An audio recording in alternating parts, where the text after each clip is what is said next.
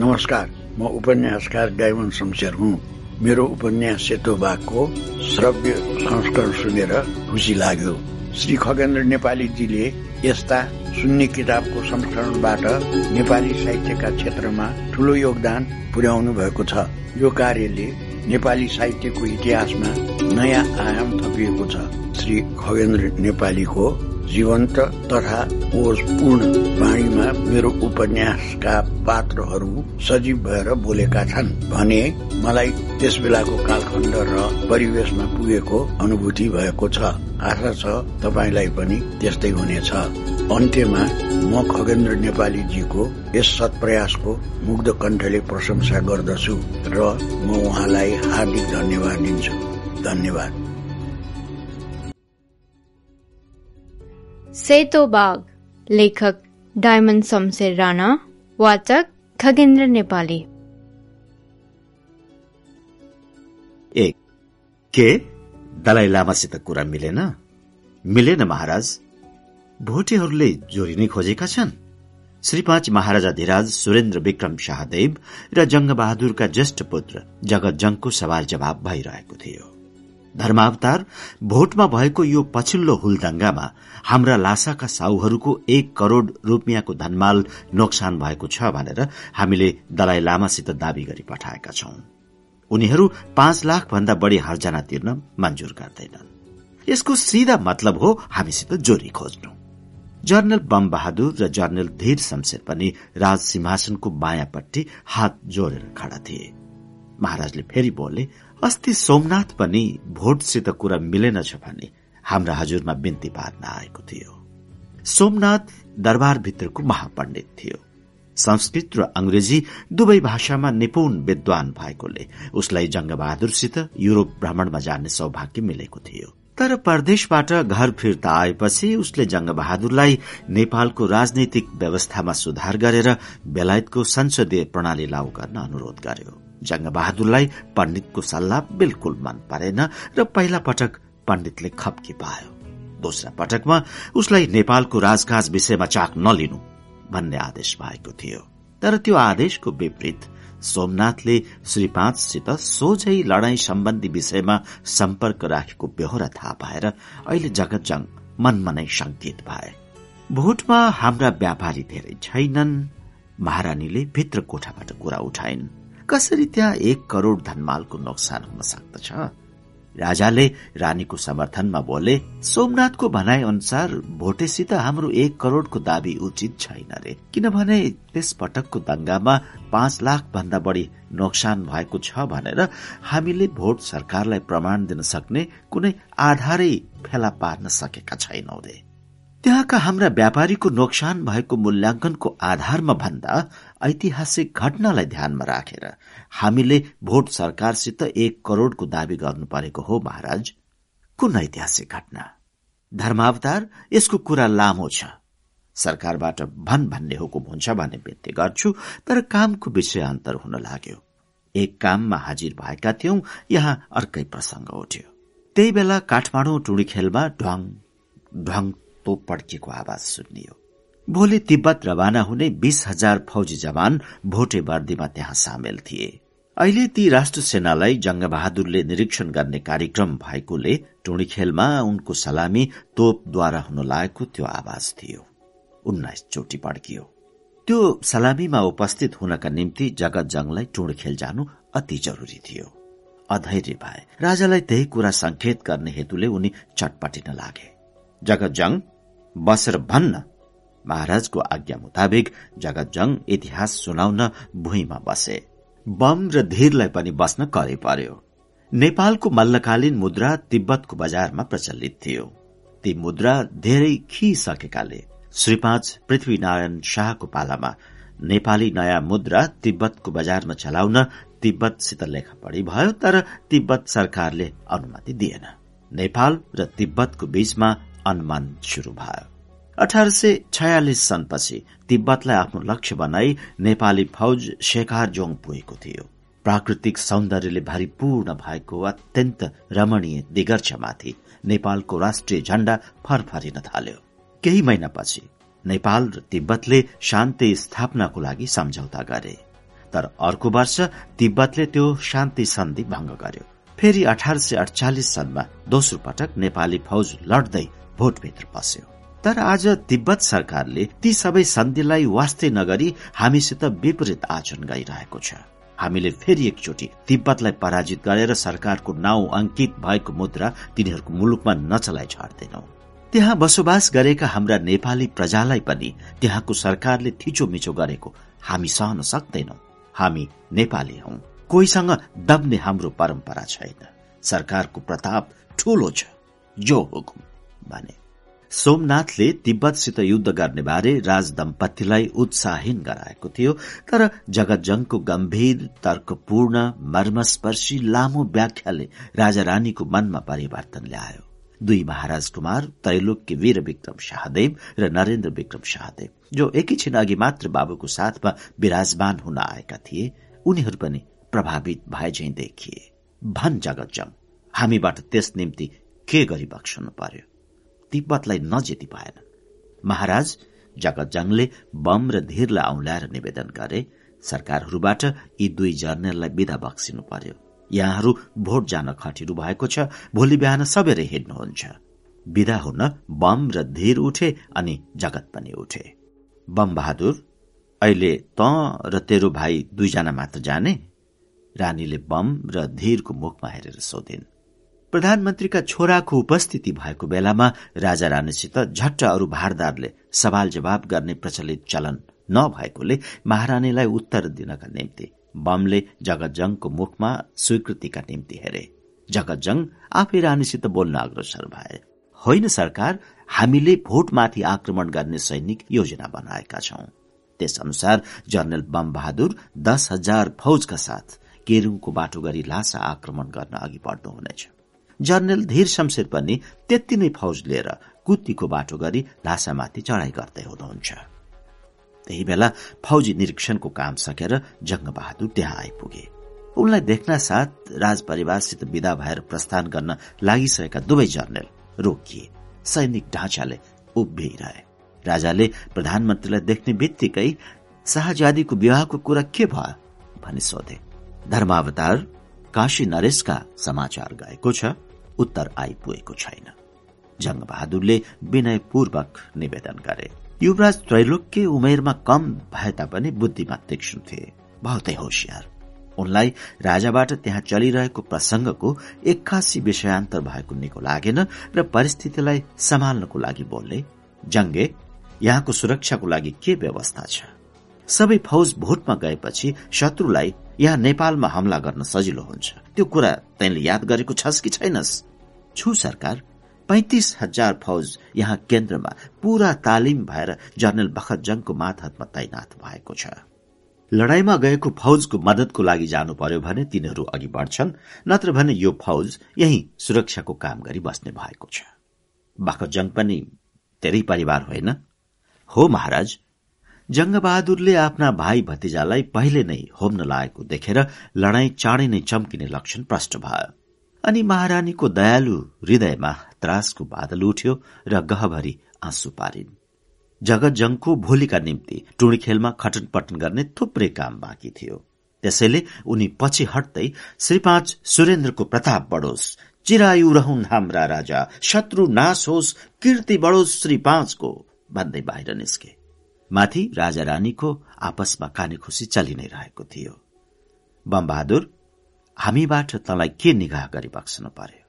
बमबहादुरको सट्टा जङ्गबहादुरले श्री उत्तर गरे धीर शमशेरको ठूलो जहान भएकोले उसलाई घरमा अलिक मुस्किल छ सरकारको जो निगाह। बमबहादुरलाई श्री पाँचबाट प्राप्त हुन लागेको बक्सिस जङ्गबहादुरले गर्दा धीर शमशेरको हातमा पर्ने भएको देखेर बमको स्वभावत चित्त दुख्नु पर्ने थियो भाइ भाइमा वैमनस्य। तर त्यहाँ त्यसो भएन। धीर शमशेरलाई निगाह भएमा हामी सबैको कल्याण छ महाराज। बम बहादुरले पनि दाईको इच्छा मुताबिक धीरको निम्ति माग पेश गरे।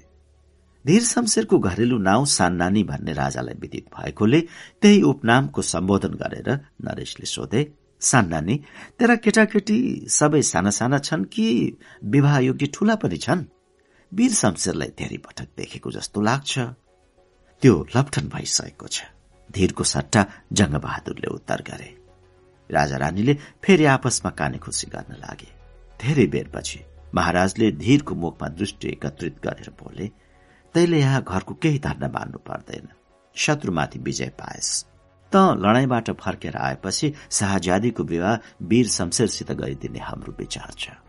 वीर शमशेर र शाहजादीको विवाह हुने पक्का पक्की भयो दुई जनरल भीमसेन थापाको पालामा सुसंगठित भएको सेना अब जंगबहादुरको प्रधानमन्त्रीत्व कालमा आवश्यक देखिएन।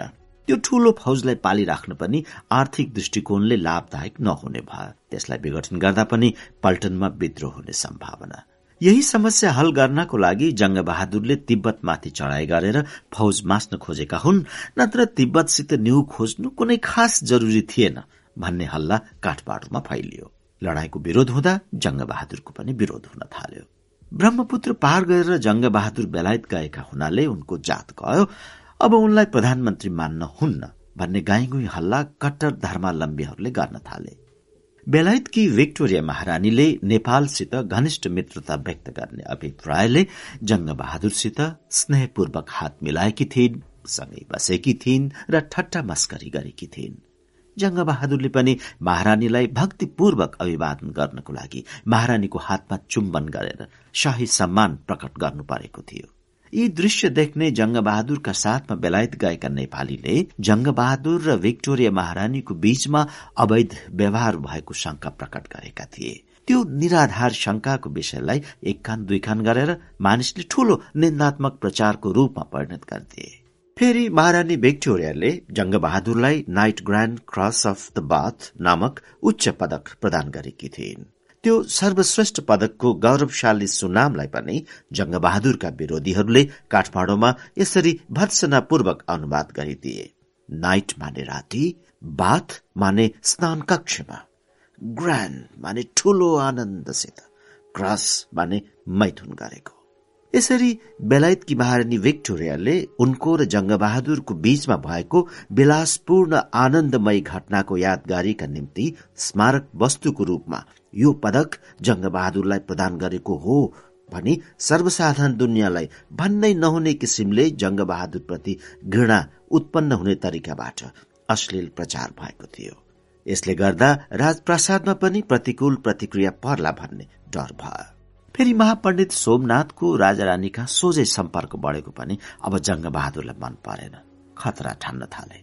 यस्तो अवांछनीय तत्वलाई दरबारको सम्पर्कबाट हटाउने र काठमाडौँमा झुटा प्रचारलाई रोक्ने भित्री अभिप्रायले आफ्नो जेठा छोरा जगत जङलाई राजदरबारको मुख्य हजुरिया काममा नियुक्त गरे। जगत जङ लडाईँको समाचार लिएर पहिलो पटक आज राजदरबारमा आए। उनलाई देख्ने बित्तिकै लडाईँको के खबर छ? महाराजले सोधे। एकैसाथ महारानीले पनि धीर शमशेरलाई सन्चै छ भने सरकार उहाँ अर्थात धीरलाई बेसी छारे।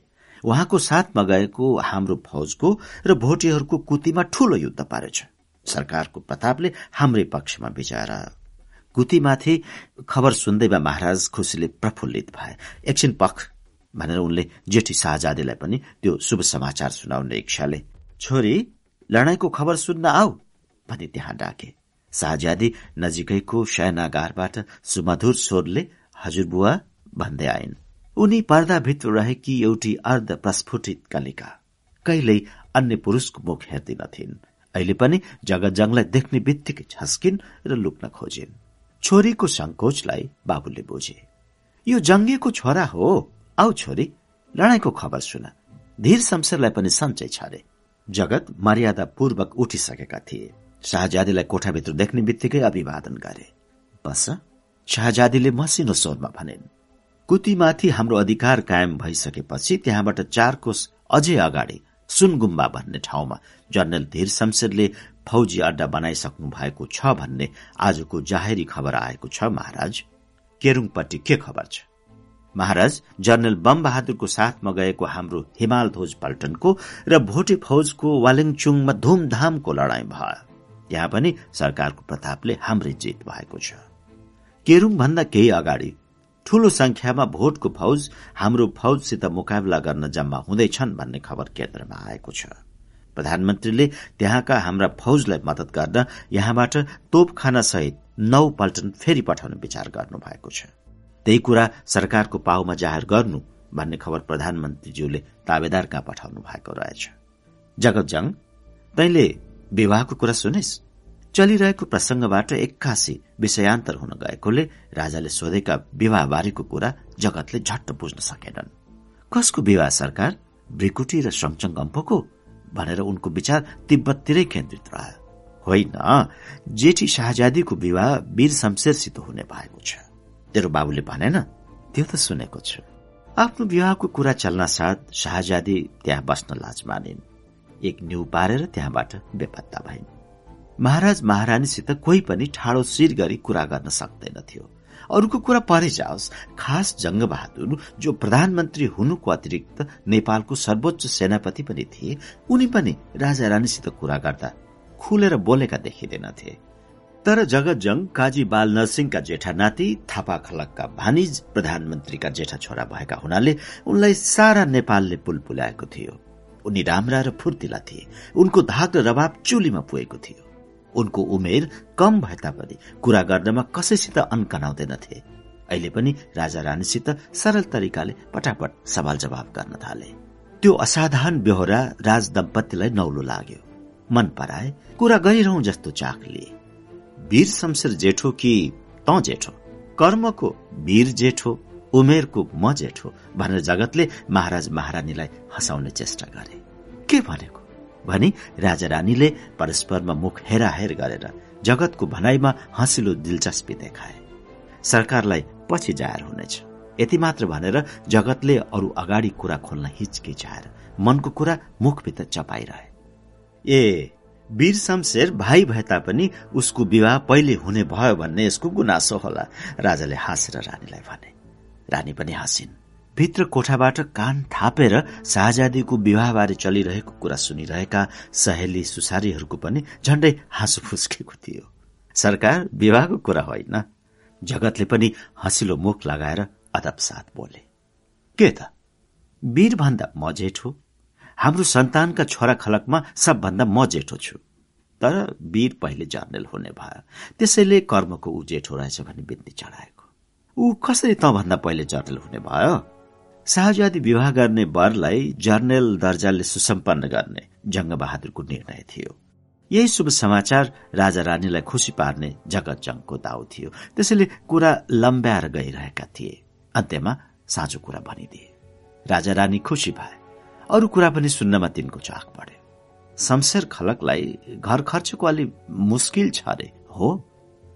जगतले राजासित असत्य बोल्न पाप सम्झन्थे तर अहिले साँचो कुरा गरेर कान्छा काका अर्थात् धीर शमशेरको घरमा भएको आर्थिक कठिनाईको भण्डाफोर गर्न पनि उनलाई अप्ठ्यारो पर्यो। दरबारमा वैवाहिक सम्बन्ध जुटेपछि शमशेर खलकको भाग्य सप्रन्छ बुद्धि बढ्छ मान र सम्पत्तिको वृद्धि हुन्छ। बेस हुने यति मात्र भनेर राजाको सवालको सिधा उत्तर नदिएर टारे। जगत जस्तो स्पष्ट वक्ता युवकले पनि कुरा घुमाएर गर्न खोजेको देखेर महारानीलाई शमशेरहरूको आर्थिक हालतबारे कुरा बुझ्न झन अरू उत्सुकता बढ्यो। भन्न सुनौ शमशेरहरूको वास्तविक हालत कस्तो छ? सान्नानी बा अर्थात धीरका सत्रजना छोरा सातवटी छोरी छन्। ठूलो परिवार छ। उहाँलाई घरमा अलि मुस्किल हुनु स्वाभाविकै भयो। यति भन्नलाई जगतलाई करै पर्यो।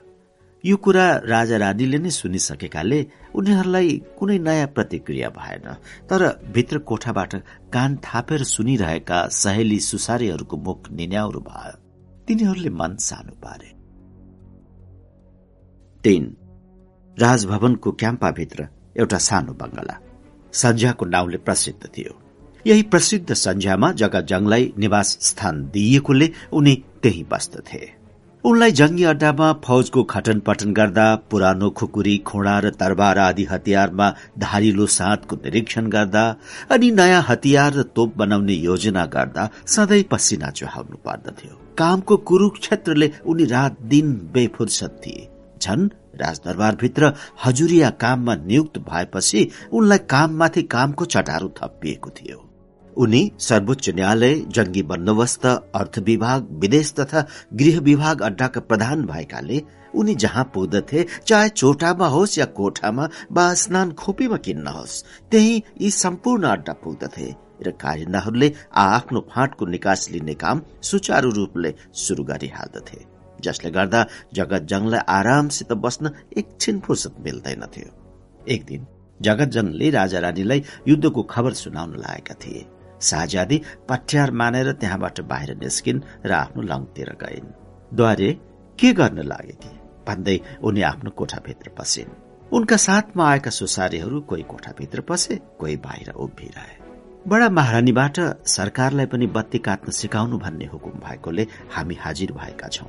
सरकार सिकी बक्सिन्छ भन्दै द्वारे उठी। पार्वती नाम गरिएकी अडिनी र पुष्पलता कोठा मोचे पनि राजपुत्रीको मर्यादाका निम्ति पहिले नै उठिसकेका थिए। बाबुआमाको आज्ञा शाहजादी कहिले काट्दिनथिन् अहिले पनि बत्ती काट्न सिक्ने इच्छा गरेर तुरन्त कौचमा आसन ग्रहण गरिन्। राजपुत्रीले पनि त्यो इलम सजिलैसित टिपिन्। बत्ती काट्ने काम धमाधम शुरू भयो। सबै चुपचाप काट्दै थिए। जमुनीले काम रोकेर कुरा उठाई शाहजादी सरकार प्रभु मुहा कहाँ एकछिन पनि राज नभएर किन यति चाँडै यता सवारी भएको? लडाईँको खबर सुनाउन जगत जङ्ग आएको रहेछ। त्यसैले मलाई त्यहाँ धेरै बेर बस्न मन लागेन। जगत जङको नाउँ सुन्ने बित्तिकै त्यहाँ भएका धाई सुसारे सबैका कान टाठा भए अनि उनको प्रशंसा गर्न ती सबै महिला तम्सिए। त्यसमध्ये सर्वप्रथम पार्वती अडिनीले कुरा झिकी। महाराजबाट धन हजुरीको विवाह जगत जङसित गरिदी बक्सी पनि हुने थियो। हाम्रो शाहजादी सरकारको त अरूसित हुने भइहाल्यो। धन हजुरी थिइन् श्री पाँच सुरेन्द्रका माइला भाइ उपेन्द्र विक्रम शाहकी पुत्री। उनी र शाहजादी एकै परिवारका कन्या भएकाले ती दुई शैशवकालमा एउटै कोक्रामा झुलेका एउटै काखमा खेलेका र एउटै बगैँचामा उफ्रेकाले ती दिदी बहिनी नङ र मासु जस्तै भएर मिलेका थिए। राजनैतिक कारणवश ती दुईको अहिले निवास स्थान बेग्ला बेग्लै हुन गयो। शाहजादी हनुमान ढोका बस्दथिन् धन हजुरी बागदरबारमा। त्यसो भए तापनि धन हजुरी आठ पाँच दिनमा हनुमान ढोका आउने भएकी हुनाले उनको स्नेह राजदरबारमा सधैँ हरियै दुबो जस्तो अजर र अमर थियो। उपेन्द्र विक्रम सन्चो नभएकोले जलवायु परिवर्तनका निम्ति हालसाल पूर्व दुई नम्बर पहाड़मा बसाइ सरेका थिए। बाबुको साथमा धन हजुरी पनि त्यही पुगेकी थिइन्। पिछरी धन हजुरी त्यस्तो पहाड़मा अचल एक्लै कसरी दिन बिताए बक्सन्त होला? जमुनीले फेरि मुख बाई। उहाँ र जगतजङ कर्णेलको विवाह गर्ने कुरा चलाउनु पर्यो। अब राजकन्याहरूको विवाह गरिदिनका निम्ति ठकुरी नै चाहिन्छ भन्ने प्रथा हट्ने भइहाल्यो। हाम्री शाहजादीको विवाह शमशेर खलकमा हुने भएपछि धन हजुरीको विवाह जङ खलकसित गर्न किन नहुनु? बडा महारानीको हजुरमा बिन्ती पार्नु पर्यो।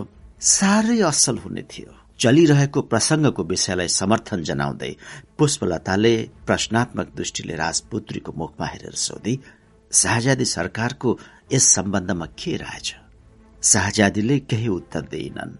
उनी यस्ता कुरामा आफ्नो मत प्रकट गर्न उत्साहित हुँदिनथिन् महाराज बडा महारानीलाई सम्झाउनु पर्यो फेरि पार्वतीले भने।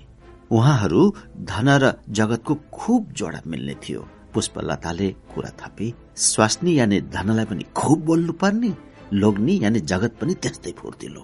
दुवैको राम्रो जोडा मिल्ने थियो। यसरी जगत जङको त्यहाँ धेरै बेर प्रशंसा भयो तर शाहजादीसित बिहा हुने वीर शमशेरको कसैले कुरो उठाएनन्। जगतको दाँजोमा वीर न धनी थिए न शक्तिशाली। सूर्यको प्रकाशमा जुनकिरी जस्तै जगतको सामुन्ने वीर बिलाउँथे। त्यसै कारण जगतको सौन्दर्य महानता उदारता लोकप्रियताको व्याख्या हुँदा वीरलाई तुलनाका निम्ति सम्झिनु पनि बिल्कुल असम्भव थियो। त्यसमाथि पनि यी धाई सुसारे पैसाका दास थिए। यिनको मुखबाट गरीब वीर शमशेरको नाम किन निस्कन्थ्यो? खाली जगत जङको मात्र एकहोरो प्रशंसायुक्त प्रसंग उठिरह्यो। तर शाहजादीको भित्री मनमा वीरको विषयमा पनि केही कुरा उठ्छ कि भन्ने आशा अंकुरित हुन लाग्यो। धेरै बेर प्रतीक्षा गरिरहँदा पनि वीरको सम्बन्धमा केही कुरा निक्लिएन कुरा चलोस् भन्ने हेतुले शाहजादी बोलिन् द्वारे तिमीहरूले जगत जङलाई मात्र गुणले युक्त भएको देख्छौ अरूलाई देख्दैनौ। अरू भन्नुको अर्थ शाहजादीले वीर शमशेरलाई लक्ष्य गरेकी थिइन्। यस कुराको मर्म नबुझेर हो अथवा धनी स्थानमा गरीबको नाउँ उच्चारण गर्न हुन्न भन्ने ठानेर हो। वीरको विषयमा चर्चा गर्ने त्यहाँ कोही पनि भएन। अडिनीले सोझै बोली जगतजङ कर्णेलले मेरो ठूलो उद्धार गर्नु भएको छ। उहाँको सधैँ कल्याण होस्। उहाँका सन्तानले डाँडा खाँडा ढाकुन्। चारैतिर कीर्ति फैलियोस्। यो कर्णेलको गुण मेरो सात जन्मले पनि बिर्सने छैन। पुष्पलताले तुरन्त कुरा थपे। जगतले जमुनीको नातिलाई सुबेदार बनाइदिएका थिए। पार्वतीको बाउलाई सरकारी दण्ड लागेको थियो त्यसमा पनि जगतले माफी गराइदिएका थिए।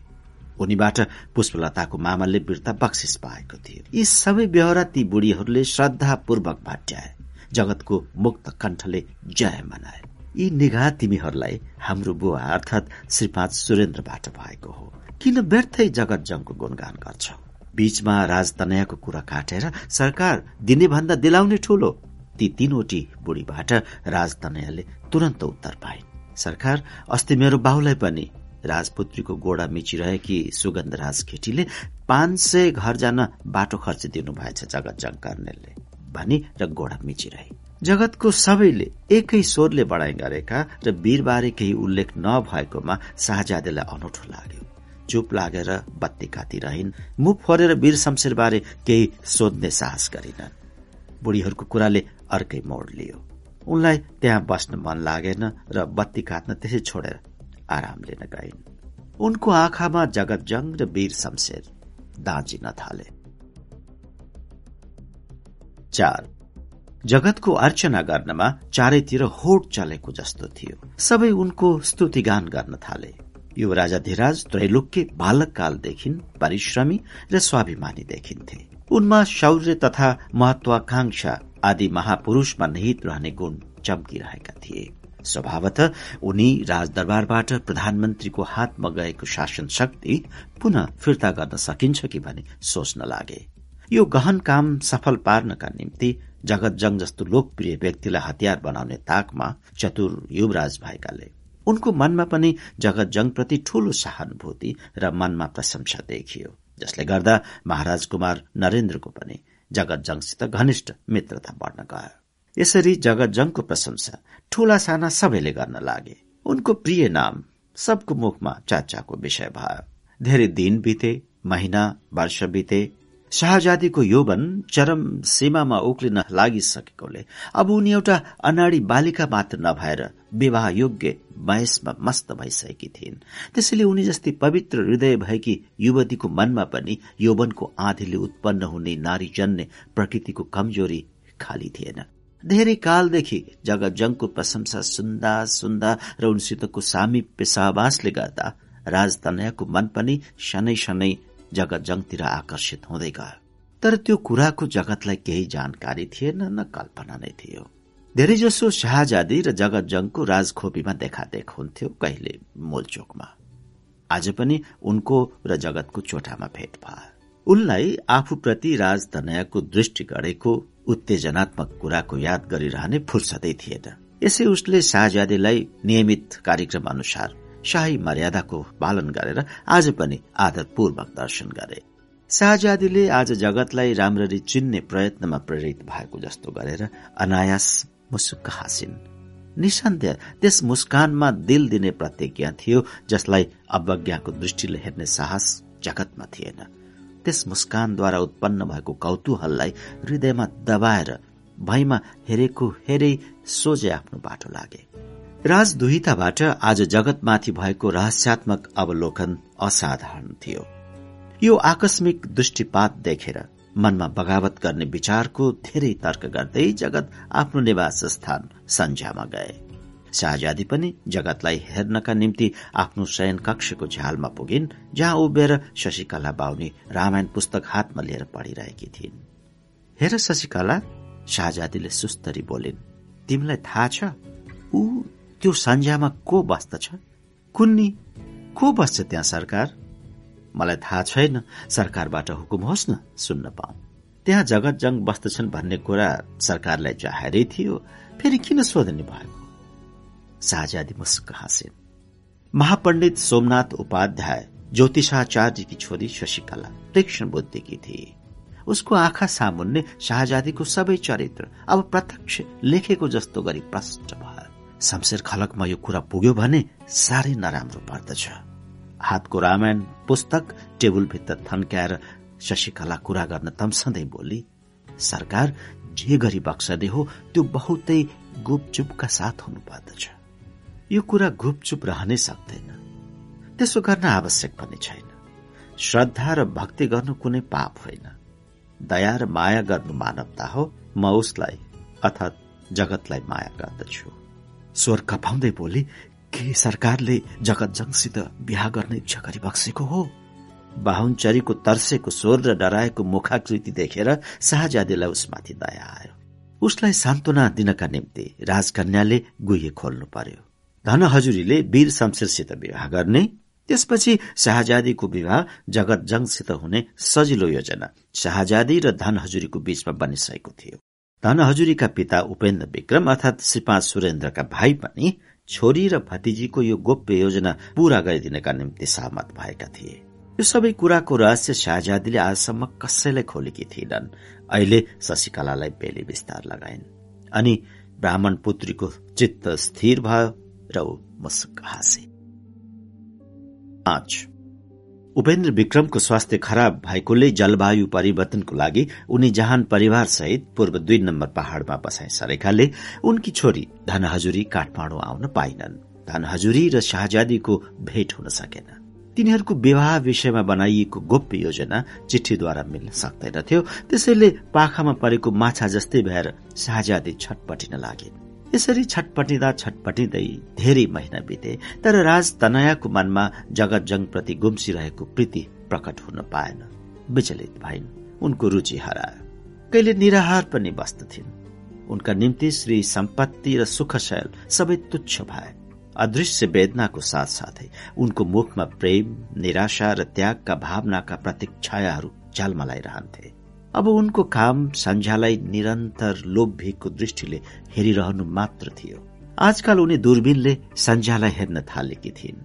त्यो दूरवीक्षण यन्त्र खेलाएर दिनभर झालमा बसिरहन्थिन्। अहिले पनि उनले दूरबीनको ऐनालाई राम्ररी पुछेर सन्झ्यालाई हेर्न थालिन्। पर डाँडा काँडा पनि देखियो। मूल सड़क र टुणखेल आँखा निर आइपुग्यो। पर सड़कमा उनले जगतलाई घोडामाथि देखिन् टोप टाई कोट ब्रिचिस सेतो पन्जा र खैरो लामो बुट जुत्ता लगाएका जगतजङ छरितो जवान जगतजङ शाहजादी रमाएर दूरबीनभित्र झन नजर गाडेर हेर्न थालिन्। सयौं भारदार प्रतिष्ठित र नामी भनाउँदाहरू जगतको चाकरी गर्न तछाड मछाड गरेर उनको पछि पछि घोडा कुदाइरहेका थिए। मानव जगत जग्ने नेपाल थिए नेपाल जगत जङ थियो। जगतको सेतो घोडा पश्चिम सड़कतिर मोडियो।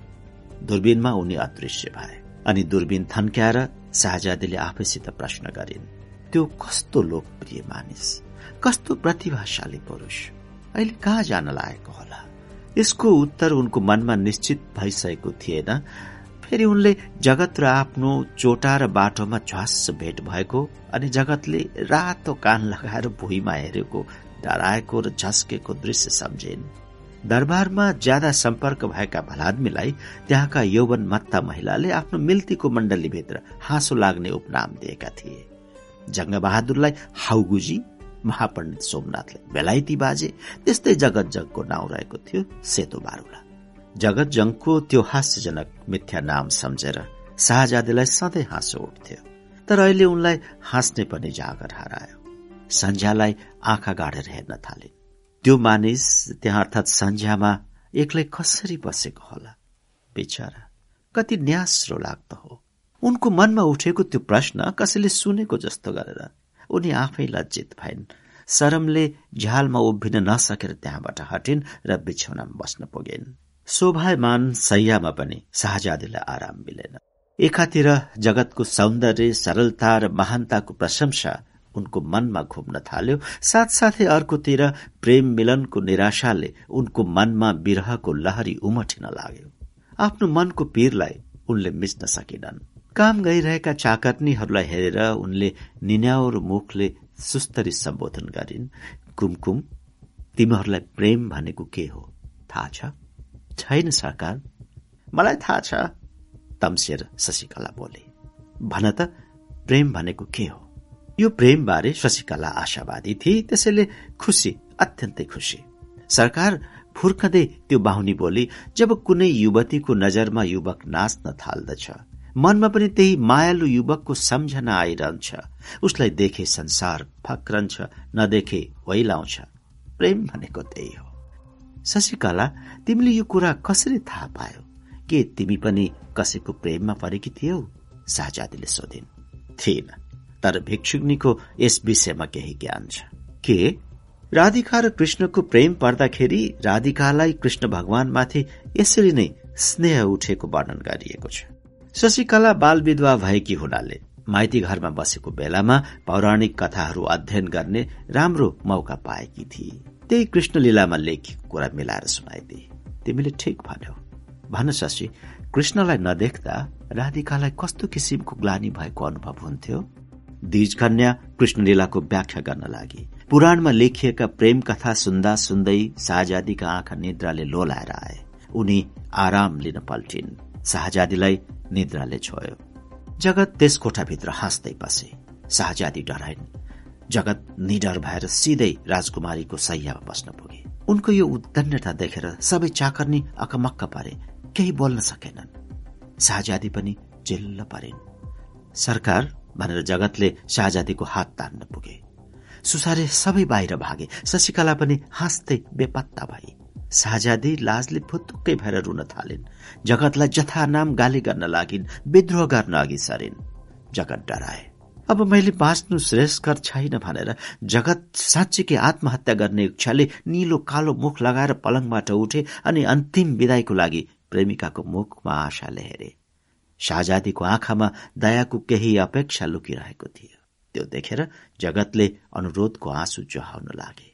जगत रोएको देखेर शाहजादीको हाँसो फुस्क्यो अनि उनको आँत पाएर जगत निष्फिक्री रमाए पुनः पलङमा स्थान लिन गए। गाले तकिया खस्यो अनि लाम तकिया झर्यो सिरकको तलास बिग्रियो अझ दुवै चल्दै थिए झुल छिन्यो पलङ भाँचियो।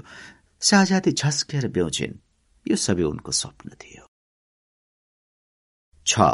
सन्ज्याको भान्सामा जगतजङ बिहानको भोजन गरिरहेका थिए।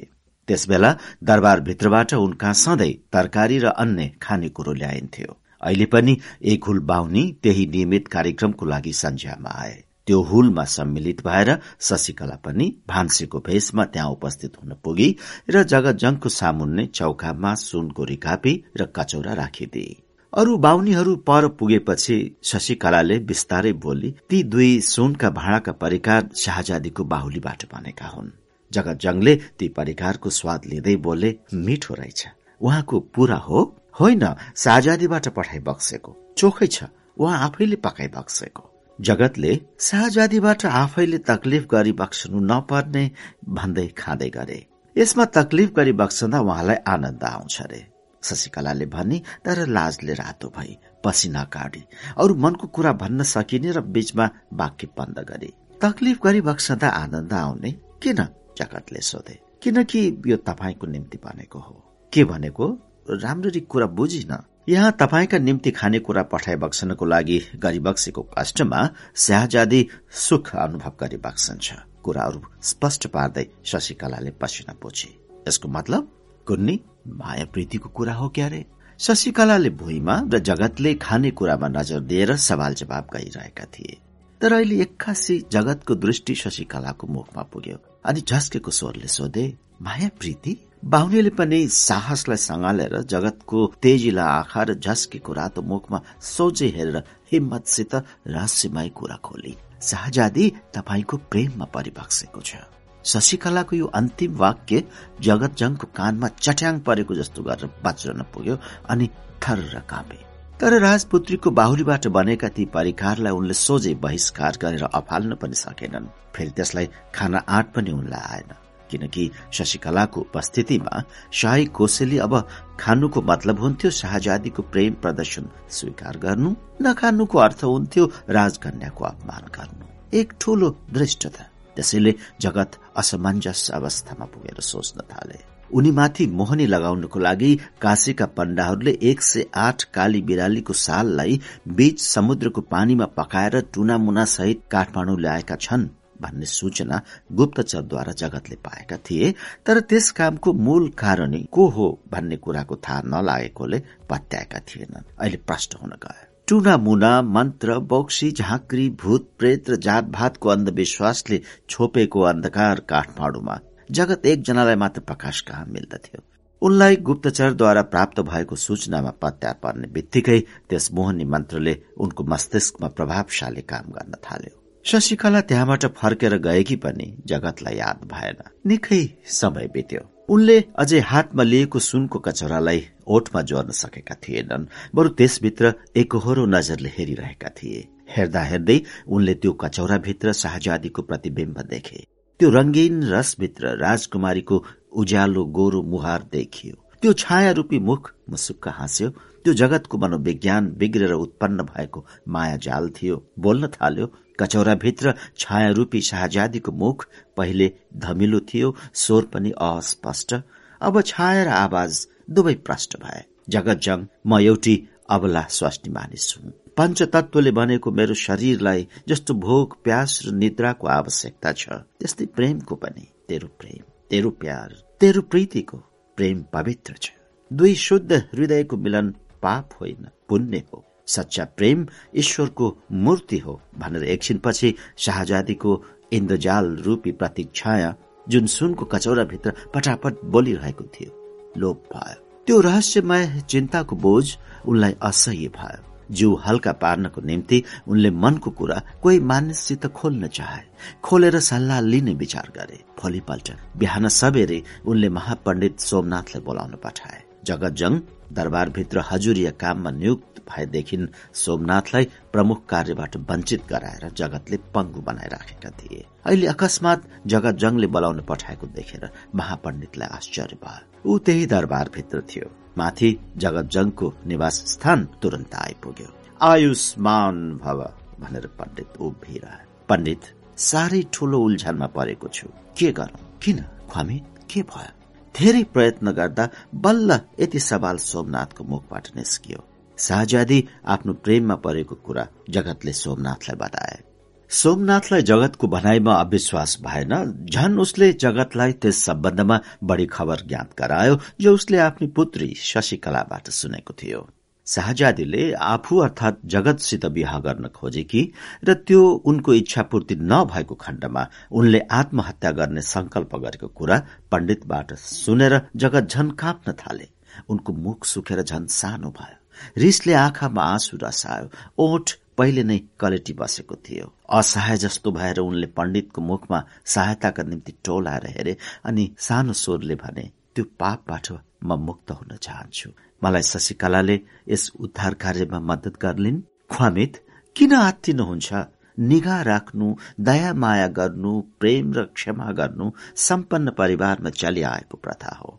यो प्राकृतिक नियम वैदिक कालदेखि संसार व्याप्त छ। सच्चा प्रेम ईश्वरको अवतार मानिएको छ। प्रेमलाई पाप भन्न सकिँदैन। धैर्यसित परिस्थितिको सामना गर्नुहोस्। यसमा लाभ सिवाय हानि हुने प्रश्न नै उठ्दैन।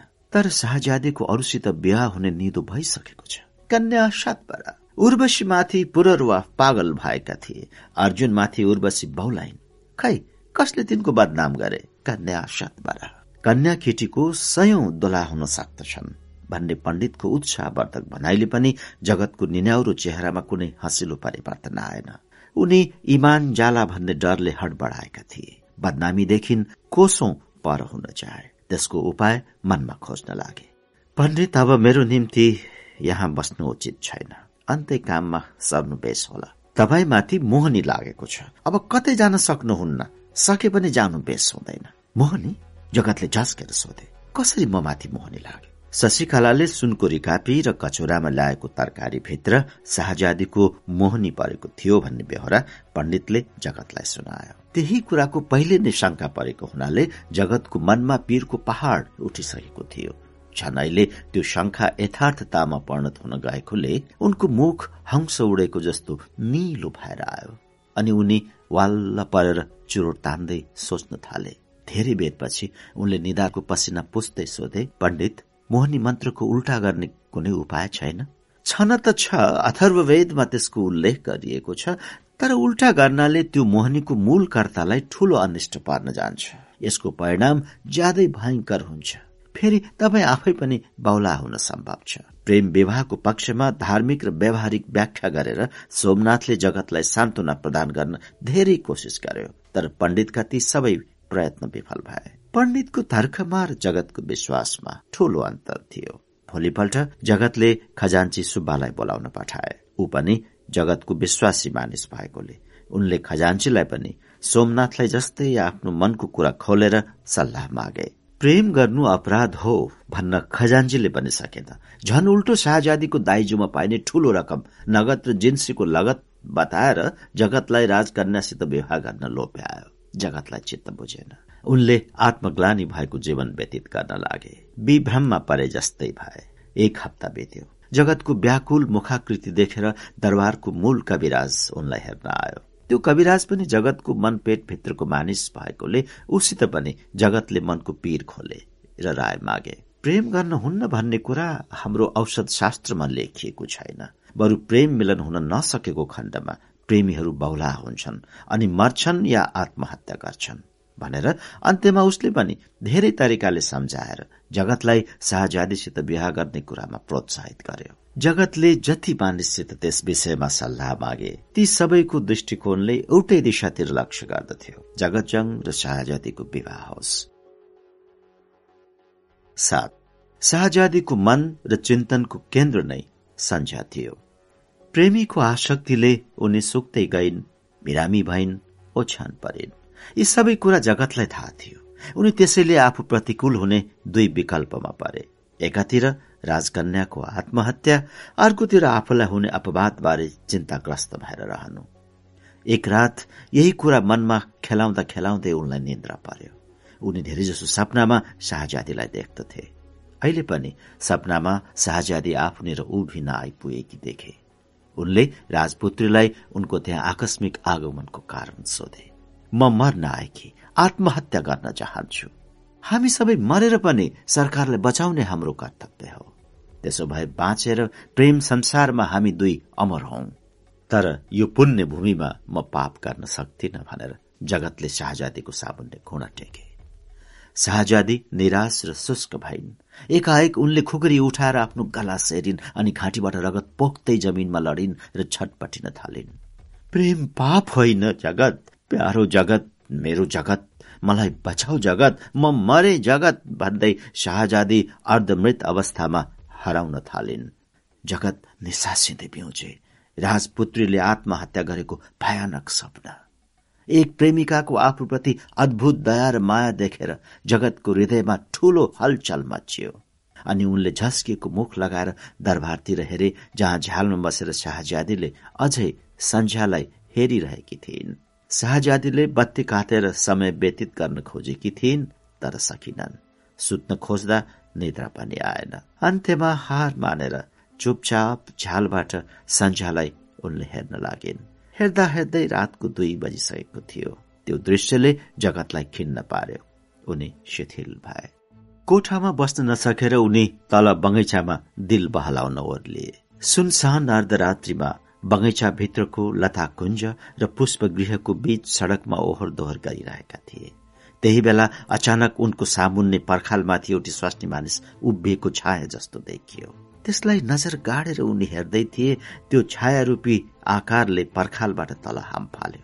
त्यो मनुष्यकारले खास्टोको घुम्टो हालेको हुनाले त्यो हाम फाल्ने व्यक्ति स्त्री हो भन्ने स्पष्ट भयो। तर उनको मनमा त्यो छद्म भेषी स्त्री शाहजादी होलिन् भन्ने शंका उठिहाल्यो।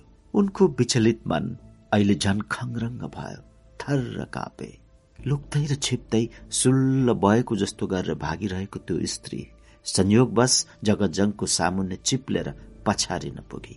यस्तो निस्तब्धताको गहिरो कोमल क्षणमा जगतले आफ्नो सामुन्ने मूर्छा परेर पछारिएकी बेहोस युवतीको मुखमा आँखा गाडेर हेरे। त्यो इसक परी नाम गरेकी केटी थिए उसलाई दरबारको शोक शैलमा टक बसेन।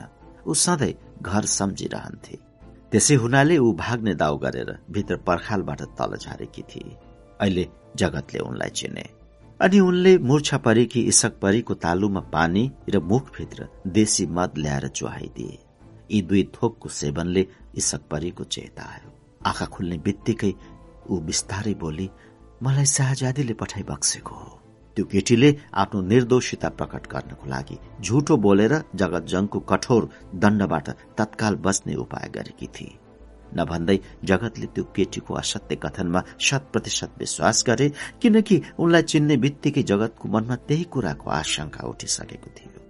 अनि अब जगतको सामुन्ने संसार घुम्न थाल्यो आफू पनि मूर्छा परिएला भन्ने डरले एक घुटको मद पिएर जगतले होसलाई मुस्किलसित नियन्त्रण गरे। र जगत सोच्न लागे यो केटीलाई हतियार बनाएर शाहजादीको प्रेमबाट फुत्किनु पर्यो। उहाँको नजरमा घृणाको पात्र भएपछि हृदयमा सम्मानको स्थान रहन सक्दैन। म इसक परीलाई प्रेम गर्छु विवाह गर्छु अनि शाहजादीको मोहनी मन्त्रको ममाथि कुनै प्रभाव रहने छैन। जगतलाई इसक परीको यौवन र सौन्दर्यसित केही वास्ता थिएन। उनलाई शाहजादीको प्रेमबाट फुत्किनका निम्ति आफ्नो मनको मतलब साध्य गर्नु थियो। इसक परी त पनि रक्सी पी भनेर उनले प्रेम प्रकट गर्ने बाहनाले मत प्रदान गरे।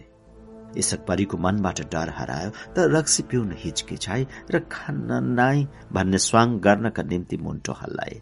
जगत सच्चा अर्थमा कुमार भएकोले आइमेलाई छुन संकोच बाँध्दथे तर आज उनको भित्री मतलब अर्कै भएकोले उनी इसक परीलाई समातेर रक्सी पिलाउन अग्रसर भए।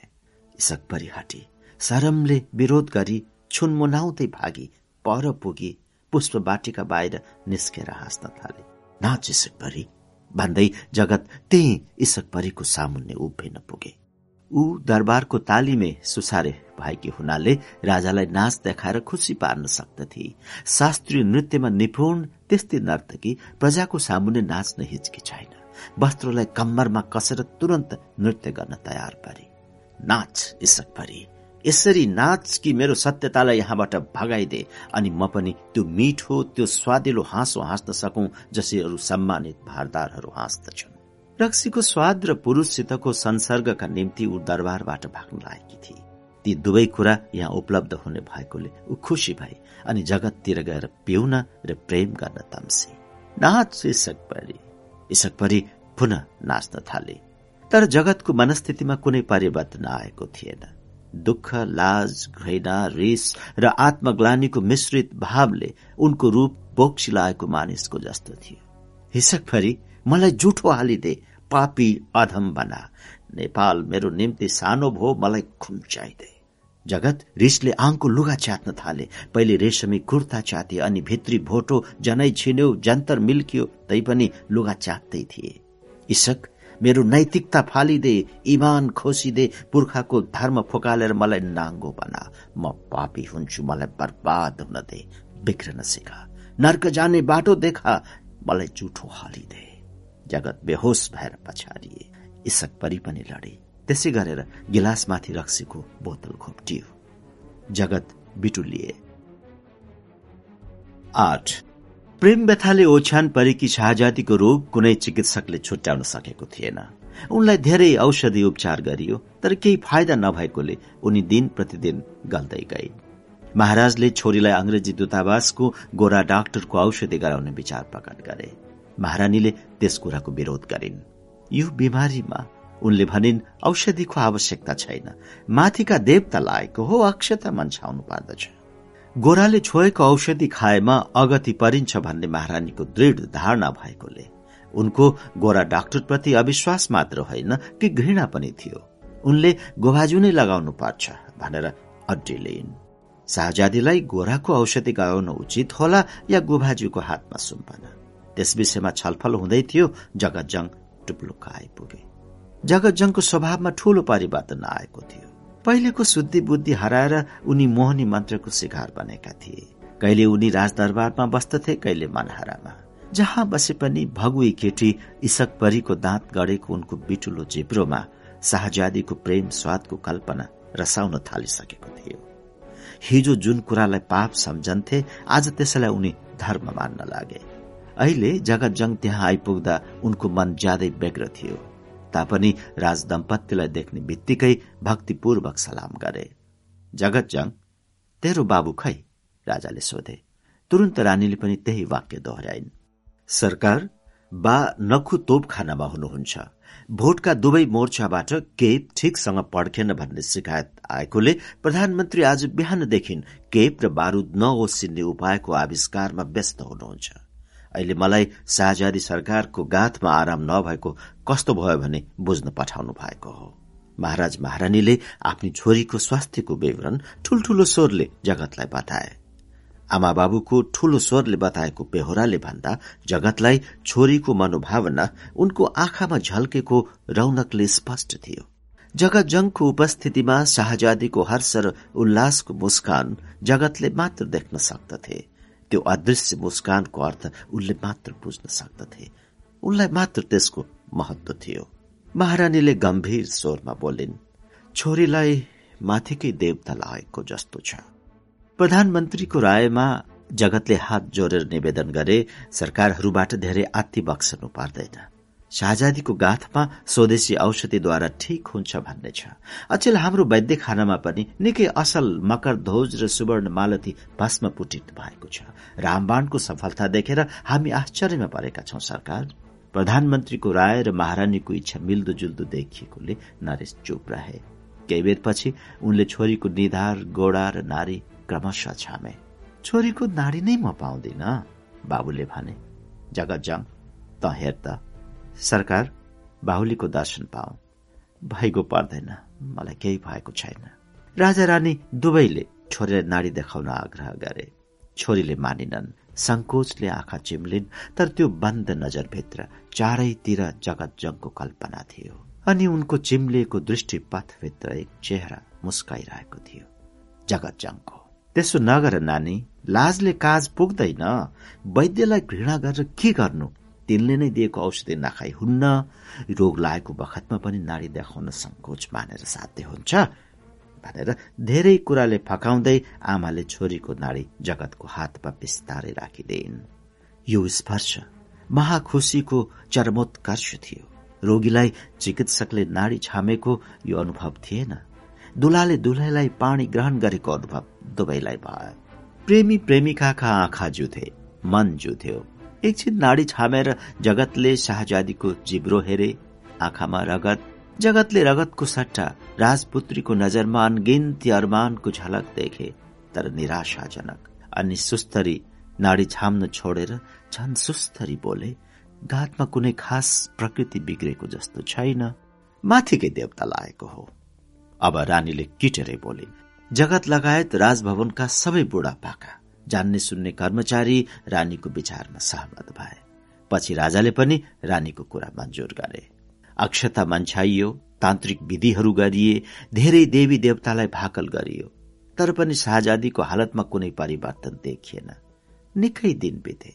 उही पश्चाताप उही खिन्नता उही बेचैनी भोक न प्यासको निरस जीवन। नौ। शाहजादीको कोठामा राजा र जेठी कान्छी दुवै पटरानी थिए र नेपाल खाल्डोका सबैजसो कविराजको त्यहाँ जमघट थियो। पण्डितहरूले राजपुत्रीको स्वास्थ्य लाभ गर्ने बारे धेरै शास्त्रार्थ गरे वाद विवाद गरे अन्त्यमा ती सबले एक मत भएर शाहजादीको स्वास्थ्य बारे प्रतिवेदन निकाले। शाहजादीको कोमल गाथमा कुनै शारीरिक रोग लागेको जस्तो देखिँदैन मानसिक रोग निको पार्ने औषधि हाम्रो औषध शास्त्रमा लेखिएको छैन। यो व्यथा मनको कमजोरी हो दिमागको दुर्बलता। यसमा मन बहलाउने कार्य हुनु पर्दछ। छोरीको रोग निको पार्नका निम्ति कुनै औषधि छैन भन्ने विवरण सुनेर राजा रानी चिन्ताग्रस्त भए। कोठामा रुवाबासी चल्यो। यो खबर सुनेर जंग बहादुर र जगत जंग हतारिँदै दरबारमा आइपुगे अनि निसासिँदै शाहजादीको स्वास्थ्यबारे सोधपुछ गर्न लागे। सरकारलाई कुन कुराको चिन्ता पर्यो? गोरा डाक्टरसित पनि मैले सरकारको गाथ अस्वस्थ भएको बारे सल्लाह गरेको थिएँ। उसले पनि सरकारलाई मन दरो पारी बक्सनु पर्दछ भन्ने राय टक्राएको छ। सोमनाथ र कविराज पनि त्यसै भन्छन् साँच्चीकै हुकुम होस्? सरकारको मनमा कुन कुराको त्रास पर्यो? शाहजादी बोलिनन्। एकछिनपछि प्रधानमन्त्रीले फेरि भने लडाई हामीले जित्ने भएका छौं। सरकारको प्रतापले हाम्रा फौजहरू योजनाबद्ध तरिकाले दुई मोर्चाबाट सफलतापूर्वक अघि बढ़िरहेका छन्। धीर शमशेरलाई पनि सन्चै छ। सरकारले किन मन विचलित पारी बक्सनु पर्यो? केही कुराको डर मानि बक्सनु पर्दैन।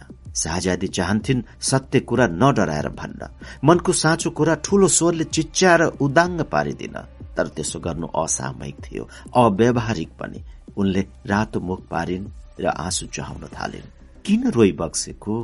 यस्तो सानो मन गरी बक्सनु हुँदैन। कहीँ भूतदेखि बक्सेको थियो? शाहजादीले केही उत्तर दिइनन् तर एउटी चाकर्नी बिस्तारै बोली यहाँ भूतले केही हानि गर्दैन। सामुन्ने भेट भयो भने पछाडि दिन्छ नत्र केही बेगार गर्दैन। त्यही पनि रानीले कुरा थपिन् मैले यी सबै भूतलाई मन्छाइदिइसकेकी छु। मन दह्रो हुनेलाई भूत प्रेतले छुन सक्दैन।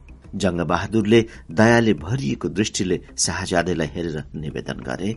सरकारबाट पनि सरकारको बडा जिजु मुवाज्यूको विशाल हृदयको अनुकरण गरी बक्सनु पर्दछ। उहाँको वीरता कार्यकुशलता र सफलताको सम्झना गरी बक्सेमा सरकारको पनि मन मस्तिष्क र शरीरमा शक्ति पैदा हुन्छ अनि सरकारलाई न भूत प्रेतले चुन सक्दछ न मानसिक कमजोरी आउँछ। जिजु मुमाज्यूको पराक्रम छोरीलाई थाहै छैन। राजाले प्रधानमन्त्रीको मुखमा हेरेर भने अनि एकैछिनपछि फेरि छोरीतिर फर्केर बोले नानी तिमीले बडा जिजु मुमाज्यूले गरिबक्सेका बहादुरी कामको बयान सुनिराख्नु पर्दछ। भन्जङ्गे जिजु मुवाज्यूको कीर्ति छोरीलाई सुनाइदे। ऐतिहासिक महापुरूषहरूका यसको व्याख्या गर्नमा जङ्गबहादुर भन्दा जगतजङ श्रीपालु थिए। त्यही जानेर बाउले छोरालाई श्रीपाँच सुरेन्द्रकी जिजु मुवाज्यू राज्यलक्ष्मी देवीको इतिहास वर्णन गर्न इशारा गरे। बाबुको आशय बुझेर जगतजङले आफूले जाने सुनेको घटना तुरन्त अदबसात बयान गर्न लागे। आफ्नी जिजुमुवाको पराक्रम सुनेर हो कि या जगतजङको उपस्थितिले हो या जङ्ग बहादुरको भर लाग्दो व्यक्तित्वले पनि हुन सक्दछ शाहजादीलाई ताकत र जाँगर आयो। उठेर बसिन्।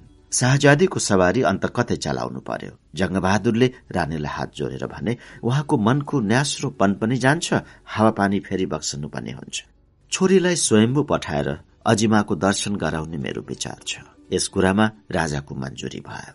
भोलिपल्ट काठमाडौँ छाउनीमाथि स्वयम्भू भगवानको चैत्य स्थापना भएको छ। त्यहाँ साधारण दर्शनार्थी पैदल जानुपर्ने भए तापनि शाहजादी पाल्कीमा र उनका सुसारीहरू तामदानमा बसेर माथि भगवानको स्थानतिर लागे। उहाँको सिँढीमा अलिकति पैदल हिँड्नुपर्ने भएकोले राजकन्याको लागि अन्तपुर ठिक पारिएको थियो। शाही सवारीको लस्कर माथि देवस्थलमा पुग्यो। धाई सुसारे कोही भगवानको दर्शन गर्न लागे कोही अजिमाको पूजा गर्न व्यस्त भए। बरफबाग नाम गरेकीद्वारे स्तोत्र पाठ गर्दै थिए। शाहजादी बाँदर लखेट्दै जंगलभित्र पसिन्। जगत जङलाई पनि शाहजादीका अंगरक्षकको हैसियतले पछि लाग्नु आवश्यक थियो। शाहजादी र जगत जङ बीच जंगलमा पुगे। अदृश्य भए। दस। स्वयम्बुबाट फर्केर राजखोपीमा पुग्ने बित्तिकै शाहजादीले बाबुआमा र भाइ त्रैलोक्य र नरेन्द्रलाई प्रसाद वितरण गरिन्। छोरीको मुखमा अपरझटको स्वास्थ्यकर परिवर्तन देखेर राज दम्पति साह्रै खुसी भए। अजिमा देवीको शक्तिको अगम्य प्रत्यक्षतामा ठूलो आस्था बढाउँदै उनीहरूले प्रसादको सेवन गरे। छोरी भगवानसित के वर माग्यो? शाहजादीले जगतजङसँग बिहा होस् भनी वर थिइन्। त्यसै हुनाले उनले सत्य कुरा आमालाई भन्न सकिनन् र लाज मानेर केही बोलिनन् खालि रातो मुख पारिन् फुर्केर आमाको काखनिर टाँसिएर बस्न पुगिन् र मस्केर मुसुक्क हाँसिन्। महारानीले हाँसेर बोलिन् छोरीले वीर शमशेरको आरोग्यताको कामना गरी होलिन्। वीर शमशेरको नाम सुन्ने बित्तिकै शाहजादीको रातो मुख एक्कासी निलो भयो। आँखामा उदासीनता छायो। उनले कामना गरेकी थिइन् तर वीर शमशेरका निम्ति होइन जगत जङका निम्ति उनले कामना गरेकी थिइन्। यो मनको भित्री भाव आमालाई भन्न शाहजादी लालायित भइन् तर बाबु र भाइको उपस्थितिमा मन खोल्न सकिनन् एकछिनपछि कुरा अर्कै तरिकाले उठाइन् बुवा आज हजुरिया कर्णेलले मसित उसलाई अन्याय पर्यो भने फिरात गरेको थियो। जगत जङले हो त्यसलाई के अन्याय परेछ? जगतजङलाई कुनै अन्याय परेको थिएन न उनले केही उजुरी शाहजादीको समक्ष पेश गरेका थिए।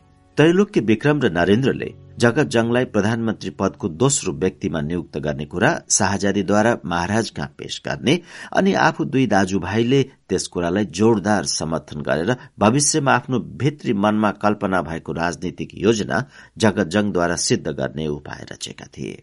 शाहजादीले पनि भाइहरूको मनसाय बमोजिम पाइला चालेकी थिइन्। जङ्गबहादुरले आफ्नो शेषपछि प्रधानमन्त्री पद छोरामा जाने नगरेर भाइमा जाने गरेछ। त्यो कुरा कर्णेललाई चित्त बुझेको रहेनछ। अन्याय पर्यो भन्दथ्यो के रे नानी? आमाले कुरा दोहोऱ्याएर भन्ने आज्ञा गरिन्। मैले बुझिन। फेरि भन छोरी।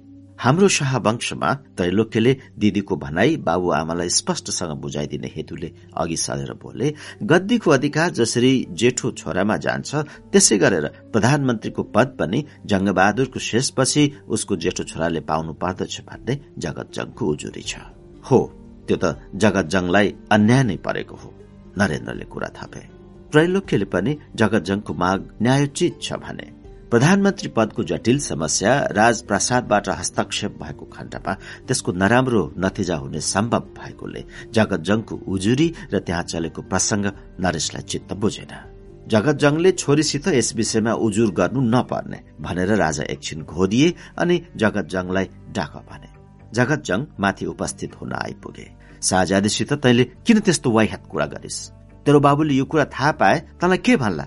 अरूको कानमा पुगे झन् कति नराम्रो होला। राजाले जगतजङलाई उनको बाबु अर्थात जङ्गबहादुरले बसालेको प्रधानमन्त्री पदको रोल क्रमको थिति तोड्न खोजे भनेर खप्की गर्न लागेका थिए। तर जगतको अन्तरात्मा शाहजादीको प्रेममा दोषी भएर नष्टभ्रष्ट भइसकेकोले। उनले राजाको खप्कीको वास्तविक मन साहेब बुझ्न सकेनन्। उनका तिग्रा काँपेका थिए थुक सुकेको पश्चातापले खिन्न देखिए अनि एकछिनपछि बिराय महाराज भनेर फेरि उनको मुखमा वाक्य बन्द भयो। परिस्थितिलाई सम्हाल्नका निम्ति त्रैलोक्यले जगजङ लडाईँको खबर केही आएको छ भनेर त्यहाँ चलिरहेको प्रसंगलाई अन्तै बोड्न खोजे। राजा पनि युद्धको समाचार सुन्नमा उत्सुक थिए। लडाईँको के समाचार छ भने स्वाभाविक नरम स्वरले सोधे। अनि जगतले हत्तपत्त खल्टीबाट वीर शमशेरले उनलाई लेखेको व्यक्तिगत चिठी झिकेर पढ्न थाले। चिठीमा अलिकति मात्र लडाईँको समाचार थियो तर आतस्मात जगतले आफ्नो व्यक्तिगत चिठी भए पनि सबै पढेर सुनाए। श्री पूर्व दुई नम्बर पहाड़ दाई जगत जङकै प्रणाम। लडाईँको खबर सन्तोषजनक छ। हाम्रो फौज कुतीतिर लासालाई लक्ष्य गरेर अघि बढ्दैछ अरे। जर्नल बम बहादुरको नेतृत्वमा गएको फौजसित युद्ध गर्न भोटेहरू ठूलो तादादमा झुङ्गागढ़ीमा भेला हुँदैछन् भन्ने समाचार आएको छ। भोटको सहायताको लागि चिनिया फौज लासा आउने भएको छ भन्ने भरपर्दो सूत्रबाट एक हप्ता अघि खबर आएको थियो। यो कुरा प्रधानमन्त्रीलाई सूचित गरिदिनुहोला। शेखार जोङको पहाड़ी इलाकामा परेको युद्धमा हाम्रो फौजले भोटेहरूका धेरै हतियारका साथ छालाका दुईटा तोप पनि लुटेर ल्याएका छन् भन्ने पनि समाचार छ। दाई तपाईँले मेरो विवाहको खबर पनि सुन्नु भएकै होला। श्रीपाँच जेठा शाहजादेलाई घर भित्राउन सौभाग्य पाउनु मेरा निम्ति मात्र होइन हाम्रो कुलकै निम्ति ठूलो गौरवको कुरा हो। यसमा जति कृतज्ञता प्रकट गरे पनि थोरै हुन्छ। यहाँको नर्मदेश्वर महादेव स्थानमा श्री पाँच कान्छा बडा महारानीको लाखबत्ती बाल्ने भाकल पूजा आफ्नै बाहुलीबाट सम्पन्न हुने भएको छ। त्यस समारोहमा शाही परिवारको यता सवारी हुँदा श्री पाँच जेठा शाहजादीको सवारीका साथमा कृपया तपाईँ आफै आउनुहोला।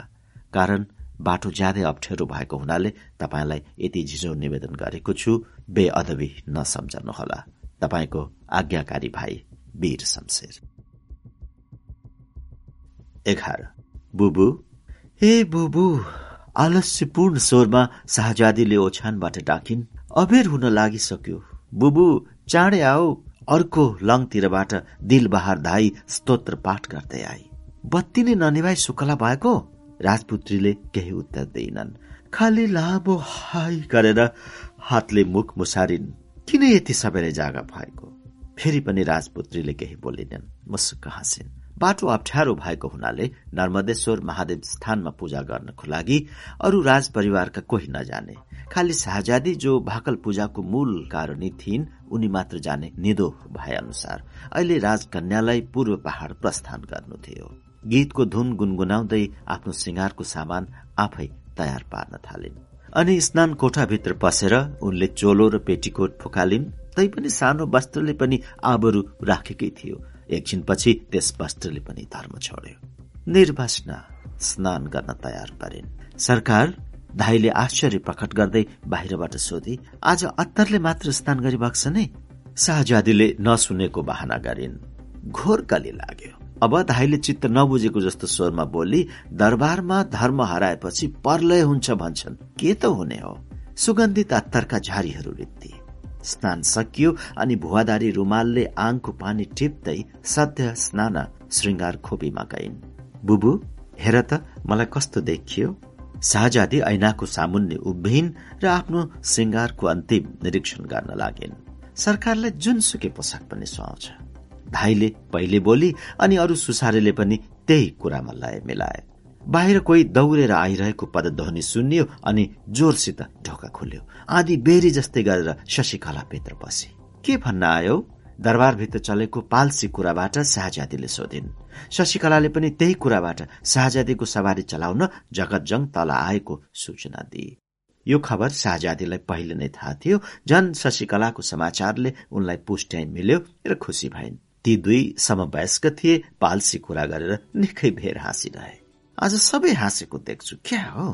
धाईले शशिकलाको मुखमा हेरेर गुनगुनाई आज शाहजादेलाई स्नान गर्दा गंगा जल पनि चाहिएन। पापको डर कसरी हराएको? पाप न साप भनेर शशिकला खित हाँस्न थाले। उसको वाक्यको अधुरो चरण अश्लील भएको हुनाले त्यहाँ भएका सबै सुसारीले रातो मुख लगाएर लाजले जिब्रो टोके शाहजादीले नसुनेको बाहना गरिन् र आफ्नो श्रृङ्गारमा व्यस्त भइन्। बाहुनीले धाईको सेतो कपाल र वृद्ध उमेरको केही मर्यादा नराखेर शाहजादीलाई छेडपेच गर्न लागे। फुर्केर उसको गोप्य कुरा उद्घाटन गर्न तम्से। तपाईँले देवता जस्तो पवित्र महान गुणी कुबेर जस्तो धनी मोहनी अवतार बलि जस्तो दानी भनेर सधैँ जसको प्रशंसा गर्नुहुन्छ आज त्यही मानिस शाहजादीको सवारी चलाउन खटिएर आएको छ भनेर ब्राह्मणी फेरि हाँसी। को? जगजङ कर्नेल हो तपाईँको मन परेको कर्नेल नेपाल र नेपालीको प्रेम पुञ्ज मुटु हाम्रो शाहजादीको प्रेमी। नकारा काठी राजतनयाले नजर ऐनाबाट झिकेर रिसाएको स्वरमा भनिन् तर मनभित्र खुसीले प्रफुल्लित भएकी हुनाले म सुक्क हाँसेर शशिकलालाई आँखा तरिन्। धाईले नानीको धेरै बेरदेखिको हर्ष उल्लास मुस्कान उत्तेजना अद्भुतको खुसियाली उत्ताउलोपना यी सबैको मूल रहस्य बुझी बल्ल बुझी। त्यसैले यत्रो स्वर श्रृङ्गार रहेछ भनेर उसले गन्थन गर्न थाले। बाह्र सत्ताइस कुरा झिकेर फतफताइरहे। बुबु किन तिमी उसको नाउँ सुन्ने बित्तिकै रिसाए कि? बुबु रिसाएकी थिएन। डराएर तर्सेकी धाईलाई नानीको चाल निको लागेन। धैर्यसित सम्झाउँदै भने किराले हिरा बिगार्छ सरकार। यी सुसारे बाहुनीको लहे लहेमा नलागी बक्सियोस्। यस्तो बेलामा जगतजङ र सरकारको लसपस भएको कुरा फयल भयो भने उनीहरू अर्थात जगतजङ र वीर शमशेरको पनि घर कलह हुन्छ। सरकारको पनि बदनाम परिभ्राट मचिन्छ नेपालमा म एकजना बाहेक अरू स्वास्नी मानिस छैनन् र तिनीहरू अर्थात जगत र वीरको घर कलह हुन्छ। एक चौटा मासुका निम्ति दुईवटा कुकुरको सधैँ कलह भएको देखिन्छ। दाईले दिक्क मानेर बोली र गम्भीर मुख लगाए के जगतजङ र वीर शमशेर कुकुर हुन् र धाई आमा शशिकलाले हास्यास्पद ढंगले सोधे। बुबु तिमी अर्कालाई नराम्रो नाम राख्न खुब सिपालु छौ। आफ्नो तामसिक इच्छा पूर्तिको लागि यो मरा लोग्ने मानिस बनाउँदाहरू कुकुर त के दैत्यको रूप धारण गर्दछन्। शाहजादी मनमा नै झस्के उनलाई अब तल वर्लनु थियो जहाँ उनका प्रेमी जगतजङ उनको प्रतीक्षामा खडा थिए। बाह्र प्रिय धनदेज्यू मुहाको भाकल पूजाका निम्ति हामी सबै त्यहाँ आउने भएका छौं। त्यही बेला हजुरले भन्नुभएको मानिस अर्थात वीर शमशेरको तस्विर ल्याइदेऊला। मैले हजुरलाई एउटा अचम्मको कुरा लेख्दैछु। त्यो के होला? हजुर कल्पना गर्न सक्नुहुन्छ? बिन्ती छ कसैलाई नभन्नुहोस् है त? मैले उसलाई भेटे। स्वयम्बुमा म बाँदरलाई लखेट्दै जंगलभित्र पसेकी थिएँ। त्यो मानिस पनि मेरो पछि पछि आइरहेको रहेछ। उसलाई एक्लै देख्ने बित्तिकै पहिले मलाई लाज बीच जंगलमा पुग्दा पनि उसले पिछा नछडेको देखेर अनि डर लाग्यो। सत्य झसङ्ग भए। मैले साहस गरेर किन पछि पछि आइरहेको? भनी रिसाएर सोधे। तर सानो स्वरले सुस्तरी उसले गात थाम्न भन्यो। मेरो शरीर कसैलाई छुन दिन्न? भनी साफ शब्दमा मैले इन्कार गरे। मलाई सरकारको शरीर छुन आवश्यक छैन।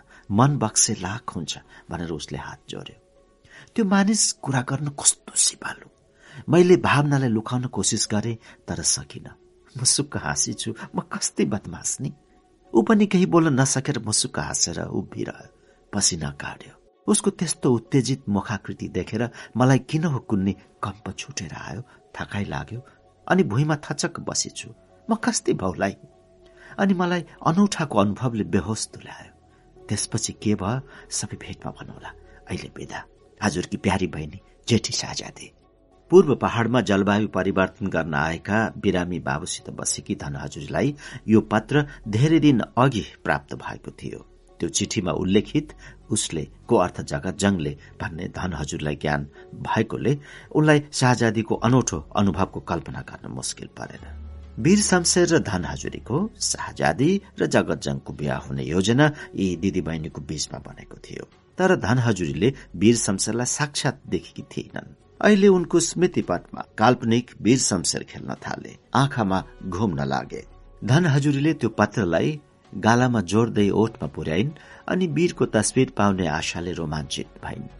महारानी एक सोडसी उनको गोडा मिचिरहेकी थिए अदब साथ बोली त्यो कसले लेखेको चिठी? बागदरबारबाट आएको हो? जो सुकेले लेखेको होस्। भनेर धन हाँसिन्। फेरि बोलिन् लक्ष्मी म त अब चाँडै जान्छु। तिमीहरूले बुवाज्यूको राम्ररी हेरविचार गर्नु। कहाँ सवारी हुने? धनले मनमा भएको सत्य कुराको उत्तर दिन खोजिन् तर मनको कुरा सोझै भन्न अप्ठ्यारो मानिन् र रातो मुख पारेर हाँस्न थालिन्। लक्ष्मी केटी उत्तरको प्रतीक्षामा थिए। कहाँ सवारी हुने? भनेर फेरि सोधे। के हामी स्वास्नी मानिसलाई सधैँ बाउको घरमा बसेर पुग्छ र?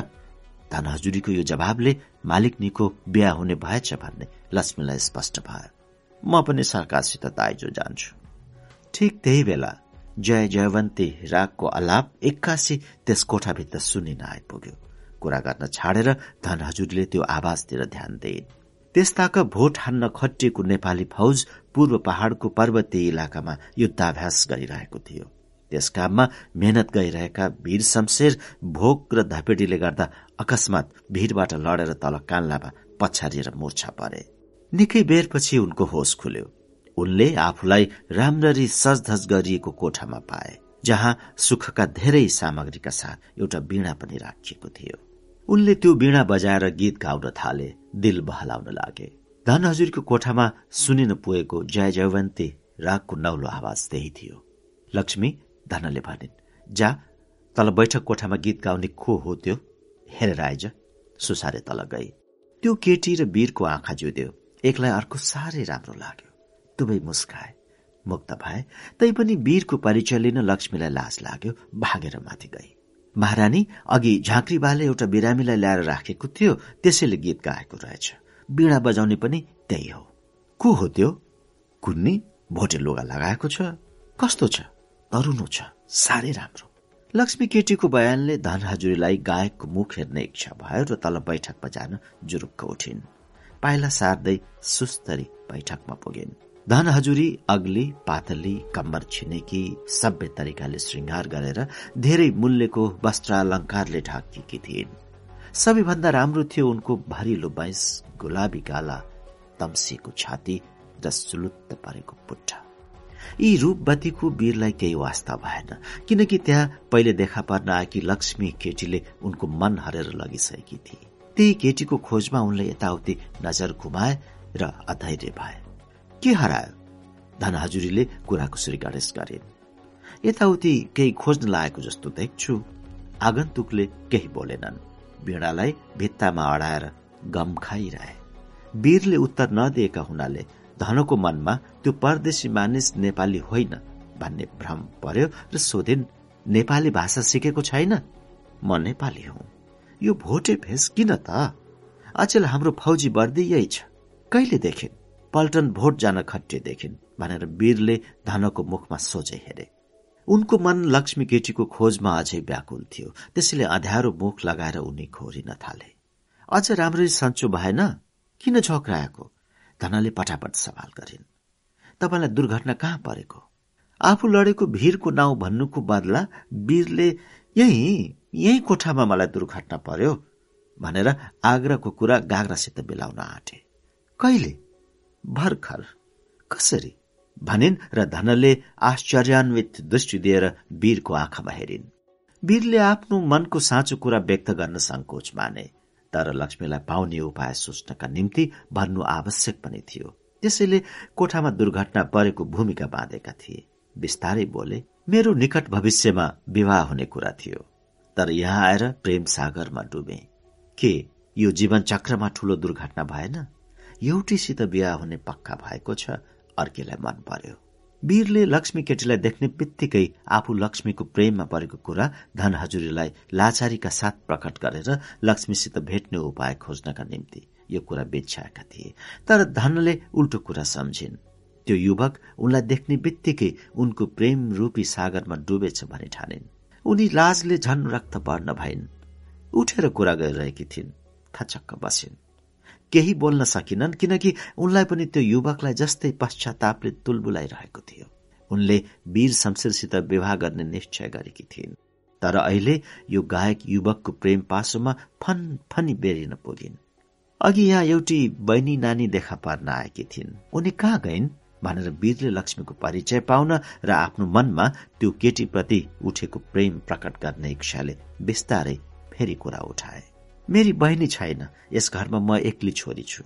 धनले भुइँमा हेरेर उत्तर गरिन्। एकैछिन अघि मात्र लक्ष्मी र वीरको त्यहाँ देखादेख भएको थियो। वीरले लक्ष्मी केटी जस्ती राम्री युवती आजसम्म कहिल्यै देखेका थिएनन्। त्यो दृश्य वीरको नजरमा नाचिरहेको थियो। तर अहिले त्यस घरमा धन हजुरी बाहेक अरू कोही छैनन् भन्ने धनको भनाइमा स्वभावत वीरलाई विश्वास हुन सकेन। सोच्न थाले भोजन भयो? धनले सम्झेर सोधिन् कहाँ खानु? एक घडी रात बाँकी छँदै पल्टन हिँडेको खानु न पिउनु भोकै छु। धन हतारिँदै भित्र गइन्। उनले फलफूल एक गिलास दुध र मह ल्याएर त्यो अपरिचित मानिसको सामुन्ने राखिदिइन्। वीर भोकले खरिएका थिए। दुध पिउन गिलास उठाए। पहिले फलफूल खानु अनि दुध पिउनु नत्र मुख पल्ला वीरले त्यसै गरे। धनले पनि ठूलो सफाईका साथ फललाई खान योग्य केस्रा पार्दै थिइन्। बिस्तारै सोधिन् तपाईँको विवाह कोसित हुने कुरा चलेको थियो? अब वीरलाई बोल्न करै पर्यो? आज महाराज महारानीको बाहुलीबाट नर्मदेश्वर महादेव स्थानमा भाकल पूजा हुने भएको छ। मेरी दुलै हुने कन्या मौसुब सरकारहरूको साथमा यहाँ भनी उसले कुरा रोकेर उखुको छोक्रा फिक्दानीमा थोक्न थाले। उनलाई शाहजादीको ओजस्वी नाम नलिएर सत्य कुरा धनलाई बताउनु परेको थियो। त्यसैले उखुको छोक्रा भन्दा जिब्रो धेरै चपाएर बोल्नु पर्यो। दुलैको नाउँ नलिनु भन्छन्। त्यसमा पनि सरकारको साथमा बाटो नराम्रो भएकोले धन च्वाट्ट बोलेन्। आज महाराज महारानीको सवारी नहुने भएको छ। वीर यन्त्रपात झस्के अँध्यारो मुख लगाएर प्रश्न गरे यो खबर तपाईँलाई कसले सुनायो? हिलियोबाट अघि मात्र आएको खबर। किन? अँध्यारो मुख पारेको? वीरले केही उत्तर दिएनन्। के साई सवारीको साथ तपाईँकी पत्नीको आउने कुरा थियो? हाम्रो विवाह भइसकेको छैन तर पल्टन भोटबाट फिर्ता हुने बित्तिकै विवाह हुने कुरा छ। त्यसो भए तपाईँले किन चिन्ता लिनु पर्यो? धनले परेलाई नचाउँदै प्रफुल्लित स्वरमा भने भित्र कोठामा गएर एकछिन आराम गर्नुहोस्। हामी फेरि भेटेर कुरा गरौँला। यहाँ कसैको पनि विवाह भएको छैन वीरले आफू त्यस कोठालाई परित्याग गरेर अर्को कोठामा सर्नु परेको कारण बुझेनन् र के तपाईँको यस कोठामा विशेष काम छ र भनी सोधे। यहाँ अहिले पाहुना आउने भएको हुनाले तपाईँले एकछिन भित्र अनुरोध गरेकी हुँ। अरू केही विशेष काम छैन। को पाहुना?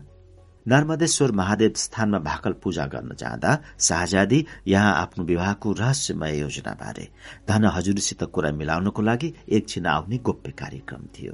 तर त्यो कुरा धन हजुरीले स्पष्टसित यो नौलो मानिसलाई भन्न ठिक ठानिनन्। परदेशीलाई शाहजादीको यशस्वी नाम बताउनुको अर्थ हुन्थ्यो उसलाई त्यहाँबाट भगाउनु। त्यही विचार गरेर उनले अलमल्लीको स्वरमा बोलिन् मेरा जेठाबाबुकी छोरी आउने भएकी छन् मेरी बहिनी। दिदीलाई हेर्ने मेरो आँखाले बहिनीलाई हेर्न हुन्न र नाताले मेरो बहिनी परे तापनि उनको सामुन्ने देखा पर्न तपाईँलाई उचित पर्दैन। एकछिन भित्र जानुहोस्। म घर जान्छु। यहाँ भान्सा ठिक गर्न लागेकी छु। नखाएर किन भोकै घर जानु? वीरलाई भित्र कोठामा गएर एकछिन आराम लिनु आवश्यक पर्यो।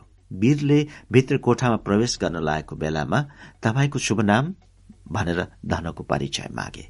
धन भन्ने दुई साउ अक्षर काटिएको औठी आफ्नो औंलाबाट फुकालेर धन हजुरीले वीरलाई प्रदान गरे। त्यही उनको परिचय थियो यही उनको प्रेमोपहार थियो। तेह्र। मलाई लेखी बक्सेको चिठीमा स्वयम्भूको घटनाबारे उल्लेख गरी बक्सेको कुरा साँचो हो? सत्य हो। हजुरलाई किन झुटा कुरा लेख्थे दिजु शाहजादीले उत्तर दिइन्। यो मानिसलाई कस्तो डर पनि नलागेको डराएर के गर्नु? त्यस्तो जिद्दी गर्नेसित। रिसाइ बक्सेको भए उसले जिद्दी गर्न सक्थ्यो र? रिसाउनै सकिन। किन? हाँसो मात्र उठिरह्यो। मन पेट दिने इच्छा भएपछि किन रिस उठ्थ्यो? भनेर धन हाँसिन्। किन हो कुन्नी? आङभरि कुतकुती लागेर आयो। हाँसो उठिरह्यो। भुत्तुक्कै भए। अँ होला। सत्य। बहिनीको अनुभव सुनेर धन हजुरी खुसी भइन्। भित्र कोठामा आराम लिन बसेका अपरिचित युवकलाई सम्झेर उनी पनि प्रभातको उषाको भाँति सिन्दुर जस्तो रातो र तातो भइन् अनि उनको नाक र निधारमा पसिना आयो सर्वाङ्ग रसायो मस्केर हाँस्न थालिन्। दिदी बहिनी दुवैको मुखमा उत्तेजित हाँसो थियो। भित्र कोठामा आराम लिन बसेका युवक वीर शमशेरको कानमा त्यो हाँसोको आवाज सुनिन पुग्यो जसमा उनलाई शाहजादीको स्वरको एक्कासी झझल्को लाग्यो। उनलाई धनकी बहिनी पाउना शाहजादी होलिन् भन्ने कुराको कल्पनासम्म पनि थिएन। त्यसैले उनले आफ्नो कानलाई मात्र विश्वास नगरेर ढोकाको पालबाट आँखालाई काममा लगाएर दिदी बहिनीको हाँसो परिरहेको स्थानतिर नजर पुर्याए। धन र शाहजादीलाई वीरले देखे तर धनको ठिक परिचयको जानकारी अझ वीरले पाएका थिएनन्। जगत जङ पनि त्यही कोठाभित्र पर निकै परको झ्यालमा उभिएर त्यहाँबाट देखिने बाहिरको पहाड़ी रमणीय दृश्य हेरेर मुक्त भइरहेका थिए। वीरले उनलाई पनि चिने। उनलाई शाहजादी र धनहजुरीको वार्तालापमा कुनै ध्यान थिएन। पर्वतीय प्रकृतिको रमाइलो श्रृंखलाको गहिरो अध्ययन गरिरहेका थिए। धन्देजु शाहजादीले थैलीबाट वीर शमशेरको एउटा तस्बिर झिकेर भनिन् हजुरले भन्नुभएको मानिसको तस्बिर ल्याइदिएकी छु। लौलिनुहोस् धनले त्यो तस्विर लिन चाहिनन् हेर्न पनि इन्कार गरिन्। त्यो चित्र व्यवस्थासित घोप्टिएर टेबलमाथि मिल्किरह्यो। हजुरसित त्यही कुराको सल्लाह गरौं भनेर आएकी छु। शाहजादीले फेरि भनिन् हजुरले बुवा अर्थात उपेन्द्र विक्रमलाई त्यो कुरा अर्थात धन र वीरको जगत र शाहजादीको विवाह हुने कुरा सम्झाउनु भएन। धनले केही उत्तर दिएनन्। धनदेज्यू बोल्नुहोस् न किन हजुरको मिजाज बदलिएको जस्तो देख्छु? के भयो? आज भोटे भेषमा देखा पर्न आएको गायक युवक वीर शमशेर हो भन्ने धन हजुरीलाई परिचय भएको थिएन। त्यो अपरिचित आगन्तुकको प्रेममा धन हजुरी चुर्लुपमा डुबिसकेकी थिइन्। आफ्नो भाग्य त्यही चिन्दै नचिनेको व्यक्तिको गोडामा सुम्पर्ने अठोट गरिसकेकी थिइन्। त्यसैले वीर शमशेरसित विवाह गर्छु भनी उहिले शाहजादीसँग कुरा मिलाएको कबुलबाट उनी हट्न चाहिन् र घोरिन थालिन्। कहिले एकान्त होला र त्यो युवकसित प्रेमको परिचय लिन पाउला भन्ने आशाले व्याकुल भएकी धनलाई त्यो तस्विरको वीर शमशेरसित हुने आफ्नो विवाहको लामो र अनिश्चित भविष्यका निम्ति पर्खन असम्भव भयो। बोलिन् शाहजादी म क्षमा पाऊ। वीर शमशेरसित म विवाह गर्न चाहन्न। म अर्कै कि भइसकेकी छु? शाहजादीको नजरमा एकाएक अन्धकार छाए जस्तो लाग्यो। अनि खिन्न भएर रुन्चे स्वरले सवाल गर्न लागिन्।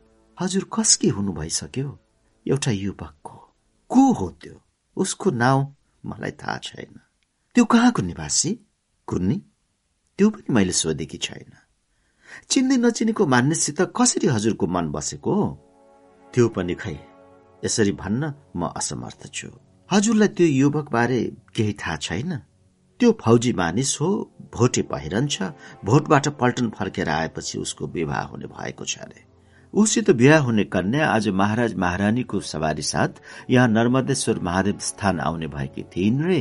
राजकीय यात्रा स्थगित भएको सुनेर ऊ साह्रै चिन्तित भयो। यति मात्र उसको विषयमा मलाई थाहा छ। उसको अरू परिचय मैले पाएकी छैन। अर्काको लोग्ने हुने मानिससित प्रेम गरेर हजुरको मनोकामना कसरी पूर्ण होला? त्यो पनि म यसै होला भन्न सक्दिन।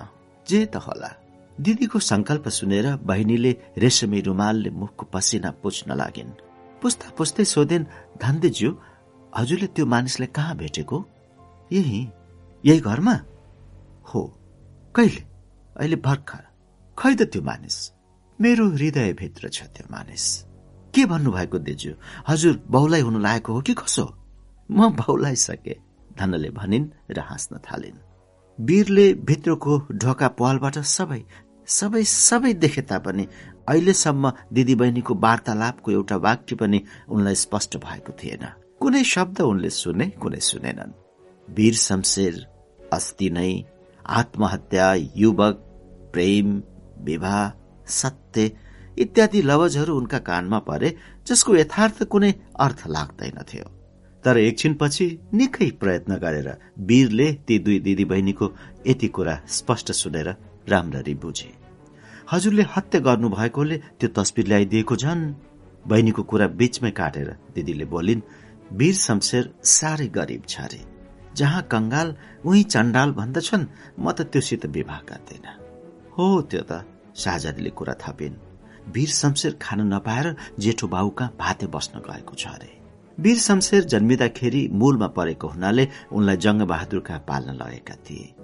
त्यो सत्य कुरालाई दरबारीहरूले शाहजादीको कानमा भाते बस्न गएको भन्ने झुटो अपवाद पारेको सुनेर वीर जिल्ल परे। फेरि केही क्षण अघि मात्र आफूलाई स्वागत सत्कार स्नेह र श्रद्धा गर्ने स्त्री अर्थात धनले अहिले कुवाक्य बोलेर कुरा काट्न लागेको सुन्दा वीरले आफ्नो कानलाई राम्ररी विश्वास गर्न सकेनन् र झन उत्सुक भएर ध्यानपूर्वक दिदी बहिनीको वार्ता सुन्न लागे। दिजु अब म के गरौं? धनले केही उत्तर दिन सकिनन्। रुन थालिन्। एकछिनपछि आँसु पुस्दै बोलिन् हजुरलाई वीर शमशेरसित नै बिहा गर्नुपर्छ भन्ने के को छ विवाह गर्नु सुखको निम्ति हो। वीर शमशेर गरिब मात्र होइन बदमास पनि छ अरे। भित्र कोठामा वीरलाई असह्य भयो। यो सब सपना हो कि भन्ने ठानेर उनले भित्ता छामेर हेरे। तर प्रत्यक्ष विपना नै थियो। अनि उनको सारा शरीर काँप्यो पसिना आयो। तैपनि चियाएर कुरा सुन्न छाडेका थिएनन्। मलाई करै पर्ने भएको छ? शाहजादीले गहभरि आँसु लिएर भनिन् किन? बुवा मुवाबाट शमशेरहरूलाई मन्जुरीको वचन बक्सिसकेको छ। हजुरलाई नसोधेर बक्सेको वचनको कुनै मूल्य हुँदैन। सोधी बक्सेको थियो। मलाई त्यसबेला माया प्रीति भनेको कुन चराको नाउँ हो थाहै थिएन। हामी स्वास्नी मानिसको मन पुरुषमाथि यसरी आकर्षित हुन्छ भन्ने मैले अनुभव पाएकी थिइन। हिजो अस्तिसम्म मलाई पनि यसबारे केही ज्ञान थिएन। भनेर धनले आफ्नो मनको पर्दा खोलिन्। के हजुरलाई पनि अहिले साँच्चीकै प्रेमको अनुभव हुन थालेको हो त? धनले रातो मुख लगाएर हाँस्न थालिन् जुन हाँसोको अर्थ हो भन्ने प्रत्यक्ष थियो। शाहजादी खिन्न भइन्। उनलाई चिच्याएर रुन मन लाग्यो। तर दिदीको खुसियालीमा बहिनीले सन्ताप गर्नु ठिक परेन र नक्कली हर्ष प्रकट गर्न लागिन्। दुवै हाँस्न थाले। धनले आफ्नो प्रेमको क्षणिक अनुभव खोलेर वीरसित विवाह नगर्ने संकल्प गरिन्। शाहजादीले जगतजगको सधैँ प्रशंसा सुनेकी र जगतलाई सम्पूर्ण नेपालले मान्यता प्रदान गरेको दिनहुँ दूरबीनद्वारा देखेर आफू शनै शनै उनको प्रेममा आकर्षित भएको र वीरलाई तिरस्कार गर्न लागेको बेहोरा अद्योपान्त बताइन्। दिदी बहिनीको वार्तालाप हुँदा यी दुईको नजर पर झ्यालमा उभिएका जगत जगमाथि बीच बीचमा पर्दथ्यो। अहिले उनलाई औल्याएर धनले बहिनीलाई सोधिन् त्यो मानिस अर्थात् जगत जङले झ्याल बाहिर के हेरिरहेको होला? खुन्नी बेचरा। साह्रै सुदो होला भने जस्तो रहेछ। ऊ पहिले त्यस्तो थिएन। उसलाई देखेर सबैको सातो जान्थ्यो उसको र मेरो मिल्ती भएपछि उसको मिजाजमा ठूलो परिवर्तन आएको छ। अचेल ऊ कसैसित ठाडो शिर गरेर हेर्दैन। अर्कै मानिस जस्तो भएको छ। झन् किन त्यस्तो लाद्रे भएको? कुन्नी म भए उसलाई पुग्छ अरे मलाई पनि ऊ बाहेक अरू केही चाहिँदैन। भित्र कोठामा वीरको ओठ र शरीर ईर्ष्याले काँपिरहेको थियो। उनको मन चाहन्थ्यो त्यसै क्षण ढोका फोरेर जगत जङसित लड्न जान। तर त्यहाँ शाहजादीको उपस्थिति भएको हुनाले उनलाई त्यसो गर्न आँट आएन। क्रोधले चिउँडोबाट पसिना चुहाइरहे। झन शाहजादीको पछिल्लो वाक्य सुनेर उनको मुटुको गति बिग्रन गयो। आँखामा सारा संसार रिङ्न थाल्यो। उनले जगतलाई जार ठाने। त्यस युगमा जार काट्ने चलन भएकोले त्यही विचार उनको मनमा झलक्क आयो। दापबाट खुकुरी थुते मार्ने र मर्ने दुवै इच्छा उनलाई एकसाथ आयो। संयोगवश त्यही बेला जगत जङलाई पनि वीर शमशेर भएको कोठाभित्र पस्नुपर्ने तारतम्य मिलेर आयो। पहाड़को उत्तरपट्टिको रमणीय दृश्य हेरिसकेर फेरि पूर्वपट्टिको झ्यालबाट प्राकृतिक सौन्दर्यको अनुपम दृश्य नजिकबाट हेर्न मन लाग्यो। अब उनलाई त्यस निम्ति भित्र कोठामा प्रविष्ट हुनु पर्यो जहाँ उनको स्वागतार्थ वीर शमशेरको धारिलो खुकुरी तयार थियो। थुन्निएको ढोकानेर पुगेर जगतले पहिले छिस्किनी खोले अनि ढोका उघारे त्यसपछि कोठाभित्र प्रवेश गरे। तर उनले त्यहाँ अर्कै लीला देखे। हातमा नाङ्गो खुकुरी लिएर महाकालको रूपमा खडा भएको वीर शमशेरको भयंकर मूर्ति। वीरले जगतलाई देख्ने बित्तिकै एक्कासी ठाडै काट्न जाइ लागे। जगतले पनि म्यानबाट तरबार थुतेर वीरको सामना गरे। दुई भाइ पट्टा खेल्न थाले। वीरको हृदयमा शाहजादीका कुरा सुनेर गहिरो चोट परिसकेको थियो। त्यसैले उनको खुकुरीको मार जगतको तरबारका सामुन्ने हल्का पर्न गयो। वीरको नाथ्री फुट्यो निधार खोस्रियो गालामा चोट पर्यो जगत पनि घाइते भए। यी दुई भाइ जुधेको आवाज बाहिर आएकोले दिदी बहिनी झस्केर उठे। दुवै महिला दगुरेर कोठाभित्र हेर्न गए। दुई भाइको जोडका तोड पर्यो पसिना चुहाएर रगत ताम्य भए। यो भयानक दृश्य देखेर धन बोल्नै सकिनन् उनको ज्ञान तन्तु नै हरायो। बह! शाहजादीले हप्काएको स्वरमा आत्तिएर कराइन्। दुवै भाइ टक्क रोकिए। वीरले हातको खुकुरी भाइमा फाले। जगतले तरबार म्यानमा हाले। यो को हो? शाहजादी वीरलाई नचिनेर क्रोधित भएर सोध्नु र वीरले शाहजादीको सामुन्ने घोडा टेकेर हात जोड्नु एकैसाथ संयोग पर्यो। दिजु यो मानिस को हो? यो फौजी मानिस हो। राम्रो गीत गाउँछ। मुर्छाबाट भर्खर तङ्ग्रिएको यो बिरामी छ। पशु सरह काटिनु पर्ने यो मानिस को हो? यो युवक हो। यसको नाउँ के हो? सरकार कोसिस गरेर जगतले बोले मेरो केही कसुर छैन। यसले मलाई नाङ्गो खुकुरी लिएर एक्कासी काट्न आइलाग्यो। सरकार जुरुक्क उठेर वीरले पनि फिराद गरे। मेरो जीवन ज्योति नष्ट हुन लाग्यो। आकाश र पाताल जुट्न खोज्यो। प्रकृति बन्द हुन लाग्यो अनि मलाई त्यसको प्रतिक्रिया देखाउन कटिबद्ध हुनु पर्यो म निर्दोष छु। त को होस्? तेरो नाउँ के हो? तेरो भनाइको के अर्थ? ताबेदार ताबेदार वीरको ओठ नराम्रोसित काँपिरहेको थियो। आवाजमा रुन्चेपन तैपनि उनले प्रयत्न गरेर भने ताबेदार वीर शमशेर हो। वीर शमशेर। को? धीर शमशेरको छोरा वीर शमशेर। उही वीर शमशेर? सरकार वीर शमशेर मै हुँ। धन झस्किन्। त्यो गायक युवक वीर शमशेर हो भन्ने थाहा पाएर उनी जिल्ल परिन्। उनलाई हर्ष र विस्मातले एकैसाथ छोप्यो। एक चौटा मासुमा दुई कुकुरको सधैँ कला हुन्छ भन्ने दिलबहार धाईको भनाइ पनि शाहजादीलाई सम्झना भयो। आफ्नो तामसिक इच्छा पूर्तिको लागि यी मोरा लोग्ने मानिस कुकुर त के दैत्यको रूप पनि धारण गर्दछन्। भन्ने दिलबहार धाईको भनाई फेरि उनलाई याद आयो। चौध तेरो मुखमा कसले रगत छापिदियो? प्रश्नकर्ताको मुखमा वीर शमशेरले हेरे। उनी उपेन्द्र विक्रम शाह थिए। साहेबज्यूलाई वीरले चिनेका थिए आदरपूर्वक सलाम गरे तर केही बोलेनन्। छोरी यो को हो?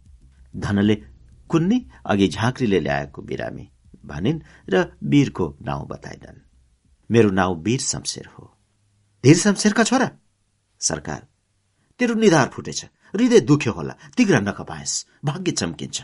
भनेर साहेबज्यू जसरी आएका थिए त्यसरी फर्किए। उपेन्द्र विक्रम अति धर्मात्मा त्यस्तै अति दानी र अति विद्वान भएकाले उनी देव मन्दिरमा पैसा छरेर हिँड्दथे। छन्दबद्ध कवितामा बोल्ने उनको ठट्यौलो बानी थियो।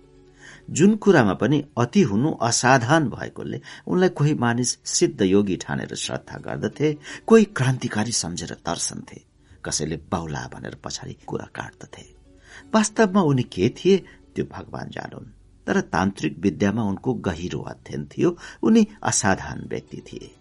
साहेबज्यूको त्यो रहस्यमय गुणको वीरलाई ज्ञान भएको हुनाले उनको भविष्यवाणीमा वीरले ठूलो महत्व दिएर मनमा नै गौड गर्न थाले। साहेबज्यूको तिग्रा नकपाएस भाग्य चम्किन्छ भन्ने लहडी कथनलाई वीरले एक महान तान्त्रिकको अकाट्य भविष्यवाणी ठानेर विश्वासका साथ ठूलो स्वरले प्रतिज्ञा गरे।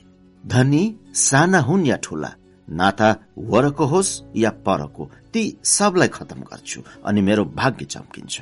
आफै सर्वे सर्वा शक्तिमान हुन्छु कुबेर बन्छु। वीरलाई चोट लागेको देखेर धना हजुरी घोप्टिएर रोइरहेकी थिइन्। अहिले आफ्नो बाबुको आकस्मिक प्रेरणाबाट बसीभूत भएर वीरले डरलाग्दो प्रतिज्ञा गरेको सुनेर उनी झसङ्ग भइन्। उनले आँसुले पोतिएको आफ्नो आँखा बिस्तारै उठाएर वीरको मुखमा पुलुक्क हेरिन्। धन हजुरीले वीरको क्रोध र आँसुलाई साँचो अर्थमा बुझ्न सकिनन्। उनको मनमा वीर रोएको र रिसाएको कारण निधारको घाउ दुखेर होला भन्ने पर्यो। ज्यादै दुख्यो भनेर सोधिन् र विनित दृष्टिले वीरको मुखमा एकहोरो हेरिरहन्।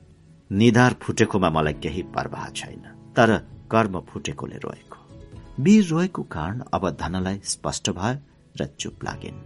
वीरले मुख पोछिसक्ने बित्तिकै उनको घाउमा धनले भग्न सन्ध्यादि मलमपट्टि लगाइदिन् र नर्मिम्याख खुवाइन्। अनि दिनको भोजन सकिएपछि वीरको निधारको घाउ सुकेर खोस्रेको जस्तो मात्र देखियो। उनको सबै शारीरिक दुर्बलता हरायो तन्दुरुस्त भए। महारानी उनले धनको मुखमा हेरेर स्वाभाविक स्वरमा सोधे शाहजादीको यहाँ सवारी हुने कार्यक्रम मलाई थाहा नदिनुको अर्थ के थियो? धनले सत्य कुरा भन्न खोजिन्। उनले वीरलाई एक गायक युवक भन्ने ठानेर त्यस युवकलाई त्यहाँ धेरै बेर रोकिराख्नका निम्ति आफ्नो पाहुना शाहजादीको नाम नबताएर साइनो मात्र भनेकी थिइन्। त्यो साँचो कुरा मुख फोरेर भन्न उनलाई लाज लाग्यो हकमा खाउन थालिन् बोल्नै सकिन महारानी हजुरले मलाई किन रोक्न खोजी वीरले स्पष्टसित बुझ्न खोजे। धनले फेरि पनि केही उत्तर दिन सकिनन् तर एकछिनपछि सर्वाङ्ग सुम्पिने संकेत दिने हल्का नखराको साथै अर्कै कुरा बोलिन्। मलाई हजुर भन्नु पर्दैन कसैकी महारानी पनि म होइन। तर वीरले आफ्नो पहिलो सवाल पुनः दोहोऱ्याए जसले गर्दा अब धनलाई साँचो जवाब दिन आवश्यक पर्यो र लाज मान्दै कुरा खोलिन्। तपाईँको राम्रो परिचय लिनको निम्ति तपाईँलाई अलि दिन यहाँ रोकिराख्ने मेरो विचार थियो।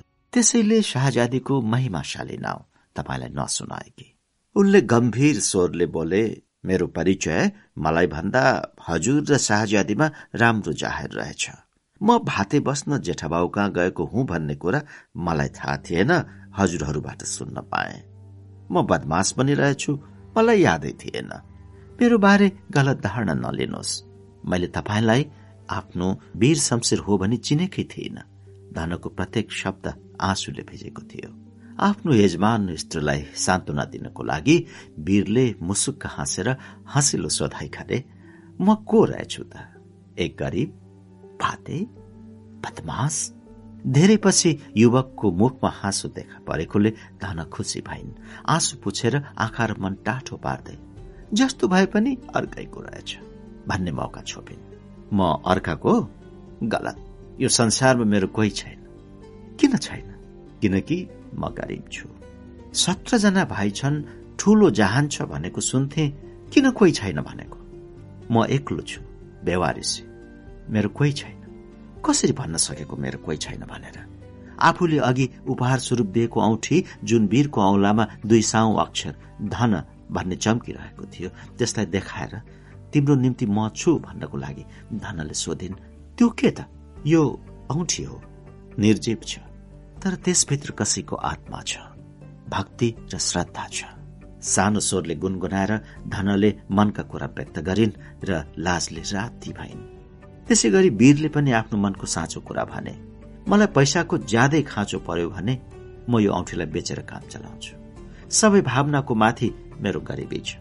बेचे बेची देऊला धनले अन्तस्करण खोलेर भनेको अर्थ वीरले राम्ररी बुझे। तर अगुल्टाको मारमा परेको कुकुर बिजुलीदेखि तर्सिन्छ भन्ने उखान जस्तै शाहजादीको आशामा घाइते भएको वीरको हृदयले उनकी दिदीलाई झट्ट विश्वास गर्न सकेन। दुविधामा परे। जानु पर्यो क्याम्पमा। सोमबारको सामेली छ। भन्दै आफूमाथि धनले सहानुभूति राखेको उपकारितामा धन्यवाद प्रकट गरेर वीरले आफ्नो शरीरको अस्तव्यस्त लुगा मिलाउन थाले अनि हेर्न तयार परे। उनलाई काठमाडौँ जाने लामो बाटोले पर्खिरहेको थियो। धनका निम्ति पनि उनले भर्खर पाइला हालेको प्रेम पथ छोटो थिएन। दुवैको बाटो लामो थियो। त्यही बेला उपेन्द्र विक्रम पुनः त्यहाँ देखा परे।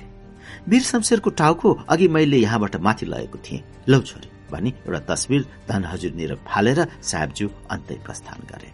साहेबज्यूले वीरको ऊर्ध्वकाय तस्विर बस्टलाई वीरको टाउको भनेका थिए। उनी यसै अंग्रेजी शब्दलाई नेपालीकरण गरेर अथवा नेपाली शब्दको अप्रभंश गरेर परिहास गर्न साह्रै रमाउँथे।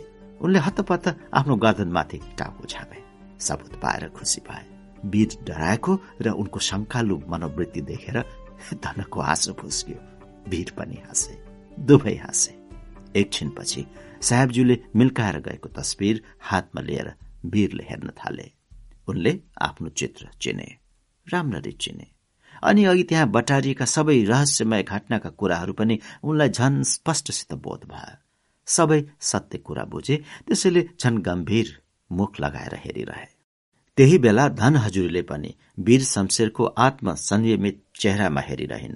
त्यो हेराइमा प्रेमको भिक्षाटन थियो दया र मायाको याचना थियो। आइमाईले गर्दा यो संसारमा सेतो कालो हुन्छ दिनलाई रात अमृतलाई विष र मानिसलाई गथा पार्न सक्दछ भन्ने उखान जस्तै वीरको मनमा पनि एक्कासी परिवर्तन आयो र उनी अर्कै परिस्थितिमा पुगे। उनको मनबाट शाहजादीको सम्पत्तिको लालसा मर्यो लक्ष्मी केटीको सौन्दर्यलाई पनि केही कालका निम्ति बिर्सिदिए। भविष्यको पनि याद गरेनन्। उनको आँखामा अर्कै मेनका अर्थात् धन घुम्न थाली पोल्टामा नाच्न लागे। वीरको तस्बिर टेबुलमा टाङ्गियो पन्ध्र असल खबर पुग्न धेरै समय लाग्छ खराब खबर वायु समान उठ्छ भनेको जस्तै जगतजङ र वीर शमशेरको झगडा पर्यो दुवै घाइते भएका छन् भन्ने समाचार वीर शमशेर भन्दा अघि घर भित्रिसकेको थियो वीर आइपुगे भाइहरूलाई ढोक भेट दिइसकेपछि वीर शमशेर खड्गसँगै बसेर तबाखु खान थाले अनि बिस्तारै पूर्व पहाड़मा जगतजङसित परेको आफ्नो झगडाको परिभ्राट बारे सल्लाह गर्न खोजे। वीरले भाइहरूलाई आफू भीरबाट पछाडिएको कुरा बताए शाहजादी र जगतजङको बीचमा भएको कुरा र जगत र आफ्नो लडन्त परेको वृत्तान्त पनि सुनाए। आफूले गरेको प्रतिज्ञा पनि सूचित गरे। तर धन हजुरी र आफ्नो बीचको प्रणय सम्बन्धलाई प्रकाशमा ल्याएनन्। शाहजादी र वीरको विवाह भंग हुने भएको नैराश्यपूर्ण घटनाको यथार्थ विवरण सुनेर भाइहरूको मुटुमा वज्रपात परे जस्तै भई ती पिरो लिए जंग बहादुर जो आफ्नो सन्तान र शाहवंशको बीचमा वैवाहिक सम्बन्ध जोडेर आफ्नो कुलमा रक्त संचार गराउन वर्षौंदेखि लालायित थिए त्यस्तो उत्सुक व्यक्तिको मनोकांक्षा पूर्ति हुने मौका परेको बेलामा छोरा र भतिजा आपसमा जुधेर यो नचाहिँदो राडो मचाएको दूषित खबर उनको कानमा पर्यो भने पनि समस्या समाधान हुनुको सट्टा झन जेलिने सम्भावना सबै शमशेरहरूले बोध गरे। दरबारबाट आएको खबर अनुसार चन्द्रले दिक्क भएको स्वरले भने ठुल्दै अर्घिलो पनि तपाईँकै हो भन्ने कुरा दरबारमा पुगेको रहेछ। धनीको अदालतमा सधैँ गरीबको अर्घेलो ठहरिन्छ। भन्न वीरले खोजेका थिए तर त्यो वाक्य शैली उनको मुखमा नआएकोले अरू शब्दद्वारा त्यो भनाइको पूर्ति गरे। मर्न नै कम्मर कस्ने हो भने यहाँ पर्लय रचेर मात्र मरौला खड्गले झोकमा बोले। कि हस्तिनापुरको रजाई कि चपरी मुनिको पास। माथि शमशेर भाइहरूको बीचमा यस्तो उत्तेजनात्मक विषयमा गम्भीर छलफल भइरहेको थियो तल पटाङ्गिनीमा घोडाको टापको आवाज सुनिनुको साथसाथै ल्यान्डो बग्गी क्याम्पभित्र पसेको देखियो। त्यो बग्गीमा आउने देव शमशेर थिए। उनलाई काइला काका जनरल कृष्ण बहादुरले गोद लिएका हुनाले काइला काकाको घरमा एकला देव शमशेर प्रशस्त धनी र पुलपुल्याएर पालिएका थिए। धनी भएका हुनाले देव शमशेर र जङ भाइहरूको रहन सहन मिल्दथ्यो। तिनीहरू नङ र मासु जत्तिकै मिलेका थिए। तर आफ्नै सहोदर शमशेर दाई भाइमाथि देवको श्रद्धा र प्रेम भए तापनि उनीहरूको गरिबीमा आफूलाई सम्मिलित गराउन देवलाई साह्रै गाह्रो पर्यो। परिस्थितिले गर्दा असमर्थ भए। यसरी अनायास उनी आफ्नो परिवारसित पृथक भएकोले र हालसालै मात्र जापानमा आर्थिक विकास हुन लागेको देखेर उनी त्यहाँको संसदीय प्रजातन्त्र पद्धतिसित बहुतै प्रभावित भएका थिए। जुन कुरा उनका केही दाई भाइलाई चित्त बुझेको थिएन। यी दुई कारणले गर्दा शमशेर खलकले देवलाई माया गरे तापनि विश्वास गर्दैनथे। देव भाइको सामुन्ने यो अर्थात् विवाहबारे कुरा गर्नु भएन। वीरले हतार हेर्दै सोधे माइला भाइ खड्ग चाँडो भन अब के गरौं? प्रधानमन्त्री बालाई भन्न बेस होला कि या हाम्रो बालाई भोटमा चिठी लेखौं?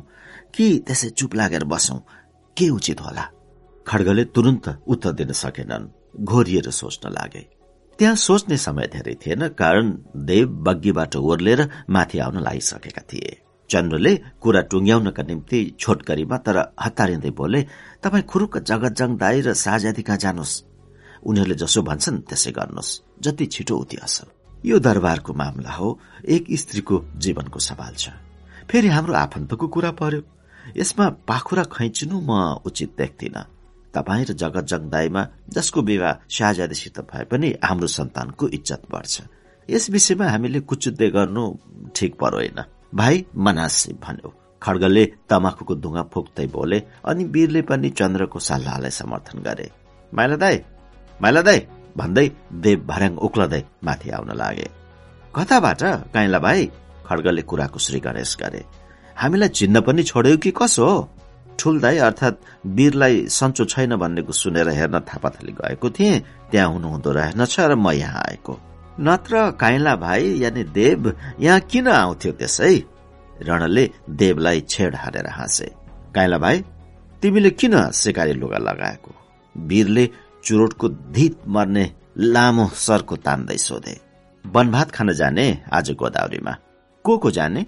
जङदाईहरू पनि जानुहुन्छ। बहिनीहरू नि? बहिनीहरूको विवाह दरबारमा हुने कुरा छ क्यारे त्यसैले अचेल उनीहरू बाहिर निस्किँदैनन्। प्रधानमन्त्रीका तीन छोरी दरबार लाग्ने कुरा जस्तो छ। आफ्नो र शाहजादीको विवाह हुने बारे पनि केही खबर निस्कन्छ कि भन्ने आशाले उत्सुक भएर वीरले ठूलो अभिरुचिका साथ फेरि सोधे अनि अनि अनि काइला भाइ दरबारबाट राजकन्याको पनि विवाह हुने कुरा छ? त्यसै ताका श्रीपाद सुरेन्द्रकी द्वितीय पुत्री अर्थात माइली शाहजादीलाई जङ्गबहादुरका माहिला छोरा जित जङसित बिहा गरिदिने कुरा चलेको थियो त्यो पनि देवले बताए। अनि अनि वीरले आफ्नै विवाहको कुराको आशाले फेरि सोधे। खै अरू नयाँ कुरा केही सुनेको छैन? आफ्नो र जेठी शाहजादीको विवाहबारे सोझै केही सोध्न वीरलाई उचित लागेन। देवले पनि त्यसबारे केही संकेत गरेनन्। कारण उनको मनमा पनि वीर र जेठी शाहजादीको विवाह हुन लागेको कुरा चित्त बुझेको थिएन।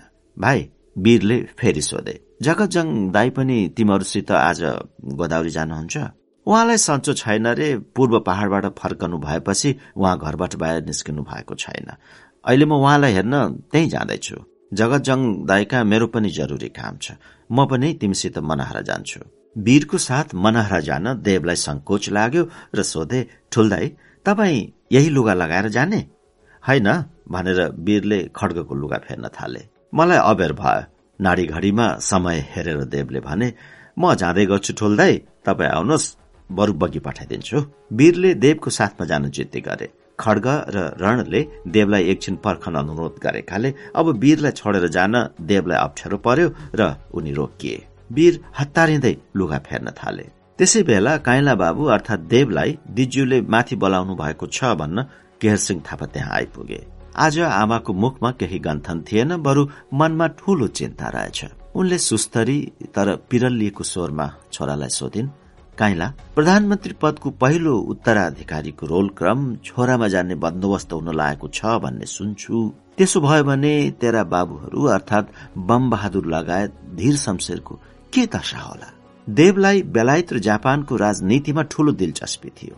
उनी सधैँ त्यहाँको स्वतन्त्र व्यवस्थाको अध्ययन गर्नमा मग्न थिए। नेपालको गुपचुप र षड्यन्त्रकारी वातावरणको उनलाई केही वास्ता थिएन।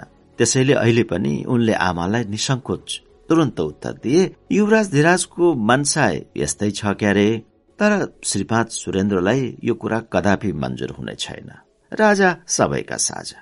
धन्न नमान्नुहोस् छोराको कुरा सुनेर आमालाई ठूलो सान्त्वना मिल्यो। बुढी चुप लागिन्। छोरालाई पनि हतार थियो। आमासित विदा भएर उति नै खेर बाहिर निस्के जहाँ उनको प्रतीक्षामा वीर शमशेर र दुई चिन्या कुकुर बग्गीमा कुरिरहेका थिए। स्वर। ऐनाको सामुन्ने मेचमा बसेर जगतजङ कपालमा सुस्तरी काङ्यो चलाइरहेका थिए। उनको पहिरन चुडीवाल सेतो रेशमी सुरुवालमा सुनखिप जुत्ता हिराको टाक हालेको सुनौला बुट्टेदार अचकन थियो। शिरमा टोपी थिएन केश नागबेली आकारमा तलासिनको लागि कोसिस भइरहेको थियो। उनको कानमा कमल हिराका चहकिला टप गलामा मोतीका माला र छातीमा चन्द्रमुखे स्टार झल्किरहेका थिए। साधारण पहिरनमा पनि उनको सधैँ यही ढाँचा हुने भइसकेको थियो। यसरी उनको शोकशैल बढ़ेको र देशको प्रशासन सम्बन्धी काममा रूचि हराएको हुनाले आफ्नो मातहतका सबै अड्डा अदालत सबै भाइहरूलाई सुम्पिदिएका थिए। त्यसै हुनाले भाइहरू आफ्ना कामको प्रतिवेदन सुनाउन जेठा दाई कहाँ धमाधम भेला हुन लागे। जितजङ पद्मजङ र रणवीर जङको पहिलेदेखि नै त्यहाँ उपस्थिति थियो। अहिले फेरि ललितजङ डम्बरजङ र हर्षजङ आइपुगे। शमशेर खलकमा जस्तै प्रधानमन्त्री हुने रोल क्रममा चढेका रोलवाला र रोल क्रममा नचढेका बेरोलवाला भाइ भने छुट्याउने समस्या जङ खलकमा थिएन। जङ्गबहादुरले उमेर पुगेका आफ्ना सबै छोरालाई प्रधानमन्त्री हुने रोल क्रमको सूचीमा चढाएका हुनाले सबै जङ भाइ रोलवाला थिए रबाफिला र आभूषणले झकिझकाओ जगत जङ बाहेक अरू सबै जङ भाइको एउटै कोठामा उपस्थिति थियो। तल पटाङ्गिनीमा सयौं भारदार जंगी निजामती कर्मचारी र अन्य चाकरीवाल थुप्रिएका थिए। ती चाकरी गरेर पेट भर्नेहरूमध्ये पण्डित सोमनाथ पनि थियो। तर सोमनाथ जङ्गबहादुरको बालककालदेखिकै हितैषी विद्वान र नामी भारदार भएकोले उसलाई जङ भाइहरू बसेको ठूलो बैठकमा प्रवेश खोला थियो। त्यहाँ बसेर गफ गर्न लाग्यो। बेलायतको गफ चल्यो। जुन देशमा संसदीय प्रजातन्त्र व्यवस्थाको स्थापना भएको छ त्यहाँ मात्र जीवधनको सुरक्षा हुन्छ। अन्त हुँदैन। भन्ने पण्डितको भनाई जङ भाइहरूलाई चित्त बुझेन र त्यस कथनको विरोध गरे। छलफल निकै अघि बढ्यो। वीर शमशेर र देव शमशेर आइपुगे। दाईले जङ भाइको भनाईमा समर्थन गर्न लागे। भाइ देवले पण्डितको युक्तिलाई ठिक ठहर्याए माथिबाट जगत जङले पनि एउटा सन्देश पठाएर तल भाइ भारदारहरूको गफमा आफ्नो राय व्यक्त गरे। जसमा भनिएको थियो जंग बहादुरले बसालेको शासन पद्धतिमा उनका भाइ छोरा भतिजा र नाता कुटुम्बको विशेष भूमिका हुन्छ। मह काट्नेले हात चाट्छ। यो ईश्वरीय देन हो। बेलायतको व्यवस्था हामीलाई चाहिएको छैन। हामी हाम्रै व्यवस्था हाम्रै देश हाम्रै भेष चाहन्छौ। हामी यहाँ सुरक्षित छौं। प्रजातन्त्रमा बहुमतको कदर हुनु पर्दछ भन्ने विचारले होला सायद एक्लो देव चुप लागे। सोमनाथ पनि अब त्यहाँ धेरै वाद विवाद गरी नसक्नु परिस्थितिको सृष्टि भएको देखेर गफको विषयलाई अन्त्य गर्ने हेतुले जङ भाइहरूसित विदा भएर आफ्नो बाटो लाग्यो। इट इज टु लेट अर्थात धेरै अबेर भयो भनेर देवले नाडी घडी हेरेर जङ भाइहरूलाई गोदावरी जान सम्झाए। देव बाहिर निस्के। जित अघि लागे अरू त्यस कोठामा भएका जङ भाइ सबै पछि लागे। अब वीर शमशेर मात्र त्यस कोठामा छोडिएका थिए। उनी माथि डाकिए माथि पुग्ने बित्तिकै वीरले जगतका गोडामा नियमपूर्वक ढोक दिए तर पनि दाजुभाइ दुवैले झट्ट केही कुरा गरेनन्। जगत आफ्नो श्रृङ्गारमा व्यस्त थिए। वीर पनि केही नबोली चुप रहे। जगतको मौनताको कारण बुझेर वीरले पहिले कुरा शुरू गरे। पूर्व पहाड़को दुर्घटनाबारे केही निवेदन गरौं भनेर दाई कहाँ आएको? वीरले नम्र भएर बोलेकाले अब जगतलाई पनि बोल्न करै पर्यो। कुन दुर्घटना? उही तपाईँ र मेरो लडन्त परेको दुर्घटना।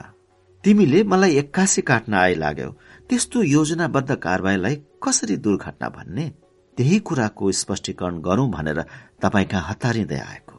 स्पष्टीकरण? के? वीरले भन्दा र जगतले सोद्धा एकले अर्काको मुखमा हेर्न सकेका थिएनन्। दाईले ऐनामा र भाइले भित्तामा हेरेर बोलेका थिए। दाई त्यस दिन हाम्रो र श्रीनाथ पल्टनको रंगेली टारमा लडाईँको युद्धाभ्यास थियो। हाम्रो शत्रु दल भएको हुनाले हामी भोटे पहिरनमा थियौं श्रीनाथ नेपाली पोसाकमा रंगेली कब्जा गर्ने हामी दुवै थरीको लक्ष्य भएकोले महाभारतको डाँडामा हाम्रो जम्का भेट भयो। मैले खुकुरी देखाएपछि झपट नर्सिङ मर्नु पर्दथ्यो तर त्यसले झेल गरेर भाग्यो। त्यसलाई पक्रन दकुर्दा मेरो गोडा चिप्लिएर म कान्लामा पछारिन पुगेछु अनि मुर्छा परे।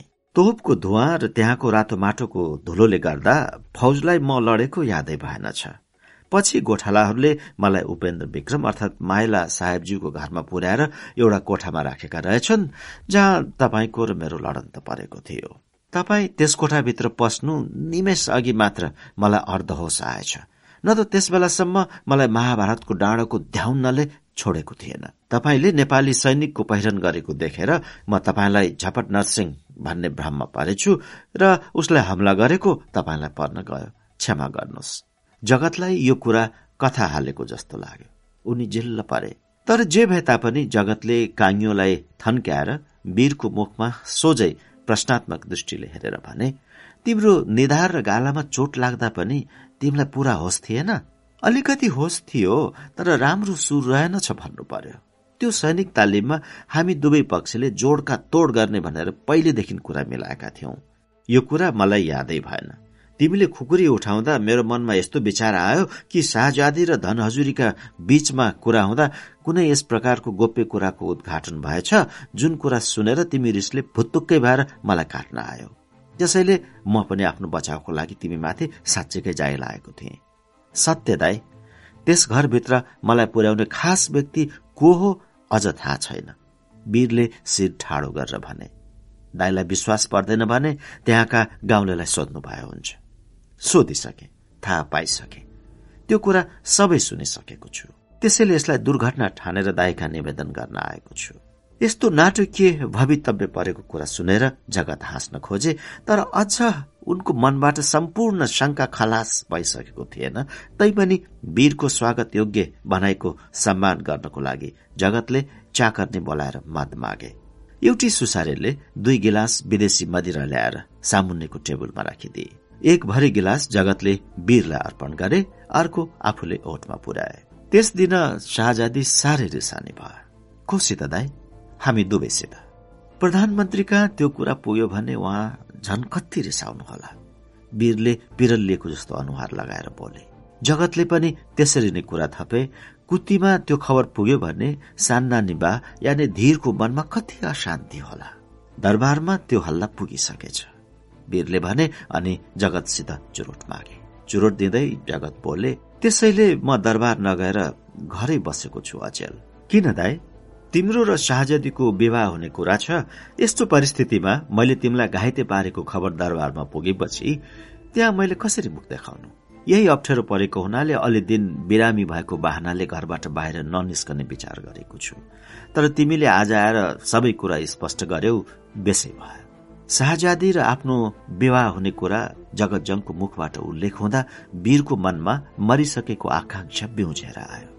मादक पदार्थको प्राकृतिक नशाको स्वभाव अनुसार वीरलाई मनको कुरा स्पष्ट बोल्न साहस आयो र उदार मनले प्रष्टसित बोल्न लागे। दाई शाहजादीको मसित विवाह गर्न मन छैन रे। केही गरेर त्यस काममा बाध्य गराइयो भने उहाँले आत्महत्या गर्नुहुने रे। त्यसैले मसित उहाँको विवाह हुन सम्भव छैन। उहाँको कोसित विवाह गर्ने इच्छा छ त। बुझ पचाएर जगतले सोधे। तपाईँसित? मसित? किन? उहाँको तपाईँसित प्रेम छ अरे। तिमीलाई कसले भने? मैले सुनेको। कहाँ सुन्यौ पूर्व पहाड़मा शाहजादी र धनहजुरीको बीचमा कुरा भइरहेको बखतमा मेरै कानले सुनेको कुरा। त्यो कुरामा जगतले धेरै खोजी नीति गरेनन्। एकछिन गम खाएर सोधे यसमा भाइको के विचार छ? तपाईँले जसो भन्नुहुन्छ त्यसै गर्ने मेरो विचार छ। मैले के भन्ने? शाहजादीलाई तपाईँ विवाह गर्न चाहनुहुन्छ कि हुन्न त्यही भन्ने। उहाँसित विवाह गर्न नचाहने मानिस यो नेपाल अधिराज्यमा को होला? चाहेर मात्र हुँदैन योग्य पति भएर उहाँलाई सुखसित राख्न सक्नुपर्छ। निश्चय म सक्छु। मेरो यत्रो सम्पत्ति के काम यदि मैले उहाँलाई सुखसित राख्न सकिन भने? मेरो सारा सम्पत्ति उहाँको सुखका निम्ति उडाउन म तयार छु। धित मर्ने लामो चुरोटको सर्को तानेर वीरले फेरि सोधे शाहजादीलाई विवाह गरेपछि पनि उहाँलाई शाही सम्मानको मर्यादा राखेर सम्बोधन गर्नुपर्छ। त्यसमा तपाईँको मन्जुरी छ। भाइको सोधाइको अर्थ राम्ररी बुझिन। फेरि भन घरमा शाहजादीलाई भित्राएपछि उहाँलाई तपाईँले पनि सरकार हुकुम भएको भन्ने आदि सम्मानजनक शब्दले सम्बोधन गर्नु पर्दछ आफ्नो मानको वृद्धि भएको बेलामा उहाँलाई दाम राखेर दर्शन गर्नु पर्दछ त्यसो गर्न तपाईँ राजी हुनुहुन्छ? लोग्नेले पनि त्यस्तो गर्न आवश्यक छ र? जरुर छ। उहाँ शाहजादी नेपालको मान्यताकी प्रतीक। लोग्ने भएपछि पनि तपाईँले शाहजादेलाई मालिक ठान्नुपर्छ। जुठो पुरा खानु परेमा पनि इन्कार गर्नुहुन्न। तिमीलाई यी सब कुरा कसले भन्यो? प्रधानमन्त्रीज्यूले भन्नु भएको उहाँले यी सब कुराको राजदरबारमा कबुल गर्नु भएको छ अरे। स्वास्नीलाई पनि मालिक सम्झिनु पर्ने यो कुन देशको चलन आउन लाग्यो नेपालमा? यो बेलायतको चलन रे। भिक्टोरिया महारानीको समक्ष उनका पति साधारण प्रजातुल्य नगन्ने मानिन्छन् रे। त्यसो भए त्यसै सही। भनेर जगतले एकछिनपछि फेरि हाँस्दै बोले बेलायतको सभ्य चलन गरेर हाम्रो हित हुन्छ भने हामी किन असभ्य हुने? हाम्रो कानून र धर्मले लोग्ने मानिसलाई जति स्वास्नी ल्याउन पनि अधिकार छ। वीरले यसपल्ट अलि गम्भीर भएर सोधे तर शाहजादीसँग विवाह गरेपछि तपाईँ त्यस अधिकारबाट वञ्चित हुनु पर्दछ यो कुरा तपाईँलाई स्वीकार छ? कानून र धर्मले दिएको अधिकारबाट पनि वञ्चित हुनु पर्दो रहेछ? निश्चय। शाहजादीमाथि सौता हाल्नाले राजघरानाको अपमान हुन जान्छ। तपाईँले आजीवन एक नारी ब्रह्मचारी रहनु पर्दछ। उहाँमाथि सौता हाल्न आवश्यकै पर्दैन। यी सब कुरामा तपाईँको मन्जुरी छ भने ठिक भयो। लौ अब बिन्ती पत्र लेख्नुहोस्। कसलाई? शाहजादीको हजुरमा? किन? के भनेर बिन्ती पत्र चढाउने? उहाँसित तपाईँको विवाह गर्ने प्रबल इच्छा छ भने त्यही कुरा प्रकट गरेर लेख्नुहोस्। जगत एकछिन निरुत्तर रहे अनि निराश भएर बोले चिठीको कुनै अर्थ आउँदैन। किन? जगत र वीरको काटा काट भएको डरलाग्दो दृश्य देखेर त्यस दिनदेखि उनले जगतलाई पाउने आशा मारिसकेकी थिइन् र विवाह नगर्ने निर्णय लिइन्। जगतले पनि शाहजादीबाट इन्कारीको उत्तर स्पष्ट शब्दमा पाइसकेका थिए। यी सबै बेहोरा जगतले वीरलाई बताए। वीरले निकै बेर सोचे। समय परिवर्तनको धेरै ठूलो धारा हो। यसको बहावमा बहदा बहदा प्रेम घृणामा र घृणा प्रेममा परिणत हुन्छ भन्ने कथन अनुसार अब वीर शमशेरको मनरूपी आकाशमा सभ्य परिस्थितिले गर्दा जगतप्रति उठेको रिसको कालो बादल हटेर स्वच्छ निर्बल हुन बाध्य भएको थियो। उनी चाहन्थे जगत र शाहजादीको विवाह होस् र उनीहरूको वैवाहिक जीवन फलोस् फुलोस् जसले गर्दा अनि उनलाई पनि धन हजुरी पाउन गाह्रो पार्ने थिएन। यही विचार गरेपछि काँपेको स्वरले वीर बोले तपाईँ र शाहजादीको परस्परमा प्रेम छ भने म बीचमा तगारो बन्न चाहन्न। बरु सबै कुरा म मिलाइदिन्छु। तपाईँको बिन्ती पत्र पनि म आफै लगेर शाहजादीको बाहुलीमा टक्राइदिन्छु। मलाई विश्वास गरेर दुई हरफ लेख्नुहोस्। हेरौं उहाँ के हुकुम हुँदो रहेछ। साँच्ची हो? सत्य दाई तिमी आफै गएर शाहजादीलाई मसित विवाह गर्न सल्लाह टक्राउने हो यसले तिमीलाई के फाइदा? गरीबलाई आफ्नो फाइदाका निम्ति भन्दा धनीको फाइदाको निम्ति अग्रसर हुनु पर्दछ भन्न वीरलाई इच्छा लागेको थियो तर भनेनन्। उनको मुखबाट अर्कै कुरा निस्क्यो। तपाईँलाई हुने ठूलो फाइदाको पछाडि मेरो सानो स्वार्थ लुकेको छ। वीरले यो भन्नुको तात्पर्य थियो शाहजादी र जगतको विवाह भएपछि उनले धन हजुरसित विवाह गर्न बाधा पर्ने छैन। तर दाईले भाइको भनाइको भित्री मतलब झट्ट बुझ्न सकेनन् र सोधे भाइ तिम्रो यसमा के स्वार्थ छ? धेरै कुरा नगराउँदै अहिले शाहजादीलाई एउटा बिन्ती पत्र तुरन्त लेख्नुहोस्। जगतले पत्र लेखी सिद्ध्याए थोरै लेखेर धेरै भन्न खोजेको छु।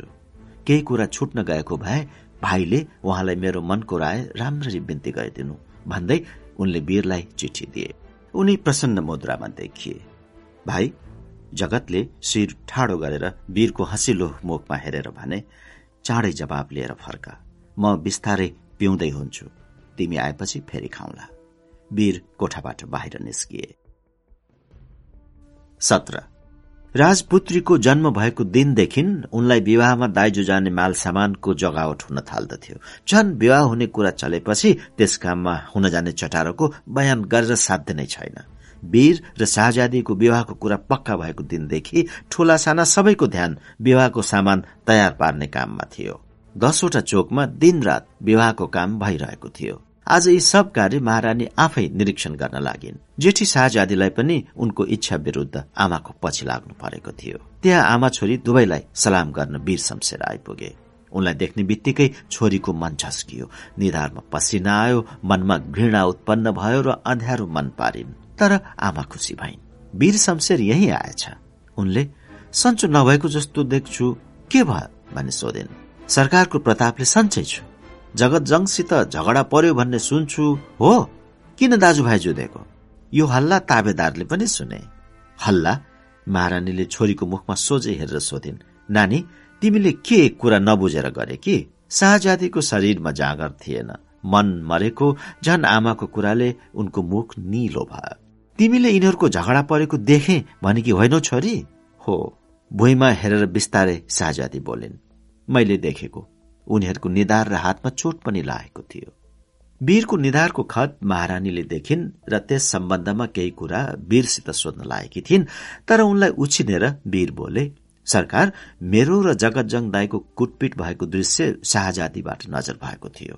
त्यसैलाई झगडा परेको हुकुम भएको होला। अचेल हाम्रो युद्धाभ्यासमा झुटा लडाईँको तालिम त्यस्तै छ। म भोटे भएको थिएँ जगतजङ दाई नेपाली।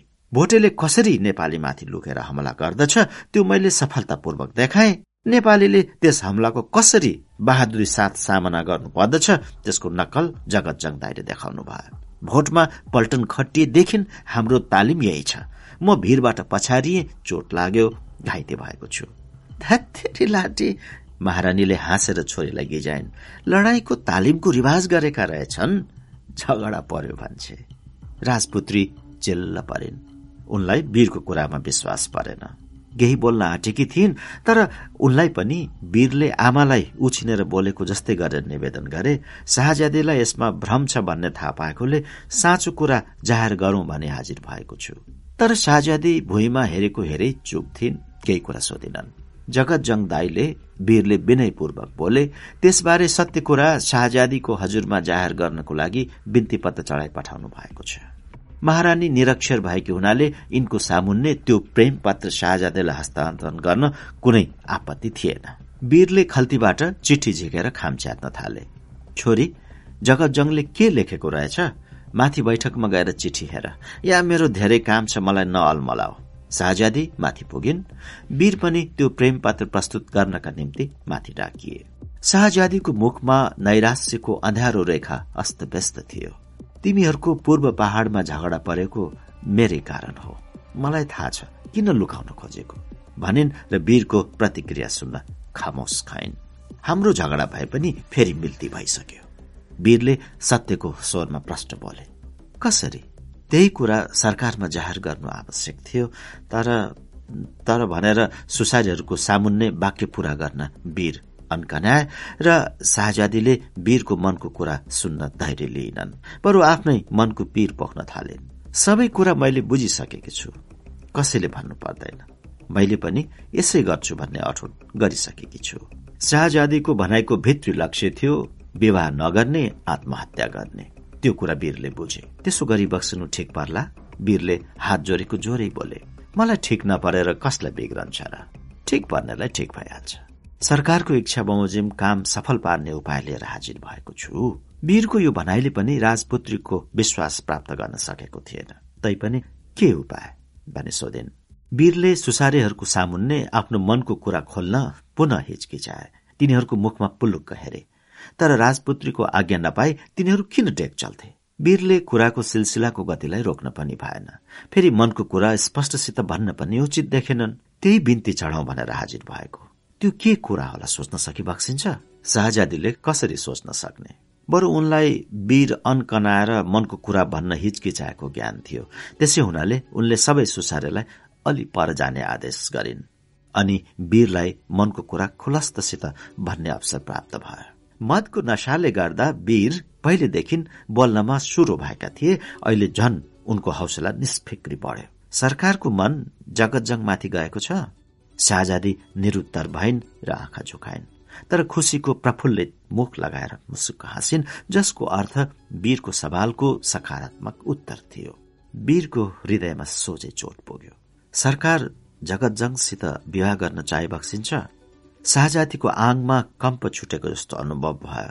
तर चाँडै आफूलाई सम्हालेर उनले बोलिन् उसित विवाह गर्न नचाहने कुन स्वास्नी मानिस होले अरूको कुरा छोडी बक्सियोस्। सरकारको राय स्पष्ट हुकुम होस्। शाहजादीले चाहन्छु भन्न सकिनन् आफ्नो नाडीमा नजर झुकाएर चुरा खेलाउन लागिन् हुकुम होस् न शाहजादीले बोल्नुको सट्टा वीरको मुखमा पुल्लुक्क हेरिन्।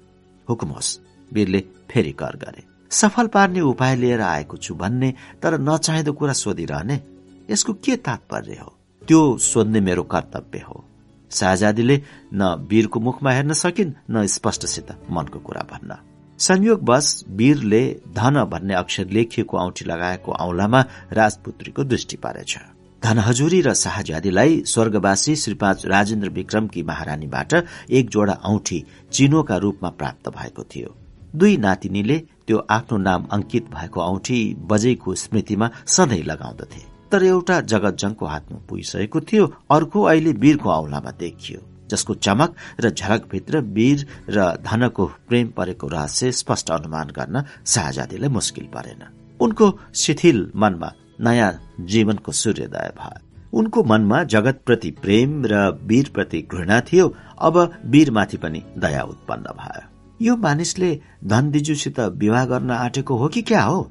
औलामा उहाँबाट बक्सिस भएको औठी देख्छु। वीर मुसुक्क मुस्काए। त्यही भन्न आएको? सरकार भन्न मात्र होइन मिलाउन पनि हाजिर भएको। मिलाउन शाहजादीले निराशाको स्वरमा बोलिन् यहाँ मानिस सपार्ने भन्दा बिगार्ने धेरै छन्। कसरी यो समस्या मिल्न सक्ला? त्यसमा सरकारबाट मन्जुरी मात्र बक्सिनु पर्दछ। अरू सबै कुरा म गुपचुपबाट ठिक पारिदिन्छु। साँच्चै? उसलाई यानि जगतलाई पनि केही अवगाल पर्न आउँदैन? सेवकमाथि विश्वास राखी बक्सियोस् कसैलाई पनि गाल पर्दैन। तिमीहरूमाथि हाम्रो सधैँ विश्वास छ। तर यो कुरा कसरी मिल्ला? मैले उनलाई साफ शब्दमा निराश पारिसकेकी छु। जगतजङ दाईले आशा मार्नु भएको छैन। उहाँको बिन्ती पत्र यही हो। नजर गरी बक्सियोस्। शाहजादीले चिठी पढ्न थालिन्। बिस्तारै मनमा नै पढिन्। चिठी पढ्दा पढ्दै उनको मुखमा खुसियालेको प्रसन्न रेखा शत प्रतिशत स्पष्ट भयो उसले लेखेको छ सबै व्यवस्था वीर शमशेरले मिलाउनेछ भने। के यो कुरा साँचो हो? हो। राजपुत्रीको चेहरामा खुसियाली माथि झन खुसियाली फक्रियो आँखामा हर्षका आँसु देखा परे अनि आँखा पुस्दै चिठी खोकिलामा हालिन्। त्यो गर्दा अचानक उनको नासिका पुट वीरको खाने मुख नजिकै पुगेछ। दुवैलाई याद भएन। यो मानिसले रक्सी खाएको रहेछ। शाहजादीले नाक थुनेर सोधिन् हो सरकार के यतिका सबै कुरा गरेको रक्सीको सुरमा बौलाएर बोलेको हो कि कसो हो? राजपुत्रीले नाक थुनेको थुनै बोलिन् होइन। जगतजङ दाईले कर गर्नु भएकोले अलिकति पिएको। मलाई लागेको छैन। ऊ पनि रक्सी खान्छ? रक्सी बाहेक केही खाँदैनन्। तर त्यो व्यङ्गको शाहजादीले केही यादै गरिनन् र जुरुक्क उठेर गइन्। उनी सामुन्नेको चोटामा पसिन्। त्यहाँबाट भर्याङ उक्लिएको आवाज सुनियो शाहजादीको प्रतीक्षामा जति जति समय बित्दै गयो उति वीरको मनमा झुटा शंका सृष्टि हुँदै आयो। नैराश्यको दुखदायी कल्पनाले छोप्दै ल्यायो। पश्चाताप बढ्यो। सोच्न लागे शाहजादीबाट एकाएक यो स्थान परित्याग हुनु शुभ लक्षण होइन। जगत जङ दाई र मैले रक्सी खाएको थाहा पाएर हाम्रो वंशमाथि नै राजपुत्रीको घृणा उत्पन्न भएको हो कि जगत जङ दाईको विरूद्ध मैले रक्सीको प्रचार गर्ने काम ठिक गरिन। आदि आदि।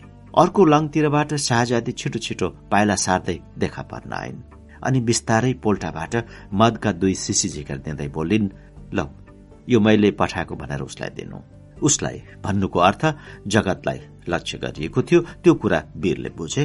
हस भनेर दुवै सिसी जिम्मा लिए अनि खलास मन लिएर हाँस्दै भने उसलाई रक्सी बक्सनु भन्दा चिठीको जवाब बक्सनु जरुरी छ। भोलि लेखौंला। भन्दै शाहजादी पहिले बसेकै कौचमा बसिन्। वीरले पनि खल्तीमा सिसी हाल्दै आफ्नो स्थान ग्रहण गरे। आज हुन सक्ने कामलाई भोलिका निम्ति किन पर सरकार? अहिले लेखी बक्सिए बेस। जति चाँडो उति असल। शाहजादीले इन्कार गर्न सकिनन्। खै के लेखौं? मनको कुरा चिठीमा राम्ररी व्यक्त गर्न सक्दिन भनेर लेख्न लाज मानिन्। सकि बक्सिन्छ सरकारले धन हजुरीलाई पठाइबक्सेको पत्रमा स्वयम्बुको घटना राम्ररी लेखी बक्सेको छ। आफ्नो दिदीबहिनी बीचको गोप्य पत्र वीरले पढेको थाहा पाएर शाहजादीको चेहरा झन लाजले रातो भयो। आमै भन्ने वाक्य उनको मुखबाट फुस्कियो र वीरको मुखमा हेर्न सकिनन्। एकछिनपछि सम्हालिँदै बोलिन् आज मेरो मन ठेगानमा छैन हडबडाएकी छु त्यसैले लेख्न सक्दिनँ भने कि। त्यसो भए म बिन्ती गर्छु सरकार लेखी बक्सियोस् शाहजादी अग्रसर भइन्। माथि लेखी बक्सियोस् श्री ठेगाना लेखी बक्सियोस्। अब जगत जङ कंवर लेखी बक्सियोस्। जगत जङले आफ्नो पुर्ख्यौली घराना उदयपुर भारतका राणा वंश हुन् भन्ने शाहजादीलाई सुनाएका थिए। त्यही कुरा राजपुत्रीलाई याद आयो र उसले भनिन् थर कंवर लेख्न सक्दिन। किन सरकार? कंवर लेख्नुको सट्टा राणा लेखे हुन्न? सरकारको जोर्नेका राजकुमारीले कंवर लेख्न मन गरिनन्। राणा लेख्न पनि हिचकिचाइन् र घोरिन थालिन्। कलम रोकियो। अहिले नाम मात्र लेखिबक्से पनि हुन्छ।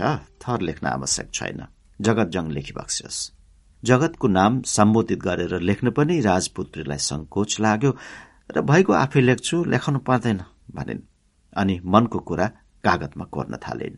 श्री प्राणेश्वर चिठी पाए। यहाँदेखि त्यहीसम्म धन्यवाद। वीरले त्यो कामको अभिभार लिएकोमा साह्रै खुसी लागेको छ। त्यो उसको ठूलो त्याग दूरदर्शिता र महानताको परिचय हो। अरू पछि सदा मायाको अभिलाषिणी श्री पाँच जय शाह। शाहजादीले चिठीमा अत्तर छर्किसकेर खाममा हालिन्। बन्द गरेर छाप लगाउने तर्खर गर्न लागिन्। वीर लाहा पगाल्न थाले। प्रधानमन्त्रीका छोरीहरू दरबार लाग्ने भन्ने सुन्छु हो सरकार? के त्यो कुरा साँचो हो? हो दुवै भाइलाई कन्या मन परिसके रे। युवराज धीराज त्रैलोक्यले जेठी र माइली विवाह गर्ने रे नरेन्द्रले साईले। म जस्तै हिस्सिने हुन् कि या साँच्चीकै हाम्रा बहिनीहरूको भाग्य खुल्ने हो? साँच्चीकै होला। तिनीहरूलाई तालिम गर्नको लागि यहाँबाट धाई सुसारे मनहरा खटिसकेका छन्। त्यो थाहा पाए। यस्तै वाद विवाद गर्दा गर्दै ती मालिकनी र सेवकले चिठीमा लाहाछाप मारि सिद्ध्याए अनि वीरले त्यो चिठीलाई खल्तीमा हालेर बाहिर जान उठे। शाहजादीले पनि कृतज्ञ आँखाले वीरलाई विदा दिइन्। वीर घोडामा गएको गतिलाई शाहजादीले झ्यालबाट हाँसेर हेरिरहन्। घोडा पैया चालमा थियो। वीरको एक मन भन्न लाग्यो वीर च्यातिदे यो चिठी। शाहजादी आत्महत्या गर्न सक्दिनन् बुढी कन्या बस्ने प्रश्न नै उठ्दैन। उनको विवाद तँसित हुन्छ त नडरा नहडबड शक्ति र सम्पत्तिको नेपाल हो। यी दुवै थोक तेरा हात पर्छन् ऐश्वर्यकी खानी सौन्दर्यकी मूर्ति नदी भन्दा पवित्र शाहजादीलाई जगत जङको हात गर्ने गल्ती काम त नगर। त त्यागी नबन सिद्धान्तमा नबग आएको मौका नचुका नेपाललाई चिन। यहाँ मानवता छैन। चिठी च्यातिदे उनको अर्को मन भन्थ्यो शाहजादीसित विवाह गर्नु मूल उद्देश्य हो सुख शान्तिसित जीवनयापन गर्न पाउनु। तर राजकन्यालाई घर भित्राएर त्यसको उल्टो परिणाम हुन्छ भने त्यो विवाह उचित छैन। फेरि आत्मा जगत जङसित गएको शाहजादीको खोक्रो शरीरलाई अप्नाएर तँलाई के लाभ? शाहजादीको आशा नगर। सूर्य अस्त भएपछि बत्तीको सहारा लिनु बुद्धिमत्ता हो। त त्यसै गर। सूर्य जस्तै उजाले शाहजादीलाई त्याग्नु परे तापनि बत्ती रूपी धन हजुरीलाई हत्याउने दाउ नछोड। नत्र जीवनभर अन्धकारमा बस्नु पर्नेछ दूरदर्शी बन व्यावहारिक बन तेरो काँधमा ठूलो परिवारको गह्रौं उत्तरदायित्व छ। फोको नाङ्गो परिवार। शाहजादीका निम्ति खिचौला गरिस् भने धन हजुरी पनि हातको माछा जस्तै भई फुत्किने छिन्। याद गर यस्तै विचारमा उफ्रदा उफ्रदै उनी मनहारा पुगे। कोठामा जगतजङ एक्लै थिए तर मदको नशाले गर्दा उनलाई वीर त्यहाँ आएको यादै हुन सकेन। उनी शाहजादीको एक तस्विर छातीमा राखेर उनको मायालु सम्झनामा रोइसकेका थिए। उनको स्वरभङ्ग वाक्यमा बेपर्दाको अश्लील उच्चारण थियो। मानौ दुवै प्रेमी प्रणय कूपमा लट्ठिरहेका थिए। यो दृश्य देखेर वीरको मुख अँध्यारो भयो। चिठी र रक्सीको कोसिली हस्तान्तरण गरेर जगत जङबाट कृतज्ञता प्राप्त गर्ने ठूलो अभिलाषा लिएर वीर हतारिँदै आएका थिए तर उनको मनको आशा मनैमा रह्यो। ठाडै खुट्टा फर्किए। दलान कोठामा जगत जङ्की जेठी र माहिली बहिनी टहलिरहेका थिए। ती दुई महिलाको हिँडाइमा असाधारण चाल देखेर वीरको मनमा तिनीहरूको गोडामा चोट लागेछ भन्ने पर्यो र टाढैबाट सोधे सरकारहरूको पाउमा के भयो? वीरले बहिनीहरूलाई जिस्काउनको लागि सरकार र पाउ भन्ने सम्मान सूचक वाक्यको प्रयोग गरेका थिए तर यी कुनै कुराको यादै नगरेर बहिनीहरू आफ्नो बाटो लागे। दरबारमा लागेपछि मात्र हाम्रो सलाम फर्काउने हो कि कसो हो?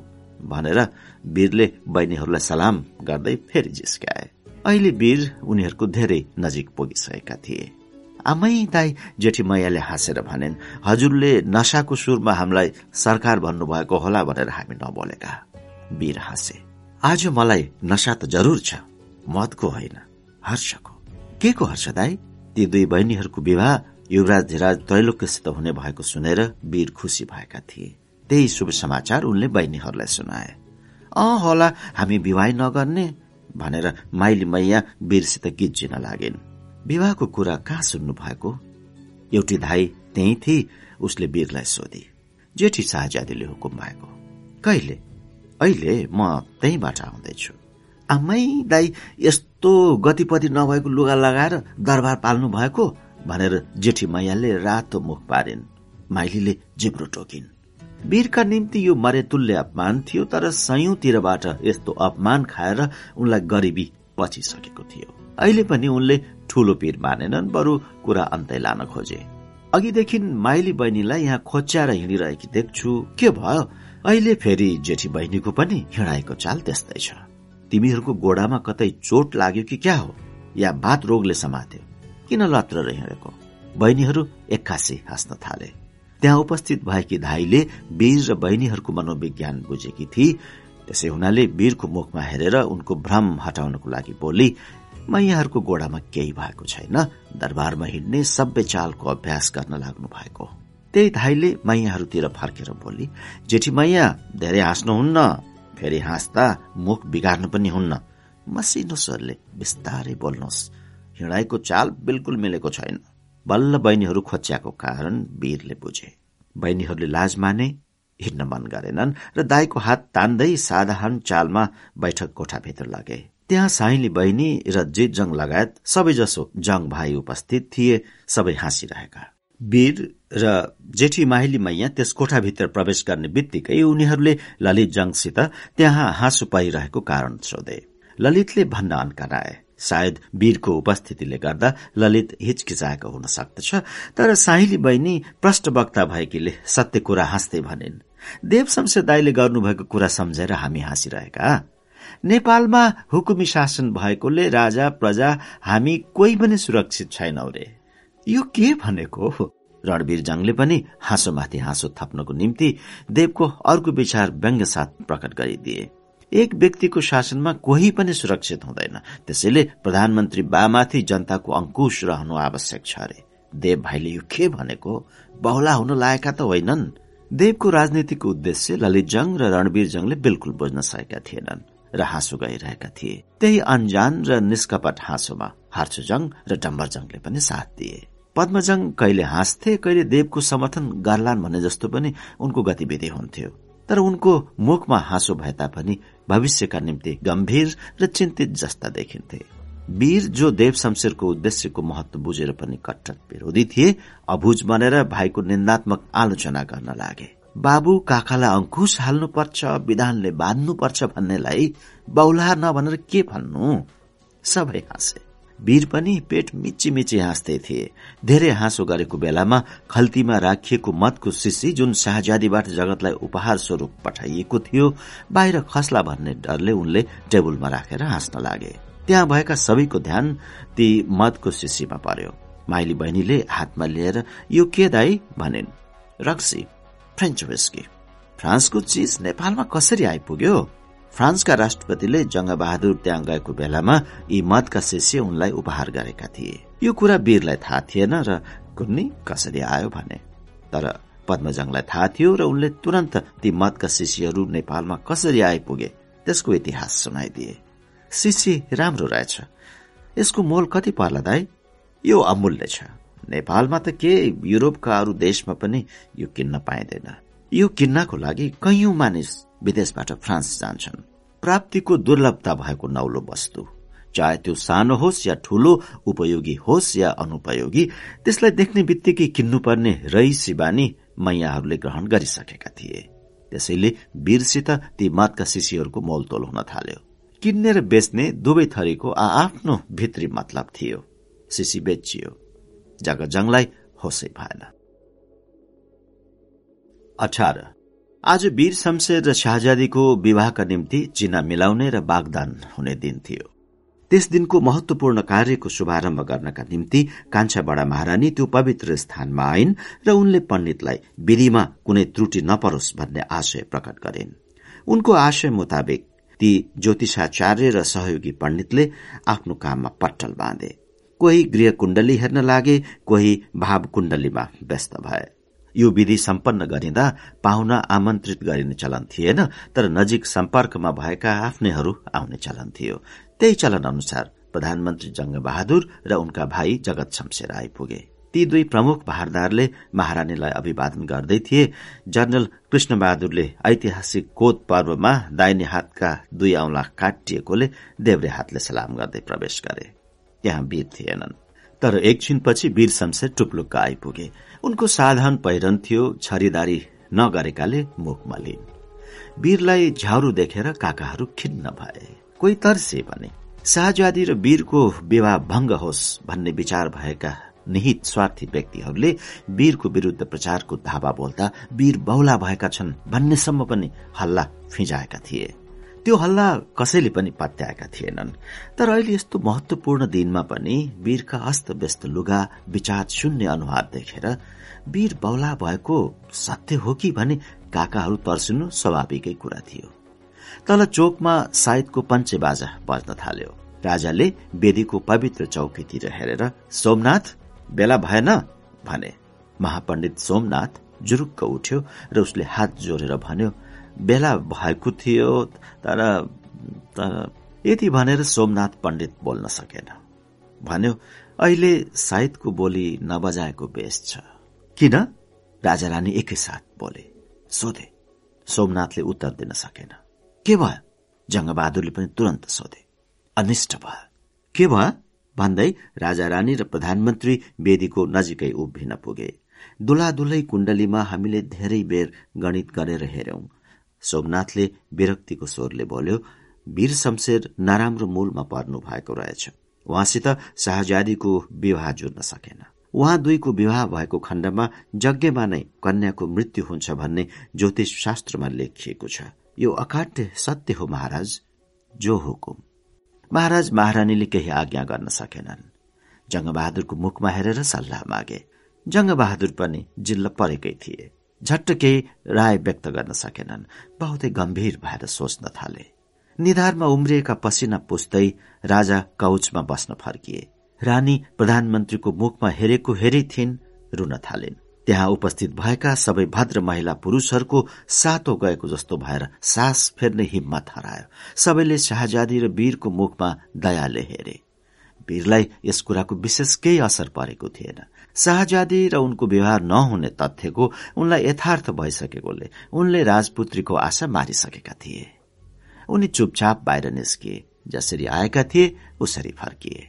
मानव समाजलाई यसरी मुस्किलको परिस्थितिमा अल्मल्याइदिने बागदानको रीतिलाई जङ्गबहादुरले फजुल ठाने जस्तो सती जाने प्रथाप्रति उनले हालैमा नयाँ ऐन बनाएर विद्रोह गरेका थिए त्यस्तै यो ज्योतिष शास्त्रको आड़मा जीवित रहेको बागदानको पुरानो प्रचलनप्रति पनि उनमा क्रान्तिकारी भावना उत्पन्न भयो। उनले यो रूढिवादी रीति स्थितिमा क्रान्तिकारी सुधार ल्याएर वीर र शाहजादीको विवाह सुसम्पन्न गराउने मनसुबा लिए। त्यसो गरेर नेपाललाई नयाँ बाटो देखाउने उनको इरादा भयो।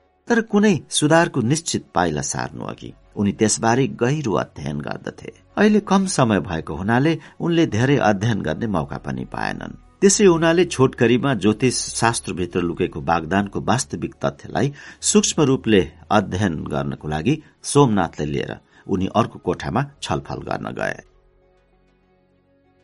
उन्नाइस। छोरीको सपना सत्य हुन आयो। सरकारलाई सपनाको कुरामा विश्वास छैन भन्दै महारानी झन रुन थालिन्।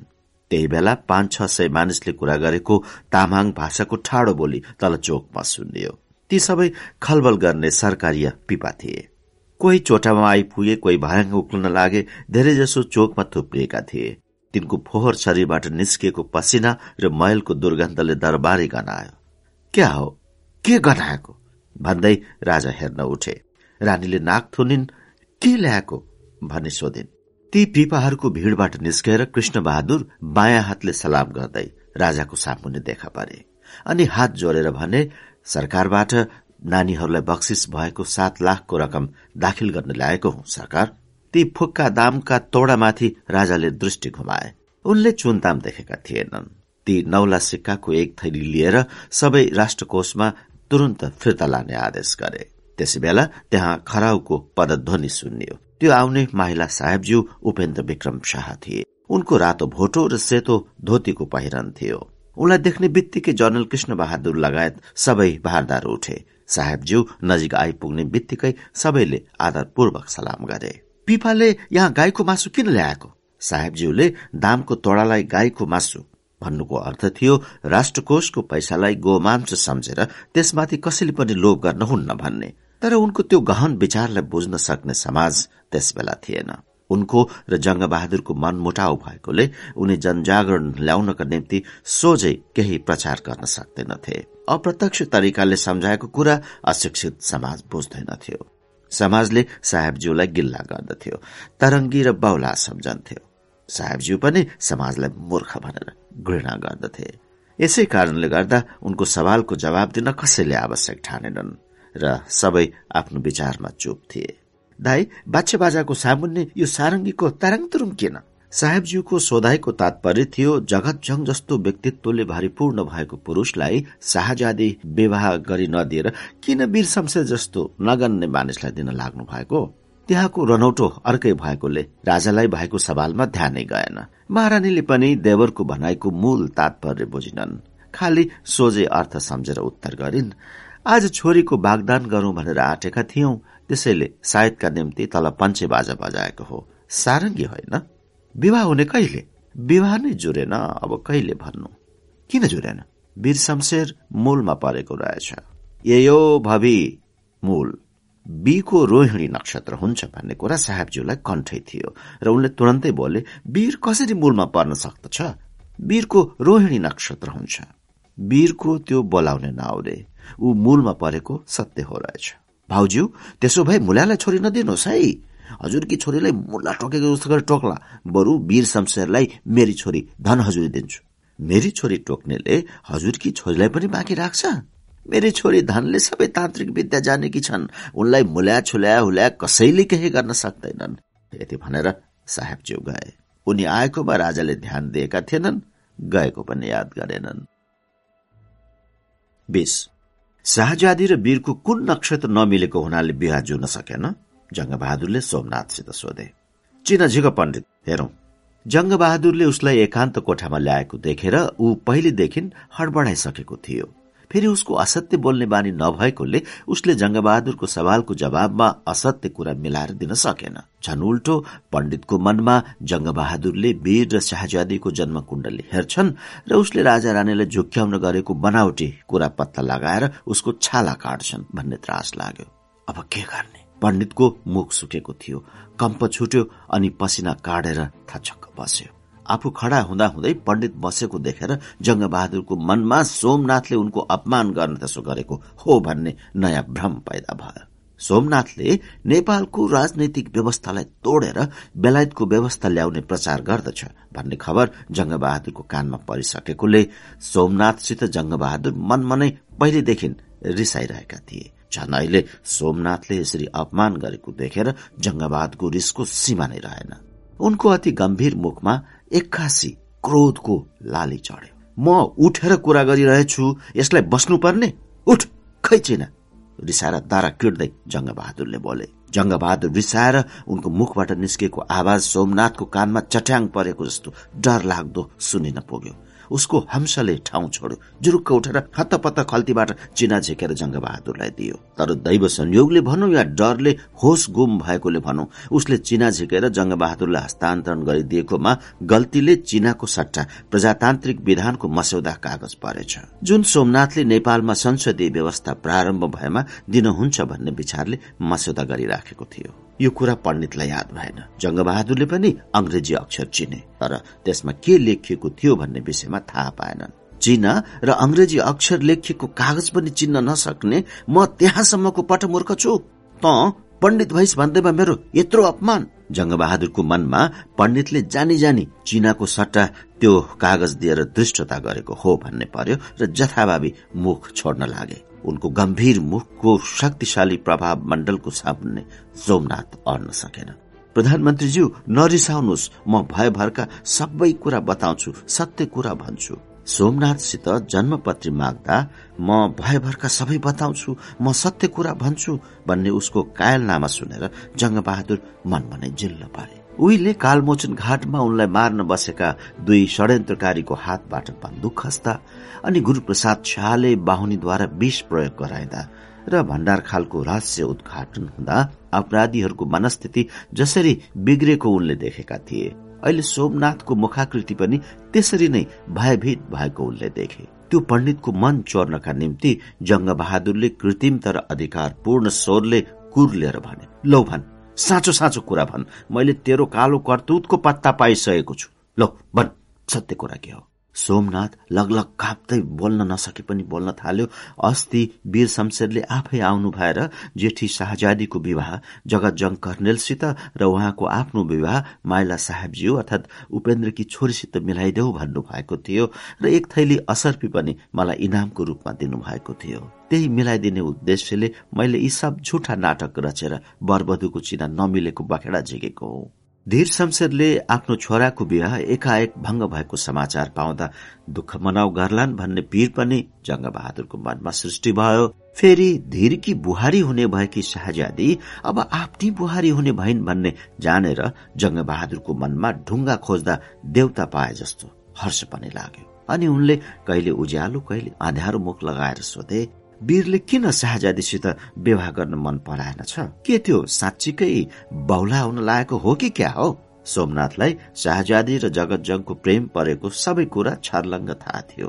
त्यही कुरा जङ्ग बहादुरलाई भन्यो र फेरि शाहजादीले आफूले ताकेको व्यक्तिसँग विवाह गर्न नपाए बुढी कन्या बसेर बिताउने कुरा पनि सुनाइदियो। पूर्व पहाड़मा वीरलाई परेको घटना शाहजादीको आत्महत्या गर्ने संकल्प र अरू यावत कुरा उसले थरथर काप्दै खोलिदियो। यथार्थमा अब सत्य कुरा गर्ने हो भने वीर र शाहजादीको विवाह भंग भएकोमा धीर शमशेरले पनि पश्चाताप गर्ने बाटो थिएन।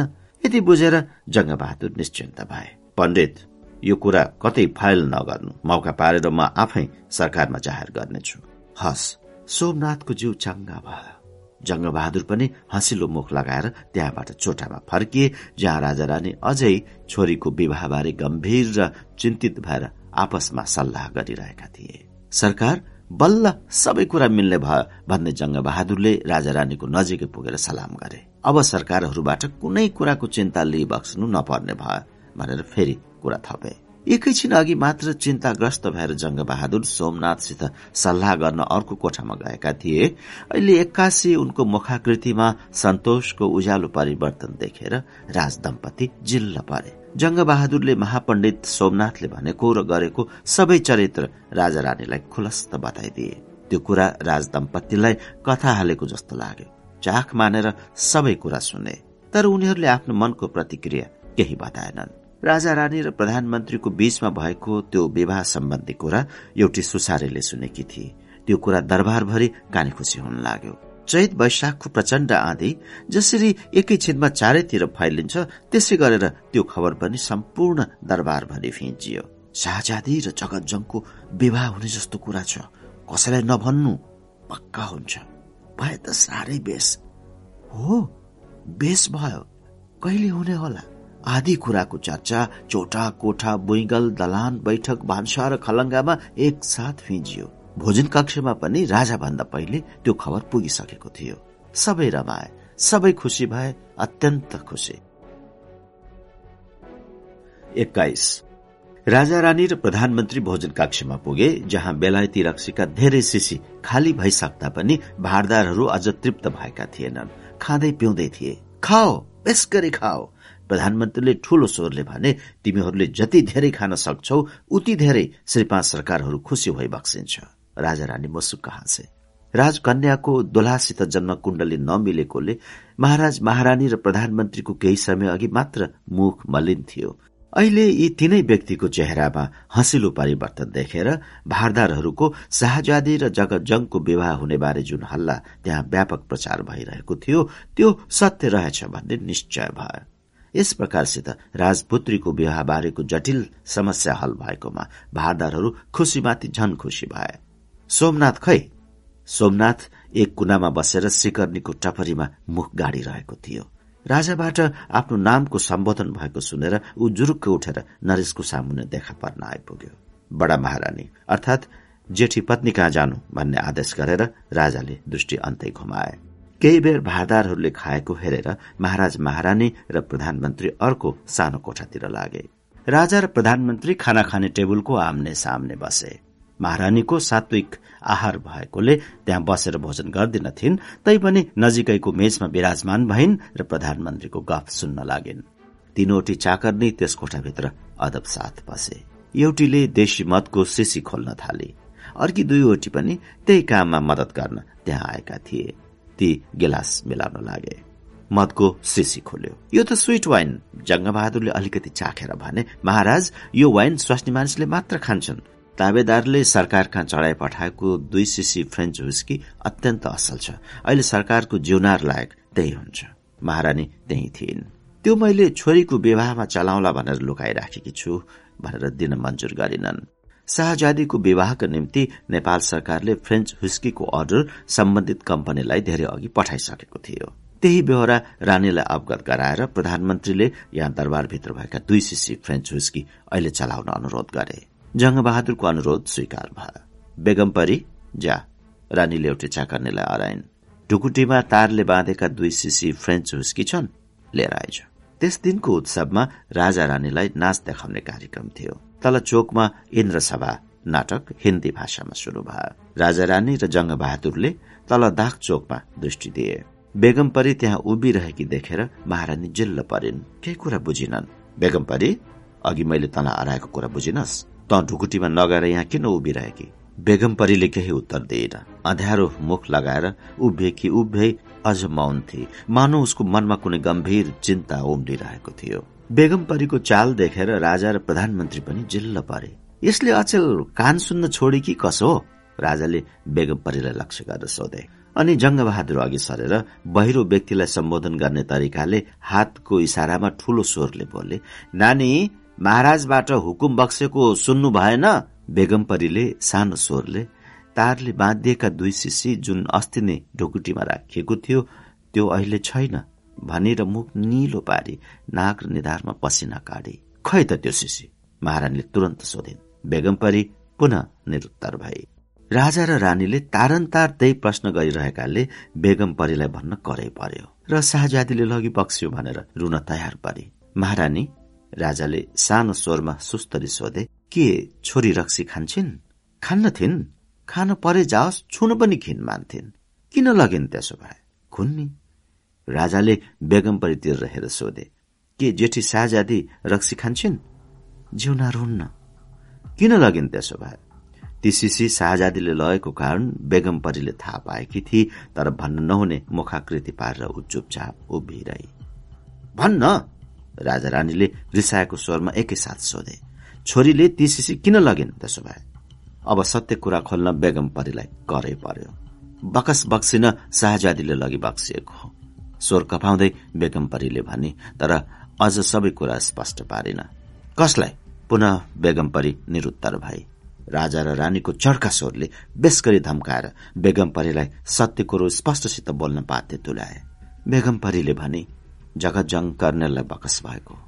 जेठी महारानी जो त्यहाँ थिएनन् उनीसित सल्लाह नगरेर वीर शमशेरलाई दिइने भएकी शाहजादीलाई एक्कासी जगतजङलाई विवाह गरिदिने कुराको प्रचार गर्न उचित नहुने भएको कारणले गर्दा राजा रानी त्यस सम्बन्धमा पहिलेदेखि मौन थिए अहिले पनि उनीहरूले केही प्रतिक्रिया जनाएनन्।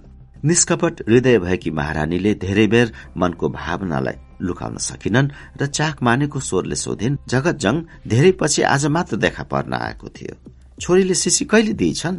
वीर शमशेरको हात पठाइ बक्सेको बेगम परीले उत्तर दिए। यस विषयमा धेरै कुरा खोतल्न उचित नदेखि रानी पुनः चुप लागिन्। राजा र प्रधानमन्त्री पहिलेदेखि नै त्यस विषयमा चुप थिए। अहिले पनि केही प्रतिक्रिया देखाएनन्। त्यहाँ सन्नाटा छायो। राजाको आज्ञा मुताबिक जंगबहादुर पनि रक्सीका शिशीहरू राखिएको ठूलो दराज जुन कोठाभित्र सजाइएको थियो खोल्न गए। त्यो दराजको माथिल्लो खण्डमा स्कच रक्सीका शिशीहरू भारी भराउ थिए। बीचको खण्डमा ब्ल्याक एण्ड व्हाइट राखिएको थियो सबैभन्दा तल। व्हाइट हाउसका लेभल मार्का शिशीहरू टम्मै। यी सबै मादक पदार्थ जंगबहादुरले राजामा चढ़ाएका आफ्नो युरोप यात्राका कोसिली र उपहार थिए। उनले ती मध्येबाट व्हाइट हाउसको एक सिसी झिकेर टेबलमा ल्याए। राजा र प्रधानमन्त्री दुवैलाई त्यो सिसीमा लेखिएको अंग्रेजी अक्षरको माने लाग्दैन थियो तर ती दुईले त्यो सिसीमा टाँसिएको सेतो घोडाको तस्विर देखेर त्यसभित्र भएको मदको स्वाद र अंग्रेजी नाउँ थाहा पाए। सरकार फ्रेन्च हुस्की भन्दा यो पनि कम दर्जाको होइन राजा मुसुक्क हाँसे। सरकार जिउनार नहोस् रानीले लोग्नेलाई भनिन्। यो बनेकै महाराजका निम्ति हो। जङ्गबहादुरले हँसिलो मुख पारेर तुरन्त बोले राजा महाराजा र सम्राट नवाबहरूले जेउनार नभएमा यो किमती रक्सी बन्ने सिप नै संसारबाट लोप भएर जान्छ। यसको कम्पनी फेल हुन्छ महारानीले लोग्नेको मुखमा हेरेर निवेदन गरिन् मैले सरकारलाई धेरै जिउनार नगरी बक्सियोस् बिन्ती गरे कि? जति पी बक्से पनि महाराजको गातमा केही हानि गर्दैन। यो बेलायती हो। युरोप भ्रमणबाट फर्केर आएपछि जङ्गबहादुरको बेलायती हर वस्तुमाथि विश्वास बढ़ेको थियो। त्यसै हुनाले त्यसमा पनि यो व्हाइट हज बेलायतको रक्सी मध्ये सबैभन्दा असल प्रमाणित भएको छ भने। अ होला भनेर महारानीले अविश्वास प्रकट गरिन्। यो बेलायतमा बनेको सर्वश्रेष्ठ रक्सी भएकोले त्यहाँकी महारानी भिक्टोरियाले गौरव गरेर यसको एक बाकसभरि रक्सी मलाई उपहार दिनुभएको थियो। छि रक्सीमा पनि के गौरव गरेकी होलिन् बेलायतकी महारानीले? सरकार महारानी भिक्टोरिया आफ्नो देशको जेसुकै असल माल बने पनि गौरव मान्नुहुँदो रहेछ। राजा र प्रधानमन्त्रीले एकैसाथ भरि गिलास उठाए। जय सिसौदिया वंश। नेपाल नरेशको प्रताप बढोस्। हाम्रा राजा रानी सदा अमर रहन्। जङ्गबहादुरले यति बाँकी कुनै मनमा नै कुनै राजा रानीले सुन्ने गरेर बोले अनि पिउन सुरु गरे। त्यसको उत्तरमा महाराजले पनि मुसुक्क हाँसेर सानो घुटको लिए। बेलायतकी महारानीलाई कुन रक्सी असल कुन खराब कसरी थाहा हुन्छ र उनले यस रक्सीमा गौरव गर्ने? के उनी पनि रक्सी खाँदिरहेछन्? पिउनुहुन्छ सरकार? फेरि एक घुटको निलेर जङ्गबहादुरले रानीलाई उत्तर दिए। हामीहरूको सम्मानमा उहाँले आफ्नो शाही महलमा रात्रि भोजको आयोजना गर्नु भएको थियो। त्यस भोजमा उहाँले पनि रक्सी पिउनु भयो सबैको सामुन्ने बेलायतकी महारानीले रक्सी पिएको? हो सरकार। यस रात्रि भोजमा भिक्टोरिया महारानीले जङ्गबहादुरलाई कौचमा बस्ने आज्ञा गरिन्। जसै महारानीको आज्ञा अनुसार जङ्गबहादुरले कौचमा आसन ग्रहण गरेका थिए महारानी स्वयं पनि सोही कौचमा विराजमान भएर रक्सी पिएकी थिइन्। बेलायतको यो अनौठो रीतिको पनि जङ्गबहादुरले आफ्नी महारानीलाई बोध गराए। नेपालकी महारानीले लाजले रातो मुख पारिन्। शरमले बोल्न नसकेर लोग्नेको मुखमा हेरिन्। लोग्नेको मनमा जगत जङ र शाहजादीको विवाह गरिदिनु उचित होला या वीर शमशेरलाई नै शाहजादी दिनु बेस भन्ने विषयमा कुरा खेलिरहेको थियो। यसैले त्यहाँ चलिरहेको कुराको प्रसंगमा उनको ध्यानै थिएन। तैपनि स्वास्नीले आफ्नो मुखमा पुल्क हेर्ने बित्तिकै राजा सम्हालिएर मुसुक्क हाँसे अनि उनी पनि रानी र प्रधानमन्त्रीको वार्तामा संलग्न भए। त्यस भोजमा प्रधानमन्त्रीले सोझै भन्न थाले हजारौं पाहुना आमन्त्रित थिए। ती सबैले रक्सी भरिएको गिलास उठाएर तीन पटक मेरो चिरायुको कामना गरे। अनि पहिले महारानी भिक्टोरियाले पिउन शुरू गरिन् अनि अरू पाहुनाले खान र पिउन थाले। त्यसैले यहाँ मानिसहरू तेरो विषयमा भए नभएको कुरा काट्दा रहेछन्। महारानीको भनाईको लक्ष्य थियो जंग बहादुरको बारेमा भएको अश्लील प्रचारको विषयमा। त्यो कुरा जङ्गबहादुरले बुझिसकेकै थिएनन्। त्यही बेला दुईटी बाहुनीले चाँदीको किस्तीमा सेतो रुमालले छोपेर खानेकुरा ल्याए। सबैको ध्यान त्यतातिर आकर्षित भयो। चलिरहेको प्रसंग एकछिनका निम्ति हरायो। बेलायतमा शाहजादीहरूको विवाह गरिदिने केटो कसरी निर्णय गरिने रहेछ? सरकार त्यहाँ कन्याले आफै वर रोज्ने चलन रहेछ। तर बाबुआमाले एउटा केटोलाई दिने घोषणा गरिसकेपछि छोरीले त्यस घोषणाको विपरीत अर्को केटो रोजिन् भने त्यस हालतमा कुन केटोसित त्यो कन्याको विवाह हुने चलन रहेछ बेलायतमा? त्यहाँ कन्याको इच्छाको विपरीत विवाह हुनै सक्दैन। राजा मुसुक्क हाँसे तर मनको प्रतिक्रिया वाक्यले केही नजनाएर कालिजको छाती टोक्न थाले। प्रधानमन्त्री पनि खाँदै कुरा गर्न लागे। केही बेरपछि राजाको भोजन सकियो। राजाले जेठी महारानीको लङतिर प्रस्थान गरे। प्रधानमन्त्रीले जगतजङ र शाहजादीको विवाहबारे राजासित कुरा चलाउने उपयुक्त समय अझ पाएका थिएनन् र पछि लागे। यी दुवैको मनमा जगतजङ र शाहजादीको विवाहबारे कुरा खेलिरहेको थियो। बाइस। के गर्न लाग्यो? नाच हेरिरहेकी। जेठा बडा महारानीले लोग्नेलाई उत्तर गरिन् र उनको गोडामा ढोक दिइन्। त्यस कोठामा भरभराउँदो आगो भएको दुईवटा चाँदीका बोर्सी थिए। बिर्को लाएको अल्मुनियम तापके पित्तलले कसौडी र सानो कराई पनि तयार देखियो। ती सब सामानलाई देखाएर राजाले फेरि सोधे यो के नि? सरकारको जिउनारको सामान ठिक पार्न लागे कि? राजाले केही भन्न लागेका थिए तर उनले बोल्नु अघि जङ्गबहादुरले रानीलाई दर्शन गर्दै कुरा शुरू गरे। महारानी सरकारबाट पकाउने काम पनि आफैले कष्ट गरी बक्सेको? महाराजको जिउनारको सामान अरूले छोएको मलाई चित्त बुझ्दैन। महारानीले उत्तर दिइन्। आगो पनि सरकारबाट फुकी बक्सने तकलिफ गरी बक्सेपछि अब हामी नोकरको आवश्यकता नै परेन। महारानी मैले खानेकुरा खाइसके। भनेर राजाले त्यहाँ उनका निम्ति भोजन तयार गर्नको लागि राखिएका सबै सामग्रीहरू त्यस स्थानबाट हटाउने आदेश गरे। सरकारले पी पनि बक्सेछ हो महारानी जङ्गेले रहर गरेर मैले अलिकति चाखेको। हो सरकार जङ्गबहादुरले कपाल कनाउँदै भने फ्रेन्च हुस्की छ कि भन्ने बिन्ती गरेको थिए त्यो रहेनछ व्हाइट हर्समा परियो। रहर गर्नु मात्र भयो फ्रेन्च हुस्की मसित छ। सरकारसित भएको फ्रेन्च हुस्की होइन होला। दुई सिसी फ्रेन्च हुस्की ताबेदारले पाउमा चढाइ पठाएको थिए त्यो दरबारबाट बाहिर गइसकेछ। अरू त्यस्तो यहाँ बजारमा किन्न पाइँदैन। यहाँ त के युरोपमा पनि सबै ठाउँमा त्यो फ्रेन्च हुस्की पाउन मुस्किल छ। पाउन मुस्किल होस् या सजिलो त्यो कुरा मलाई थाहा छैन तर ती दुई सिसी फ्रेन्च हुस्की मसित छन्। जङ्ग बहादुरलाई महारानीको भनाइमा पत्यार परेन। राजाले पनि अविश्वासको हाँसो गरे। तर महारानीले साँच्चा साँच्चीका मुख लगाएर फ्रेन्च हुस्की आफूसित भएकोमा जिद्दी गर्न थालिन्। सत्यको शपथ खाइन्। खैल्याउ हेरौं। राजाले सत्य झुटो पत्ता लगाउनका निम्ति त्यो फ्रेन्च हुस्कीको सिसी आफ्नै आँखाले हेर्न खोजे। रानीले घन्टी ठोकिन् एक दफा सुसारे देखा पर्न आए। ठुलद्वारे जा अस्ति युवराजा धिराजले मलाई पठाएको तारले बाँधिएका दुई सिसी ढुकुटीबाट चेकेर ले। द्वारे सिसी लिन गई अरू सुसारी पनि उसैसित बाहिर निस्के। जङ्गे भन्दै महारानीलाई सोमनाथले आज गरेको चरित्र। महापण्डित सोमनाथले जगतजङ र शाहजादीको विवाह गराउनका निम्ति जुन रहस्यपूर्ण जाल रचेर वीर शमशेरसित शाहजादीको विवाह नजुर्ने बाहना बनाएको थियो ती सबै कुरा जङ्ग बहादुरले महारानीलाई भन्न थाले। अध्योपान्त सुनाए। जेठाबडा महारानीलाई यस कुराको पहिले नै सूक्ष्म रूपले संकेत प्राप्त भइसकेकोले अहिले केही आश्चर्य प्रकट गरिनन् तर सोमनाथले चिना भनेर दिएकोमा अर्कै कागत परेको सुनेर उनी हाँस्न थाले अनि हँसिलो मुख लगाएर बोलिन् मेरा छोराहरूको पनि त्यही चाल छ। के सरकार? प्रधानमन्त्रीले तुरन्त सोधे। युवराजहरूको मनसाय के छ? युवराजा धीराजले तेरो छोरीहरूसित बाहेक अरूसित विवाह नगर्ने रे माइला नरेन्द्रको पनि त्यस्तै जित्दै छ। विवाह नहुँदै माया प्रीति गर्ने यो कुन देशको चलन आयो अचेल? महारानीले बुढौली पाराले भनिन्।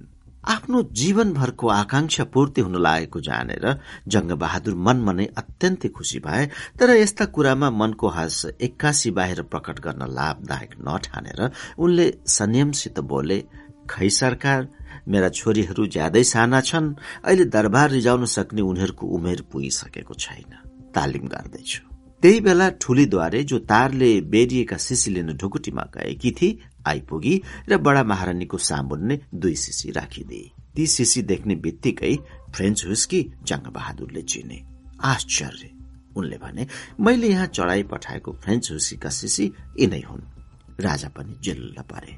शाहजादी कहाँबाट जगत जङलाई बक्सिस पठाएको हुस्की फेरि दरबारभित्र कसरी आइपुग्यो भन्ने बारे त्यहाँ कुरा हुन थाल्यो। युवराजा धिराजले आफू कहाँ राख्नु पठाएको कुरा महारानीलाई याद थियो तर युवराजा धिराजले कहाँबाट प्राप्त गरे भन्ने बारेको रहस्य उनलाई पनि जानकारी नभएकोले जिल्ल परिन्। सरकार ठुलीद्वारेले अघि सरेर भने ती दुई शिशी प्रधानमन्त्रीका छोरीहरूले युवराजा धिराज कहाँ चढाई पठाएका थिए।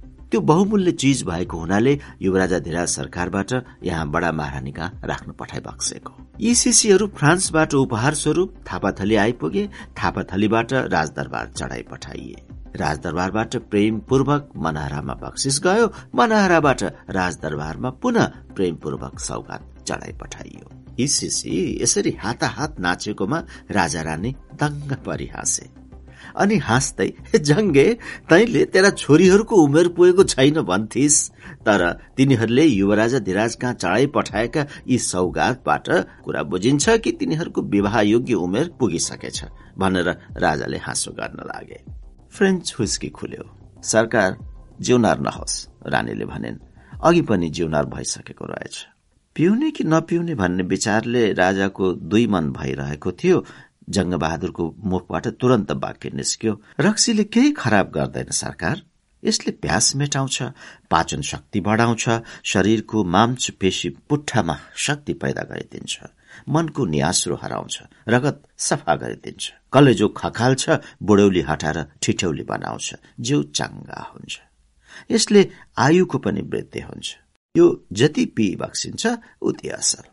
राजाले ढोकातिर फर्केर चलिरहेको प्रसंग अन्त्यतिर मोड्न खोजे। बाहिर को छ? सोमनाथलाई माथि बोला। हस् सरकार भनेर बाहिरबाट पाँच छवटी चाकर नै त्यहाँ देखा पार्न आए। अनि राजालाई दर्शन गरेर सोमनाथलाई बोलाउन तल ओर्लिए जङ्गे राजाले प्रधानमन्त्रीतिर हेरेर भने बेलायतको गफ सरकार आदि गिलास भुइँमा राखेर जङ्ग बहादुरले कुरा झिके। बेलायतमा प्रधानमन्त्री सागको पात फेरिएको जस्तै बराबर बदली भइरहँदा रहेछन्। त्यस्तो फितुलो राजकाज गरेर त्यहाँका शासकहरूले कति दिन महारानीबाट जस पाउन सक्ने हुन्? मलाई व्यवस्था ठिक लागेन। त्यो कुरा तैले त्यहाँका प्रधानमन्त्रीलाई सम्झाइनस् महाराज। तिनीहरू मेरा कुरा के सुन्थे? झन उल्टो तिनीहरू यहाँ नेपालमा पनि बेलायतको जस्तो शासन पद्धति शुरू गर्न भनी सधैँ मलाई सल्लाह दिन्थे। किन? राजाले चाख मानेर सोधे भीमसेन थापा र माधवर सिंहको प्रधानमन्त्रीत्वमा गोरा जातिलाई एसियाबाट धपाउने सधैँ योजना हुन्थ्यो। तर परिस्थितिले गर्दा जङ्ग बहादुरको शासनकालमा ठिक त्यसको विपरीत अंग्रेजसित घनिष्ठ मित्रता कायम भयो। नेपालको यो वैदेशिक नीति अंग्रेजलाई लाभदायक भयो र नेपालको अंग्रेजसित मित्रता बढ्दै गयो। त्यसै हुनाले भिक्टोरिया महारानी लगायत बेलायतका सबै उच्च कर्मचारीहरूले नेपालमा संसदीय प्रजातन्त्र व्यवस्थाको प्रारम्भ गर्न सच्चा सल्लाह दिएका थिए तर त्यस कुराको जंग बहादुरले महत्व बुझ्न सकेनन् र कुइरो काग जस्तै भएर जिल्लिएका थिए। त्यसै हुनाले अंग्रेजले जुन शब्दले त्यो सल्लाह प्रदान गरेका थिए उनले त्यही शब्द र वाक्यद्वारा राजाको समक्ष छोटकरीमा दोहोऱ्याउन थाले। नेपालको राजनीतिक व्यवस्था खतराले खाली छैन रे। यस व्यवस्थाले मेरो र मेरा सन्तानको नाश हुन सक्दछ अनि राजाको पनि कल्याण हुँदैन भनेर तिनले ठोकुवा गरे सरकार। राजाको कल्याण हुँदैन भनेको सुनेर रानीको मुख अँध्यारो भयो। जंग बहादुरले पनि अंग्रेजले यो सल्लाह दिएकामा तिनसित चित्त दुखाएका थिए। अहिले पनि देख्दार देखिए। राजा पनि अरू कुनै कल्याणकारी उपाय सोच्नका निम्ति मन र मस्तिष्कलाई काममा लगाएर आफू मौन रहे। त्यही बेला पण्डित सोमनाथ देखा पर्न आइपुग्यो र स्वस्ति गर्न थाल्यो। क्या हो सोमनाथ? अंग्रेजले नेपालमा पनि उनीहरूको देशको जस्तो राजनैतिक प्रणाली लाद्न खोज्दा रहेछन्। यसको के तात्पर्य हो?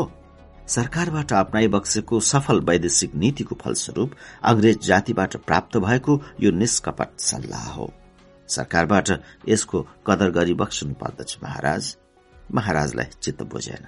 तिनीहरूका कमारा हौ र महारानीले पनि मन नपराएर बोलिन् तिनले जसो भन्छन् हामीले उसै गर्नुपर्ने। कुनै अनुभवी व्यक्तिले कसैलाई शिक्षा दियो भने त्यो शिक्षा प्राप्त गर्ने मानिस कमारो हुन सक्दैन। बरु भविष्यमा त्यस मानिसले बढ़ी अनुभव प्राप्त गरेर आफै प्रसिद्ध शिक्षक बन्न सक्दछ भन्ने सोमनाथसित तयारी उत्तर थियो। तर त्यसो गर्नाले रानीलाई ओठे जवाफ गरेको जस्तो पर्न जाने भएकोले सोमनाथ बोल्न सकेन खालि हात जोडेर उभिर यो पण्डितको मनसाय मैले सबै बुझिसकेको छु सरकार। जङ्गबहादुरले हाँस्दै बोले म माथि अंकुश हाल्ने। सरकार बाँधी बक्सेपछि नेपालमा भाँड भैलो चलाउने यिनको दाउ हो। अरू कुनै कुरा होइन सरकार। यिनी चाहन्छन् बेलायतको जस्तो भाँड भैलो र उच्छृङ्खल राजनीति प्रधानमन्त्रीको भनाइमा राजा रानीले चित्त बुझ्यो र हाँस्न थाले। सोमनाथको विचार ठिक जङ्गबहादुरको भनाइको विपरीत थियो। संसद गठन भएपछि आज राजामाथि जुन नैतिक बन्धन छ त्यसबाट मुक्त भइबक्सन्छ भन्ने। तर पण्डितले जसरी महारानीको विपरीत बोल्न सकेन त्यसरी प्रधानमन्त्रीसित पनि राय बजाएन। चुप लागेर उभिर। राजकाज विषय गफ निकै बेर चल्यो। त्यस विषय धेरै छलफल गरिरहनुमा राजाको भित्री उद्देश्य थियो जगत जंगलाई जंगबहादुरको पदको पहिलो उत्तराधिकारी घोषित गर्ने उपाय पत्ता लगाउनु। जंगबहादुरको अर्कै दाउ थियो। कास्की र लमजुङको श्री तीन महाराजको पदवी प्राप्त गर्ने।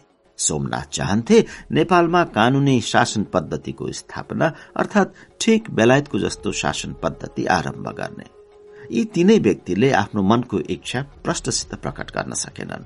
त्यसैले जङ्गबहादुरको बेलायतमा स्वागत भएको गफ चल्यो। कहिले रणबहादुर शाहको हत्या भएको कुरा उठ्यो। कहिले बेलायतमा दुई शताब्दीसम्म राजा प्रजाको बीचमा संघर्ष भएको र अन्त्यमा संसदीय प्रजातन्त्र प्रणालीको शुरूआत भएदेखि त्यहाँ शासन व्यवस्था सुचारू रूपले चल्दै आएको अनि बेलायतमा विकास भएको कुरा उठ्यो। जापानको पनि करिब बेलायतसित मिल्दो जुल्दो इतिहास थियो।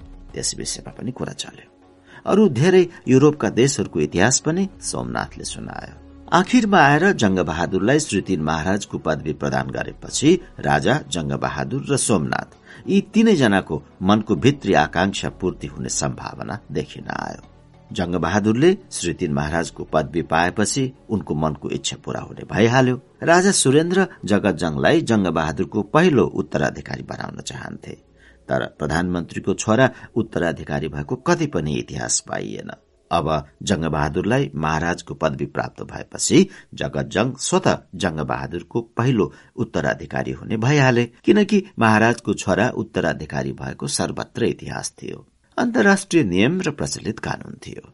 यसरी राजाको इच्छा पनि जङ्गबहादुर महाराज भएपछि पूरा हुने भइहाल्यो। श्री पाँच र श्री तीनको आदरणीय सिंहासन राजकीय झमेलाबाट अलग राखेर संसद खड़ा गर्ने उपाय सोच्न सजिलो पर्छ। भन्ने सोमनाथले पनि आशा गर्यो। अब जंग बहादुर श्री तीन महाराज हुने भएपछि युवराज त्रैलोक्यका पत्नीहरू पनि महाराजकी छोरीहरू हुने भए शाहजादीहरू पनि महाराजकै घरानामा विवाह भई जाने भए। यसले गर्दा जंग बहादुर श्री तीन भएकोमा श्री पाँच बडा महारानी पनि खुसी भइन्। यसरी जंग बहादुरले महाराजको पदवी पाउने भएकोमा सबै खुसी भए। जंग बहादुरले कास्की र लमजुङका महाराजको पदवी पाए। श्रीतिन भन्ने र आफ्नो थर पनि राणा घोषित गर्ने भए। यही खुसियालीमाथि झन खुसियाली थप्नको लागि जगतजङ र शाहजादीको विवाह हुने पक्का पक्की तय भयो। फ्रेन्च हुस्कीको दुवै सिसिरित दिए तेइस। तिब्बतबाट नेपाली पल्टन फर्किएपछि जगतजङ र जेठी शाहजादीको विवाह हुने निर्णय भए अनुसार ती दुईको आज शुभ विवाहको दिन थियो। जन्ती प्रस्थानको समय ठिक भयो। जुलुसमा पहिले काठका पुतलीका ताती डोर्याइए अनि बाजाको तालमा महाकाली र देवी नाच उफ्रदै गए। बाजा गाजा थियो सांस्कृतिक नाच त्यसपछि फौज हिँड्यो। जुलुसको बीचबीचमा हौदा सहित सिंगारिएका हात्ती र घोडचडी रिसल्ला थिए। अनि एक बग्गीमा कलश कलसौडी र अरू बग्गीमा मड्यौलीहरू थुप्रिए। प्रत्येक बग्गीमा बसेका मड्यौलीका बेग्ला बेग्लै रङका लुगा देखिन्थे। अत्यन्त राम्ररी सिंगारिएर चाँदीको हौदा कसिएको हात्तीमाथि दुला चढे। दुलाको हात्ती पछाडि एक टुकडी सैनिक राखिए। त्यसको पछाडि हात्तीको ताँती लाग्ने भयो अनि ब्यान्ड बाजा र झाउकिरी बाजाले स्थान ग्रहण गरे। ठिक त्यसको पछाडि शिवप्रसाद नाम गरिएको प्रसिद्ध अग्लो हात्तीमाथि श्री तीन महाराज जंगबहादुर जर्नेल धीर शमशेर जर्नेल बबरजङ र गुरूज्यू विजयराज थिए अनि पाँच सय फौज पछि लाग्यो। प्रत्येक हात्ती र बग्गीको बीच बीचमा एक दुई सय सशस्त्र सैनिकको नियमित गति थियो। बाँकी फौज पछि लाग्न तयार पर्यो। दुलालाई ब्यान्ड र तोपबाट जर्नेली सलामी दिइएपछि सम्पूर्ण जुलुस हिँड्यो। त्यो जन्ती हेर्नका निम्ति काठमाडौँ उपत्यका र पहाड़ मधेसका हजारौं हजार नरनारी काठमाडौँ मूल सड़कका दुवै किनारामा दुई दिन अघिदेखि भीड़ लागेको थियो। जय महाराज! भनेर ती दर्शकको असंख्य ठूलो भीड़ले अभिवादन गरेर जंगबहादुरमाथि आफ्नो असीम भक्ति प्रकट गरेको आवाज चारैतिर गुन्जियो। महाराज जंगबहादुर स्वभावैले हाँस्न जान्दैनथे। उनी सधैँ सशंकित सतर्क र भयभीत देखिन्थे। तर बेलायतको भ्रमणबाट फर्केर नेपाल आएपछि उनी बेलायतको सभ्य सिको टिपेर नेपालमा जनसमक्ष मुस्काउन थालेका थिए। अहिले पनि त्यो अपार जनसमूहबाट निस्केको स्तुतिमय जय ध्वनिलाई स्वीकार गर्ने उद्देश्यले उनी मुसमुसु हाँस्दै हात्तीको चालमा अघि लम्किँदै गए। तर अधिनायकवादी कठोर आत्मसंयम र प्रजातान्त्रिक सद्भावनाको प्रेमपूर्ण आकृति मिल्दोजुल्दो नहुने भएकोले जंगबहादुरको मुखमा देखा परेको मुस्कान सच्चा भावना व्यक्त गर्ने सार्वलौकिक मधुर मुस्कान नभएर एक अधिनायकवादी मनको कठोरता प्रकट गर्नका निम्ति अहंकार ओकलिन लागेको घृणित मुखाकृति जस्तो देखिएको थियो। समझदार पारखीको लागि मात्र त्यो प्रष्ट थियो। सर्वसाधारणले थाहा पाउन सक्दैनथे। त्यस बेलाको अशिक्षित समाजले यी सबै नक्कली देखावटी र बनावटी कुराका सूक्ष्म रूपले केही याद गरेन। महाराज मुस्काएको देखेर सबै खुशी भए। महाराजका स्तुतिगान गर्नमा सबै तल्लीन थिए। यसरी बढाई र बाछे बाजाको तालमा नियमित गतिले हिँडेको जन्ती चार घण्टामा राजदरबार भित्रियो। दरबारमा सबै मानिस हाँसी खुसी प्रसन्न चित्त थिए। सबै भोज खान लागे। भोलिपल्ट दोलालाई लिएर युवराज अधिराज त्रैलोक्य र नरेन्द्रले ठूलो बैठकमा प्रवेश गरे। दुलालाई हेर्नका निम्ति भद्र महिलाको व्याप्त भीड़ थियो। तछाड मछाड पर्यो। एकछिनपछि सबै दुलाको सामुन्ने पुगे। जर्नेले पगरी लगाएका जगतजङ दुलाको वेशभूषामा अत्यन्त सुकुमार देखिएका थिए।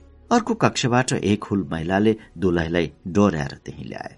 श्रीपाँच शाहजादी जगतजङको बामाङ्गी। जीवनभर मेरी प्रेसी। यही हर्षले जगतजङको श्वास बढेर आयो। शरीर काँप्यो नेत्र तरंगित भए हडबडाए मुखको पसिना पुछ्न थाले। शाहजादीका पनि प्रेम तर्पण चिन्ता र नैराश्यका दिन मिलाए। जीवन डुङ्गा अब मजधारबाट निक्लिसकेको थियो। त्यसलाई ख्याउने अब आफ्नै समीपमा भएकोले अब किनारा पनि धेरै टाढा थिएन। घुम्टोभित्र दुलैको हैसियतले घोप्टेकी शाहजादीको मुख स्पष्ट देखिँदैनथ्यो खालि उनी कहालिँदै रोएकी सबैले सुने। नरौ नानी भन्दै आमा बाबुले राजपुत्रीलाई फुल्याउन थाले। राजपुत्री झन कुणिन लागिन् दरबारका सबै मानिसका आँखामा आँसु आयो। राजा रानी पनि रुन लागे। सबै रोए। दुला दुलैलाई यज्ञमा लगियो र होम र वैदिक ऋचाबाट विवाहको विधि शुरू भयो। हिजो जगजङलाई लिएर आएको जन्तीको जुलुस आज दुल्हान फर्काउने जुलुसमा पनि भाग लिन तयार भयो। हिजोको जुलुसमा भन्दा आजको जुलुसमा स्वभावैले बढ़ी जनसंख्या देखियो। श्री पाँच युवराजा धिराज त्रैलोक्य र नरेन्द्र विक्रम पनि त्यस शाही जुलुसमा सम्मिलित भएकाले सुनमाथि सुगन्ध थपिएको जस्तो गरेर त्यो जन्ती फर्काउने जुलुसको रौनक बढ्न गयो। नेपाल अधिराज्यका सबै फौज पुलिस र निजामती कर्मचारीलाई त्यस जुलुसमा भाग लिन थप उर्दी थियो। भाइ भारदारको अतिरिक्त सन्त महन्त साहु महाजन गुरू पुरोहित र प्रतिष्ठित सबै भलादमी त्यस जुलुसमा भाग लिनका निम्ति बोलाइएका थिए। जनसाधारणको लेखै भएन। देश विदेशका राजा रजौटाहरू पनि निम्ताइएकोले अंग्रेज राजदूत पनि आए। राजदूतले पाँच सय हात्तीमाथि दाइजो जाने माल सामान लाद दिएको देखेर आश्चर्य मान्दै औंला टोके। उनकी पत्नी त्यसरी नै खुसी भइन्। यो अंग्रेज दम्पतिको उपस्थिति पनि तमासेहरूको लागि विशेष आकर्षणको विषय थियो। अर्को हेर्न लायकको चिज थियो झण्डावाल नौ घोडे साले बम बग्गी जुन बग्गी फ्रान्सबाट बनेर आएको थियो। त्यसमा लागेका घोडाहरू अस्ट्रेलियाबाट झिकाइएका थिए। यस्तो उत्कृष्ट बग्गी पनि पूरा सजधजका साथ सवार र सहिस लगायत सबै राजपुत्रीको दाइजोमा पठाइन तयार भयो। त्यस बग्गीभित्र बसेका धाई सुसारे र मडौलीहरूले हालेका हजारौं थरी अत्तरको चर्को सुगन्धले गर्दा ढल र नालको निकास नबनेको सधैँको दुर्गन्धी काठमाडौँ पनि आज मकमक गम्किन थाल्यो। दुल्हा दुलै सुनको हौदामाथि चढे। दुल्हा गम्भीर र अचल थिए। दुलही घुम्टोभित्र बिरहले व्याकुल।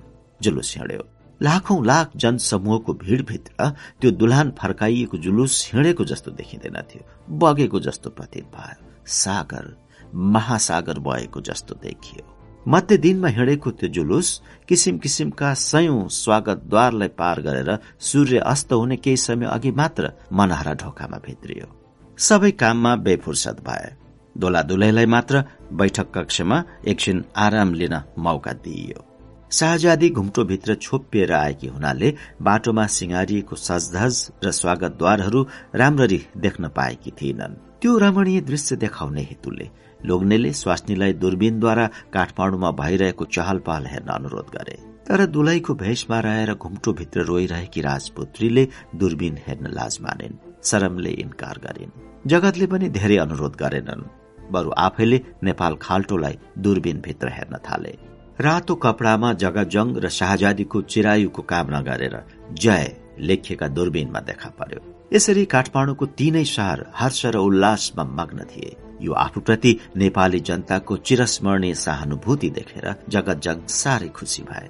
आफ्नो बाबुले बसालेको राजनैतिक पद्धतिका उनी कट्टर समर्थक थिए। झन आज उपत्यका भित्रका तीनै निवासीहरूले दर्शाएको आफूप्रतिको भक्तिलाई उनले जंगबहादुरको सफल राजनीतिको देन भनी ठाने अनि उनले दूरबीनलाई मनहरा नजिकैको ठिमी गाउँतिर घुमाए। त्यहाँ पनि ठिमेलीहरूले दुईवटा रातो तोरणको कपडामा ठूल्ठूला अक्षरले जगतजङ र शाहजादी राम र सीता हुन् भन्ने प्रशंसा लेखेर दुला दुलैको दीर्घायुको मंगल कामना गरेका थिए। त्यो देखेर जगतजङ झन खुसीले मुक्त भए। यो खुसियाली बाँड्नको लागि जगतजङले शाहजादीलाई काठमाडौँ उपत्यका हेर्न पुनः नम्र निवेदन गरे। यसपल्ट शाहजादीले लोग्नेको अनुरोध स्वीकार गरिन्। लोग्ने स्वास्नी साथी भएर दूरबीनद्वारा नेपाल खाल्टो हेर्न थाले। कान्तिपुर ललितपुर र भक्तपुरको अतिरिक्त सम्पूर्ण नेपाल खाल्टो झिलिमिली र हर्षोल्लासपूर्ण थियो। सबै नेपाली भक्तिमा चुर्लुममा डुबेका देखिए। चौबिस। अहिया अहिया साह्रै दुख्यो बुबु। खपि नसक्नु भयो बुबु लौ न दुख्यो। म उठ्छु लौ न मर्न लागे भनेको खपि नसक्नु भयो। सरकार एकछिन उठी भक्सनु भएन। अलिबेर खपी भक्सियोस्। केही हुँदैन। किन डराई भक्सिएको? जगत जङसित जेठी शाहजादीको विवाह भएको वर्ष माइला शाहजादीको विवाह पनि जित जङसँग भएको थियो। श्रीपाँच युवराजा धिराजले एकैसाथ दुईटी कन्या विवाह गर्नुपर्ने शाही परम्परा अनुसार युवराजा धिराज त्रैलोक्यको विवाह जंगबहादुरकी जेठी र माइली छोरीसित सुसम्पन्न भयो। नरेन्द्र विक्रमले साईले विवाह गरे। सबैभन्दा पछि वीर शमशेरको विवाह धन हजुरीसित भएको थियो। यी सबै युगल जोडी मध्ये सर्वप्रथम जेठी शाहजादी गर्भवती भएकी थिइन्। आज उनलाई प्रसुति वेदना भइरहेको थियो। सधैँकी लज्जालु शाहजादीलाई आज प्रसव पीड़ाले निर्लज्जा पार्यो। उनको मुख रगत चुइला जस्तो रातो भएर खुम्चिसकेको थियो। चार हात खुट्टा टेकेर रुन थालिन् अनि घोप्टो परेर चिच्याउन लागिन्। कन्ने व्यथा शुरू भयो। यो व्यथा अनुभव नभएका स्त्रीहरू त्यहाँ उपस्थित भएमा प्रसुति वेदना लम्बिन्छ भन्ने अन्धविश्वासको प्रथा त्यहाँ प्रचलित भएकोले त्यस्ता काँचा स्त्रीको आगमन त्यस कोठाभित्र निषेध गरिएको थियो। त्यसैले धेरैजसो सुसारे ढोका बाहिर बसेर तुलबुलाइरहेका थिए। मालिकनीको पीड़ित अवस्था देखेर तिनीहरू पिरल लिएर हड बढाउन लागे। हड बढाएर पसिना काट्ने मध्ये जगत जङ पनि एक थिए। उनी निधारमा पसिना र मनमा स्त्रीको मायाले अधैर्य भएका थिए। चुरोटको लामो सर्को तान्न लागे। शाहजादीलाई प्रसुति वेदना भएको समाचार पाएर जंग बहादुर लगायत उनका भाइ छोरा भतिजा सबै मन हराए minister and commander in chief general Bam Bahadur बिरामी भए तापनि शाहजादीलाई व्यथा लागेको समाचार सुनेर लट्ठी टेक्दै मनहरा दाखिल भए त्यहाँको ठूलो बैठकमा श्री तीन र उनका भाइहरू शाहजादीको स्वास्थ्य बारे चिन्तित भएर बसिरहेका थिए साथै शाहजादीको पुत्र जन्मिन्छ कि भन्ने तिनको मनमा ठूलो आशा पनि थियो पुत्री भएमा निराश हुनु स्वाभाविक भयो बम बहादुरले त्यहाँ पुग्ने बित्तिकै शाहजादीको गाथमा अहिले कस्तो छ भनी जेबबाट घडी झिकेर समय हेरे। बिहानको ठिक दस बजेको थियो। कन्ने व्यथा शुरू भएको छ अरे जङ्गबहादुरले भाइलाई उत्तर दिए। बम बहादुरको उपस्थितिमा सधैँ तिब्बतको लडाईँमा भएका उनका कटु अनुभवको व्याख्या शुरू हुन्थ्यो। अहिले पनि घुमाई फिराई त्यही कुरा चल्न थाल्यो। स्वास्थ्य मानिसका निम्ति यो समय हामी लोग्ने मानिसलाई युद्ध फत्ते गर्नु जस्तै कठिन समय हो भनेर बमले त्यहाँको प्रसुति वेदनाको धुकचुकीको विषयलाई मोडेर तिब्बतको युद्धको गफमा परिणत गर्दै कुरा झिके। यसपल्टको लड़ाईमा भोटले हामीसित जोरी खोजेको चीनको मदतको आश्वासन पाएर रहेछ। तर चीनले भोटलाई उस्तो मदत गर्न सकेन। चीनमा आफ्नै घर कलह छ जंग बहादुरले भने अरूलाई के मदत गर्दथे? के कुरामा चीनमा घर कलह उठेको? रणदेवले सोधे। प्रजातान्त्रिक पद्धतिका निम्ति त्यहाँ राजा र प्रजाको बीचमा मनोमालिन्य छ। प्रजातन्त्र भन्ने वाक्य नेपालमा बिरानो थियो। श्मशान शान्ति छाएको नेपालमा। त्यो उच्च पद्धतिको चासो कसैलाई थिएन। हुन त महापण्डित सोमनाथले प्रजातन्त्र व्यवस्थाको विश्लेषण जङ खलकका पहिले पनि स्वतन्त्र रूपसित गर्दथ्यो। झन जगजङ र शाहजादीको विवाह भएपछि उसको धुन बस्न गयो। त्यो कुरा जङ्ग बहादुरलाई मन परेन र धेरै पटक पण्डितलाई झपारेका थिए। पछि डाँडा कटाएर मुगलान धपाइदिए त्यसपछि कसैले उसलाई बोक्सो भन्न थाले कसैले बौला। त्यही कुरा रणोदेव सिंहलाई सम्झना आयो र उनले जङ्ग बहादुरलाई सोधे सोमनाथ साँच्चीकै बौला भएको हो? कि या उसको भनाइमा कुनै तथ्य पनि छ? ऊ भन्दथ्यो चीनमा उपयुक्त समयमा संसदीय प्रजातन्त्र व्यवस्थाको आरम्भ नभएकोले त्यहाँ राजा र प्रजाको बीचमा मनोमालिन्य छ। पछि त्यसले सशस्त्र क्रान्तिको रूप लिन पनि बेर लाग्ने छैन। नभन्दै सोमनाथले भनेको जस्तै नराम्रो वातावरणको सृष्टि हुन लागेको छ त्यहाँ। उसको भनाइ अनुसार चीनको जस्तो नराम्रो परिस्थिति यहाँ नआओस् भन्ने दृष्टिकोणले नेपालमा पनि राजनीतिक विकास हुनु अत्यन्त आवश्यक छ। के यो कुरा सत्य होला? सोमनाथको भनाइको भित्री उद्देश्य के हो? सोमनाथको नाउँ सुन्ने बित्तिकै जङ्गबहादुरको कञ्चट तातेर आउँथ्यो अचल साह्रै रिसाउँथे। अहिले पनि मेरो सामुन्ने त्यो बौला पण्डितको नाउँ नै नल्याउ उनले क्रोधमा तम तमाएर व्यङ्ग्यात्मक तरिकाले बोले उसको भित्री उद्देश्य थियो यहाँ भाँड भैलो मचाउने हाम्रो देशमा बेलायतको व्यवस्था आवश्यक छैन। हाम्रो माटोमा हाम्रै बुद्धिले काम गर्दछौ। सबै भाइले जङ्गबहादुरको विचारमा आफ्नो समर्थन जनाए। अरू भाइको त कुरै पर रहोस्। जङ्गबहादुरसित बेलायत गएका जगत शमशेर र धीर शमशेर जसलाई बेलायतको प्रतिष्ठित प्रधानाचार्यहरूले प्रजातन्त्र पद्धतिको लाभदायक पक्षमा प्रशस्त जानकारी दिएका थिए त्यस्ता कुरा कानभरि सुन्ने दुई शमशेर भाइले पनि जङ्गबहादुरको कुरा काटेर प्रजातन्त्रको सही व्याख्या गर्न आवश्यक देखेनन्। बेलायतमा जङ्गबहादुरलाई उनका व्यक्तिगत मित्रहरूले नेपालमा प्रजातान्त्रिक व्यवस्था प्रवर्तन गर्नले तिम्रो इतिहास सुवर्ण अक्षरले लेखिनेछ भनेका थिए। त्यही कुरा उनलाई अहिले सम्झना भयो। र किन तिनले त्यस्तो सल्लाह दिए होलान् भन्ने विचारले महाराज घोरिरहे। जनतालाई राजनैतिक स्वतन्त्रताबाट वञ्चित गरेमा तिनको मस्तिष्क शून्य हुन्छ अनि ती मूर्ख हुन्छन् स्वार्थी र भ्रष्टाचारी एक मित्रले भनेका थिए। त्यो कुरा सम्झेर जङ्गबहादुर मनमा नै खिसेका हाँसे। त्यो गिजाउने हाँसो थियो। असन्तोष प्रकट गर्ने चित्त नबुझेको हाँसो। त्यस्तो अनाडी जनता देश र समाजका निम्ति घातक सिद्ध हुन्छ अर्को मित्रले भनेका थिए। त्यो कुरा सम्झेर जङ्गबहादुर झसङ्ग भए। उनी कहिले मुसुक्क हाँस्न लागे कहिले डराएर झस्कन थाले। सबै भाइ चुप थिए। त्यही बेला सामुन्यको ढोकाबाट महापण्डित भुवनेश्वरले भित्र बैठकमा प्रवेश गर्यो। ऊ भूपू महापण्डित सोमनाथको रिक्त स्थानमा हालै मात्र नियुक्त भएकोले जङ्गबहादुरसित बहुतै अनुग्रहित थियो। चाप्लुसीमा निपुण।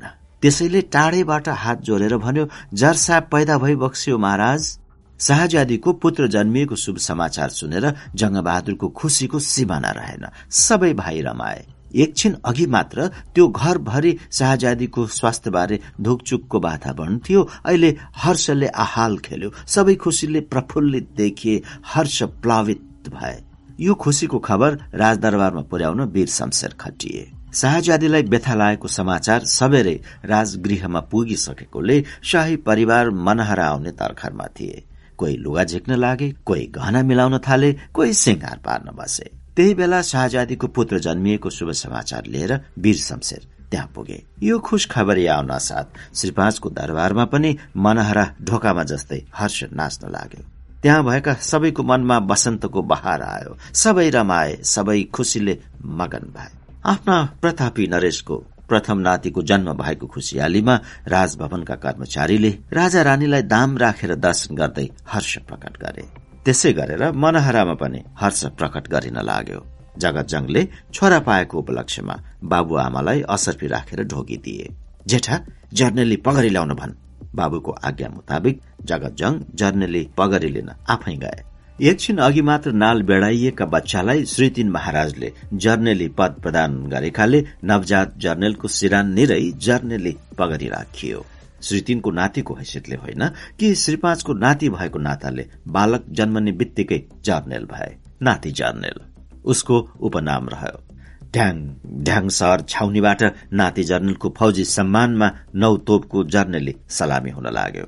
राजाको नाति जन्मेको खुसियाली मनाउन शहरका कुना काप्चा चारैतिरबाट मानिस रमाउँदै मनहरा आए। जङ्गबहादुर र जगत जङलाई दाम राखेर भक्तिपूर्वक बधाई व्यक्त गरे। नवजात जर्नलको मुख हेर्न आउनेको ताती पनि कम थिएन। अझ अनगिन्ती मानिसको भीड़ मनहराभित्र ओहिरो लागेको लागे थियो। मनहरामा त्यो चलपल थियो। उता काठमाडौँमा जर्नेल जन्मिएको उत्सव मनाउनको लागि छत्तीस घण्टाका निम्ति जुवा फुक्यो। दुई दिन अड्डा विदाको घोषणा भयो। धेरै कैदी जेल मुक्त भए। साँझ पर्ने बित्तिकै धूपदीपको तिहार। काठमाडौँ उपत्यकाभरि चारैतिर जगमगाहट। बत्तीले झिलिमिली रात पनि दिन जस्तै उज्यालो प्रतीत गराउने हेतुले सबै कौशी र बार्दली झ्याल र कार्नेसमा मानिसहरू बत्ती बाल्ने काममा तखरिन लागेका थिए। अहिले दिनको बाह्र पनि बजेको थिएन आधा भन्दा बढी काठमाडौँका घरहरूमा दीप पिलपिलाउन थालिसकेका थिए। मनहराको मूल सड़कमा धुलो उडेको देखियो। त्यो दृश्य देख्ने बित्तिकै जंगबहादुरका बाबु छोराले श्री पाँच सुरेन्द्र विक्रम शाहदेवको लावा लस्कर सहित आफू कहाँ पदार्पण हुन लागेको हो भन्ने स्पष्ट थाहा पाए। राष्ट्रनायकको स्वागतार्थ जङ्गबहादुर हतारिँदै तल ओर्लिए अनि सबै जहान परिवार भाइ छोरालाई लिएर मूल चोकमा पुगे। श्रीतिन बडा महारानी अर्थात मैया महारानी र सबै महिला दलानमा बसे। पुरूष जति आधा बाटोसम्म राज परिवारलाई स्वागत गर्न गए। मनहराको पुलदेखि जङ्गबहादुरले लाभा अबिर फूल छर्कँदै नेपाल नरेशलाई सिन्दुर जात्रा गर्दै मनहरा ढोकामा भित्र्याए। दलानको ढोकामा श्री पाँचको सालेबम बग्गी रोकियो। सर्वप्रथम श्री पाँच सुरेन्द्र ओर्लिए अनि युवराजा धिराज त्रैलोक्य र नरेन्द्र।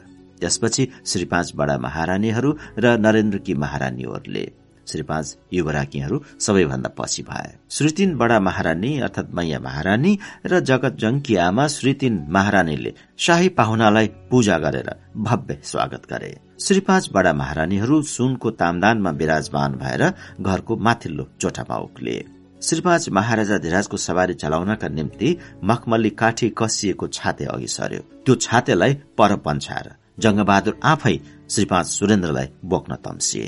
आफ्नो लोग्नेको चाल देखेर मैया महारानी जिल्ल परिन्। आमै यो महाराज के भएको भनेर उनले जङ्ग बहादुरलाई गाली गरिन् र हाँस्दै लोग्नेलाई थालेको काम गर्न नदिनको लागि सकेसम्म कोसिस गरिन्। हट्नुहोस् महाराज सुरेन्द्रले भने म सम्धिको बुई चढ्दिन पाप लाग्छ सुरेन्द्र पैदलै अघि बढे। श्री पाँच महाराजा धिराजबाट लाख रुपियाँको युवराजा धिराजबाट पचास हजारको श्री पाँच बडा महारानीहरूबाट अडतिस अडतिस हजारका दुई युवरागीहरूबाट पन्ध्र पन्ध्र हजारका चौसल्ला जगतजङ र शाहजादीलाई ओडाइयो। यसरी लगभग दस लाख रुपियाँ राष्ट्रकोषबाट मनहरा ढोकामा भित्रिने भयो। दिने र लिने सबै खुसीले गदगद थिए। जेठी शाहजादीलाई गए राति अचानक प्रसुति वेदनाले पीड़ित तुल्याएको र श्री पाँच बडा महारानीको राम्रो स्वप्न आदि विषयमा त्यहाँ धेरै बेर गफ चल्यो। यस्तै कुरा हुँदाहुँदै राजाले आफ्नो सन्देहलाई सोधे महाराज बाहिर जुवा फुकिसकेछ हामी नखेल्ने? सरकारको जसो हुकुम हुन्छ राजाको इच्छा मुताबिक उनको बिहानको भोजन त्यही तयार पार्ने र जुवाको खाल थाप्ने बन्दोबस्त हुन थाल्यो। यसरी निकै समय बित्यो। बैठकको ठूलो घड़ीमा दुई बज्यो। राजाको भोजनको समय भएकोले जुवा बन्द भयो। राज परिवारका सबै सदस्य सदस्यले जिते। सधैँ जित्थे। जगतजङको त्यही इरादा थियो। जङ्गबहादुरको त्यही नीति थियो। त्यसमध्ये धेरै जित्नेमा युवराज अधिराज एक लाख धेरै हार्नेमा जङ्गबहादुर दुई लाख। भोजन सकिएपछि श्री पाँचहरूबाट त्यहाँ खानेकुरा बनाउने बाहुन बाहुनी र अरू नोकर चाकर सबैलाई रुपियाँ बक्सिस हुन थाल्यो। सबै देखा पर्न आए सबैले पाए। राजा रानी र जङ्गबहादुरका बाबु छोरा जेठी शाहजादी कहाँ पुगे? त्रैलोक्य र नरेन्द्र पहिले नै त्यस कोठामा उपस्थित भइसकेका थिए। जाउँ छोरी भनेर श्री पाँच शाहजादीसित प्रेमपूर्वक विदाईको अनुरोध गरे। शाहजादीले केही उत्तर दिएनन्। उनको आँखामा आँसु देखियो। आजको दिनमा उनी खुशी भएर हाँस्नु पर्ने या लाजले मुस्काउनु पर्ने यी दुवै थोकको विपरीत उनी रुन थालिन्। बाबुआमा सासू ससुरा सबैले आश्चर्य मानेर शाहजादीको आँसुको कारण बुझ्न खोजे। छोरी किन रोयो? सरकार किन रोइ बक्सेको बाबु र ससुराले एकैसाथ सोधे। शाहजादीले केही उत्तर दिइनन् झन् आँसु काट्न थालिन्। नानी तिमी किन रोएकी जेठी कान्छी श्री पाँचहरूले पनि पालेसित सोधे। छोरीको मुखबाट केही उत्तर झरेन तर आँखाबाट आँसु झरेको झरै थियो। युवराज त्रैलोक्य उठेर दिदीको प्रतिनिधित्व गर्दै बोले ससुरा यानि जङ्ग बहादुरको शेखपछि भिनाज्यू अर्थात जगत जङ श्री तीन महाराज हुनु पर्दछ त्यसका निम्ति आज यहाँ रोल क्रम बाँधियोस् भन्ने दिज्यूको बिन्ती चढाइरहेछ। त्यो न्यायोचित पनि हो बुवा। राजा रानीले प्रधानमन्त्रीको राय बुझ्नका निम्ति उनको मुखमा हेरे। जङ्गबहादुरको इच्छा भएको भए जगतजङ तुरन्त त्यहाँ प्रधानमन्त्री पदको पहिलो उत्तराधिकारी यानि कमान्डर इन चिफ र मुख्तियार घोषित हुन्थे तर त्यसो भएन। पृथुलादेश श्री पाँच त्रैलोक्य नरेन्द्र जेठी शाहजादी र जगतजङ प्रति जङ्गबहादुरको गाढ़ा स्नेह भए तापनि उनीहरूले जगतजङलाई श्री तीन महाराज र प्रधानमन्त्रीको पहिलो उत्तराधिकारी बनाउन खोजेको जङ्गबहादुरलाई मन पर्दैनथ्यो यस विषयमा उनले राजकुमारहरूसित पहिले पनि राय बजाइसकेका थिए। अहिले पनि जेठी शाहजादीको आँसु र त्रैलोक्यको वकालत उनलाई निको लागेन। असन्तोषको रातो मुख लगाए। उनलाई बेलायतको राजनीतिक व्यवस्था बिल्कुल मन नपरे तापनि कहिलेकाहीँ आफ्नो देशमा परिआएको जटिल समस्या हल गर्ने तरिकाको उपाय पत्ता लगाउन मुस्किल परेको अवस्थामा। उनी झट्ट बेलायतलाई सम्झेर त्यहाँको सल्लाह र मदतको आशा गर्दथे। त्यही बानी उनको जीवनको प्रत्येक पाइलामा दोस्रो प्रकृति जस्तै भएर बसिसकेकोले अहिले पनि उनलाई बेलायतको स्मरण भयो। त्यहाँका नेताहरूले उनको समक्ष प्रजातन्त्र व्यवस्थाको लाभदायक व्याख्या गर्दा जनताद्वारा शान्तिपूर्ण तरिकाले प्रधानमन्त्री चुनिने व्यवस्था तिमीले गरेनौ भने तिम्रा शेखपछि तिम्रो उत्तराधिकारी तरबार निर्णय गरिनेछ। यतिसम्म पनि साफ शब्दमा भनेर उनलाई नेपालमा दोस्रो कोत पर्व हुने सम्भावना देखाएर तर्साएका थिए। त्यसै हुनाले जङ्गबहादुरले युरोप भ्रमणबाट फर्केर आएपछि उनको पहिलो उत्तराधिकारी जेठो भाइबाट भाइमा जाने रोल क्रम बाँधेर भविष्यमा आफ्ना भाइ छोरामा हिंसात्मक संघर्ष हुने भयंकर डरलाग्दो सम्भावनाको अन्त्य गरेका थिए तर अहिले आफ्ना छोरा बुहारी र राज परिवारको मिलोमतोबाट त्यो रोल क्रमको उल्लंघन हुन लागेको देखेर जङ्गबहादुर साह्रै विरक्त भए। उनको मुख पहिले रातो भएको थियो अहिले कालो र निलो भयो। सरकार उनले त्रैलोक्यलाई सम्झाउने उद्देश्यले बोले मेरो पदको उत्तराधिकारी बन्नलाई दया र मायाले मात्र हुने कुरा होइन। यसका निम्ति अनुभव र योग्यताको पनि आवश्यकता छ। कसैले केही उत्तर दिन सकेनन्। जगत जङले श्रीपाद सुरेन्द्रको मुखमा आशाले हेरे। राजपरिवारका सबै सदस्यले पनि त्यही आशाले आफ्नो सर्वश्रेष्ठ थकालीको मुखमा हेरे। उनको विचार बुझ्न खोजे। अब नेपाल नरेशलाई आफ्नो इच्छा प्रकट गर्न बाध्य हुनु पर्यो। उनले कहिले पनि जङ्गबहादुरको इच्छा विरूद्ध बोलेका थिएनन्। अहिले बोल्नु परेकोले उनको कान रगत चुहिएला जस्तो रातो भयो। पसिना पुछ्दै बोले सम्धि हामीबाट हजुरको शेखपछि हाम्रा जेठा ज्वाई अर्थात जगत जङलाई श्रीतिन बनाउन चाहन्छौ। यसका निम्ति के गर्नुपर्ने बेलाउनुहोस्। मेरा छोरा नानीहरू सबैको यही विचार छ। हो। त्रैलोक्यले नरम स्वरमा तर कसिएर बाबुको समर्थन गरे। श्रीपाद सुरेन्द्रको हुकुम जङ्गबहादुर सधैँ तुरन्त तामेल गरिहाल्दथे। अहिले गद्दी नसिन भएपछि मात्र होइन सुरेन्द्र युवराज छँदैदेखि उनको इच्छा जङ्गबहादुरका निम्ति सधैँ शिरोपर थियो। उनको लहरी इच्छा पूर्तिको लागि जङ्गबहादुरले घोडासहित त्रिशुलीको पुलबाट हाम फालेका थिए। बाह्र वर्षे इनारमा पसेर खुट्टा भाँचे काठमाडौँमा स्थापित धरहराबाट हाम फाल्न तयार परेका थिए। तर अहिले श्री तिनको उत्तराधिकारको रोल क्रम तोड्न तयार भएनन्। उनले माया सबै मायाको माथि मेरो देश छ र राजभक्ति छ भनेर फन्केर बाहिर निस्किए शासन सत्ता अब्जसको घर हो। त्यो अबगालको भाँडो राजाको हातमा पर्यो भने राज सिंहासनको लोकप्रियता लोप हुँदै जान्छ। अनि त्यो पवित्र संस्थाले जुन दैविक श्रद्धा आज प्राप्त गरेको छ भोलि गर्ने छैन भन्ने विश्वास जंग बहादुरलाई भएको हुनाले उनले श्री पाँचका बाबु छोराको सामुन्ने देश र नरेशप्रति भक्ति प्रकट गरेको वाक्यमा चड्का आवाज थियो त्यो आवाजको चड्कापनले नवजात जर्नलको निद्रा भंग भयो। तर्सेर रुन थाले। धाईले कोला कोला भन्दै जर्नलको सातो बोलाउन लागे। धाईको सातो गएको हो कि या नानी तर्सेको हो? सत्य कुराको याद कसैलाई भएन। तर कोला भन्दै धाई आँसु काट्न लागे। कहिले बच्चाको कहिले आमाको मुखमा हेरेर ऊ जोरसित रुन थाले।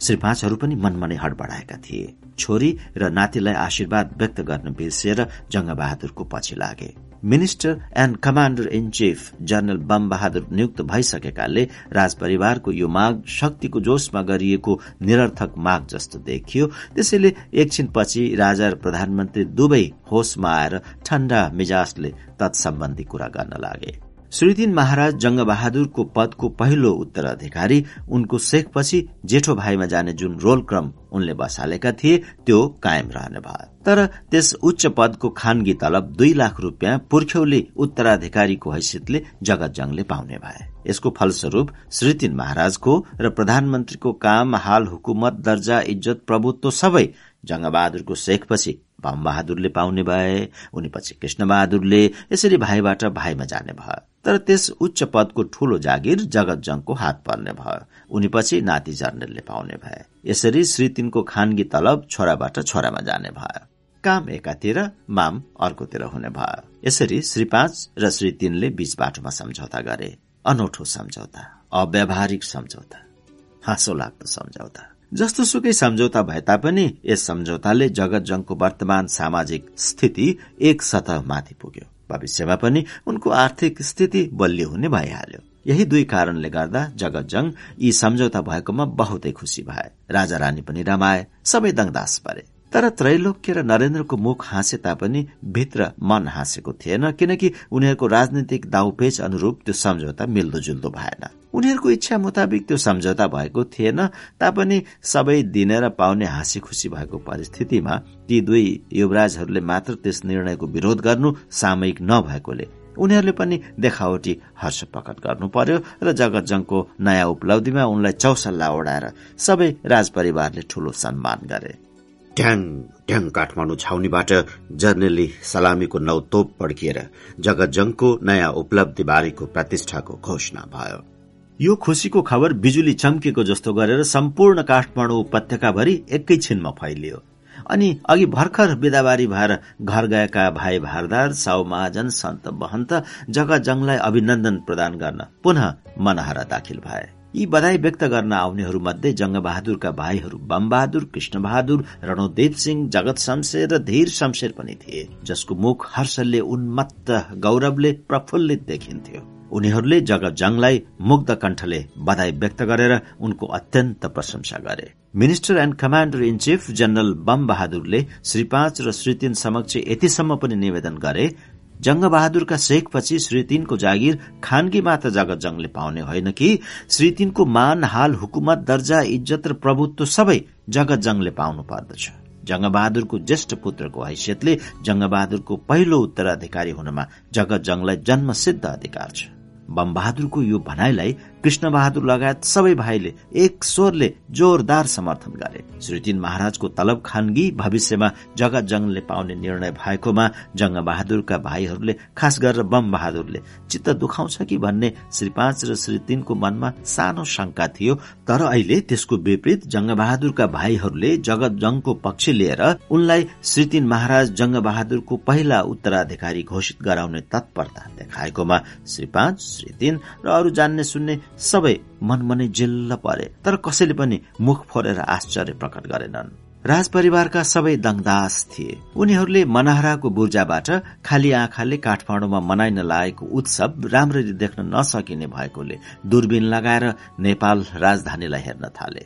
दूरबीनभित्र काठमाडौँ र वरपरका डाँडा काँडा उनीहरूको नेत्र दृश्यमा स्पष्टसित नजिकै देखा पर्यो। उज्यालो काठमाडौँ। श्री पाँच र श्री तीनको परिवारको नजर र हातबाट अझ दूरबीन छुटेको थिएन। काठमाडौँ भन्दा धेरै पर टोखा कपिलास भीमढुङ्गा आदि स्थानबाट पनि मानिस खुसीले हाँस्दै नाच्दै र बाजा बजाउँदै आजको हर्ष बढाइमा सामेल हुनलाई आउन लागेका देखियो। त्यो दृश्य अंग्रेज राजदूत जो जगतजङलाई बधाई व्यक्त गर्नको लागि उनको प्रतीक्षामा सुनौला बैठकमा बसेका थिए लाई पनि देखाउने हेतुले माथि कौशी बुर्जामा बोलाइयो।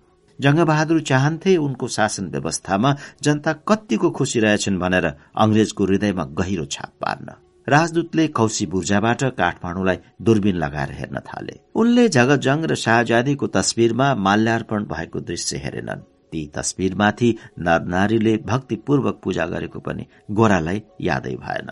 कहीँ जगजङलाई नेपोलियन बोनापार्टसित तुलना गरेको प्रशंसा पर्चा टाँसिएको थियो कहीँ पृथ्वीनारायण शाहसित दाँजिएको थियो। सेतो रातो र निलो कपडामा ठूल्ठूला अक्षर लेखेर जगजङ र शाहजादी शिवशक्ति हुन् भन्ने लेखिएकोमा पनि अंग्रेजलाई केही महत्व भएन। कुनै कुराले पनि अंग्रेजलाई आकर्षण गर्न सकेनन्। उनी हेर्न चाहन्थे विश्वविद्यालय सर्वोच्च न्यायालयमाथि नेपालको राष्ट्रिय झण्डा स्वतन्त्र र निष्पक्ष रूपले फरफराइरहेको जलविद्युतका केन्द्रहरू कपडा कारखाना र चिनी मिल। अनि उनी हेर्न चाहन्थे फलाम उत्पादन गर्ने भट्टीका चिम्नीबाट निस्किएको कालो धुवाको मुस्लो र पञ्चवर्षीय योजनाका नक्साहरू शहरभरि व्यापक रूपमा टाँसिएका आदि आदि।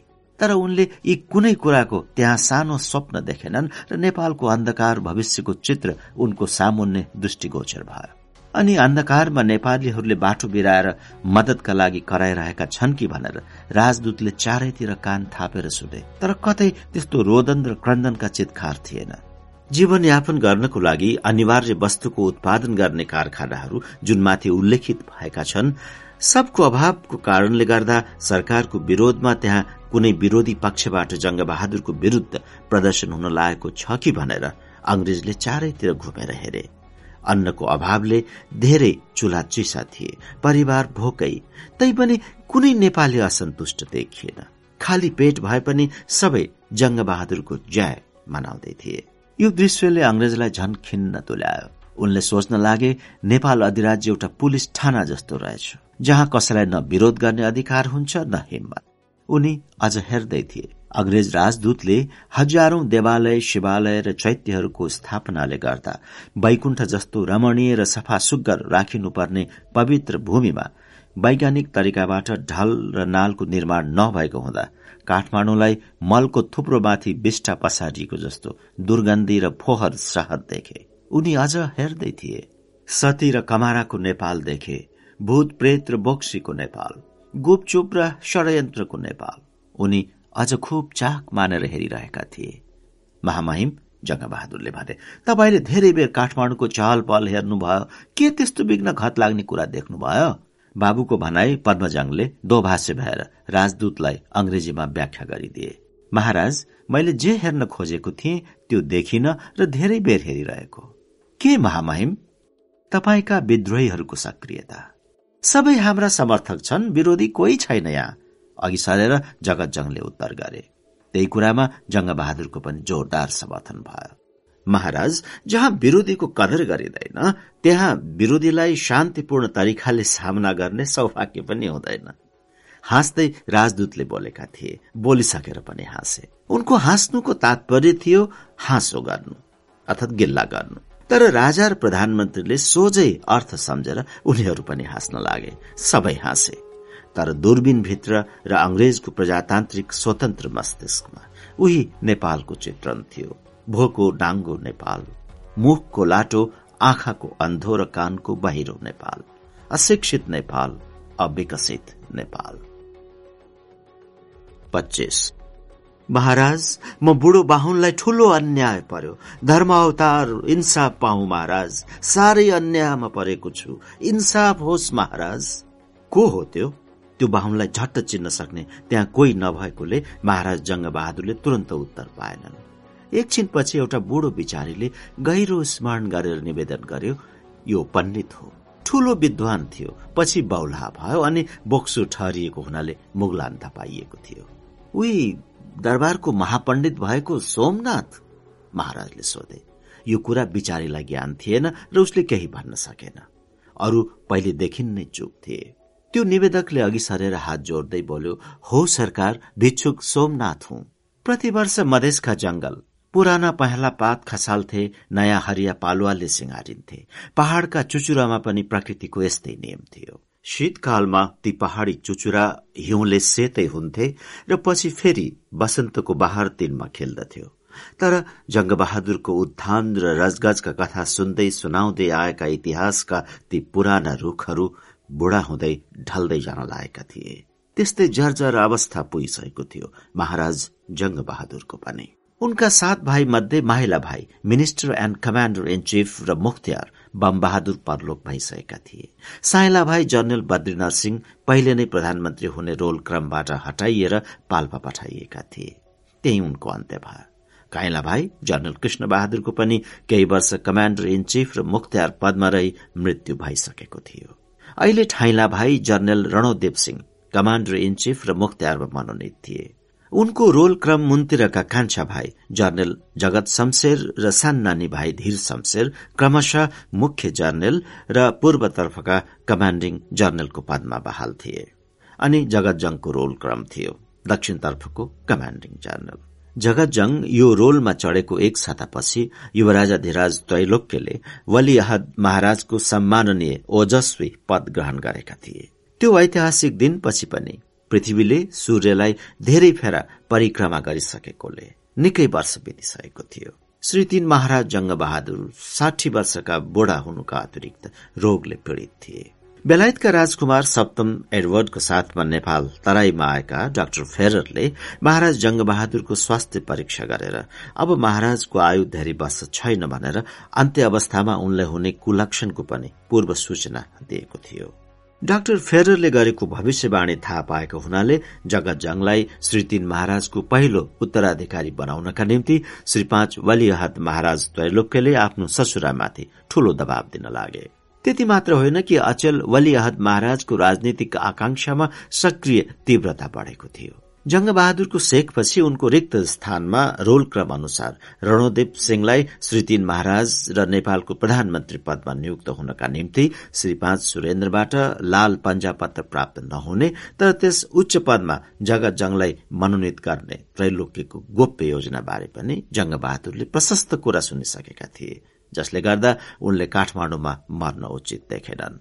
यसरी राजदरबारबाट राजकाजको जटिल समस्यामा हस्तक्षेप हुन लागेको जंगबहादुरलाई बिल्कुल निको लागेन।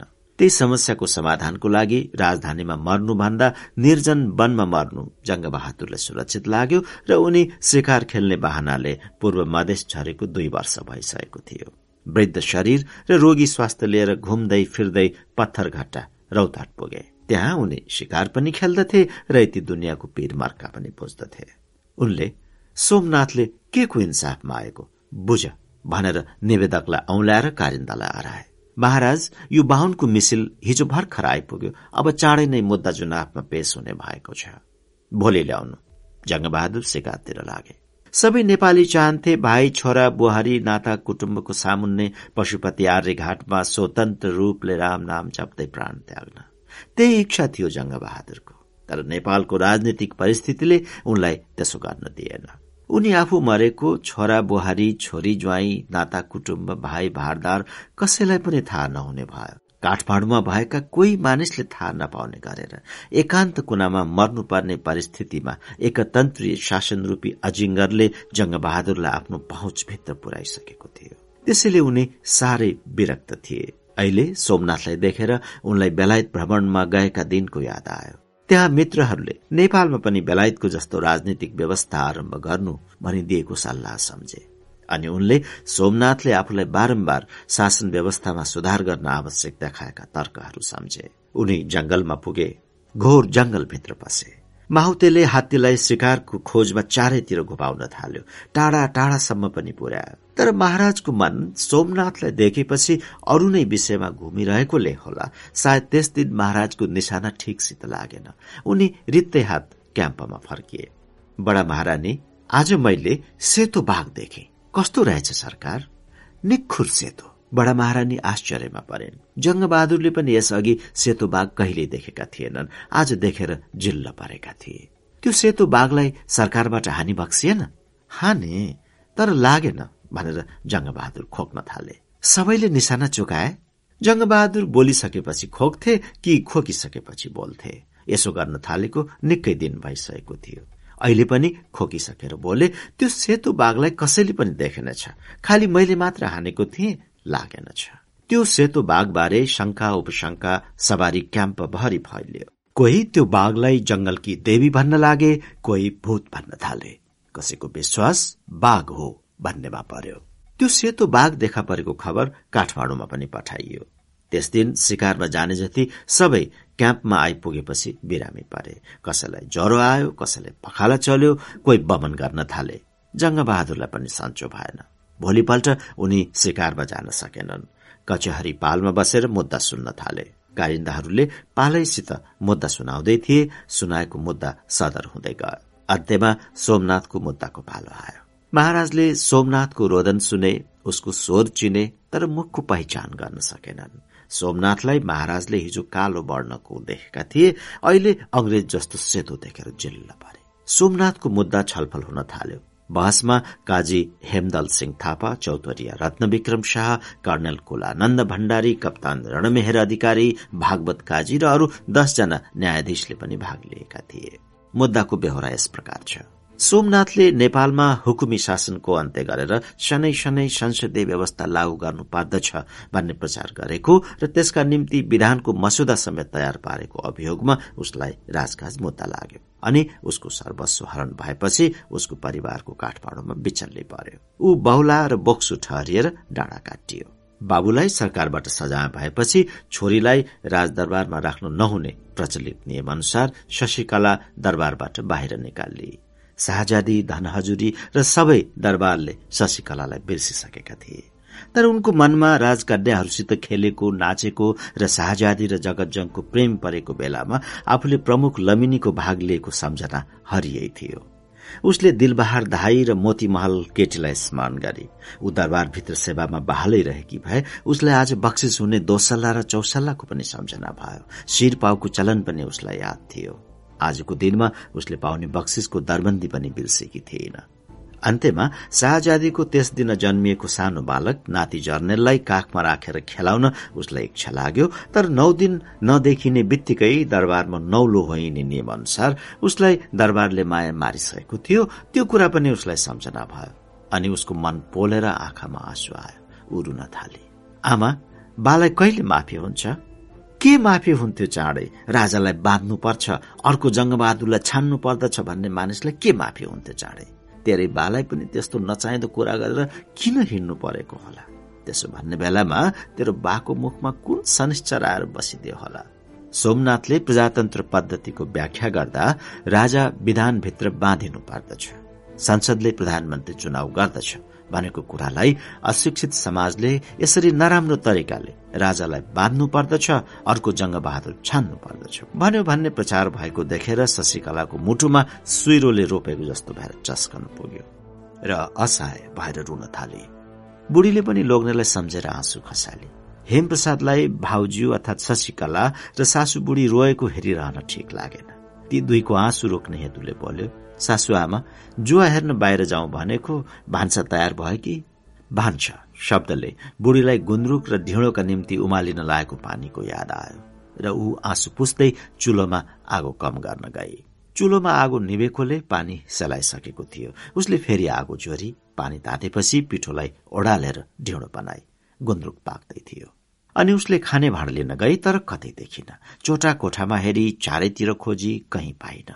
आश्चर्यमा परी र साह्रै चिन्तित भए हेमप्रसादले हाँडीमा खाएर पेट भर्यो। शशिकलाले टपरी चाट्न थाली। बुढीले आफ्नो घरमा भाँडा हराएकोमा छिमेकीका सबै मानिसलाई सराप्न लागि। जस जसलाई बुढीले शंका गरेर कुबाची बोलेकी थिए तिनीहरू आफ्नो निर्दोषिता प्रकट गर्न बुढीसित बाँच्न आए। कसैले किरिया खाएर बुढीको शंकाबाट मुक्त भए कसैले गाली गरे। कोही दागा धरेर फर्किए। बुढिया फलाक्दै थिए शशिकलालाई दीपावलीको बन्दोबस्त गर्नु थियो ऊ पसल गई। हेमप्रसाद पनि जुवा हेर्न निस्क्यो।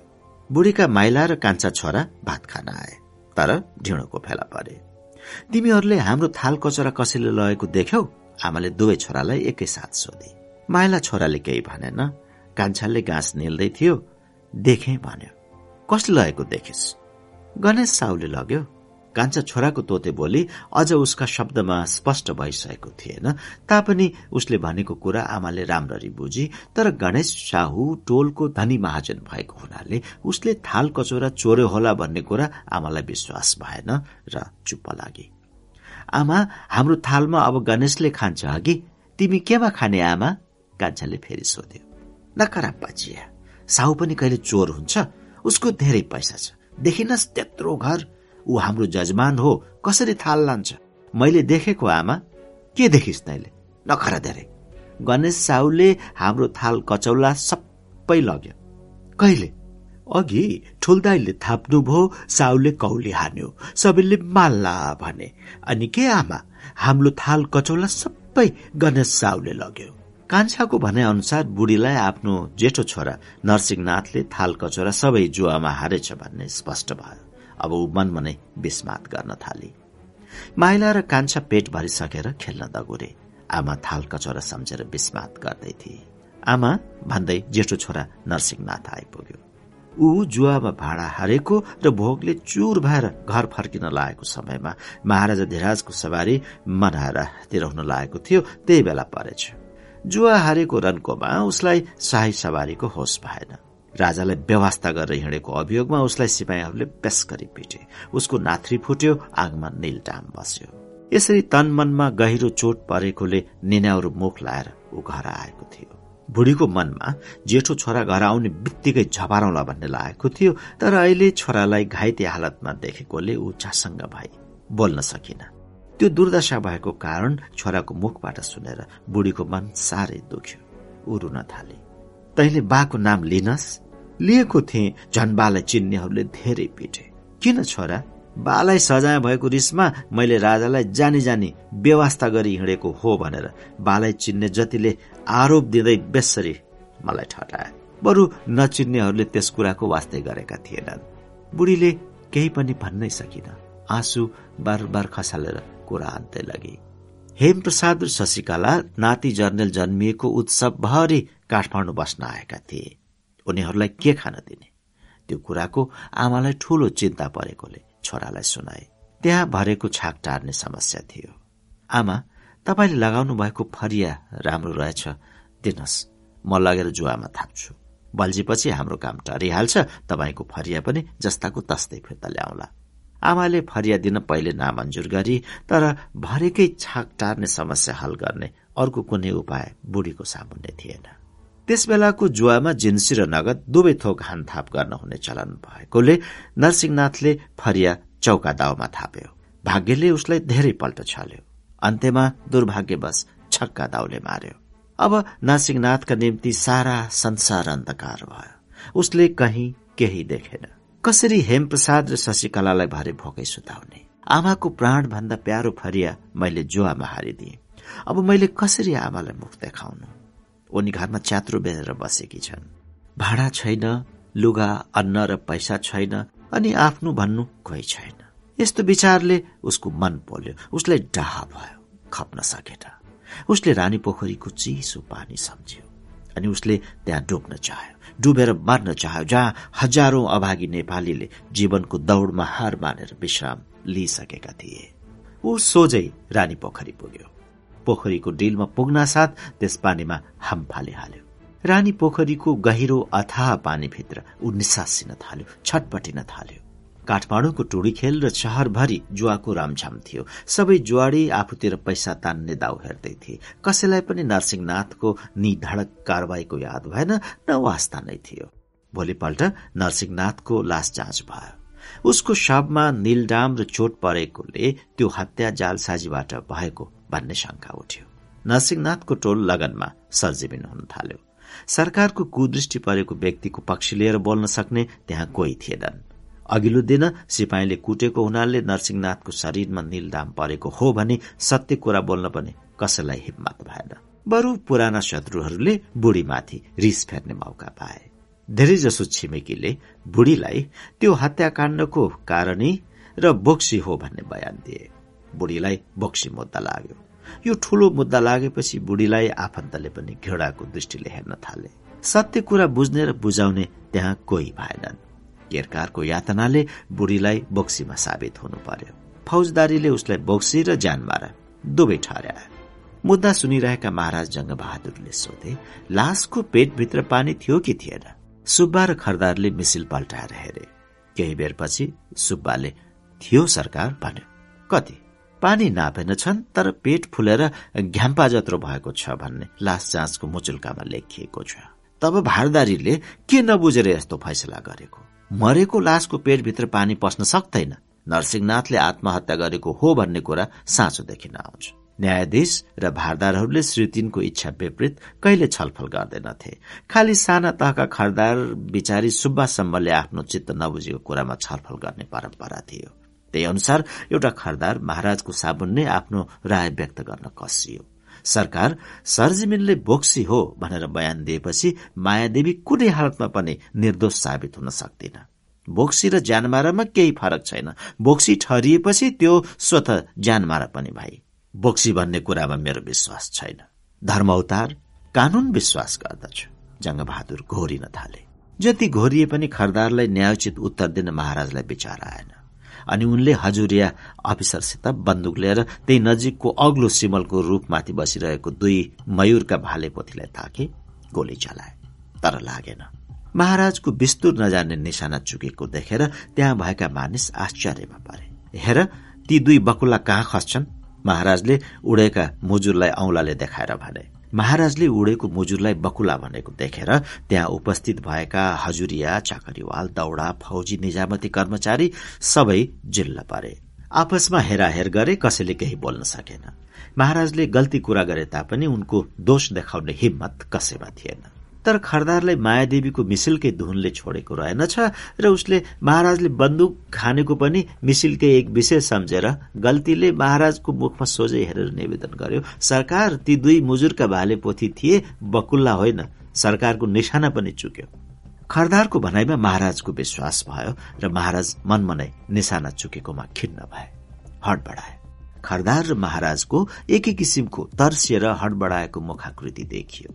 फेरि मायादेवीको मुद्दामा बहस शुरू भयो। प्रमाणका धेरै कागतहरू हेरिए। न्यायको नौ सिंह हुन् या अठार सिंह ऐन कानूनमा जेसुकै लेखिएको भए तापनि महाराजको हुकुम मुताबिक मायादेवी निर्दोष ठहरी। फौजदारीमा मायादेवीलाई मुद्दा हराउने हाकिम खोसियो कारिन्दाहरूलाई जरिवाना भयो। कमाण्डर इन चिफ र मुख्तियार रणदेव सिंहलाई पनि नालायकीको खप्की भयो। अनि जङ्गबहादुर पनि आफ्नो शुक्ला पालभित्र जान उठे तर उनको मुख ज्यादै गम्भीर र उदास देखियो। मानव कुनै गहिरो रहस्यमय चिन्ताले उनको मन पोलिरहेको जस्तो। उनले केही कुरा भारदारहरूसित भन्न खोजे तर भन्न नसकेर खिसिक्क हाँसे। त्यो हाँसो खुसीको थिएन पराजयको थियो। त्यहाँ उपस्थित देशका कर्णधारहरू महाराजको मुखमा नौलो हाँसो र अनौठो मौनता देखेर भयभीत भए। महाराज शुक्लापालभित्र पसे। त्यहाँ श्री तीन बडा महारानी र अन्य महारानीहरू पासा खेलिरहेका थिए। उनीहरूलाई महाराजले खिन्न भएर भने अब म धेरै दिन बाँच्दिन। सबै महारानीले महाराजको अस्वस्थताको कारण सोध्न लागे रुन थाले हड बढाए मुजुरलाई सेतो बकुल्ला जस्तो देखेको गोली नलागेको सोमनाथलाई अघिल्लो दिन ठिक देखेको तर आज अंग्रेज जस्तो गोरो देखेको आदि घटनाले गर्दा जङ्गबहादुरलाई केही वर्ष अघि सप्तम एडवर्डसित नेपाल आएका शाही चिकित्सक डाक्टर फेररले उनको अवस्थामा आँखामा पक्षवात भएर चक्षु दृष्टि नाश हुन्छ अनि तुरन्त मृत्यु हुनेछ भनेको भविष्यवाणी सम्झना भयो। अघिल्लो दिन उनी बडा महारानीलाई मैले सेतो बाघ देखे भनी खुशी भएका थिए। खुशी भएर त्यो सेतो बाघ देखेको समाचार श्री पाँच सुरेन्द्र र वली अहद महाराज त्रैलोक्य कहाँ लेखी पठाइएको थियो। तर वास्तवमा उनले सेतो बाघ देखेको होइन रहेछ। साधारण पाटे बाघलाई उनको धमिलिएका रोगी नजरले सेतो देखेका रहेछन्। त्यो कुरा पनि अहिले उनलाई होस भयो।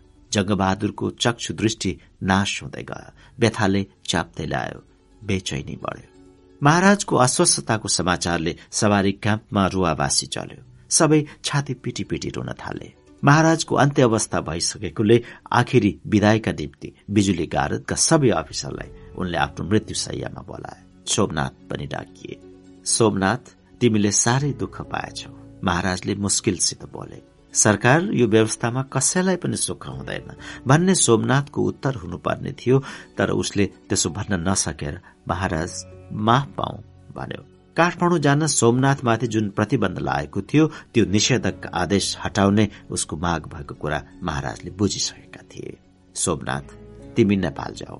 म मरेको खबर कसले थाहा नपाउने गरेर मेरा भाइहरू कहाँ पुर्याउनु? जङ्गबहादुरले सोमनाथलाई यति काम हराएर फेरि अफिसरतिर हेरेर भने भाइहरूलाई बाहेक अरू कसैलाई पनि म मरेको पत्तै नदिनु। श्रीतिन महाराजको पहिलो उत्तराधिकारी कमाण्डर इन चिफ र मुख्तियार हुन्थे। दोस्रो व्यक्ति मुख्य जर्नल र तेस्रो पूर्वतर्फका कमाण्डिङ जर्नल।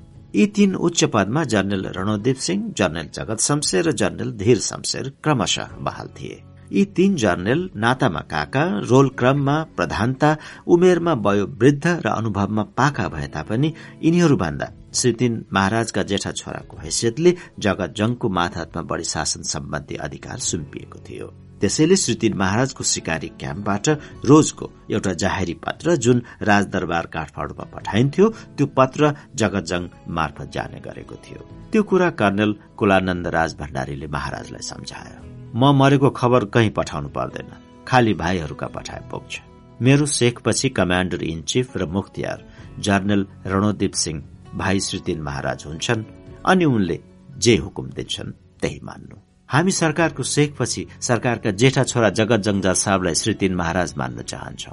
रणमेहर अधिकारीले गहभरि आँसु लिएर भन्यो अनि विक्रम सिंह थापा कर्णल अमर विक्रम र कप्तान संग्राम सुर विष्टले त्यही कुरा रुँदै दोहोऱ्याए। बाहिरबाट पनि गारदका सबै जवानले त्यही आवाज उठाए। अनि महारानीहरूले पनि बाबु अर्थात जङ्गबहादुरको अन्त्य अवस्थामा छोराको उपस्थितिको आवश्यकता देखे। अन्त्य अवस्थामा पनि जङ्गबहादुरले षड्यन्त्रको महाजाल बिछाउन लागेको देखेर सोमनाथको चित्त बुझेन। अध्यारो मुख लगाए। यसरी आफ्नो इच्छाको विपरीत परिस्थिति त्यहाँ उत्पन्न भएको देखेर महाराज जङ्गबहादुर झसङ्ग झस्के। राजपरिवार आफ्नो हजुरिया गारद र जङ खलक एकातिर अर्कोतिर आफ्ना तीन भाइ रणोदीप सिंह जगत शमशेर र धीर शमशेर खास गरेर धीरका सत्रजना छोरा र नेपाली पल्टन जो धीरसित काठमाडौँमा थिए यी दुई थरीको श्री तीन महाराजको पदका निमित्त संघर्ष हुने स्पष्ट सम्भावना उनको आँखा सामुन्ने देखा पर्यो। यही सशस्त्र संघर्ष टाल्ने हेतुले जङ्गबहादुरले यो निर्जन स्थानमा मर्न आए तापनि शान्तिसित प्राण छोड्न सकेनन् उनी छटपटाउँदै पलङबाट जुरुक्क उठे तर नसकेर फेरि ढले। उनले सोमनाथलाई ठुलो ठुलो हेरिरहेका थिए। उनको विचार र बेलायतका मित्रहरूको सल्लाह सम्झे। त्यहाँको व्यवस्था देशभक्ति र राजभक्ति सम्झे। यहाँको पारिवारिक कला हुन लागेको वातावरण प्रति उनलाई घृणा र डर भयो अनि उनले आफ्नी महारानीलाई आफूसित सत्य आउने आदेश गरेर उनी मरे। जगत जङले पत्तै पाएनन्। छब्बीस। भाइ ससुराले सेतो बाघ देख्नु भएछ तर मार्न सक्नु भएन रे। त्यो कुरा मलाई पनि लेख्नु भएको थियो। त्यस दिन उहाँसित शिकारमा जाने जति सबै बिरामी भएछन्। वलिहद महाराज त्रैलोक्य र नरेन्द्र विक्रम शाह कुरा गइरहेका थिए। त्रैलोक्यका दुई पत्नी श्रीपाँच जेठी र कान्छी युवरागीको पनि त्यही उपस्थिति थियो। बुबालाई आराम थिएन अहिले कस्तो भयो होला? जेठी युवरागीले सोधिन् त्यसपछि शिकारबाट केही खबर आएको छैन। दाई र भाउजूको वार्ता हुन लागेको बेलामा नरेन्द्रले बीचबाट बोल्ने दाई यसपालिको शिकारमा हामी पनि जानु पर्ने रहेछ। सेतो बाघ मार्न पाइन्थ्यो कि? ससुरा मसित नाराज हुनु भएको छ। बलियाहदले भने त्यसैले यसपालि शिकारमा जान मैले वास्ता गरिन। युवराज्ञीहरूलाई आफ्नो बाबु र लोग्नेको बीचमा खटपट भएको थाहा थिएन। स्वभावत यो कुरा सुनेर उनीहरूलाई नराम्रो लाग्यो। झसङ्ग भए। किन? जेठी युवराज्ञीले तर्सेर सोधिन् सरकारमा कसले यस्तो नचाहिँदो बिन्ती पार्यो? बुवा किन सरकारसित रिसानी हुन्थ्यो? जगत जङलाई श्रीतिनको पहिलो उत्तराधिकारी बनाउने त्रैलोक्यको फेरि प्रयास भएको थियो। जङ्गबहादुरले मानेनन्। त्यही मतभेदले गर्दा ज्वाई र ससुराको बीचमा अनुमान भएको थियो त्यही कुरा लोग्नेले स्वास्नीहरूलाई सुनाए। त्यसमा बुबाको के भनाइ छ? कान्छी युवरागीले चाख मानेर सोधिन्। कुन्नी बुढा बाह्र सत्ताइस कुरा गर्नुहुन्छ। उहाँको कुरा बुझिँदैन। के बाह्र सत्ताइस कुरा सरकार? वलिहतले बाह्र सत्ताइस कुराको विवरण दिएनन्। उहाँका भाइहरूले चित्त दुखाउँछन् भनेर नरेन्द्रले कुरा उठाए। हाम्रो बिनाजुलाई श्रीतिनको पहिला उत्तराधिकारी बनाउने बारे ससुरा हाम्रो कुरा सुन्नुहुन्न। ससुरा साह्रै एकहोरो हुनुहुन्छ। साँच्ची भनौं भने तैलोकेले फेरि बोले हाम्रो बिनाजु अर्थात जगत जङलाई ससुराले श्रीतिन बनाउन नचाहनु भएको कारण उहाँको भाइले चित्त दुखाउँछन् भनेर होइन। भिनाजु र हाम्रो घनिष्ठ सम्पर्क भएकोले भिनाजु श्रीतिन भएपछि शासन सत्ता पुनः दरबारमा फिर्ता आउला भनेर बुढा तर्सिएका हुन्। अरू कुरामा बुढाले हामीले माया गरे तापनि यसमा ठूलो बेइमानी गर्न लाग्नु भयो शासन सत्तालाई राजाले लत्याएर दैवी शक्ति हत्याउनु पर्दछ नत्र त्यसको उल्टो प्रतिक्रिया पर्न जान्छ भन्ने हाम्रो ससुराको गलत धारणा छ। भाइ ससुराको यो धारणामा पूरा चालबाजी छ। हामीले राम राज्य गरेर रैती दुनियाँलाई सुख दियौं भने कसरी उल्टो प्रतिक्रिया पर्न जाने सम्भावना हुन्छ? नरेन्द्रले केही उत्तर दिएनन्। रणोदीप सिंहलाई कमाण्डर इन चिफ र मुख्तियार अर्थात श्रीतिनको प्रथम उत्तराधिकारी बनाउनु भएको दिनदेखि वलियाहतले फेरि भने मलाई ससुराको मुख हेर्न मन लागेको छैन। साह्रै जिद्दीवाल हुनुहुन्छ। आफ्नो बाबुको कुरा काटेको सुनेर युवरागीहरूको चित्त दुख्यो। दुवै दिदी बहिनीको मन पोल्यो र मुख रक्तवर्ण भयो मेरो बुवाले सरकारको यत्रो राजकाज थामेर बस्नु भएको छ। सरकारहरूको नोकरी गर्दा गर्दै उहाँको जिउ खिइसक्यो। फेरि सबै गाली पनि उहाँले नै सहनु पर्ने जेठी युवरागी झन् रातो मुख लगाएर बोलेन्। कान्छी युवरागीको पनि गहभरी आँसु भयो। हामीले ससुरालाई गाली गरेका होइनौ। मनको तितो पोखेका। वलिहतले कान्छी पत्नीको आँसु पुछिदिँदै बोले तिमीहरूले हाम्रो कुरै बुझ्न सकेनौ। हामीले सबै कुरा बुझेका छौं। अर्काको बुढा बाउलाई गाली गर्नु पर्दैन। सरकारले विवेक नराखी बक्सेपछि उहाँमाथि कसले दया गर्छ? पत्नीको आँसु पतिले पुछेर घट्दैन झन बढ्छ। यो प्राकृतिक नियम हो। त्यही नियम अनुसार कान्छे युवरागी झन रुन थालिन्। जेठी युवरागी पनि रुँदै फलाक्न लागिन्। मधेसबाट फर्कनु हुने बित्तिकै म बुवालाई राजीनामा गराउँछु। हामी पनि हेरौँला। बुवाले जस्तो सरकारको भलो चिताएर कसले काम गर्दो रहेछ? शाह र राणा परिवारले परस्परमा गिल्ला गर्दा शाहले खस राणाले कुसुण्डा भनेर एकले अर्को थरीलाई होच्याउने गर्दथे। अहिले त्यही सिकु टिपेर वलिहदले दुवै बामाङ्गीको मुखमा हेरेर हाँस्दै भने तिमीहरूले किन खस बुद्धि झिकेको? हाम्रो कुरा नै लोग्नेले आफ्नो गिल्ला गर्न लागेको देखेर युवरागीहरू पनि दाम्न चाहेनन्। जेठी युवरागीले पनि ठुस्सिँदै तुरन्त बोलिन् हामी खस होइनौ। कान्छी युवरागीले ठुस्सिँदै तुरन्त बोलिन् हामी खस रहेछौ भने सरकारबाट किन विवाह गरिबक्सेको तिमीहरूले फेरि हाँसो गर्दै हातले भने टुना मन्त्र गर्यौ मोहनी लगायौ अनि मैले तिमीहरूलाई विवाह गर्नु पर्यो। नत्र मेरो बाल ब्रह्मचारी बस्ने विचार थियो। हेर बहिनी बोलेटबाट हामीलाई बोक्सीको बात लगाउन लागि बक्सेको। मैले बोलेटको सबै कुरा बुझेकी छु। तिमीहरूले भनेर मैले थाहा पाएको। फ्रेन्च हुस्कीको कुरा भाइलाई सुनाइदिउ? चोर्नी हो। त्यसमा तिमीहरूले मोहनी मन्त्र गरेर पठाएको कुरा भनिदिउ? दिदी बहिनीले लाज बानेर आपसमा मुख हेराहेर गरे। लाजले बोल्न नसकेर राता भए अनि एकछिनपछि हाँस्न थाले। त्यही बेला सरकारहरूको केमा हाँसो पर्यो भन्दै जगतजङ टुप्लुक्क आइपुगे। सरकारहरू हाँसी बक्सेको तलसम्म सुनिएको थियो। के कुरा पर्यो? हर्ष बढाइ गर्नुपर्ने कुरा हो कि? भनेर जगतजङले त्यहाँको हँसिलो वातावरणलाई अरू हँसिलो पार्न खोजे। हामी हाँसेको होइन दाई वोलेटसित झगडा गइरहेका थियौं। जेठी युवराङ्गीले कुरा चर्काउने दाउ गरिन्। किन सरकार? हात जोडेर जगत जङले बहिनीहरूलाई सोधे। बोलेटबाट हुकुम भएको हामी खस रे के हामी खस हौ र दाई? दुवै बहिनीले पालैसित सोधे। होइन सरकार। सरकारहरू चित्तौरको राणा वंशका होइ बक्सिन्छ। हामी पो चित्तौरका सन्तान। हजुर कसरी भिनाज्यो वाली हातले सोधे। त्यही कुराका निम्ति अर्को तर्क दिएर नरेन्द्रले पनि सोध्न लागेका थिए। यो लामो कुरा छ। सरकारमा पछि बिन्ती गरौंला। अहिले अर्कै जरुरी काम परेर हाजिर भएको। के काम जरुरी पर्यो? हाम्रो बुवा अर्थात जङ्ग बहादुरले सरकारहरू दुवै भाइको दर्शन गर्न इच्छा गरिबक्सेको छ अरे। ससुरा अहिले कहाँ पुग्नु भएको छ? कटर बन रौतहट पुग्नु भएको खबर पाएको थिए।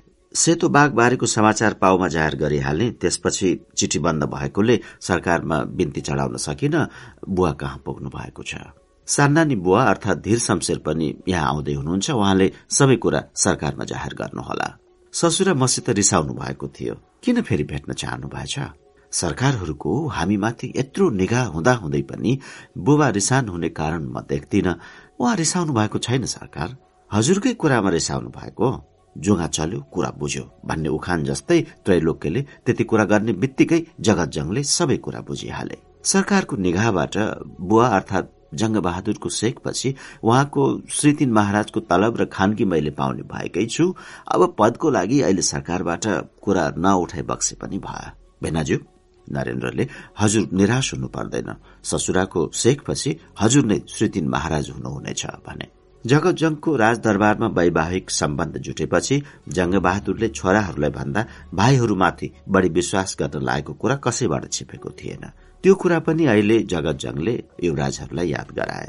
श्रीतिन हुन पाउने जगतजङ भन्दा त्यो पद दिलाउने युवराज त्यस काममा सक्रिय थिए। त्यसैले त्यो साहसिलो करतुतको मार्गमा परिआउने सम्भावित समस्या बारे ज्वाई जेठानको त्यहाँ छलफल हुन लाग्यो।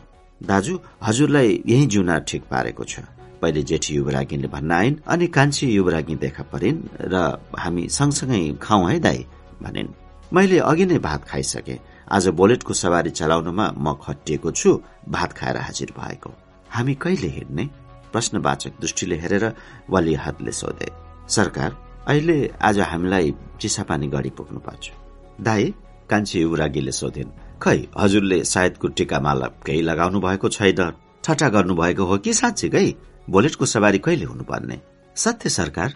जगतले साँच्चा साँच्चीकै मुख लगाएर भने मुख्य जर्नल जगत शमशेर बुबा आफै मनहरा आउनु भएर मलाई यता सरकार कहाँ छिटो खबर गर्न पठाउनु भएको। भेनाज्यू आज जाने सायद छ र? सायद गर्नु पर्दैन। आज युवराजहरूको सवारी चलाएर रात साँझ गरी हप्ता दिनभित्र पत्थरघट्टा पुर्याउनु भन्नु भएको छ सान्नानी बुवाले। उहाँ पनि आइपुग्ने लाग्नु भयो होला। बिजुली गारद यही भित्र आइपुगिसकेको देखेथे। जंग बहादुरले आफू मरेको खबर धीर शमशेर कहाँ पुर्याउनु भन्ने गोप्य आदेश दिएर प्राण छोडेका थिए। फेरि त्यसको अतिरिक्त श्रीतिन बडा महारानी अर्थात मैया महारानी आफ्नो लोग्नेको जीवनको अन्त्य घड़ीसम्म पनि जगत जङलाई श्रीतिनको पहिलो उत्तराधिकारी घोषणा गराउनमा सक्रिय थिइन् तर सती जाने समयमा उनले एकाएक विचार बदलिन् र लोग्नेको इच्छा पूरा होस् भन्ने हेतुले श्रीतिन महाराज जंग बहादुर परलोक भएको दुखद समाचार पत्र एक पत्रवाहकद्वारा धीर शमशेर कहाँ पठाएकी थिइन्। त्यो गोप्य पत्र धीरलाई आज बिहान मात्र प्राप्त भएको थियो। जंगबहादुरको रिक्त स्थानमा कमाण्डर इन चिफ र मुख्तियार रणोदेव सिंहलाई आसीन गराएर उनी श्री तीन महाराज भएको शाही घोषणा गर्नका निम्ति श्री पाँच महाराज अधिराज सुरेन्द्र विक्रम शाहदेवको लाल पञ्जा पत्र प्राप्त गर्नु अनिवार्य भएकोले जगत शमशेर र धीरले आपसमा गोप्य साउती सल्लाह गरे। वलिहद महाराज र नरेन्द्रको उपस्थितिमा रणोदेव सिंहका निम्ति राजाको लाल पत्र प्राप्त गर्ने काम सम्पन्न हुन गाह्रो मात्र होइन कि असम्भव देखियो। त्यसैले जगत शमशेर र धीर शमशेर मिलेर दुवै राजकुमारहरूलाई काठमाडौँ बाहिर पठाउने जाल रचे। यो कुरा रणोदेव सिंह र धीरका छोरालाई बाहेक अरूबाट गोप्य राखिनु पर्यो र खास रणोदेव सिंहकी रानी र जगतजङ लगायत जङ्गबहादुरका कुनै छोरालाई पनि यस विषयमा केही थाहा दिइएको थिएन। यता साहित नगरेर घर छाड्नु श्रीतिनको बिजुली गारद धीर शमशेरका निम्ति दरबारमा आउनु यस्तो विघ्न हतारिएर आफू पत्थरघट्टा जानुपर्ने। आदि असाधारण काम भएकोबाट वलिहतको मनमा धीर र जगत शमशेरको कूटनैतिक चालमाथि शंका पर्यो। श्रीतिनको बिजुली गारद वलिहदले फेरि गम्भीर भएर सोधे धीर शमशेरका निम्ति यहाँ किन आयो बेनाज्यू? श्री तिनको गारद पूर्वतर्फका कमाण्डिङ जनरल धीरका निम्ति किन दरबार आयो? त्यो कुरा जगत जङले पनि राम्ररी बुझेका थिएनन्। त्यसैले वलियाहदलाई झट्ट जवाब दिन सकेनन्। केही बेर पछि उनले जगत जङलाई आफ्नो पूरा विश्वासमा लिएर भने बिनाज्यू मलाई शंका लाग्छ किन हजुरका काकाहरू रणदीप सिंह जगत र धीर शमशेरले मलाई यसरी हतारिएर ससुराका पठाउन खोजेका छन्? यसमा कुनै षड्यन्त्र होला। काकाहरूले कान्छी युवराज्ञी त्यही थिइन् च्वाट्ट बोलिन् किन सरकारको विरूद्ध षड्यन्त्र गर्नुहुन्थ्यो? त्यस्तै कुनै जरुरी काम पर्यो होला?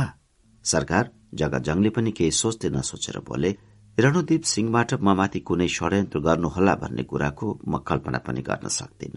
उहाँ मेरो काका भए तापनि बाबु समान हुनुहुन्छ। राजकाजको कुरामा नातालाई पनि विश्वास गर्न सकिँदैन। यसरी हतारिएर बिना सायद घर छोड्नु मलाई ठिक लागेको छैन। म आज जान्न। यही कुरा हजुरले काकाहरूलाई सूचना गरिदिनुहोस्। हस् सरकार। सरकारबाट जसो हुकुम हुन्छ त्यसै गर्छु। त्रैलोक्य र नरेन्द्रको त्यस दिन काठमाडौँ नछोड्ने दृढ निश्चय भयो। दाजुभाइको बीचमा यही विषयमा कुरा चलिरहेको थियो त्यहाँ धीर शमशेरको आगमनको सन्देश आयो। श्री पाँच युवराजा धिराजको जय श्री पाँचको चिरायु होस् श्री पाँच त्रैलोक्यको प्रताप बढोस्। यसरी जय जयकार पुकार्दै धीर शमशेर आइपुगे।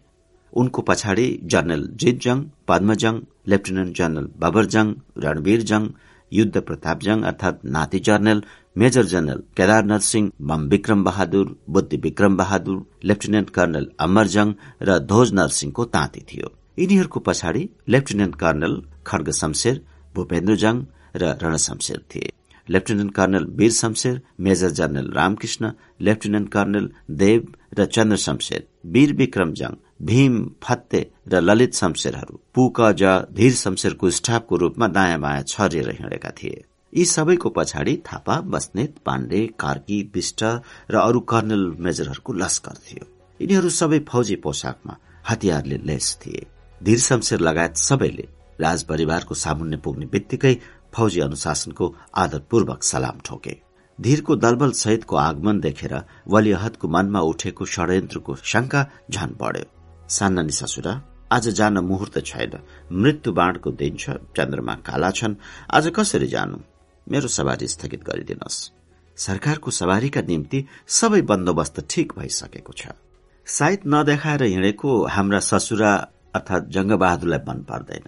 नरेन्द्रले पनि दाईको राय बुझेर बोले नरेन्द्रले हाम्रा ससुरा भनेर जंगबहादुरको संकेत गर्दा धीर शमशेरलाई जंगबहादुरको सम्झना भयो। उनले मृत जंगबहादुरलाई दाईको नाताले मात्र होइन धेरै वर्षको आफ्नो राजनीतिक नेता भएको कारणले पनि छिनछिनमा सम्झिरहेका थिए। कोत पर्व भण्डारखाल पर्व लण्डन यात्रा लखनऊको गदर तिब्बतसितको युद्ध आदिमा सफल हुने प्रेरणा उनलाई जंगबहादुरबाट मिलेको थियो। दाईको मरणमा भाइले विरह व्यक्त गर्न पाएनन्। बाबु र आमा मरेको समाचार छोरालाई सुनाउनु नहुने भयो। ज्वाई र सम्धिलाई थाहा दिएमा व्यत्यास पर्ने देखियो। फेरि जुन व्यक्तिले बत्तीस वर्षसम्म नेपालको शासनको बागडोर हातमा लिएर देश र नरेशको सेवा गरेका थिए त्यही मानिसको मृत्यु भएको समाचार न देशमा प्रचार गर्न भयो न नरेशलाई खबर गर्न पाइयो। यो कुन व्यवस्थाको जंगबहादुरले सिर्जना गरेका थिए? यस व्यवस्थाले उनलाई र उनका परिवारलाई के फाइदा भयो? यस निरंकुश एकतन्त्रीय शासन व्यवस्थाको सट्टा बेलायतको जस्तो कल्याणकारी व्यवस्थाको स्थापना भएको भए के उनको सन्तानको भलो हुने थिएन? यो कस्तो अनौठो समाज जंगबहादुरले छोडेर गए? यी सब विचार्ने कुरा सोच्ने फुर्सद धेरलाई थिएन। उनलाई एकातिर आफ्नो ठूलो परिवारको बोझ थियो अर्कोतिर नयाँ उत्तरदायित्व देखा पर्यो जसले गर्दा उनलाई कामको पहिरोले थिचिसकेको थियो। सरकार आजै सवारी हुनु पर्दछ। उनले छोटकरीमा भनेर मेचमा बस्दै फेरि सकी नसकी बोले नत्र साह्रै नराम्रो हुन्छ। वली अहदको मनमा कुरा खेल्न थाल्यो। उनी उठे अमंगल सूचक सम्भावना देखेर सोच्दै टहलिन लागे। धीर लगायत सबै उठे। निकै समय बित्यो। आज उभिएर समय खेर फाल्ने फुर्सद र जाँगर धीरलाई थिएन। उनले सरकारको विदाई सलामी बज्न लाग्यो। वलिहरलाई भनेर फेरि तलका अफिसरहरूलाई विदाई सलामी बजाउने इशारा गरे। सबै धीरका बहादुरी र फौजमाथिको लोकप्रियता वलिहदलाई राम्ररी ज्ञान भएकोले धीरले यी पल्टनलाई त्यहाँ भेला गराएर वलिहदको मनमा त्रासको छाप पार्न खोजेको पनि वलिहदले बुझे। मगजमा अत्यधिक चतुरता व्यवहारमा प्रबन्ध कुशलता दूरदर्शिता आदि शासनोचित गुण त्रैलोक्यमा थिए। यी सबै गुणले युक्त भए तापनि उनको पक्षमा सैनिक शक्ति थिएन। यसको अभावमा सामन्ती युगमा आदर्शको कुनै महत्व हुँदैन भन्ने कुरा बुद्धिमान वली अहतलाई राम्ररी ज्ञान भयो। बरु पछि धीरको पतन गराएर आफ्नो राजनीतिक उद्देश्य पूरा गर्ने दिन पर्खनका निम्ति त्रैलोक्यले अहिले सहिष्णुता देखाएर पत्थरघट्ट जानु मनासिब देखे। यो उनको ठूलो राजनैतिक दूरदर्शिता थियो। नत्र धीरले वलिहतको विरूद्ध सैन्य कार्यवाही गर्न पनि बाँकी राख्ने थिएनन्। बलपूर्वक राजपुत्रलाई पत्थरघट्टा धपाउने न्यू पाउने थिए। ससुराले मलाई किन भेट्न चाहनु भएछ त्रैलोक्यले धीरलाई सोधेर फेरि मेचमा स्थान लिए। सेतो बाघ घेरामा परेको छ क्यारे वीरले बाबुलाई उछिनेर बोले। यही बाघ सरकारलाई नजर गराउने महाराज बुवा जंगबहादुरको इच्छा होला। सेतो बाघको कुरा सुन्ने बित्तिकै नरेन्द्र पत्थरघट्टा जान उत्सुक भए। जगत जङलाई पनि कौतूहल बढ्यो। भाइ र भिनाजुको मनमा एक्कासी परिवर्तन आएको देखेर पनि त्रैलोक्यलाई धीरको अनुरोध चाँडो स्वीकार गर्न विवश हुनु पर्यो। भाइ हाम्रो नेपालमा राजाले प्रधानमन्त्रीको इशारामा चल्नुपर्ने प्रथा देखेर मलाई साह्रै दिक्क लाग्छ। यो प्रथा हाम्रो ससुराले बसाल्नु भएको हो। तर भिनाजु श्रीतिन हुनु भएपछि यो समस्या त्यसै बिलाएर जान्छ। भिनाजुको आशा गरेर मात्र हाम्रो समस्या सुल्झला जस्तो लाग्दैन। जङ्गी पोसाकको टाँक मिलाउँदै त्रैलोक्यले भने हामीले रैती दुनियाँलाई पनि हातमा लिनु पर्दछ। जङ्गी निजामती कर्मचारीलाई पनि बिर्सन्नुहुन्न भारदारहरू पनि हाम्रै प्रजा हुन्। पत्थर घट्टाबाट फर्केर आएपछि म एउटा कार्यक्रम बनाउँछु। हामीले त्यही बमोजिम साहसिलो काम गर्नु पर्दछ यस्तै कुरा गर्दा गर्दै त्रैलोक्यले जङ्गी पोसाक लगाइसके। बैठकेले उनलाई कल्की पगरी अर्पण गर्यो। म यो पगरी लगाउँदैन।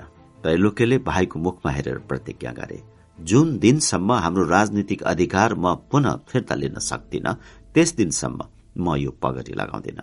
पगरी फिर्ता गयो। दाई भाइ आफ्ना आमा बाबु र पत्नीसित विदाबारी भएर मुडुलाई शिर बाहिर निस्किए जहाँ राजकुमारको प्रतीक्षामा धीर शमशेर लगायत सबै थिए। अंग्रेज राजदूतले वलिहदसित हात मिलाएर यात्राका निम्ति शुभकामना व्यक्त गरे। सरकारको हिरा मोती जडिएको राम्रो श्रीपेच हेर्ने सौभाग्य हामीले पाएनौ। भन्दै राजदूत पत्नीले पनि वलिहदसित हात मिलाइन् र फेरि सोधिन् त्यो अति सुन्दर पगरी किन नपहरी बक्सेको महाराज? मिमको भनाई चन्द्र शमशेरले नेपालीमा उल्था गरिदिए। शिरमा गरौं हुने भएकोले नलगाएको। वलिहदले चन्द्रको मुखमा हेरेर मिमलाई उत्तर दिए। यो कुरा चन्द्रले फेरि अंग्रेजी भाषामा उल्था गरेर अंग्रेज र मिमलाई सुनाए। मिमको सधैँ हाँसिरहने बानी थियो। अहिले पनि हाँस्न थालिन्।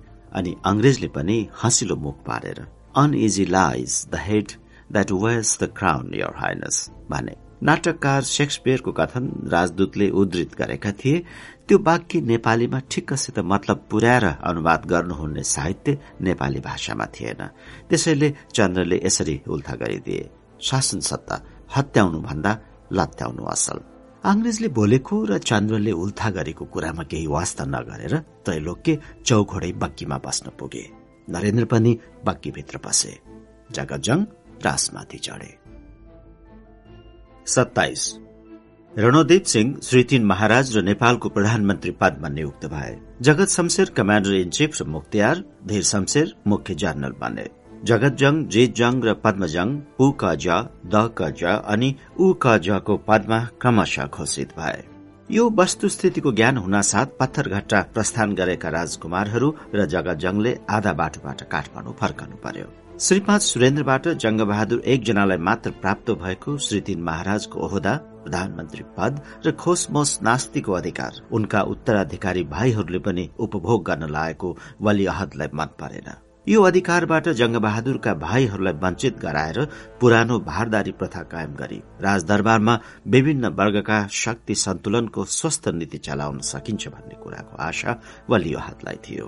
त्यसका निम्ति जगतजङलाई श्री तीन बनाएर वली अहदले आफ्नो उद्देश्य पूरा गर्न खोजेका थिए। त्यो योजना असफल भएकोले परिश्रमी राजपुत्र अर्को योजना तयार पार्न लागे। भाइ तिमीले थापाहरूलाई भेट्यौ? त्रैलोक्यले सोधे बस्नेत र पाण्डेहरूको भनाइ के छ?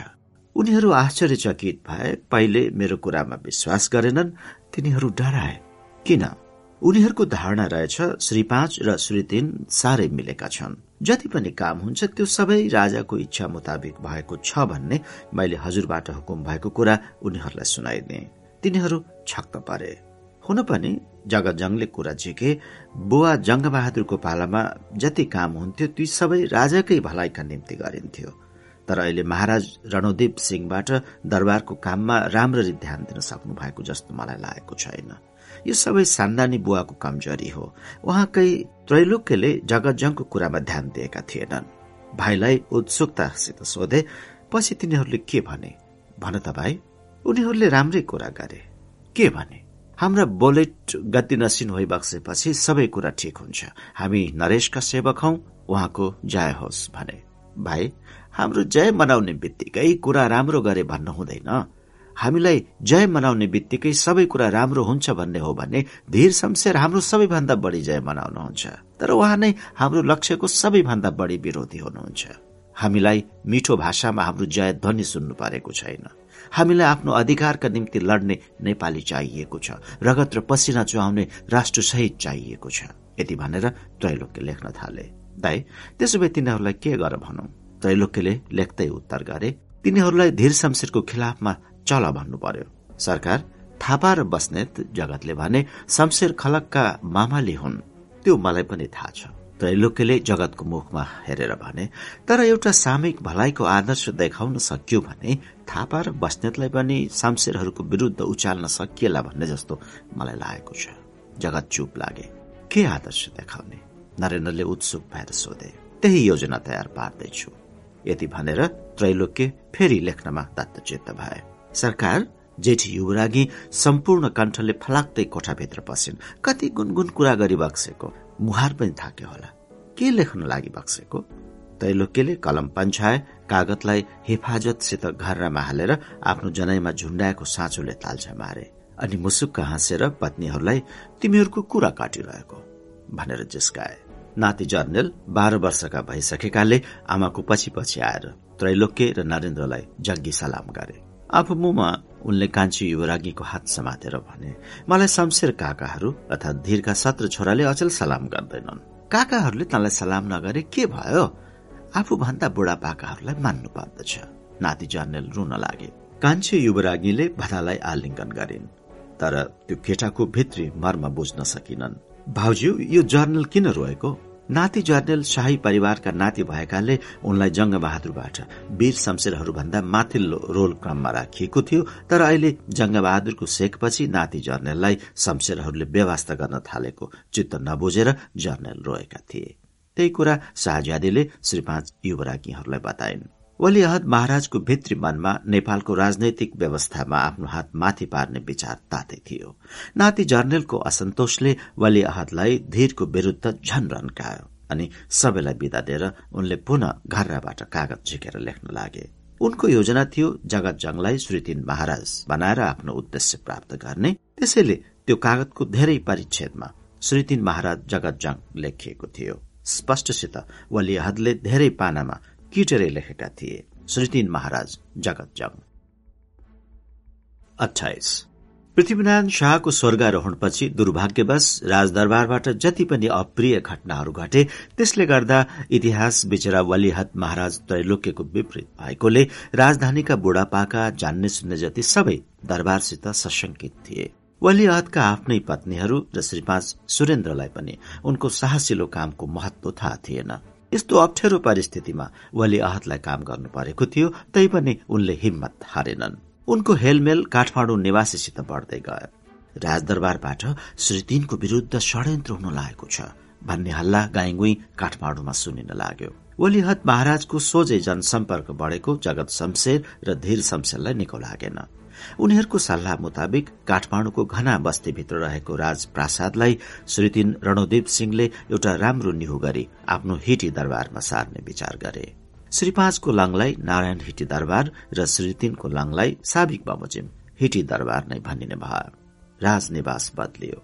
धेरै सम्पद फिरे। वलियहत महाराजको जेठी युवरागीबाट पुत्री सानु शाह र कान्छी युवरागीबाट पुत्र पृथ्वी वीर विक्रम शाहदेव जन्मिए। तर वली अहदको मनोकांक्षा बदलिएन।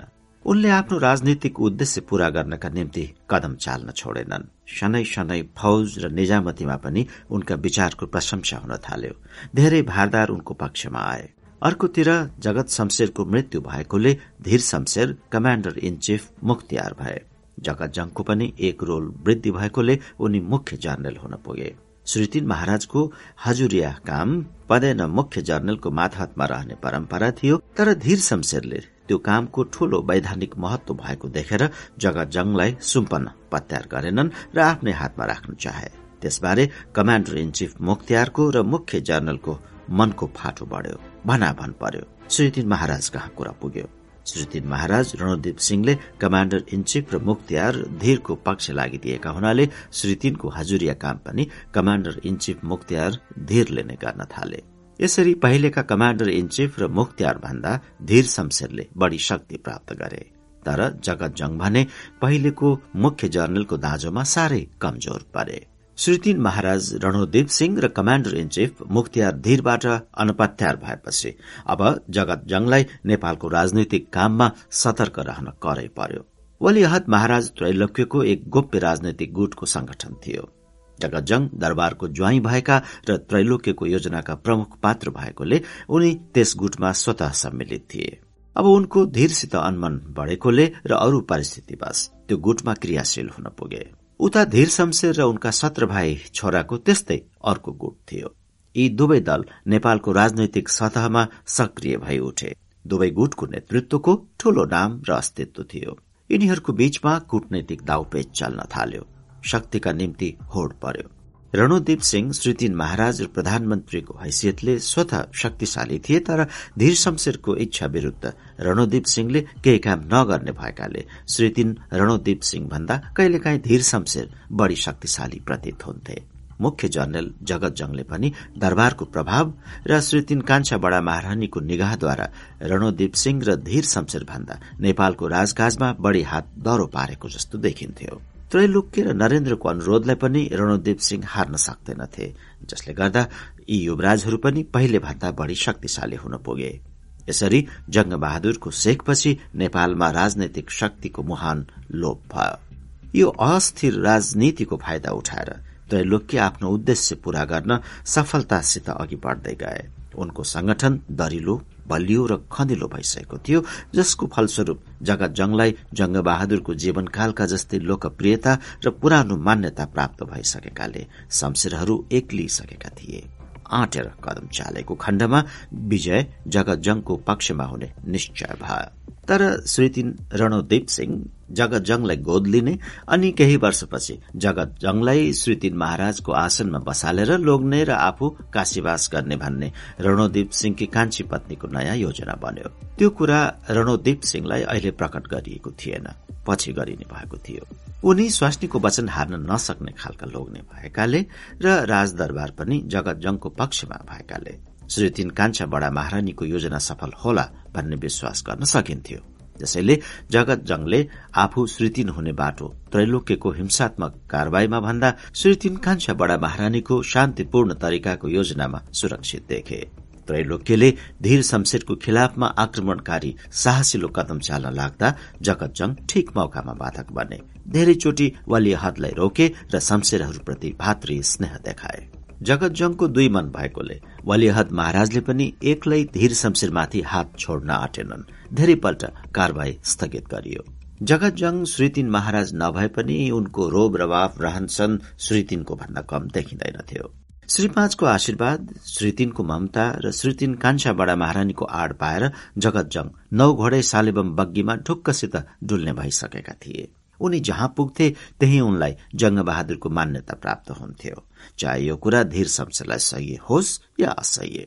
जगत जंगले कोटी होम लगाए सुवर्ण तुला दान गरे पशुपतिमा सुनको ठूलो बसा चढाएर अमरकृति राखे। यस्तो दानी जगत जंगको सामुन्ने कृपण रणोदीप सिंह र गरीब धीर शमशेरको चर्चा नै हुन छाड्यो। सबको मुखमा जगत जंगको प्रशंसा थियो। दिन प्रतिदिन उनी प्रभावशाली हुँदै गए।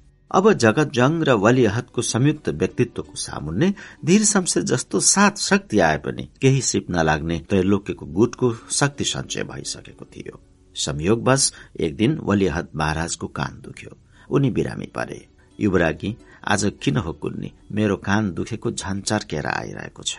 खपी नसक्नु भयो भिनाज्यू र माइला भाइ नरेन्द्रलाई बोलाउन पठाऊ।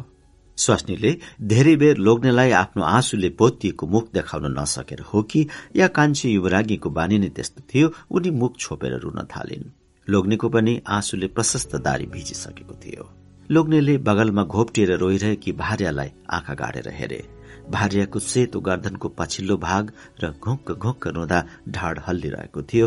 त्यो हल्लिएको शरीरमा हात राखेर वलिहदले बिस्तारै भने कान्छी नरौ अब तिम्रो रुने बेला छैन।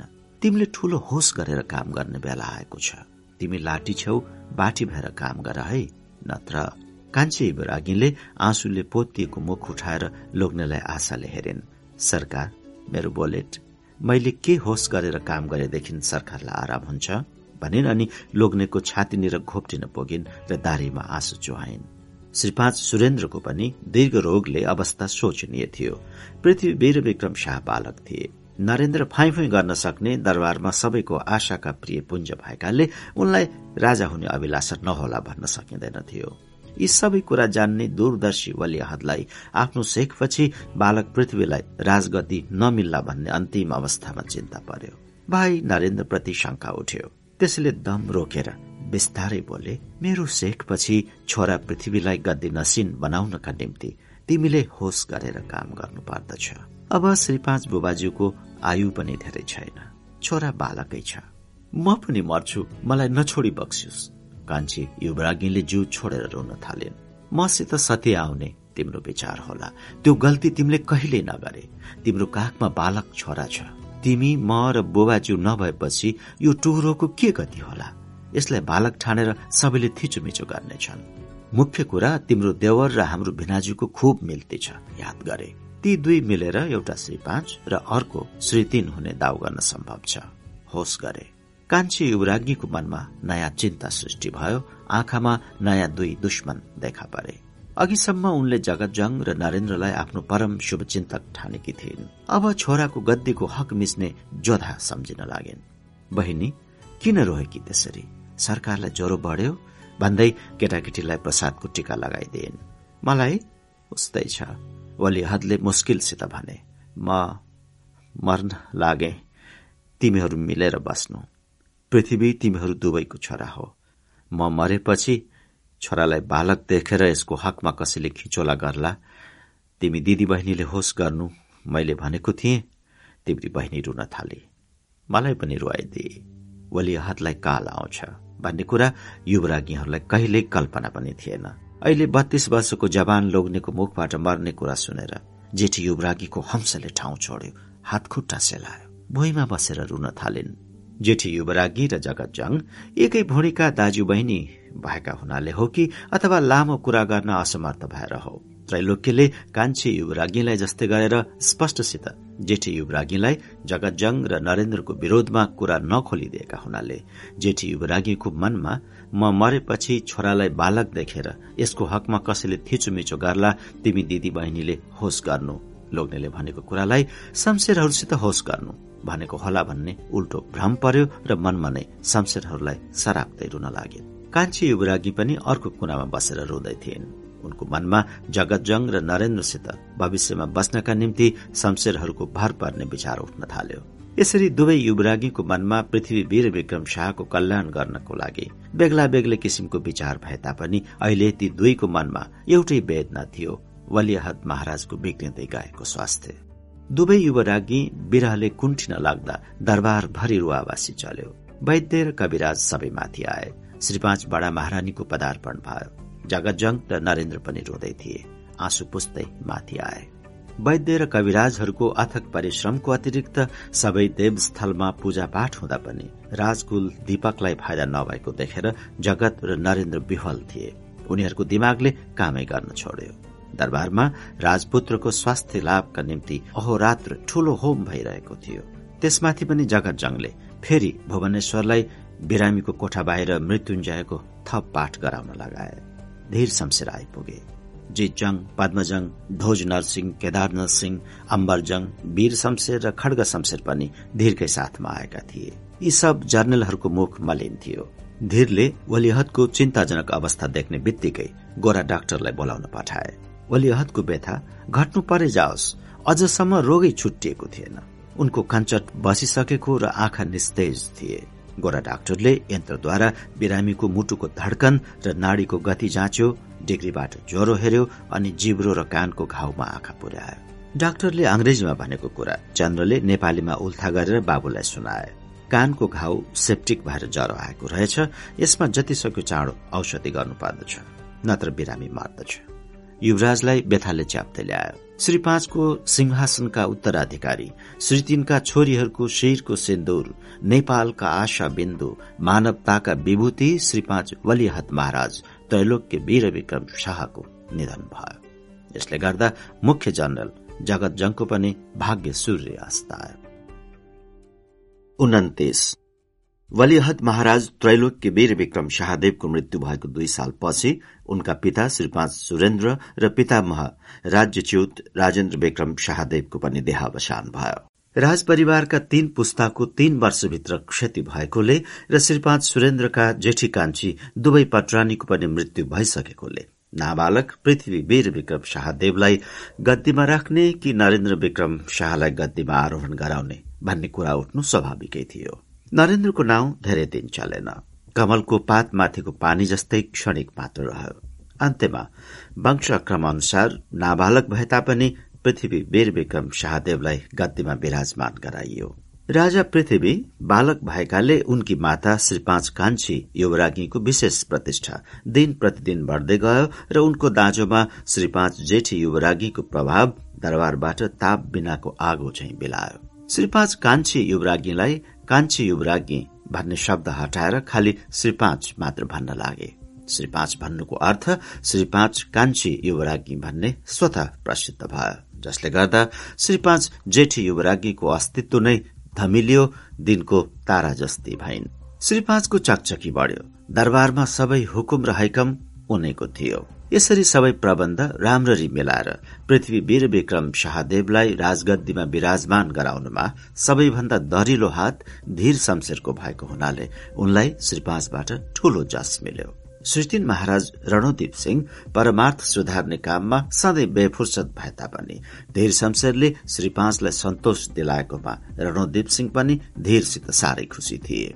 श्री पाँच र श्री तीनको असीम विश्वास प्राप्त गरेकाले राज्यको सम्पूर्ण प्रशासकीय व्यवस्था सम्बन्धी अधिकार कमाण्डर इन चिफ र मुख्तियार धीर शमशेरको हातमा आयो। दिन दिन श्री पाँचको सम्पर्क जगजङ र नरेन्द्रसित भन्दा शमशेरहरूसित घनिष्ठ हुन लाग्यो। राजमाताले नरेन्द्र जगजङ पर र धीर र उनका छोराहरूलाई वर गर्न लागिन्। यसरी शमशेरहरूलाई दरबारले काखी च्यापेको मन नपर्नेहरूले धीरले वली अहदलाई मन्द विष प्रयोग गराएर मराए भन्ने आरोप पनि लगाए। यो धीरको विरूद्ध लगाइएको अपवाद सर्वत्र काने खुशीको विषय हुन पुगेको थियो तर वलियाहदका धर्मपत्नीहरूले यस कुरामा बिल्कुल विश्वास गरेनन्। किनकि गोरा डाक्टर दरबार ल्याइनु अघि वलियाहदको स्वास्थ्य ज्यादै बिग्रिसकेको थियो। उनले आफ्नो मृत्युको सूचना आफ्ना युवराज्ञीहरूलाई पहिले नै दिइसकेका थिए। एक दिन नरेन्द्र राजदरबारमा आएर कान्छी अर्थात श्री पाँच धीर शमशेरले हाम्रा दाई वलिहद महाराजलाई कुफत पारेर मराएको रहेछ। सबै मानिस यही हल्ला गर्छन्। मलाई पनि त्यही शंका लाग्छ। यसमा हजुरको के विचार छ? भने के विचार भन्नु?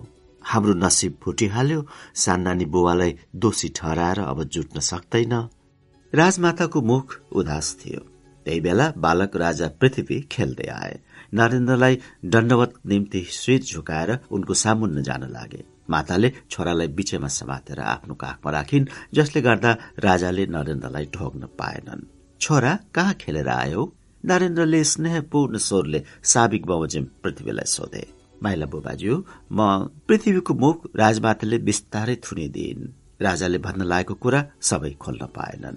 श्री पाँच महाराजाधिराज पृथ्वी वीर विक्रम शाहदेवको आगमनमा नरेन्द्र उठ्नु पर्ने थियो सलाम गर्नु पर्दथ्यो त्यसो नगरेर नरेन्द्रले पृथ्वीलाई भतिजा ठानेर आफन्तको भाइचारा देखाएको श्री पाँचलाई निको लागेन।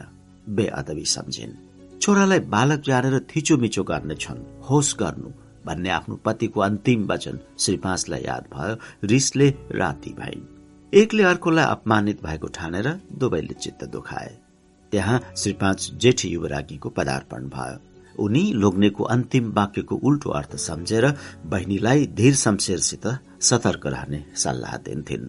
बहिनीका निम्ति लोग्नेको अन्तिम वाक्य विशेष भएकोले दिदी बहिनीको मतभेद थियो। बेमेल बढ्यो अनि ईर्ष्या र द्वेषको बीजारोपण भयो। त्यसैले दिदीलाई देख्ने बित्तिकै राजमाताको मुख झन रातो भयो। उनलाई रिस उठेको बेलामा आँसु आउँथ्यो बोल्न सक्दिनथिन्। एक लवज नबोलेर पूजा कोठामा गइन्। श्री पाँच जेठी युवरागी त्यहाँ पृथ्वीलाई पिपरमेन्ट दिन आएकी थिइन्। अचानक देवर अर्थात नरेन्द्रलाई देखेर बिलाउन गर्न थालिन्। मलाई देवरले पनि माया मार्नुभयो माइती खलक अर्थात जङ खलकले पनि बिर्सिसके। किन काल नआएको होला मलाई? मर्न पाए पनि हुने थियो।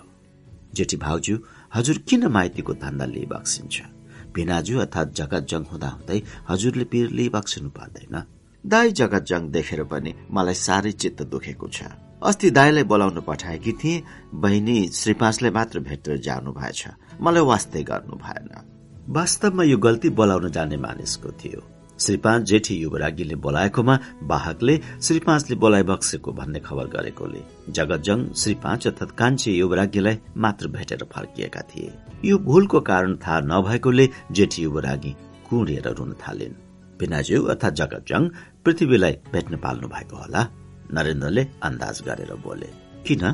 मौका पारेर पृथ्वीको लाल पञ्जा पत्र फुस्काउने उहाँ अर्थात जगतजङको दाउ छ क्यारे? छोरा अर्थात राजा पृथ्वीसित लाल पञ्जा पत्र मै लिइदिन्छु। त्यसको लागि दाईले बहिनी अर्थात श्रीपाँचसित खुसामत गइरहनु पर्दैन। पृथ्वी रात दिन मैसित बस्छ मैसित सुत्छ भनेर जेठी युवरागीले पृथ्वीसित सोधिन् छोरा तिमीले मलाई चाहिएको बेलामा लाल पञ्जा पत्र दिन्दौ श्रीपाँच पृथ्वी पिपरमेन्टको स्वाद लिँदै खेलिरहेका थिए। जेठी आमाको कुरा सुनेर सोधे के लाल पञ्जा पत्ला मनमुमा त्यसको उत्तरमा मनमुमा अर्थात जेठी युवरागीले केही नभनेर अर्कै कुरा सोधिन्। म तिम्री मुमा कि आफू मुमा अर्थात श्रीपाँच तिम्री मुमा? हामी दुईमा तिमी कसको छोरा? भनबा मेरो राजा मेरो महाराज म हजुरको छोरा। जेठी युवरागी सधैँ यही सवाल सोध्थिन् राजाबाट यही उत्तर पाएर साह्रै रमाउँथिन्। अहिले पनि भाउजू देवर दुवै खुसी भए तर सानो शाह त्यही थिइन्। उनी रुन्चे मुख लगाएर बोलिन् हजुर मेरो मुवा भाइको होइन। भाइको मुमा आफू मुमा अर्थात् श्री पाँच हो। छोरी त्यसो भन्नुहुन्छ ऊ राजा हो। नेपालमा सबै मानिस उसका प्रजा हुन्। म पनि उसैको हुँ तिमी पनि उसैको हो। नेपाल अधिराज्यभरि भएका सब चिज उसैका हुन्। ऊ राजगद्दी चढेको छ सिंहासनमा बस्छ। हाम्रो राजा हो। म पनि गद्दी चढ्छु सिंहासनमा बस्छु म पनि राजा हुन्छु भनेर सानो शाह रुन थालिन्। आमाको आँखामा पहिलेदेखि आँसु थियो तापनि अहिले छोरीको अज्ञानता देखेर हाँस्न लागिन्। नरेन्द्रको पनि खितका छुट्यो। देवर भाउजूले हँसिलो मुख पारे। अबोध बालिका गद्दी चढ्ने प्रबल इच्छाले ढिपीका आँसु चुहाउन थालिन्। आमा र काकाले फुलाउन लागे। नरो छोरी चुप लाग। हुन्छ एक दिन तिमीलाई पनि लगेर गद्दी चढाइदिउँला। ल ल चुप लाग। तिमीलाई पनि राजा बनाउला नरो। भनेर जेठी युवरागी र नरेन्द्रले हाँसो गर्दै सानो शाहको आँसु पुस्न लागे। पृथ्वीलाई त्यहाँको रोदन र हाँसोको राम्रो अर्थ लागेन। जिल्ल परेर पिपरमेन्टको स्वाद लिँदै थिए। सरकार सवारी होस् तेलारीको बेला भयो। बुबुधाईले पृथ्वीलाई बोलाउन आए। पृथ्वीको उज्यालो गोरो मुख थियो। सुलुत्त परेको नाक ठूल्ठूला आँखा र मोह पार्ने मूर्ति थियो। त्यत्तिकै उनको अद्वितीय सौन्दर्य थियो त्यस्तै राम्रो शाही चालचलन र मिठो बोली। जाउँ है मनमुवा। जेठी आमाको चिउडो समातेर नेपाल नरेशले सोधे हुन्छ बा मेरो राजा मेरो धेरा जाऊ तेलारिसकेर फेरि म कहाँ आऊ है? अन्त कहीँ पनि नजाऊ। हवस् भनेर फेरि नेपाल नन्दनले नरेन्द्रसित सोधे जाउँ है माइला बुवा हुन्छ बा। जेठी आमा र काकासित सभ्य तरिकाले विदा भएर पृथ्वी तेलारी कोठातिर लागे देवर भाउजू नेपालको राजनीतिक परिस्थितिका विषयमा कुरा गाइरहेका थिए। जगतजङ श्री तीन महाराज हुने सम्भावना बारे अड्कल गीता काट्न थाले। पृथ्वी खेल्दै तेलारी कोठामा पुगे। अजीहरूले उनलाई तेल घस्न लागे। आफू मुवा लाल पन्जा पत्ल भनेको के हो? तिमी केटाकेटीलाई अहिले त्यो कुरा किन बुझ्नु पर्यो? चुप लाग। मनमुमा अर्थात जेठी युवरागी र माहिला बुवा अर्थात नरेन्द्रलाई मेरो लाल पन्जा पत्ल चाहियोले। त्यो के हो? हुकुम होस् न आफू मुवा। श्री पाँच भइन्। छोरा विरूद्ध केही षड्यन्त्र रचिन लागेको कल्पना गरिन्। उनको मुखबाट केही उत्तर निस्कन सकेन। मेरो छोराको पन्जा पत्र लिएर कुनै किर्ते काम गर्न लागेका होलान्। यसलाई अर्थात पृथ्वीलाई राजच्युत गराउने षड्यन्त्र पनि हुन सक्छ। जगतजङ दाईले श्रीतिन बनाउनका निम्ति कान्छी मुवा अर्थात रणोदीप सिंहकी कान्छी पत्नीले रच्न लाग्नु भएको महाजाल पनि यो हुन सक्दछ। उहाँ अर्थात जगतजङ श्री तीन हुनुभयो भने उहाँले आफ्नो एकै भुँडीको भान्जी सानो शाहलाई राजगद्दीमा बसाल्न पनि सम्भव छ। या हाम्रो देवर अर्थात नरेन्द्रलाई राजा बनाउन पनि के बेर? यस्ता अनेक तरहका विचार श्री पाँचको कल्पनामा आउन थाल्यो। त्यो कोठा गर्मीले उसिनिएको थियो झन् यस्ता भयानक विचारले मन पोल्यो र उनको नाक र निधारमा पसिना उम्रियो। अजीले राजालाई तेल खस्दै नाभि स्थानमा तेल चुहाउन थाले। आफू मुवा सानो शाह दिजु गद्दी चल्नेले लाजा हुनेले मेरो ठूलो गद्दी हुन्छ कि दिजुको ठूलो राजमाता फेरि झस्किन्। लोग्नेले मृत्यु शैयामा भनेको वाक्य उनको कानमा अक्षरश बारम्बार गुन्जिन थाल्यो। अजीले राजालाई तेल घसेको चित्त नबुझेर हो कि या होस हराएर हो श्री पाँच आफैले छोरालाई तेल घस्न लागिन् र तेल घस्दै सोधिन् छोरा तिमीलाई यस्तो कुरा कसले सुनाउँछ? तिमीले सानुसा राजा हुने कुरा कहाँ सुन्यौ? अघि मनमुवा र माइला बुवा कुरा गर्न लागि बक्सेको थियो। राजमाताको सातो गयो। मुखको थोक सुक्यो। पसिना पुस्न थाल्यो। राजाको तेल मालिस स्नान र गोदान सकियो। अनि आमा छोरा बैठक कोठामा गए जहाँ नरेन्द्र र जेठी युवरागी आँसु ओसिएको तर रातो भएर फुलेको आँखा लिएर अझै कुरा गरिरहेका थिए। ती दुईलाई देख्ने बित्तिकै राजमातालाई लोग्नेको अन्तिम वचन फेरि याद आयो। त्यही कुरा उनको दिमागमा चक्कर काट्न लाग्यो। रिसले उनको मुख पहिलेदेखि रन्केको थियो। अहिले झन निलो भयो। कान्छी भाउजू नरेन्द्रले आफ्नो र जेठी भाउजूको बीचमा चलिरहेको प्रसंगको सन्दर्भमा बोले हाम्रो भिनाज्यू अर्थात जगजङ श्रीतिन महाराज हुनुभयो भने हामीलाई सुविधा होला। नत्र धीर शमशेरले खेदो गरेर टिक्न दिन लाग्नु भएन। के गर्ने? नरेन्द्रले धीर शमशेरको विरूद्ध हजार चुक्टी लगाए। त्यसमध्ये श्रीपाँच सुरेन्द्रको सन्तानलाई राजगद्दीमा नराखेर उपेन्द्र विक्रम अर्थात सुरेन्द्रका भाइको सन्तानलाई राजगद्दीमा राख्ने धीरको योजना छ भन्ने आरोप पनि थियो। विधवा भएपछि यी दिदी बहिनीको मिजाजमा ठूलो परिवर्तन आयो। दिदी कडा मिजाजकी थिइन् बहिनीको शान्त स्वभाव। अहिले दिदी कोहीसित रिसाउँदिनथिन् बरु चित्त दुखे रुन्थिन्। बहिनी सानो कुरामा पनि जङ्गिहाल्थिन् राजा पृथ्वीको विरूद्ध षड्यन्त्र हुन लागेको हो कि भनेर शंका उपशंका उठाइहाल्थिन्। अहिले पनि वीर शमशेरको विवाह उपेन्द्रकी छोरी धन हजुरीसित भएको हुनाले नरेन्द्रले धीरका विरूद्ध लगाएको आरोप श्री पाँचले सत्य होला भन्ने ठानिन् र झसङ्ग भएर तर्सिन् अनि छोरालाई सुरक्षित राख्नका निम्ति अँगालोमा चाप्न पुगिन्। म मनमुमा अर्थात जेठी युवराज्ञीको छोला भन्दै राजा पृथ्वी आमाको हात पन्छाएर जेठी आमाको काखमा बस्न पुगे। उनलाई जेठी युवराज्ञीले दिने पिपरमेन्टको ठूलो आकर्षण थियो। छोराको तोते बोली र केटाकेटी चाल देखेर राजमाताको रिसले रन्केको मुखमा र शंकाले तर्सिएको वनमा अपझटको परिवर्तन आयो र उनी हाँस्न थालिन्। राजा आफूसित झ्याम्मिएको देखेर जेठी युवराज्ञीले पनि ठूलो गौरव मानिन्। नरेन्द्रलाई पनि खुसी लाग्यो। देवर भाउजू तीनैजना हाँसे। तीस। वलिहद महाराज त्रैलोक्यको इसारा अनुसार जगत जङलाई श्रीतिन महाराज हुन हतारिनु परेको थियो। अब उनलाई त्यसो गर्न कुनै आवश्यक परेन न चाहनै थियो। उनको राजनीतिक दाउपेच हरायो तत्कालै श्रीतिन महाराज हुने आकांक्षा लोप भयो। सिर्फ निजामती अड्डाको काम इमान्दारी पूर्वक सम्हालेर उनी आफ्नो सुखमय दाम्पत्य जीवन व्यतीत गर्न थाले।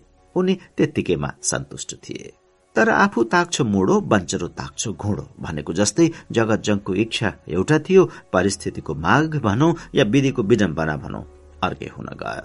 जगत जङको प्रेम विवाह भएको हुनाले ती जोई पोइको साह्रै मिल्ती थियो। उनीहरू एकले अर्कोलाई खुसी तुल्याउनको लागि घरमा अत्यन्त भड्किलो खर्च गर्न लागे। यस्तो भड्किलो खर्चको विरोधमा जङ्ग बहादुरले छोरा बुहारीलाई सधैँ टोकसिरहन्थे। अत बाबुको जीवनकालमा यसो गर्न ती दुई छोरा बुहारीलाई असम्भव थियो। तर अहिले शाहजादीले माइतीको ठिक नकल गरेर आफ्नो घरमा पनि राजदरबारको जस्तो शाही विधि व्यवहार गर्न थालिन्। उनले लोग्नेलाई सरकार र हुकुम भएको भनी सम्बोधन गर्ने भएकोले त्यस कुराको नोकर चाकर र गुरु पुरोहितले पनि अनुकरण गरे। पछि यो सरकार र हुकुम भएको भन्ने राजकीय सम्मान नाति जर्नेलका निम्ति पनि प्रयोग हुन थाल्यो। श्री पाँच महाराजा धिराज र श्री तीन महाराजले मात्र उपभोग गर्न पाउने राजकीय सम्मान सूचक शब्दहरू जगतजङका बाबु छोराले ग्रहण गरेकोले। राजदरबार र मनहरा ढोकामा केही अन्तर देखिएन। धीर शमशेरलाई यो निको लागेन र उनले जगतजङलाई चेतावनी दिनका निम्ति निजामती अड्डा जुन मुख्य जर्नलको हैसियतले जगतजङको हातमा हुनु पर्दथ्यो र थियो पनि त्यो अड्डा खोसेर आफैले लिए। यसरी मुख्य जनरल जगतजङको हातबाट श्री तीनको हजुरिया काम र निजामती अड्डा झिकिएपछि अब उनको हातमा कुनै सरकारी काम रहेन। खाली दर्जा र बाउको ठूलो खानगी मात्र बाँकी थियो। बिना कामको मगज भूतको घर भन्ने उखान जस्तै जगतजङको केही काम नभएकोले उनी अब आफ्नो घर बगैँचा सिँगार्ने काममा लागे। अनि त्यस काममा ती जोइपोइको धुन बस्यो। त्यो मनहरा गृह सिँगारिँदा यत्तिको राम्रो भयो कि त्यो गृहको दाँजोमा श्री पाँच र श्री तीनको निवास स्थान फिक्का देखियो अनि उनको घरलाई मानिसले दरबार भन्न थाले। त्यो घरको स्वत मनहरा दरबार नामकरण भयो। यस्तो राम्रो दरबारको शोभासित मिल्दोजुल्दो गर्नको निम्ति त्यहाँ भित्रका सबै वस्तु खास गरेर सवारीको पनि रवाफ बढ्नु परेकोले जगतजङ बाहिर हावा खान निस्किँदा नौ घोडे सालेबम झण्डावाल बग्गीमा चढेर निस्कन्थे। त्यो नौ घोडे बग्गी उनले राजदरबारबाट शाहजादीको दाइजोमा पाएका थिए। श्री पाँच र श्री तीनले बाहेक अरूले चौघोडे बग्गीमा चढ्ने चलन नभएकोमा झन जगतजङले नौ घोडे झण्डावाल सालेबम बग्गी चढ्न थालेको पनि कमाण्डर इन चिफ र मुख्तियार धीर शमशेरलाई मन परेन। जगतजङका लोग्ने स्वास्नी नौ घोडे बग्गीमा चढेर देव मन्दिरमा दर्शन गर्न जान्थे। ती दुईको शिरमा चमर डोलाएको हुन्थ्यो। शाहजादीको आङमा झिङा बसे चिलाउँथ्यो। मुखमा बसे बान्ता गर्दथिन्। त्यसैले सधैँ चमर हम्कनु उनको जीवनको निम्ति अनिवार्य भएको थियो। तर धीर शमशेरले यी सब कामलाई जगतजङ र शाहजादीको असाधारण अहंकारको प्रदर्शन हो भन्ने ठान्दथे। मुख्य जनरल जगजङ र उनकी पत्नी श्री पाँच शाहजादीको शैलमाथि कमाण्डर इन चिफ र मुख्तियार धीर शमशेर बाधक बन्न थाले घोचपेच गर्न लागे। मुख्य जनरलले चित्त दुखाए कमाण्डर इन चिफ र मुख्तियार रिसाए। ती दुई काका भतिजाको बीच अनबन शुरू भयो। आवत जावत बन्न भयो बोल्न पनि छोडे। एकले अर्कोमाथि नभएको शंका गर्न लागे। धीरको मनमा जगत जङले यी सबै निरर्थक भड्किलो खर्च गरेर मेरो तेजोवध गर्न खोजेको हो भन्ने गलत धारणा पर्यो। त्यस्तै झुटो विचार जगतजङका मनमा पनि धीरको विरूद्ध उठ्यो। सान्दानी बुवा अर्थात धीरले मलाई नेपालबाट धपाएर आफ्नो छोरालाई माथि हिरोल चढाउन न्यु खोज्नु भएको हो। मेरो केही विराम छैन भनेर जगतजङ पिरल लिन थाले। पेज परेको चङ्गा जस्तो भएर कमाण्डर इन चिफ मुख्तार र मुख्य जनरलको चित्त बटारिन थाल्यो। एक जंगलमा दुई सिंह भए झै ती काका भतिजाको गर्जन सुनिन लाग्यो। सुरिथिन रणोदेव सिंह दैनिक राजकाजको झमेलाबाट दिएकाले उनलाई यो गडबडको गम्भीरताबारे केही याद भएन। धीर र जगतजङको मनोमालिन्य झनझन बढ्दै गयो। कान्छा ससुरा अर्थात धीरसित आफ्नो पतिको मन नमिलेको थाहा पाएर शाहजाती जिल्ल परिन्। त्यसको कारण बुझ्न सकिनन् र साह्रै डराइन्। अनि उनले आफ्नो पतिको उल्का दशाग्रह सपार्नको निम्ति धेरै यज्ञादि गर्न थालिन्। यस धार्मिक कार्यले गर्दा जगतजङ दिन दुगुना रात चौगुना लोकप्रिय हुँदै गए। उनको नाम पहिलेदेखि नै उदार र दयालु भनेर प्रसिद्ध थियो तर अहिले चरम सीमामा पुग्यो। उनको नाम खाड्न मानिसलाई संकोच लाग्थ्यो र उनको दर्जाले मात्र उनलाई स्मरण गर्न थाले। मुख्य जर साहेब भन्ने प्रिय नाम सबको मुखमा झुन्डेको थियो। कोही पनि जगतजङ भनेर सोझे नाम काट्दैनथे तर धीर शमशेरलाई जगतजङको धार्मिक कार्य हुन् या शोक शैलका काम हुन् ती सब निष्प्रयोजनका हानिकारक भडक हुन् भन्ने पर्यो। त्यसैले धीर शमशेरले जगतजङको तेजोवध गर्नको लागि फेरि सानो नसिहत दिने उपाय खोज्न लागे। जंगबहादुरको शेखपछि श्रीतिन महाराजको दुई लाख खानगी जागिर जुन जगतजङले खाइपाए आएका थिए अब उपरान्त क्रमशः प्रत्येक श्रीतिन महाराजको अधिकारको वस्तु घोषित गरियो। श्रीतिन रणोदेव सिंह एकमात्र यस्ता श्रीतिन महाराज भए जो राष्ट्रकोषबाट आफ्नो निम्ति पैसा झिक्न पाप सम्झन्थे। यता राष्ट्रकोषबाट पनि पैसा नझिकिने भयो उता श्रीतिन महाराजको खानगी जागिर जगतजङले उडाइहाल्थे बिना खानगी जागिरको श्रीतिन रणोदेव सिंहलाई इज्जत थाम्न मुस्किल परेको हुनाले यो घोषणा गर्नु अत्यन्त आवश्यक थियो। यही कुरा धीरले रणोदेव सिंहलाई सम्झाएका हुनाले जगतजङको मुख मोसियो। यसरी पहिले जगतजङको हातबाट श्री तीन महाराजको हजुरिया काम झेकियो त्यसपछि निजामती अट्टा खोसियो अनि बाबुको उत्तराधिकारीको हैसियतले पाउने गरेको दुई लाखको खानगी जागिरबाट वञ्चित हुनु पर्यो। यो कारवाहीले गर्दा धीर शमशेरसित जगतजङ साह्रै क्रुद्ध भए चित्त दुखाए आफ्नो मरेतुल्य अपमान भएको ठाने। यसरी परिस्थितिले जगतजङ र नरेन्द्रलाई धीर शमशेरको विरूद्ध फेरि संगठित हुन आह्वान गर्यो। वलिहद महाराज त्रैलोक्यले धीर शमशेरको विरोधमा बनाएको गोप्य संगठन जुन अहिले प्राय छिन्न भिन्न भइसकेको थियो पुनः त्यसलाई आधार बनाएर जगतजङले रिसको झोकमा धीर शमशेरलाई ललकार्न प्रयत्न गरे। एक दिन नरेन्द्रले आफ्नो गुटका मानिसहरूलाई भेला गराएर जगतजङलाई पनि डाके। साला भिना र त्यहाँ उपस्थित भएका सब मानिसले धीर शमशेरको कुरा काटिरहेका थिए। फेरि त्यस्ताक धीर शमशेरले विष प्रयोग गराएर वलिहद महाराजको मृत्यु भएको हो भन्ने चर्चाले उग्र रूप लिएको थियो। त्यस विषयमा पनि जगतजङ र नरेन्द्रले छलफल गर्न लागे। त्यही बेला भर्याङमा जुत्ताको आवाज आयो। गुटका सबै मानिसले त्यता दृष्टि दिए। झ्यालबाट सिपाहीहरू एक्कासी भित्र पसेका देखे। भर्याङबाट पनि एक हुल सिपाही माथि आए। सबको हातमा थियो बन्दुक पिस्तोल खुकुरी तरबार भाला र खुँडा ती हतियारधारीहरूले मुख्य जनरल जगतजङ र माहिला साहेबज्यू नरेन्द्र विक्रमलाई समाते अनि त्यस घरमा खान तलासी गरेर सबै कागज पत्र बोके। त्यो गुटका मानिसहरूको बिचल्ली पर्यो। कोही झालबाट हाम फाले कोही छानाबाट उम्के कोही भर्याङबाट कुले लम ठोके। त्यहाँ सबैको भागा भाग पर्यो। दुईजना स्वास्नी मानिसको ठूलो फरियाभित्र लुकेर सुरक्षित भए। यो खबर काठमाडौँ उपत्यकाभरि एकैछिनमा फैलियो। सहर निवासीहरू डरले त्राही त्राही भए। धीर शमशेरले वलिहद महाराजलाई मन्द विष प्रयोग गराएर डाक्टरद्वारा मराए भन्ने घर घरमा चलिरहेको निन्दात्मक चर्चा एकदम बन्द भयो। सबैले धीर शमशेरको गुणगान गर्न थाले। उनले तिब्बतमा गरेका बहादुरीको घर घरमा प्रशंसा हुन लाग्यो। सिपाही र पुलिसले त्यस गुटमा लागेका मानिसहरूलाई चारैतिर खोजे। समाते। सबैले सरकारबाट इनाम पाउने लोभमा लागेर। पुलिस र सिपाहीलाई मदत गरे त्यो गुटमा लागेकाहरू पक्राउन थाले। एकले अर्कोलाई बोल्न लाग्यो। बाबुको छोरा शत्रु भए। स्वास्नीले लोग्नेलाई थानामा पुर्याएर पनि पैसा कमाए। त्रैलोक्यको पालामा बनेको गोप्य योजनाका कागज पत्र सबै केशर र भोलाले धीर शमशेर कहाँ प्रस्तुत गरेर आफू निर्दोष साबित भए। पछि फेरि ती दुईले ती सबै कागज पत्र नरेन्द्र र जगत जङले हालसालै बनाएका हुन् भन्ने झुटा बयान दिएर धीरका सच्चा साखुल्य हुन पुगिसकेका थिए। जगत र नरेन्द्रलाई विद्रोह गरेको अभियोगमा श्रीतिन महाराज रणोदीप सिंहको लङपट्टि हिटी दरबारको तल्लो चोकमा उभ्याइयो। त्यहाँ अरू डेढ सय अपराधीलाई पनि संगीनको घेराभित्र उपस्थित गराइसकेका थिए। चोकको पेटीमाथि लहर मिलाएर राखिएको मेचमा पूर्वतर्फका कमाण्डिङ जनरल जितजङ दक्षिणतर्फका commanding general Padmajang उत्तरतर्फका commanding general Ranvir Jang lieutenant general Yuddha Pratap Jang अर्थात नाति general major general Kedarnath Singh. Major Bam Bikram Bahadur, major Buddhi Bikram Bahadur lieutenant colonel Bir Shamsher, लेख अम्बरजङ लेख ध्वज नरसिंह मेजर रामकृष्ण, लेख खड्ग शमशेर, लेख भूपेन्द्र जङ लेख रण शमशेर, देव शमशेर, चंद्र शमशेर, वीर विक्रम जङ भीम शमशेर फत्ते शमशेर, ललित शमशेर र अरू सबै रोल क्रममा चढेका रोलवालाहरू बसेका थिए।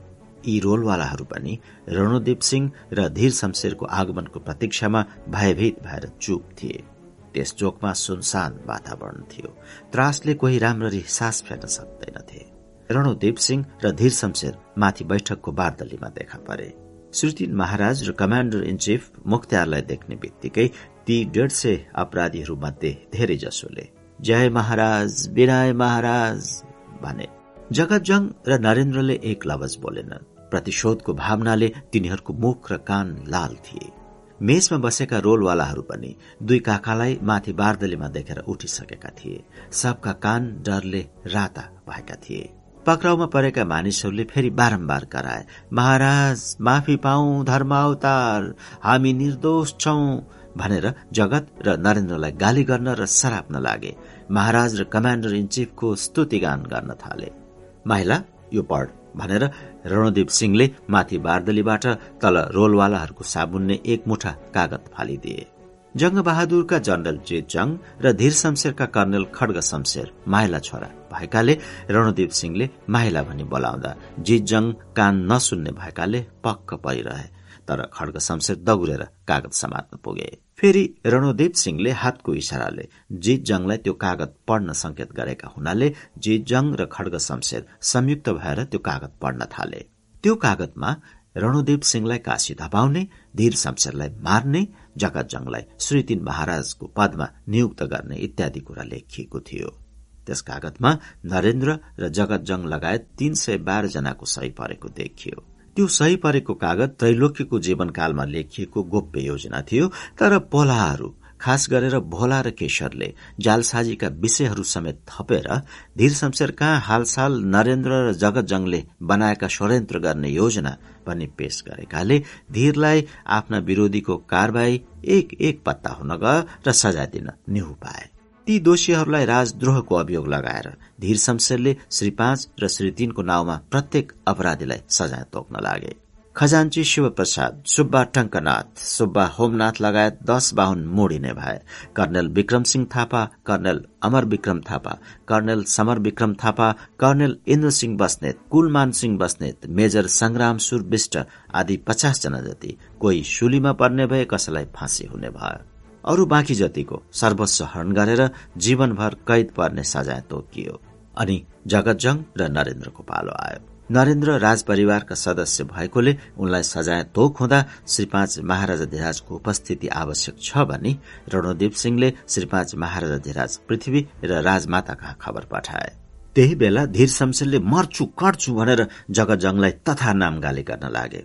त्रैलोक्यलाई विष प्रयोग गर्यो भने आफूलाई आरोप लगाउन खोज्यो भनेर पनि धीरले जगतजङलाई बेसरी छापारे श्री तीन महाराज हुने रोल क्रमको तेस्रो व्यक्ति र राजपरिवारको एउटा प्रमुख सदस्यलाई यसरी अभियुक्तको रूपमा उभ्याएपछि उनीहरूलाई लुते कुकुर जस्तो भएर बाँच्नु भन्दा स्वभावत मर्न निको लाग्यो र जगतजङ धीरसित धम्किएनन्। नरेन्द्रको पनि उही शान थियो। जेठा रणोदीप सिंहले जगतजङलाई सम्झाउने उद्देश्यले भने तँलाई के पुगेको थिएन र यस्तो उल्लु काममा हात हालिस सन्नानी बुवा अर्थात धीरसित माफी माग। जगत कसैसित माफी माग्न तयार थिएनन्। न त्यहाँ पेश गरिएको कागत लेख्ने दोषी स्वर्गवासी त्रैलोक्यलाई देखाएर उनी उम्कन चाहन्थे। आफ्ना बाबु श्री तीन र ससुरा श्री पाँचको लामो शासनकालमा उनले कार्यपालिका र न्यायपालिका छुट्याएर इन्साफको स्वतन्त्र व्यवस्था स्थापित गरेका भए आज यसरी आफ्ना विरूद्ध कमाण्डर इन चिफ मुख्तियारले न्यायाधीशको काम गर्न पाउने थिएनन् भन्ने कुराको पश्चाताप उनलाई भयो। तर बितेको दिनलाई स्मरण गरेर मात्र पनि उनलाई अहिले कुनै लाभ थिएन। त्यसैले उनी काकाहरूसित बाजेर मुखको तितो फाल्न तयार परे। माफी मैले किन माग्ने? माथि हेरेर उनले कड्केर भने सरकारले मसित माफी माग्नु पर्दछ। सरकार अपराधी हुनुहुन्छ। पापदेखि रणोदीप सिंह साह्रै तर्सन्थे। त्यसैले तुरन्त सवाल गरे म कसरी अपराधी? त्यो कागतको सही तेरो होइन? हो त्यो सबै योजना मैले रचेको हुँ। रिसको झोकमा जगतले नभएको कुरा पनि सकारे अझ बोल्छस्? धीरले चड्का स्वरले हप्काउन थाले। तँलाई सुवर्ण तुलादान गर्नुपर्ने। के त नेपालको राजा होस्? नौ घोडै बग्गी चढ्नु पर्ने तँलाई लाज लाग्दैन? यहाँ महाराजबाट तुलादान गर्न बक्सेको छैन। श्री पाँचहरूबाट इच्छा गरिबक्सेको कति वर्ष भइसक्यो। हामी त्यसको व्यवस्था मिलाउन सकेका छैनौं। तँलाई ठूलो मानिस भएर सुवर्ण तुलादान गर्नुपर्ने। तेरो सम्पत्ति छ भन्दैमा हामी तँसित डराउँछौ। उल्लु पाजी! धर्म गर्नु श्रद्धाको कुरा हो। यसमा ठूलो सानोको सवाल आउँदैन। अच्छा मुख लाग्छस्। जिब्रो थुतिदिउ। क्रोधान्त भएर धीरले हकारे। जिब्रो नभए पनि म सान गरेर हजुरहरूले गर्नुभएको अन्याय प्रकट गर्नेछु। मार्नुभयो भने पनि मेरो निरपराध आत्माले सधैँ सराप्नेछ। जेठा महाराजले शान्त स्वरले सोधे तैले हामीलाई मार्न योजना बनाएको स्वीकार गर्छस् फेरि निरपराध छु भन्छस् यसको के अर्थ हो? शास्त्र अनुसार जगतले सम्हालेर मनको साँचो कुरा भन्न खोजे मैले अपराध गरेको छैन अन्याय परेको सहन नसकेर मैले हजुरहरूको कुरा काटेर विरोध गर्न खोजेको थिएँ। त्यति सानो कुरामा सान्नानी बुवाले हामीलाई यत्रो बेइज्जती गर्नुभयो। जाली कागत पेश गरेर मलाई अपराधी ठहराउनु खोज्नु भएको छ। मलाई मान्नुहोस् म मर्न चाहन्छु। भोलि ईश्वरको अदालतमा यसको इन्साफ होला। महाराज रणोदीप सिंहका सबैभन्दा मन परेका भतिजा भएकाले उनको आन्तरिक अभिलाषा थियो जगत जङलाई यस मुद्दाबाट सफाई दिएर उम्काउने तर धीर शमशेर जगत जङलाई अलिकति सजाय तोकेर नसिहत दिन चाहन्थे। यस मुद्दामा महाराज र मुख्तियारको राय बाजला जस्तो परिस्थिति पनि देखियो। दाई सफाई दिन तत्पर थिए भाइ सानो सजाय तोक्न उत्सुक। तर कमाण्डर इन चिफ मुख्तियार धीर शमशेरको व्यक्तित्वको सामुन्ने। महाराज रणोदेव सिंह निस्तेज थिए। त्यसैले महाराजले धीरमाथि दबाव दिएर त्यहाँ पेश गरिएको कागज जाली हो कि सत्य हो भनेर हेर्न सकेनन्। त्यसैले जगतजङलाई सम्झाउने काममा लागे। जगतजङ उनले सानो स्वरले भने हामीले तँलाई के अन्याय गर्यौं चित्त नबुझेको कुरा तेरो सान्नानी बुवालाई राम्ररी भन्। उसलाई चित्त बुझोस्। म तँलाई माफी दिन्छु। तैले हामीलाई नटेरे पनि सान्नानी र मैले तेरो बाबुको गुण बिर्सेका छैनौ। सरकार त्यसलाई बाबु काखामाथि श्रद्धा भए पो यस्तो कुरा सम्झाउनु। धीरले फेरि रन्केर बोले यो उल्लु बाउले बसालेको थिति टोड्न जन्मेको हो कुलाङ्गार हो। बुवाले श्रीतिनको जागिर खानगी मलाई खानु भनेर तामा पत्र गरिदिनु भएको हजुरहरूले खोज्नुभयो। उहाँले बसाल्नु भएको थिति मैले तोडे कि हजुरले तोड्नु भयो तैले बाटोमा असर्फी छरेर हिँड्न थालेपछि धीरले कड्केर जवाब दिए हामीले तेरो त्यो बाउलठीलाई रोक्ने कि तमासा हेरिरहने? त्यसैले तेरो त्यो खानगी खोज्नु परेको हो। तैले खान नपाउलास्। तँलाई दुःख पर्ला भनेर तेरो बाउले श्रीतिनको जागिर तँलाई दिएर गएको हो। नचाहिँदो भडक गर्नलाई होइन फेरि रणदीपले शान्त स्वरले कुरा थपे हामी दुई काकाको सेखपछि त श्रीतिन महाराज भइहाल्छस् अनि त्यो जागिर तेरो हात परिहाल्छ। त किन हडबडाइस? ऐनमा दोहोरो जागिर दिन नहुने व्यवस्था मिलाउनु परेकोले यो नयाँ प्रबन्ध मिलाएका हौ। धीरले जगत जङलाई जङ्गी जवाब गरेका थिए रणोदीपले अदालती कुरा घुमाए। तर धीर र रणोदीप दुवैजना जगत जङलाई श्री तीन महाराजको जागिर खानगी नदिनमा एकमत भएको प्रश्न बुझियो।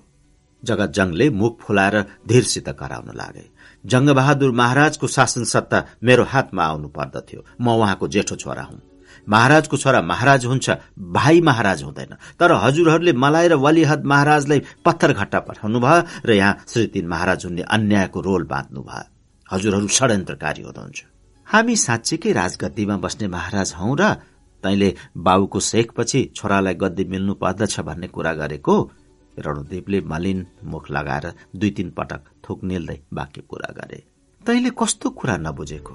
श्री पाँच महाराजा धिराजबाट जसलाई निगाह हुन्छ उही श्री तीन हुने अधिकार राख्दछ। सरकार झुट्टा महाराज हुनुहुन्छ भन्ने कुरामा म कसरी विश्वास गरौं?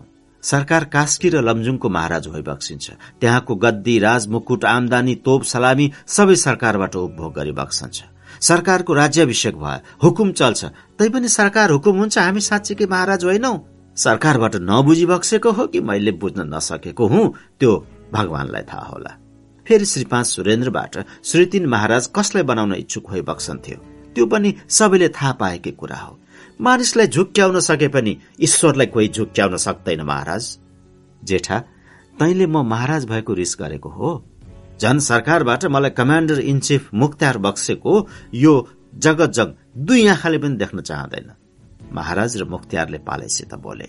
श्री पाँच सुरेन्द्रबाट जगत जङले रिसमा रन्केर धीरलाई औल्याउँदै बोले मलाई बुवा अर्थात जङ्ग बहादुरको शेखपछि श्री तीन हुने रोल दिन खोजी बक्सेको थियो। त्यस्तै प्रबल इच्छा थियो वली हद महाराजको पनि। श्री पाँच बडा महारानीहरू र तमाम दरबारले मलाई श्री तीन भएको देख्न चाहन्थे। भारदार गुरु पुरोहित सन्त महन्त जङ्गी निजामती कर्मचारीको यही कामना थियो। तर हजुरहरूले राजा प्रजाको इच्छा विपरीत आफू श्री तीन महाराज हुन सफल हुनुभयो। मैले कहिले विरोध गरिन न कहिले रिस देखाए। यो गुणको बदला मैले पाउनुपर्ने श्रीतिनको हजुरिया कामबाट म वञ्चित हुनु पर्यो जङ्गी अड्डा खोसियो मेरो खानगी लुटियो। अनि मैले बाध्य भएर हजुरहरूको आलोचना गर्नु परेको हो। कुनै षड्यन्त्र गरेको छैन। षड्यन्त्रको गुरु नै हजुर हुनुहुन्छ। हामीले कुनै षड्यन्त्र रचेका छैनौं। तेरो बाबुले बसालेको रोल क्रम यही हो। रणोदेव सिंह ज्यादा धार्मिक मनोवृत्तिका भएकाले राजघाट छाडेर परमार्थ सुधार्ने काममा लाग्ने उनको विचार थियो। यिनै भाइ भतिजाका निम्ति उनी राजकाजमा अल्छेका थिए। अहिले जगतजङको मुखबाट षड्यन्त्रको सत्य आरोप सुनेर उनी खिन्न भए। अँध्यारो मुख लगाएर त्यति बोले अनि मेचमा थचक्क बसे। तर धीरले जगतलाई तथा नाम गाली गर्न लागे। जगतले पनि मुख छोडे। काका भतिजाको नराम्रो भनाभन भयो। वलिअहद महाराजलाई धीरले विष प्रयोग गरी मराएको अभियोग पनि जगत जङको मुखबाट निस्कियो। धीरले पनि जगतलाई इसक परी केटीको बात लगाए। काका भतिजा साह्रै निम्न स्तरमा पुगेर बाँच्न थाले। त्यहाँको परिस्थिति अनुसार अब जगत जङलाई ठूलो सजाय हुने स्पष्ट देखियो। श्री तीन महाराज भुइँमा हेरेर आँसु पुस्न लागे। तल बसेका रोलवाला भतिजाहरूको थुप्रोबाट नाति जर्नेल र देव शमशेरले रुँदै टाँको छोडे। धीर र जगतजङको अझ भनाभन परिरहेको थियो। पहिले धीरले जगतजङलाई नसिहतका निम्ति सानो सजाय मात्र दिन खोजेका थिए तर अब कुरो चड्केकोले जगतजङलाई यस मुद्दामा गाडेर सदाको लागि मिटाउन अघि सरे। त बहुला श्रीतिन महाराज भएको भए धीरले सातो लिने स्वरले सोधे तेरो शेखपछि श्रीतिन हुने को नि? ए उल्लु बदमास मेरो छोरा महाराजको शेखपछि छोरा महाराज हुन्छ भाइ हुँदैन। बहुलाको देशमा मात्र भाइ महाराज हुन्छ। उल्लुले मात्र महाराजको गद्दीमा भाइलाई उत्तराधिकारी रोज्छ। बदमासले मात्र त्यसो गर्छ। आदि आदि। जित जङ झस्के। तल चोकमा भएका उनका कुनै भाइलाई पनि जगत जङको तर्क चित्त बुझेन। भाइमा रोल क्रम नगएर छोरामा रोल क्रम जाने कुराको स्वत सबै भाइ विरोधी थिए। तिनीहरूले तलबाट कराएर महाराज जगत जङ दाईलाई सजाय बक्सिनु पर्दछ। भने। सबै रोलक्रममा भएका भाइहरूले धीर शमशेरको पक्ष लागेर जगत जङलाई घोजपेच गर्न लागे। नाति जर्नेलले पनि रोलवालाको हैसियतले बाबुलाई सजाय हुनुपर्छ भन्ने प्रस्तावमा रुँदै स्वर मिलाउन बाध्य हुनु पर्यो सबै भाइ छोराले आफूलाई सजाय गर्न तम्सिएको देखेर जगत जङको शिर निहुरियो। केही बोल्न सकेनन्। श्री पाँच महाराजा धिराज पृथ्वी आइपुगे साथमा श्री पाँच राजमाता पनि थिइन्। राजालाई सिंहासनमा विराजमान गराएर चमर पंखा हम्किन शुरू भयो। उनको कद सानो भए तापनि ठूलो सिंहासनमा बसे अनि उनलाई सुहाउने सानै झल्लरे छाता पनि ओढाइयो। राजमाता अन्तपुरमा छेकिएर बसिन्। सान्नानी बुवा किन बोलाउनु भएको श्री पाँचले हातको इशाराले धीरलाई सोधिन्। उनी पनि त्यहाँको भयंकर परिस्थिति देखेर हडबडाएकी थिइन् राम्ररी बोल्न सकिनन्। सरकार जगतजङ बदमास र नरेन्द्र विक्रम साहेबज्यू मिलेर महाराजा धिराजको गाथ गत्ती ताक्न लागेका रहेछन्। नरेन्द्र विक्रम आफै गत्ती चढ्ने रे। दाई अर्थात रणदीप र मेरो हत्या गरेर जगतजङ श्रीतीन हुने रे। यी बदमासहरूको कालो करतुतका सबै प्रमाण फेला पारिसकेको छु। राजमातालाई आफ्नो पतिको अन्तिम कथन याद आयो। आँखाभरि आँसु पारिन् र रुन थालिन्। राजमाताको आँसु देवर र दाईमाथिको दया होला भन्ने धीर शमशेरको मनमा पर्यो। महाराज रणोदीप सिंह नरेन्द्र जगतजङ र अरू सबैलाई पनि त्यही आशा थियो। त्यसैले धीर नडराए तापनि गम्भीर भए। निकै हडबडाए। त्यहाँ एकछिन स्तब्धता छायो। श्री पाँच निकै बेर रोइन्। तर उनी विहल भएको कारण देवर र दाईप्रति स्नेह उठेर होइन। आफ्नो छोरा पृथ्वीमाथि आफ्नै दाई र देवर शत्रु लागेको सुनेर रोएकी थिइन्। आँसु पुस्दै भनिन् अब के गर्ने? कमान्डर इन चिफ बुवा नाता भयो भनेर राजकाजमा काम चल्दैन सरकार। महाराजा धिराजको गाथ गद्दी ताक्नेहरूलाई त्यसै छोड्न सक्दिन। सरकारबाट जसो हुकुम हुन्छ म तिनीहरूलाई सजाय गर्छु। मैले के गर्नु पर्यो? यी राजद्रोहीलाई सजाय बक्सनु पर्यो। हुन्छ। महाराज रणोदीप सिंहले मनमा श्री पाँचले आफ्नो देवर र दाईको पक्ष लिएर धीरलाई सम्झाउलिन् भन्ने आशा लिएर श्री पाँचलाई त्यहाँ उपस्थित गराएका थिए तर श्री पाँचले त्यसो गरिनन्। झन उल्टो जगतजङ र नरेन्द्रलाई सजाय दिनका निम्ति सजिलैसित स्वीकृति प्रदान गरिन्। यो देखेर महाराज रणोदीप सिंह जिल्ल परे। मनमा नै दुखित भए तर कमाण्डर इन चिफ मुख्तियारलाई के खोज्छस् काना? आँखा भनेको जस्तो सजिलो भयो। साहेबज्यू नरेन्द्र विक्रम शाह र मुख्य general senior commanding general Jagatjang राणालाई आजीवन कारावासको सजाय तोकियो कमाण्डर इन चीफ मुख्तियार धीर शमशेरको मृत्युपछि श्री तीन महाराज रणोदेव सिंहले जगतजङ र नरेन्द्रलाई तुरन्त भारतको इलाहाबाद जेलबाट मुक्त गराएर काठमाडौँमा झिकाए। धीर शमशेरको रिक्त स्थानमा जगतजङलाई कमाण्डर इन चीफ मुख्तियारी दिन लाग्यो भनेर त्यसबेला बाहलीमा भएका मुख्य जनरल जीत जङले ईर्ष्या गर्लान् भन्ने शंका हटाउनका निम्ति श्रीतिन महाराज रणोदीप सिंहले जीत जङलाई एक रोल बढ़ाएर कमाण्डर इन चीफ मुख्तियारमा नियुक्त गरिसकेका थिए। जसले गर्दा अब जगतजङलाई नेपाल बोलाइएकोमा कुनै भतिजाले पनि महाराजको सोझे विरोध गर्ने बाटो भएन। बरु रोल क्रममा भाइ जिजङ कमाण्डर इन चिफ मुख्तियार भइसकेकोले दाई जगतजङका निम्ति रोल क्रममा कुनै स्थान खाली नभएकोले राजधानीमा उनको उपस्थिति एउटा महान समस्याको रूपमा खड़ा हुने देखियो। सबै बुजुर्ग जिल्ल परे तर महाराज रणोदीप सिंह जिल्लिएका थिएनन्। उनको सोझो मनमा आफू काशीवास जाने अनि आफ्नो रिक्त स्थानमा जगतजङलाई श्रीतिन महाराज बनाएर रोल क्रमको समस्या सजिलैसित समाधान गर्ने अभिलाषा थियो। जगतजङ निकट भविष्यमा श्रीतिन महाराज हुन्छन् भन्ने हल्ला चलेकोले नरेन्द्र र जगतजङलाई सारा भारदार साउ महाजन सन्त महन्त बुजुर्ग र भलादमी कहलाइएकाहरूले सिन्दुर यात्रा गर्दै घरभित्र आए। ती सब भलादमीले शमशेरहरूलाई काट्नुपर्छ मार्नुपर्छ बदला लिनुपर्छ। सत्र भाइ शमशेरको एकै चिहान पार्ने ती बदमास हुन् राक्षस हुन् भनेर जगतजङलाई उकासे। मेरो मुख्य जर साहेब मेरो अधिराज कुमार कठै भनेर बाटोमा जगतजङ र नरेन्द्रको सामुन्ने आँसु चुहाउन जानेहरूको ताते थियो। सरकारको उदयमा हामीले खान लाउन पाउनु पर्दछ। हजारौं व्यक्ति भन्न आए।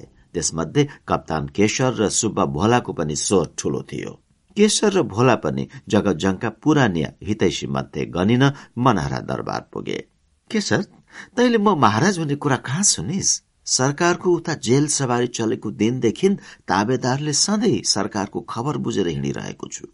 मैले किन सुन्ने थिएन अस्ति सत्र भाइहरू तर्सिएर कुरा गर्न लागिरहेका थिए त्यही बेला सुनेको। जगतजङले गम्भीर भएर भुइँमा हेरे। शाहजादी पनि त्यही थिइन् मुसुक्क हाँसेर लोग्नेतिर फर्किन्। हो सरकार। भोलाले पनि हात जोडेर कुरा झिक्यो। सरकारको उता जेल सवारी चलेको दिनदेखि हामी दुईजना रानी पोखरीमा हाम फालेर मर्छौं भनी आँटेका थियौं। पछि फेरि शाहजादीलाई यहाँ सम्झाउने मानिस कोही पनि नहोला भन्ने विचार आयो र मर्न सकेनौ। शाहजादीले लोग्ने निर्वासित भएको दिनमा केशर र भोला त्यहाँ आएर उनलाई सान्त्वना दिएको कुरा सम्झिन्। सान्त्वना दिने न्यू गरेर ती दुई मतलबीहरू धीरको गुप्तचरको रूपमा त्यहाँ आफ्नो प्रतिक्रिया बुझ्न उपस्थित भएका थिए भन्ने कुरा पनि शाहजादीलाई राम्रैसित थाहा थियो। तर अहिले बिर्सिन्। आजको खुसियालीमा त्यस्तो कुराको याद नरहनु स्वाभाविकै पनि थियो। तिमीहरू कसैले डर मान्नु पर्दैन। जगतले विश्वासका साथ भने। तल आएका मानिसहरूको मनमा पनि त्यही त्रास होला। जा तल गएर सबैलाई मैले भनेको कुरा सुनाइदे। कसैले डर मान्नु पर्दैन। केशर र भोला खुसी हुँदै बाहिर निस्किए तिनीहरू बढाई चढाई कुरा गर्नमा खुब सिपालु थिए। तल पुगेर कुरा झिके भाइ हो कुरा सुन यता। माथि मुख्य जरसाहबाट हुकुम भएको अब चाँडै नै खरीको बोटमा ती मोरा पोडेले काट्ने सत्रवटा बकुलालाई झुन्ड्याइने भएको छ अरे। सत्र भाइ शमशेर बाबुको बर्खीमा सेतो लुगा लगाएर बसेका थिए। अब ती उल्लुहरूसित कसैले डर मान्नु पर्दैन रे ती सबले जगतजङको जय जयकार मनाए। जगतजङ कैद पर्दा त्यहाँ शाहजादीको साथमा बसेर आँसु चुहाउने कोही भारदार थिएनन्। तर आज उनको खुसियालीमा साथ दिने हजारौं भए। उहिले रुँदा शाहजादी एक्लै रोएकी थिइन्। आज हाँस्दा नेपाललाई हाँस्यो। जगतजङ झ्यालमा देखा परे। जनसमूहले जगतजङलाई निर्वासित हुनु परेकोमा र उनलाई धीरले दिएको यातना सम्झेर रुन प्रशस्त गोही आँसु चुहाउन थाले। तिमीहरू नरौ। आज भोजको दिनमा रुनु ठिक छैन। म आइहाले। अब तिमीहरूले केही धन्दा मान्नु पर्दैन। तिमीहरू सबैको म राम्रो बन्दोबस्त गरिदिन्छु। फेरि जय जयकार भयो। जगतजङ खुसी भए फुरुङ्ग परे। अनि उनले आफ्नी पत्नीलाई झ्यालमा बोलाएर सुस्तरी भने इलाहाबाद जेलमा हुँदा कहिलेकाहीँ यस्तो निराशा पनि हुन्थ्यो कि मलाई सारा नेपालले बिर्सिसकेछ भनी ठान्दथे। तर त्यो मेरो ठूलो भूल रहेछ। म उता इलाहाबाद पठाइएको दिनदेखि यी सबै भारदार रोएर दिन काट्दा रहेछन्। ती साउ महाजन पनि मेरो पीरले बिग्रेछन्। मलाई सम्झेर उहाँ नरुने कोही गुरु पुरोहित थिएनन् रे। सारा नेपाली मेरो मायाले मरे तुल्य भएछन्। यी भलादमीहरूको गुणको बदला हामीले चुकाउनु पर्दछ। यी मेरा शुभचिन्तक हुन्। यी मेरा समर्थक हुन्। यी मेरा मित्र हुन्। बत्तीस। ब्रिटिस रेजिडेन्टले राजदूतको प्रमाणपत्र श्री पाँच नेपाल नरेश समक्ष पेश गर्ने भएकोले आज हनुमान ढोका गद्दी बैठकमा जंगी निजामती कर्मचारी सामेल हुँदै थिए। सबभन्दा पछि कमाण्डर इन चीफ मुख्तियार जीत जङ आइपुगे। बिगुलद्वारा कमाण्डर इन चिफ मुख्तियारको आगमनको सूचना गरियो। उनलाई सलामी दिनका निम्ति सबै फौज तयार परे। भाइ भारदार उठे जर्नलहरू पनि अनुशासित ढंगले फौजको हारमा मिलेर खड़ा भए। जित जङ माथि कौशीमा देखा परे। रणवीर जङले कमाण्डर इन चिफ मुख्तियार जित जङको सलामी अंग्रेजी शब्दमा बोलेर किरिचलाई फौजी तरिकाले अर्पण गरे। बिगुलबाट कमाण्डर इन चिफ मुख्तियारको सलामी बज्यो अनि डबल ब्यान्डबाट सलामी बज्न शुरू भयो। जी जङले पनि उस्तै अनुशासित तरिकाले सलामी ग्रहण गरिरहेका थिए। उनको रातो जंगी पोसाकमा सेतो प्यान्ट थियो छातीमा स्यास र कुममा अपुलेट। सलामी सकियो। सबै भाइ आपसमा कुरा गर्न लागे। सबै सौहार्दपूर्ण वातावरणमा रणोदीप सिंह महाराजको प्रतीक्षामा थिए। महाराज रणोदेव सिंहले अब चाँडै नै जगत जङलाई राजपाट सुम्पिएर आफू काशीवास जाने विचार गरेकाले आफ्नो चौघोडे बग्गी बिजुली गारद रिसल्ला र हजुरिया कर्णेल समेत जगत जङ कहाँ पठाएर उनलाई इज्जत साथ गद्दी बैठकमा जानु भन्ने खबर गरेका रहेछन्। त्यही आदेशानुसार चौघोडे बग्गीमा बसेर लाभा लस्कर सहित जङ गद्दी बैठक जान भोटाहिटीको बाटो गरेर काठमाडौँ शहर पसे जनसमूहको जयध्वनि गद्दी बैठकमा सुनियो त्यहाँ उपस्थित भएका सबैको मनमा महाराज रणोदीप सिंह आए भन्ने गलत धारणा पर्यो। रणोदीप सिंहले जगत जङलाई त्यसरी कल्पना नै गर्न नसकिने तरिकाले गद्दी बैठक पठाउलान् भन्ने कसैलाई अनुमान थिएन। त्यसमाथि पनि राजधानीका चेतनशील जनताले व्यक्तिको पहिचानै नगरेर चौघोडे बगी चढेको मानिसलाई देख्ने बित्तिकै जय महाराज भनेर त्यो व्यक्तिको स्तुति गर्लान् भन्ने कुरा पनि कसैलाई यादै भएन। बिगुलद्वारा श्री तीन महाराजको सलामीका निम्ति सावधान रहने सूचनाको बोली बज्यो। बग्गी गद्दी बैठक सामुन्ने आएर रोकियो। श्री तीन महाराजका हजुरिया कर्णल समर बहादुरले रासबाट छिटो ओर्लेर बग्गीको ढोका खोल्यो। उसको पाखुरामा भर गरेर ओर्निन लागेका जगत जङलाई देखेर सबै चकित भरे तर जगत जङको मनमा त्यहाँ सलामी दिने सैनिक तत्परता भएको उनकै निम्ति होला भन्ने पर्यो र उनी जिल्लेनन्। सोझे माथि कौशीमा गएर सलामी ग्रहण गर्ने आसनमा राजकीय ढाँचाले उभिन पुगे। भूतपूर्व दर्जाको त्यहाँ सलामी बजाउने उर्दी थिएन। त्यसको अतिरिक्त कमाण्डर इन चिफ मुख्तियारको उपस्थितिमा त्यस मुन्तिरका दर्जाको सलामी बस्न सक्दैनथ्यो त्यसैले जगतजङका निम्ति के सलामी दिने? कसरी दिने? कसले दिने? सबै अकमक्क भरे सोच्ने र सोध्ने त्यहाँ समय थिएन। त्यसैले एकाएक आफै सलामी दिन अघि सरेर समर बहादुरले जगत जङलाई कमाण्डर इन चिफ मुख्तियारको सलामी दिन बिगुलेलाई आदेश गर्यो। कसैले विरोध गर्न सकेनन्। सलामी बज्यो। सबै भारदारले उठेर जगत जङलाई सलाम गरे तर रोल क्रममा भएका भाइ छोरा कसैले पनि गरेनन्। भाइ छोराले सलाम नगरेर आफूलाई मान्यता नदिएको कुरा जगत जङलाई यादै भएन। उनको मनमा अचेल सलामीको नयाँ तरिका यही होला भन्ने पर्यो। एक म्यानमा दुई तरबार भने जस्तै नेपाल अधिराज्यका दुईवटा कमाण्डर इन चिफ मुक्तियार यानि श्रीतीन महाराज पदका निम्ति दुई समान उत्तराधिकारी देखिए जुन कुरा न पहिले भएको थियो न भविष्यमा हुन सम्भव छ। सलामी सकियो। कमाण्डर इन चिफ मुक्तियारकोमा जित जङ बसेका थिए। मुख्य जनरल सिनियर कमाण्डिङ जनरलकोमा रणवीर जङ बसे। हुन त उनी मुख्य जर्नलमा नियुक्त भएको घोषणा गरिएको थिएन तर रोल क्रमले उनको त्यही स्थान प्राप्त हुने भएकोले त्यही आसनमा उनी बस्ने गरेका थिए। त्यस मुनिका आसनमा युद्ध प्रताप जङ अर्थात नाथी जर्नल बसेका थिए। अनि केदार नरसिंह बम विक्रम बहादुर बुद्धि विक्रम बहादुर वीर शमशेर अम्बर जङ ध्वज नरसिंह रामकृष्ण खड्ग शमशेर भूपेन्द्र जङ रण शमशेर देव शमशेर चन्द्र शमशेर वीर विक्रम जङ भीम शमशेर फत्ते र ललित शमशेर क्रमशः बसेका थिए। जगत जङका निम्ति त्यहाँ कुनै आसन खाली थिएन। श्री पाँच र श्री तीन महाराजको गद्दीमा बस्नु भएन। त्यसैले जगत जङले बस्ने स्थान पाएनन्। रोल क्रममा भएका भाइ छोराले उनको सलामी बज्दा बेवास्ता गरेको कारण पनि उनले बल्ल बुझे। ठूलो अपमान भएको सम्झे। माइला भाइ उनले रातो कान लगाएर जित जङलाई सोधे म कहाँ बस्ने? जित जङ कम सुन्दथे त्यसमाथि पनि जगत जङले सोधेको कुरा नसुनेको जस्तो बाहना गरेर रणवीर जङसित कुरा गरिरहे।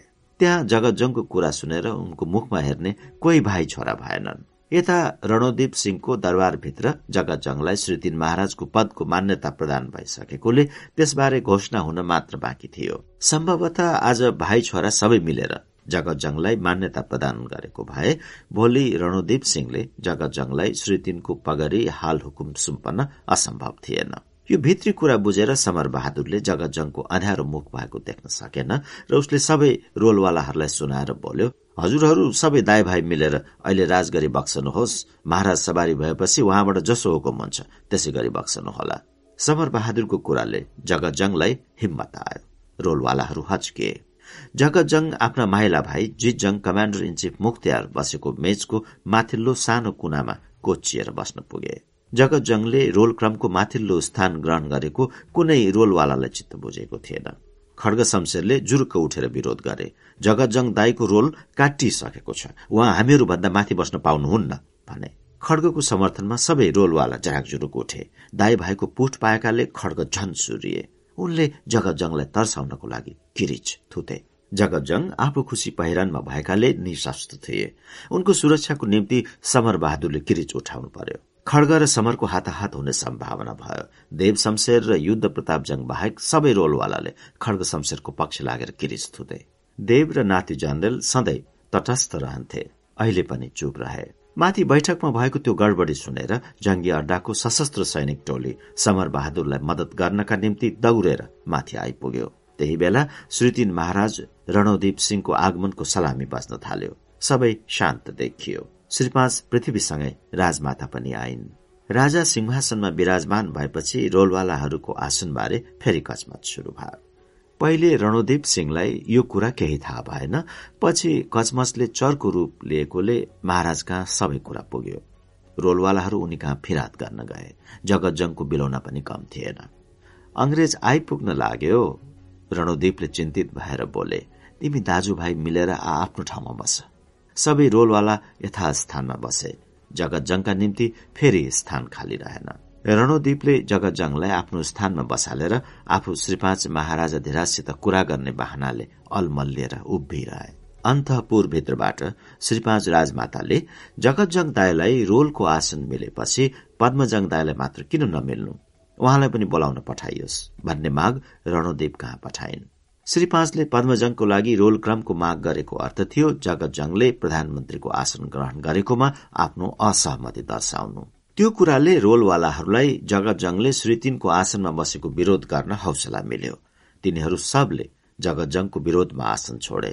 कचमच फेरि शुरू भयो। रोलवालाले जगतजङलाई मान्यता दिन संयुक्त रूपमा विरोध गरेको देखेर रणोदेव सिंह चिन्तित भए। धेरै बेरसम्म पनि उनले समस्या सुल्झाउन सकेनन्। राजा पृथ्वी र श्रीपाँचसित विदा भएर उनी घर जान हिँडे। राजदूत कुपर र श्रीतिन महाराजको तल ढोकामा भेट भयो। दुवैले सौहार्दतापूर्वक हात मिलाए अनि महाराजले जगतजङको परिचय दिए। यी दुईले पनि हात मिलाए। श्रीतिन महाराजको आज्ञा अनुसार जीत जङले अंग्रेजलाई माथि बैठकमा लगे। अरू रोलवालाहरूलाई पनि त्यस दिनको समारोह शुरू गर्नका निम्ति माथि बैठकमा जानु पर्यो। श्रीतिन रणदीप सिंह र सम्भावित श्रीतिन जगतजङ घर फर्किए तेत्तीस।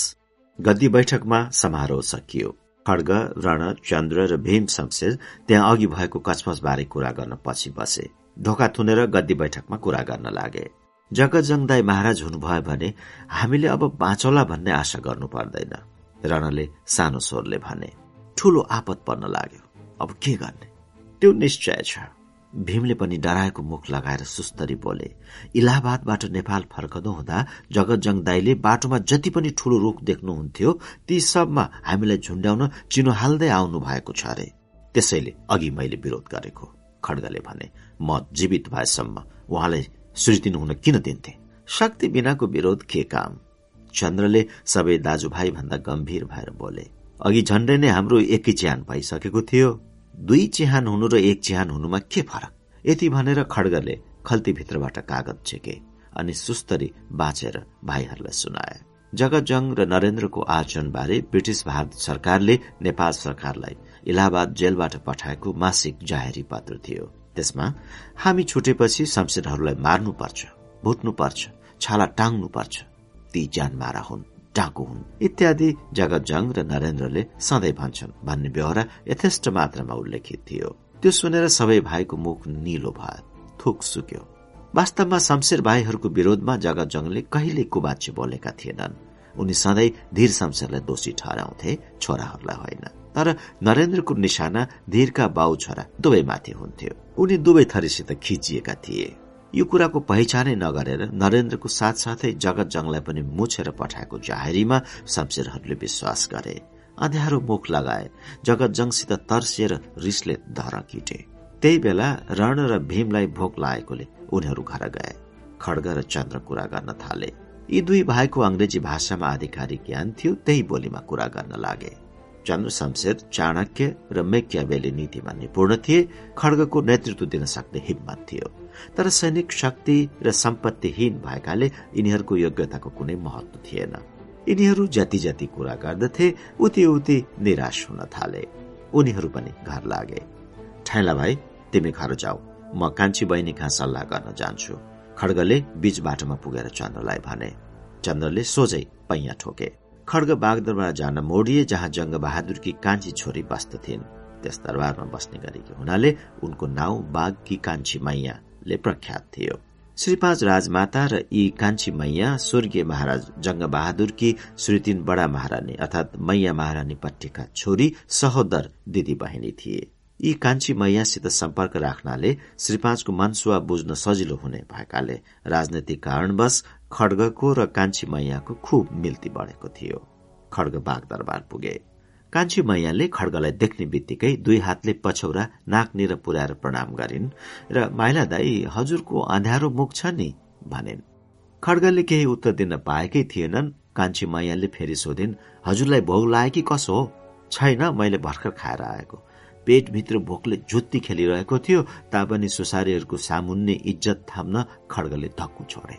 किन हजुरको अँध्यारो मुख त? खड्गले केही बोलेनन्। शिरको हेलमेट टेबलमा राखेर जङ्गी पोसाकको टाँक खोले अनि हल्लुकोसित बस्न लागे। जाद्वारे उर्मिला मधुमालती र त भएर दाईलाई खानेकुरा लिएर आएछ। चारवटी चाकर्नी बाहिर निस्किए मालिकनीलाई पुरुषको उपस्थितिमा एक्लै छोड्ने चलन नभएकाले अझ दुईवटी चाकर्नी त्यही उभिरहेका थिए। माइला दाई हजुर कहीँ रिसाएर आएको जस्तो देख्छु। के भयो? मैयाले खड्गको मुखमा आश्चर्यले हेरिन् केही प्रश्नीय दृष्टिले पनि। के कुरामा? कान्छी मैया जङ्गबहादुरकी छोरी भए पनि उनको र जगत जङको सौतेनी मामला भएकोले मिल्ती थिएन। त्यसैले मैयाको संरक्षको काम जङ खलकमा नभएर धीर शमशेर आफैले हेर्ने गरेका थिए। अहिले धीरको सेखपछि खड्ग शमशेर मैयाको अभिभावक भए। यसरी धेरै कारणवश खड्ग र मैयाको सम्पर्क बढेर एक पेट भएको थियो। यसले गर्दा अब खड्गले बहिनीलाई गद्दी बैठकमा घटेको भयभीत घटना सम्बन्धी सबै व्यवहार खुला दिलले बताए र सल्लाह मागे। मैया जसङ्ग भइन् रातो मुख पारिन् डरले धेरै पटक थुक घुटुक्क निलेर गम्भीर भइन् अनि सबै कुरा सुनिसकेपछि खड्गको नजिकै सरेर उनको कानैमा साउती गर्ने तरिकाले भनिन् श्रीपाद दिज्यू बनी जगतजङ दाईसित यसरी नै तर्सी बक्सेको छ यो जानकारीले खड्गका आँखा र कान टाठा भए। एउटा शुभ समाचारको संकेतको आशा गरे निसासिनुपर्ने निराशा रूपी निशाको साम्राज्यमा पर पर कता कता आशाको एउटा जुनकिरी चम्के जस्तो खड्गले देखे। तर मनको भाव उनले प्रकट गरेनन् किनकि उनको मनमा यस्तो भयानक विचार खेलिरहेको थियो जसले गर्दा त्यो आशाको जुनकिरी नभएर परिभ्राटको राखे भूतमा पनि परिणत हुन सक्दथ्यो। त्यसैले सबै सास एकैचोटि मुखबाट ओकल्दै उनले काँपेको स्वरले निसासेर सोधे हो र बहिनी के कुरामा? उहाँको के विचार छ? श्री पाँच र जगत जगताईको के कुरामा खटपट परेको? श्री पाँच किन तर्सी बक्सेको? नै भन्दैन। यति मात्र हो र मैले अरू पनि धेरै कुरा सुनेकी छु। के कुरा? भन न बहिनी। कामा तुलसी छोएर कसैलाई भन्दिन भने क्रिया खाएकी छु। पूजा कोठामा र गुहेश्वरीमा गएर शपथ हालेको कुरा कसरी भन्नु? पाप लाग्छ। जत्रो ठूलो पाप लाग्ने भए तापनि खड्गलाई राजनैतिक परिस्थितिले गर्दा मैयाले आजसम्म गोप्य राखेको कुरा खोतल्न करै परेको थियो। त्यसैले साह्रै जिद्दी गर्न लागे हात जोडेर फकाउन थाले। श्रीपाँच दिज्यू र वीर शमशेर दाईको यसबारे श्रीतीन हुने बारे धेरैपल्ट कुरा भइसक्यो।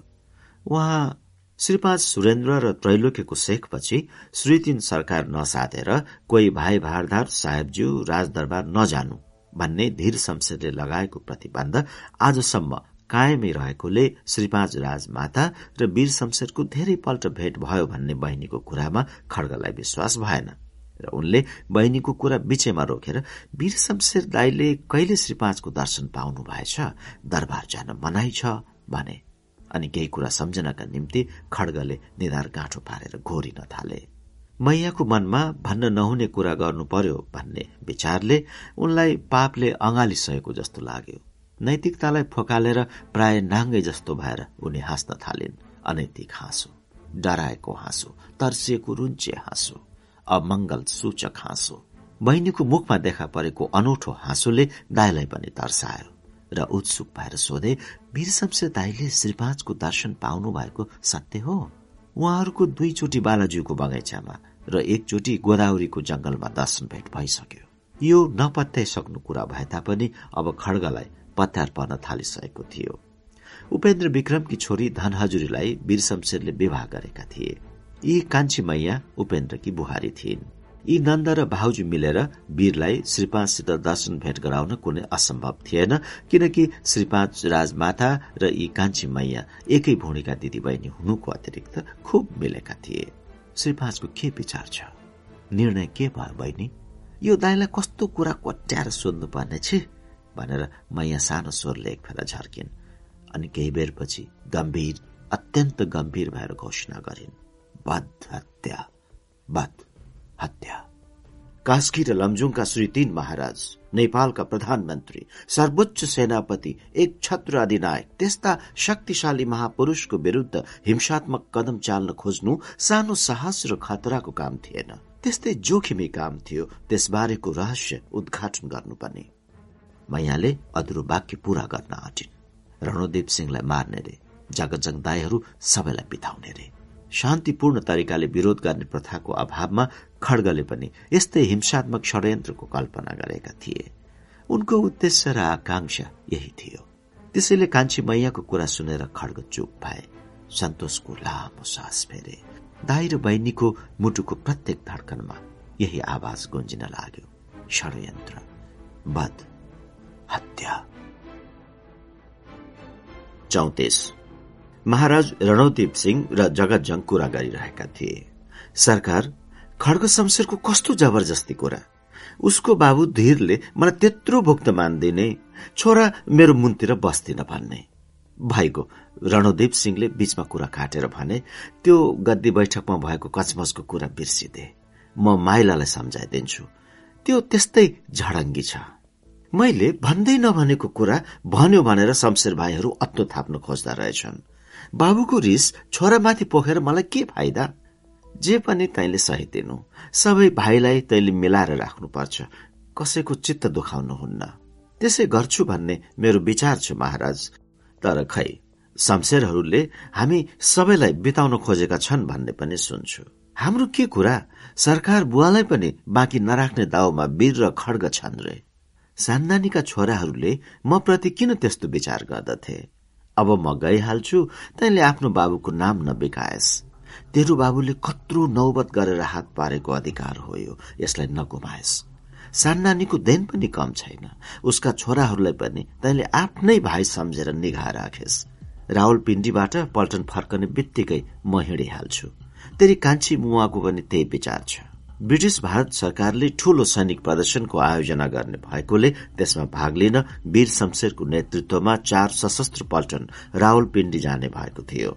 नेपालको राजनीतिक परिस्थिति यस्तो शंकापूर्ण र धुकछुक भएको बेलामा वीर शमशेरलाई सशस्त्र चार पल्टन सुम्पिदिनु जगत जंगलाई उचित लागेको थिएन र उनले सोधे महाराज बुवा सरकारबाट वीर शमशेरलाई रावलपिण्डी पठाइबक्सिनुको सट्टा नाति जर्नललाई पठाइबक्से के होला?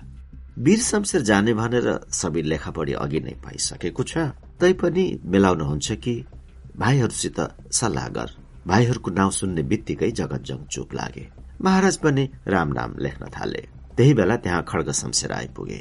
जगत जङ एक पक्षभित्र श्रीतीन महाराज हुने निश्चय भएकोले अब चाँडै नै शमशेरहरूको पतन हुन्छ भन्ने हल्ला सर्वत्र फैलिएको थियो। उनीहरूको नजिकका आफ्ना भनाउँदा पनि धेरै जसो जगत जङ कहाँ चाकरी गर्न पुगिसकेका थिए। विरोधीहरू पहिलेदेखि नै वक्र थिए अहिले झन खुशीले काखी बजाउने भए। यस्तो आपत्तिजनक राजनीतिक परिस्थितिले र आर्थिक कठिनाईले गर्दा शमशेरहरू जालमा परेका माछा जस्तो भएर छटपटिन लागे। जहाँ कंगाल उही चण्डाल भने जस्तै उनीहरूले बाध्य भएर हिंसात्मक कार्य गर्ने अठोट र निर्णय गर्नु पर्यो। त्यो बाहेक उनीहरूको सामुन्ने आफू बाँच्ने अरू कुनै चारा देखेनन्। त्यस हिंसात्मक कार्यवाहीका निम्ति श्री पाँचबाट शमशेरहरूलाई सक्रिय मदतको आश्वासन प्राप्त भएकोले योजना निकै अघि बढ़िसकेको थियो। तर खड्ग शमशेरका मामा केशव सिंह थापा र शिरोमणि आचार्य त्यस बेलाका प्रभावशाली व्यक्ति भएकाले ती दुईको सहयोग बिना शमशेरहरूको योजना सफल हुन मुस्किल देखिएकोले वीर र खड्ग शमशेर थापा र आचार्यको नैतिक समर्थनको आशामा थिए। तर थापा र आचार्य त्यस षड्यन्त्रमा सम्मिलित हुन परे जाओस् झन उल्टो त्यस कामलाई गोत्र हत्या भनेर शमशेरहरूलाई हतोत्साह गराउँथे। त्यति मात्र होइन कि ती दुईको श्रीतिन महाराज रणोदेव सिंह काशीवास जान्छन् भन्ने कुरामा पनि विश्वास थिएन।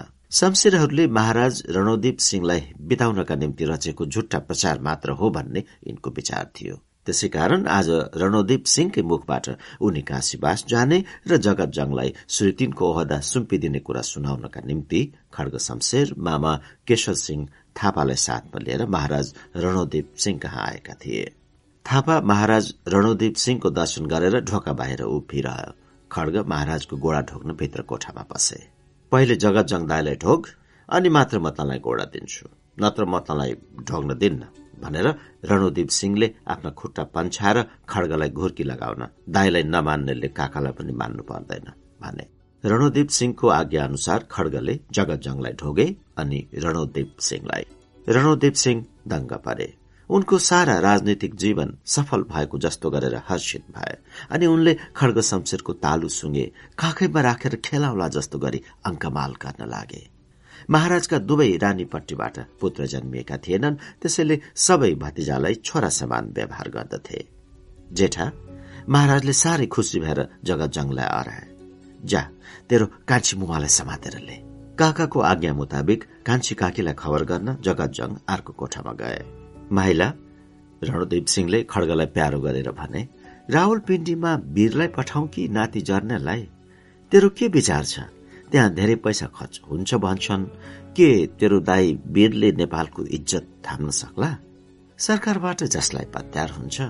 महाराज त्यही बारे सोच्दै थिए। कान्छी महारानी आइपुगिन्। उनलाई बोलाउन गएका जगतजङ आउन पाएनन्। किनकि महारानी र शाहजादी अर्थात जगतजङकी पत्नी दुईजना भएर श्रीतिन महाराजले राम नाम लेख्ने कागज र मसी बनाउन लागिरहेका थिए। महारानी लोग्नेको कोठामा गएपछि उनको काम जगतजङले सम्हाल्नु परेकोले जगतजङ यही कोठामा अल्छे। महारानी रणदीप सिंहले पत्नीलाई देख्ने बित्तिकै खड्गलाई औल्याएर बोले त्यो कुरा यसलाई सम्झाइदेऊ। महिला महारानीले तुरन्त कुरा शुरू गरिन्। अब हामी चाँडै जान्छौ। तिमी दाजुभाइ मिलेर बस्नु। कहाँ? सरकारहरू कहाँ सवारी हुने महारानी मुमा? काशीबाज बुढाबुढी कहाँ जान्छन्? केशव सिंह थापा बाहिर उभिएर भित्र कोठामा भएको कुरा कान थापेर सुनिरहेको थियो। जसङ्ग भयो। आकाशमा रुमल्लिएको कालो बादलको घनत्व र निकटता देखेर जसरी वर्षाको कल्पना गर्न सकिन्छ। त्यसै गरेर केशरले पनि नेपालको राजनैतिक अँध्यारो क्षितिजमा अब चाँडै नै वज्रको प्रहार हुने खतरा देख्यो। सरकारहरू काशीवास सवारी भएपछि खड्गले तुरन्त भने हामीहरू टुक्रा भइहाल्छौ नि महारानी हामीलाई नछोडी बक्सियोस्। हाम्रो बिचल्ले हुन्छ। भतिजाले ममता देखाएर आफूलाई छोड्न नचाहेको ठानेर महारानी एक मन खुसी भइन् अनि शान्त र आनन्दमय मुद्रामा बोलिन् त्यसो नभन छोरा तिमीहरू यत्र लाठे भइसक्यौ। अब पनि तिमीहरूलाई काखी च्यापेर हामी बस्न सक्दछौ। मैले त महाराजलाई अस्ति नै जाउँ भनी बिन्ती गरेकी थिएँ। अहिले सरकारहरू सवारी भइबक्सन हुँदैन सवारी भएमा यहाँ साह्रै नराम्रो परिस्थिति उत्पन्न हुन्छ भनेर खड्गले महाराजको मुखमा आशाले हेरे। केही दिन अघि काठमाडौँमा रातो पानीको वर्षा भएको थियो। त्यो देखेर शहरवासीहरू रक्तवृष्टि भयो नेपालमा केही अनिष्ट हुन्छ भन्ने त्राहीमा थिए। अहिले खड्गले नराम्रो परिस्थिति उत्पन्न हुन्छ भनेर महाराज महारानीलाई काशीवास जानबाट रोक्न खोजेको कारण पनि त्यही रक्तवृष्टिको प्रतिक्रिया हो भन्ने महाराजको मनमा पर्यो र कुरा बुझ्नका निम्ति उनले सोधे किन माइला? मानिस के भन्छन्? के नराम्रो परिस्थिति उत्पन्न हुन्छ रे? खड्गको मनमा अर्कै कुरा थियो। झट्ट उत्तर दिन सकेनन् र एकछिनपछि घोरिएर बिस्तारै मुख फोरे तर स्पष्टसित सरकार काशीवास सवारी भइबक्सेपछि प्रधानमन्त्री पदका निम्ति यहाँ ठूलो झमेला उठ्छ। महाराज खिन्न भए। जुन कुरा उनी सुन्न चाहँदैनथे त्यही कुरा उनको कानमा पर्यो। के रे? रणुदीपले राम नाम लेख्न थामेर सोधे के भनिस् माइला सरकारको काशीवास सवारी हुँदा सरकारबाट महाराजको पदवी कसलाई निगाह हुने भन्ने कुराको झमेला उठ्छ? तिमीहरूमा सबैभन्दा जेठो दाई जगत जङ हो म उसैलाई महाराज बनाएर जान्छु। उसको सेखपछि तिमीहरू क्रमशः महाराज हुनु। सरकारबाट बाँधी बक्सिएको रोल क्रम अनुसार अब सरकारपछि श्रीतिन महाराज हुने रोल जित जगदाईको हो। उहाँलाई नागेर श्रीतिन हुने अधिकार हामी कसैको छैन। फेरि त्यसमा जगत जङदाईको रोल काटिसकेको छ। उहिले अडतिस सालमा धीर शमशेरको दबावमा परेर रणदीप सिंहले जगतजङलाई दण्ड दिएका थिए। त्यस कुरामा उनलाई पश्चाताप थियो तर त्यो कुरा अहिले महाराजले भन्न चाहेनन्। अडतिस सालको कुरा तिमीहरू सबैले बिर्सिदेऊ। सकिँदैन। जगतजङले पनि बिर्सन पर्दछ। सबै मिलिजुली बस। त्यो कुरा बिर्सन सकिँदैन। जगतजङ दाईले पनि बिर्सन सक्नुहुन्न। हामी पनि कहिले बिर्सिँदैनौ। सरकारबाट हुकुम भएको आदर्शको कुरा भयो तर व्यावहारिक भएन महाराज। अघि भर्खर जगत जङलाई तैले दाईको मान्यता दिएर गोडा ढोएको होइनस्। हो महाराज बुवा तर नाता र राजकाजमा सम व्यवहार हुन सक्दैन। जगत जङ दाईलाई सरकारबाट अडतिस सालमा राजद्रोही ठहराई बक्सेर रोल काटिदिई बक्सेकोले अब उहाँलाई महाराज मान्न कोही भाइ चाहँदैनन्। उहाँ महाराज हुनुभयो भने यहाँ ठूलो रक्तपात हुन्छ। यस्तो हालतमा सरकार नेपाल नछोडी बक्सोस् महाराज बुवा। जङ र शमशेर खलक एकै कुल र घरानाका भए तापनि उनीहरूमा आर्थिक असमानताको कारणले गर्दा वैमनस्य उत्पन्न भएको थियो। झन छोल्याहरूले आफ्नो स्वार्थ सिद्ध गर्नका निम्ति दुवै परिवारमा चुक्ली चाक्ली पुर्याएर एकको विरूद्ध अर्कालाई सकेसम्म उखासेका थिए। यसको नराम्रो नतिजा स्वरूप अडतिस साल पर्व भएको थियो। अहिले पनि शमशेरहरूको मनमा जगत जङ श्री तीन भएमा हामी शमशेरलाई मार्छन् भन्ने पूर्ण विश्वास पर्न गएको थियो। जङहरूको मनमा पनि शमशेरहरू पतवास छन् नङ्गा। नैतिक पतन भएका छन्। तिनीहरूसित सम्पर्क राखेमा अरू भाइ भारदारले मन पराउँदैनन् भन्ने भ्रम परेकोले जङ र शमशेर खलकको बीचमा हेलमेल थिएन। यसले गर्दा तिनीहरूको शत्रुता बढ्दै गएको थियो। एक अर्काको ज्यानी दुश्मन भए। महाराज रणोदीप सिंह आफ्ना भतिजाहरूमा मेलमिलाप गराउने प्रयासमा थिए तर सफल हुन सकेका थिएनन्। यसपल्ट पनि आफ्नो प्रयत्न विफल भएको देखेर रणोदेव अवाक भए। रातो मुख लगाएर केही नबोली फेरि राम नाम लेख्न थाले। कान्छी महारानी त्यही कुरा सुनेर बसिरहेकी थिइन्। झर्केर चाहे कोही मरुन् चाहे कोही बाँचुन् हामीलाई के वास्ता हामी जान्छौं काशीवास भनिन् र खड्गलाई पीठ फर्काएर बसिन्। मामा केशर सिंहको मनमा जगतजङ श्रीतीन महाराज हुने कुरा सत्य हो भने शमशेरहरूले जुनसुकै अनैतिक काम गर्नु परे तापनि नेपालको राजनीतिमा आफ्नो हात माथि पार्नु पर्दछ भन्ने विचार थियो। त्यसैले महाराज महारानीको स्पष्ट कुरा सुनेर उसको मन काँपेको भए तापनि मुख रिसले गम्भीर थियो। माहिला महाराजले खुब प्रभाव पार्न खोजेको तरिकाले खड्गको मुखमा सोझै हेरेर भने तिमीहरूले जगत जङलाई पाखामा पार्न खोजेको जस्तो बुझ्छु त्यसो गर्न पाउँदैनौ। यो शासन शक्ति जङ्ग बहादुरले कमाएको हो। म उसको जेठो छोरालाई सुम्पेर जान्छु। तिमीहरूले जगत जङलाई श्रीतिन मान्नै पर्दछ। बाहिर केशर सिंहको मुख रगत चुइएला जस्तो रातो भइसकेको थियो। भित्र भोटो पसिनाले नित्रुक्का खड्गले पनि मुखको पसिना पुस्दै रुन्चे स्वरले बोले अडतिस सालमा नै उहाँ पाखा पर्नु भइसकेको छ। आज मात्र हामीले पाखा पार्न खोजेका होइनौ महाराज महाराजले नसुनेको जस्तो गरेर राम नाम लेख्न व्यस्त भए तर महारानीले ठाडै उत्तर गरिन्। जुन शक्तिले महाराजबाट अडतिस सालमा जगत जङलाई बिगारी बक्सेको थियो त्यही शक्ति प्रयोग गरेर फेरि सपार्न सके बक्सिन्छ। काशीवास जान र जगत जङलाई श्रुतिन बनाउन महारानी बहुतै उत्सुक थिइन्। यस कुरामा महाराजलाई मुख्य प्रेरणा उनकै थियो। खड्गले सम्हालेर बोले म सरकारबाट हुकुम भएको मान्न तयार छु तर दाई भाइ मान्दैनन्।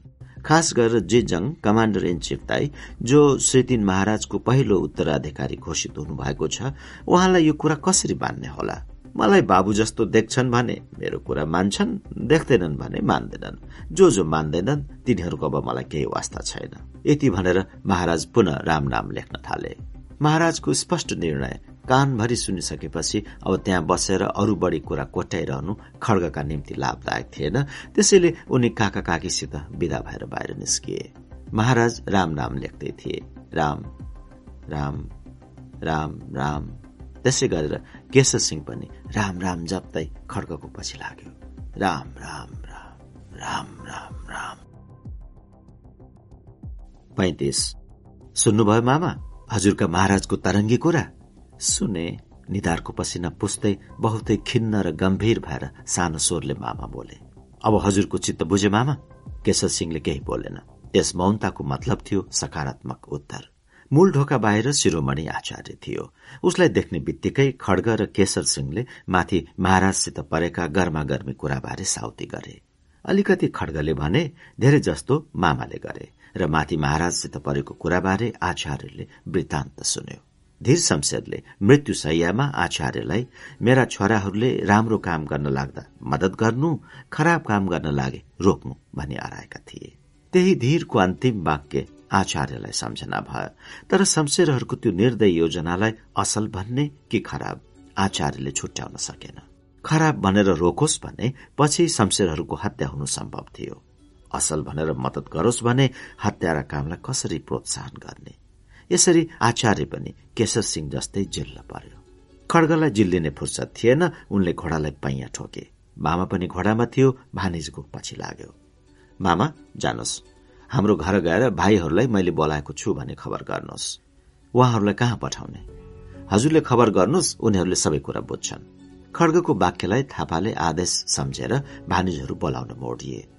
खड्ग बागदरबारभित्र पसे जहाँ कान्छी मैया उनको प्रतीक्षा गरिरहेकी थिइन्। के भयो माइला दाई? सबै कुरा मिल्यो। श्री पाँचको सवारी यहाँ कति बेला हुन्छ? जगतजङ श्रीतिन महाराज भएपछि अबोध नेपाल नन्दन पृथ्वीलाई राज्यच्युत गरेर नरेन्द्र विक्रमलाई श्री पाँच महाराजाधिराज बनाउने भन्ने एक हल्ला थियो। अर्को त्यस्तै जोरदार हल्ला थियो श्री पाँच जेठी युवरागीकी पुत्री सानु शाहलाई राजगद्दीमा चढाउने र उनको अभिभावकको रूपमा नरेन्द्र विक्रमले काम गर्ने मतो भएको छ भन्ने। श्रीपाँच जेठी युवराज्ञी जगतजङ र नरेन्द्रको योजना सफल भएपछि श्रीपाँच कान्छी युवराज्ञी अर्थात राजमातालाई भाङ्राको लुगा लगाएर देश निकाला गरिन्छ भन्ने पनि व्याप्त हल्ला चलेको थियो। यो हल्लाले गर्दा श्रीपाँच साह्रै चिन्तित थिइन्। रात दिन रुनु मात्र उनको काम थियो अचल। श्री पाँच अर्थात राजमाता र शमशेर खलकको एकै किसिमको जीवन र मरणको स्वार्थ मिलेकोले यी दुई थरी जगत जंगको पतन चाहन्थे। यसै राजनीतिक परिस्थितिवास श्री पाँचले बाध्य भएर आफ्नो सहोदर जंग खलकलाई पाखा र वीरलाई काखा गर्नु परेको थियो। श्री पाँच र वीरले कहिले गोदावरीमा कहिले बालाजुमा एकान्त पारेर कसैले सुन्नसम्म पनि नहुने गोप्य कुरा गर्नु परेको कारण यही थियो। षड्यन्त्र हिंसात्मक षड्यन्त्र। उनीहरूले हड खोटेर पसिना चुहाए काँधमा काँध जोडेर ठूलो मेहनत गरे हिम्मतमा हिम्मत मिलाएर। एकै उद्देश्य जिउ र प्राण भए झै ती अघि बढे। अहिले रणोदेव सिंहको हत्या गर्नको लागि अन्तिम निर्णय लिनलाई बागदरबारमाथि खड्गको प्रतीक्षामा थिए। श्रीपाँच दिज्यूको सवारी माथि भएको छ। मायाले तुरन्त खड्गलाई उत्तर गरिन्। वीर दाई पनि वही हुनुहुन्छ। यो षड्यन्त्रको भण्डाफोर भएमा वीर शमशेर बुगलान भाग्न सकुन् भन्ने हेतुले उनलाई हरिभक्त माथेमाको घर ओम बहालमा भूमिगत राख्ने योजना भएको थियो। तर वीर ओम बहालमा भूमिगत नबसेर बाघ दरबार आएको खड्गलाई चित्त बुझेन। तैपनि केही प्रतिक्रिया नदेखाएर उनी मैयासित माथि गए। शिरोमणिलाई भेट्यौ? वीरले भाइलाई देख्ने बित्तिकै सोधे। के हुने भयो माइला दाई? श्री पाँचले सोधिन्। वीर र श्री पाँचको प्रश्न एकैसाथ निस्कियो। सरकार सबै मिलिसक्यो। खड्गले निश्चिन्त भएर भने आज मामालाई पनि चित्त बुझाए शिरोमणिलाई पनि भेटे।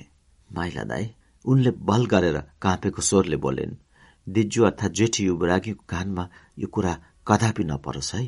जेठी शाहजादी अर्थात् जगतजङकी पत्नी र दिज्जुको अचेल खुब साटकाँट भएको देख्छु। जगतजङ दाई श्रीति नहुने भएकोले दिज्जु अर्थात् जेठी युवरागी भाडामा न भुइँमा हुनु भएको छ। खुसीले फुरुङ्ग सानो साह बजिनीले त मलाई टेर्न छोडिसके। कसैले सुईको नपाउने प्रबन्ध मिलाएको छु। हो र? हो सरकार सबै मिलिसक्यो। भाइलाई बोलाउन पठाएको छु आइपुग्न लागे होलान्। श्री पाँच राजमाता वीर कान्छी मैया र खड्ग एकै कौशमा बसेर काने खुसी गर्न थाले। जङ्गबहादुरको साहस र मर्दानापन उनका छोरीहरूमा धेरै गोता गएकोले त्यहाँ दुई लिङ्ग भए तापनि एकै उत्साह र हिम्मतको खास खुस थियो। अब श्रीपाँच राजमाता र कान्छी मैया राम्रैसित रुन थाले। वीर शमशेर पनि निकै बढाए। खड्गको मुख पनि रगत चुइहाला जस्तो रातो देखियो। तर उनीहरूको मनमा निर्णय भएको हिंसात्मक विचार पहाड़ जस्तो अटल भइसकेको थियो। सरकार एक चाकर आएर श्री पाँच कहाँ हाजिर पुर्याए तल रणशमशेर चन्द्र भीम र केशसिंह थापा आएका छन्। सरकारको दर्शन चाहन्छन्। चारै व्यक्तिमाथि डाकिए श्री पाँचलाई देखेर यी षड्यन्त्रकारीको हौसला बढ्यो। यस्तै विश्वासको लहर श्री पाँचको मनमा पनि उत्पन्न भयो तर केही बोल्न सकिनन्। मामा हजुर दरबारको दक्षिणपट्टिको बगैँचामा बसिरहनुहोस्। त्यहाँ धाई सुसारे आउँछन्। उनीहरूसित मिलेर श्री पाँच महाराजा धिराज सरकारको सवारी यहाँ सुटुक्क चलाउनु। उहाँको दर्शन कसैले पनि नपाओस्। गइहाल्नुहोस्। राम्ररी होस गर्नु। कुनै काममा व्यत्यास नपरोस्। खड्गको आज्ञा पाउन साथ मामा गइहाले। भीम शमशेर तिमी गएर हाम्रो गारदबाट एक दर्जन नयाँ पिस्तोल र एक बाकस गोली लिएर आऊ। गइहाल। चाँडै जाऊ। भीम पनि हिँडिहाले। सरकारबाट पनि ती धाई सुसारेलाई पठाइ बक्सनु पर्यो। खड्गले हात जोडेर श्री पाँचलाई काम हराए। तिनीहरूलाई राम्ररी सम्झाइ बक्सनु पर्दछ। कहीँ श्री पाँच पृथ्वीलाई झ्यालबाट खसाल्दा व्यत्यास नपरोस्। श्री पाँच राजमाता झसङ्ग भइन् र बहिनीको मुखमा हेरिन्।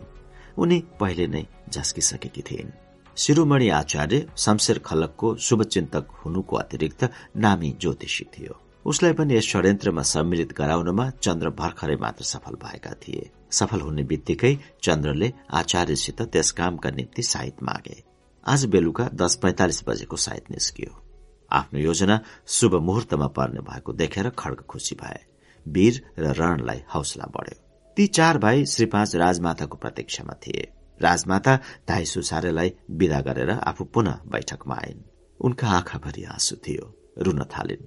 कान्छी मैया पनि रुँदै थिइन्। त्यहाँ मौनता छायो। यो दृश्यले रण शमशेरलाई दयाले प्रेरित गराएर हो कि या मनमा कमजोरी आएर हो उनले अनौठो राय व्यक्त गरे जुन सामूहिक थिएन। सरकारलाई आज मन छैन भने एक दुई दिन पछि गरौं कि? सबै मिलिसक्यो। अहिले गर्ने खड्गले ठाडे उत्तर गरे। चन्द्रलाई रण हिचकिचाएको जस्तो लाग्यो। कारण बुझ्नको लागि अदबसित उनको मुखमा हेरे अनि श्री पाँचतिर फर्किए। होदाई आजै गर्नु पर्दछ। श्री पाँचले रणको मुखमा हेरेर हिम्मतसित खड्गको समर्थनमा बोलिन् गर्ने नै भएपछि किन आजै नगर्नु? दिजुले हुकुम भएको मनासिब हो। बाघकी कान्छी मैयाले पनि बाघै जस्तो भएर बोलिन् अहिले नै गर्नु पर्दछ। फलामलाई आकार दिने हो भने तातेमा पिटे मात्र काम लाग्छ। यस कुरालाई वीरले पनि समर्थन गरेकाले दस पैंतालिस बजेको साइतमा त्यो कार्य गर्न जाने निधो भयो। त्यस दरबारको ढोका बाहिर ठूलो पाटे बाघ थुनेर राखिएको हुनाले त्यो दरबारको नाम बाघ दरबार रहेको थियो। त्यही बाघ अहिले संयोगवश गर्जन थाल्यो। त्यो गर्जनले शमशेरहरूलाई अरू बढी हिंसक र घातक हुन प्रेरणा मिल्यो। जति बाघ गर्जियो उति उति ती शमशेरहरू सुरा हुँदै गए। भीमले पिस्तोल ल्याइ पुर्याए सबै भाइ एकैसाथ भएर गोली भर्न लागे। जेठी आमापट्टिका वीर शमशेर एक्ला छोरा र माइली आमापट्टिका खड्ग चन्द्र र भीम शमशेर तीन भाइ त्यस काममा अग्रसर भएका थिए। फेरि यो आयोजित षड्यन्त्रको नेतृत्व पनि खड्गको हातमा भएकोले यो गुप्त कारवाही सफल भइसकेपछि सौतेनी भाइहरूले विमात्री एकला वीर शमशेरलाई पन्छाएर आफ्नो एकै भूणीका दाई खड्ग शमशेरलाई श्रुतिन बनाउँछन् कि भन्ने शंका वीरको मनमा उठेको थियो। त्यसै कारण उनी परिस्थितिको अध्ययन गर्नका निम्ति ओम बहालमा भूमिगत नबसेर यहाँ आएका थिए। सबै काम कुरा सन्तोषजनक रूपमा हुँदै थियो तापनि उनको मनमा धुकचुक भएकोले ओठमा कलेटी पर्यो। थुक सुक्यो कुरामा अझ आलटालेपन थियो। माइला भाइ हामीले आफ्नै हातले गोत्र हत्या गर्ने।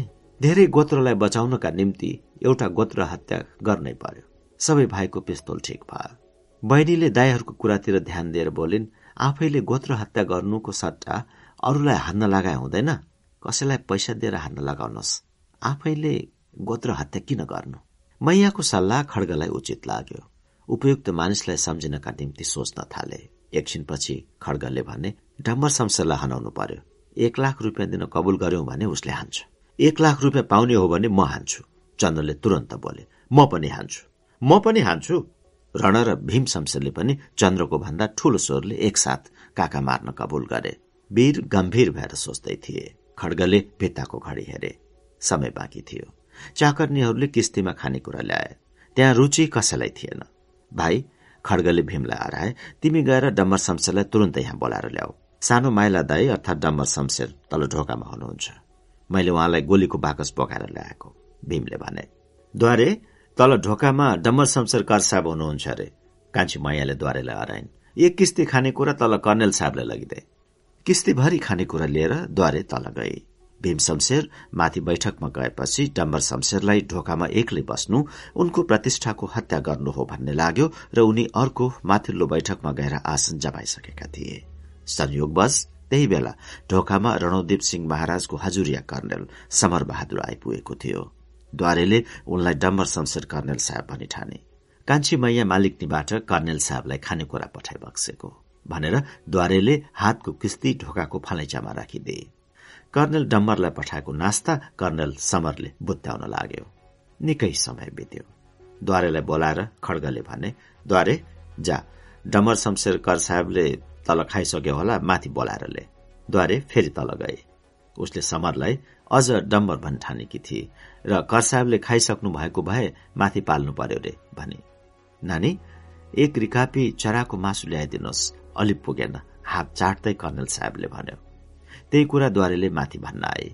डम्बरले थप्न माएको भनी ठानेर कान्छी मैयाले एक रिकापी माएकोमा चार रिकापी त्यही पनि छातीका असल चौटा छानी छानी पठाइदिन् कर साहबलाई कबाब मासु अलिकति सेकुवा र सेक्न थप्नु पर्यो रे भन्नद्वारे फेरि माथि आए।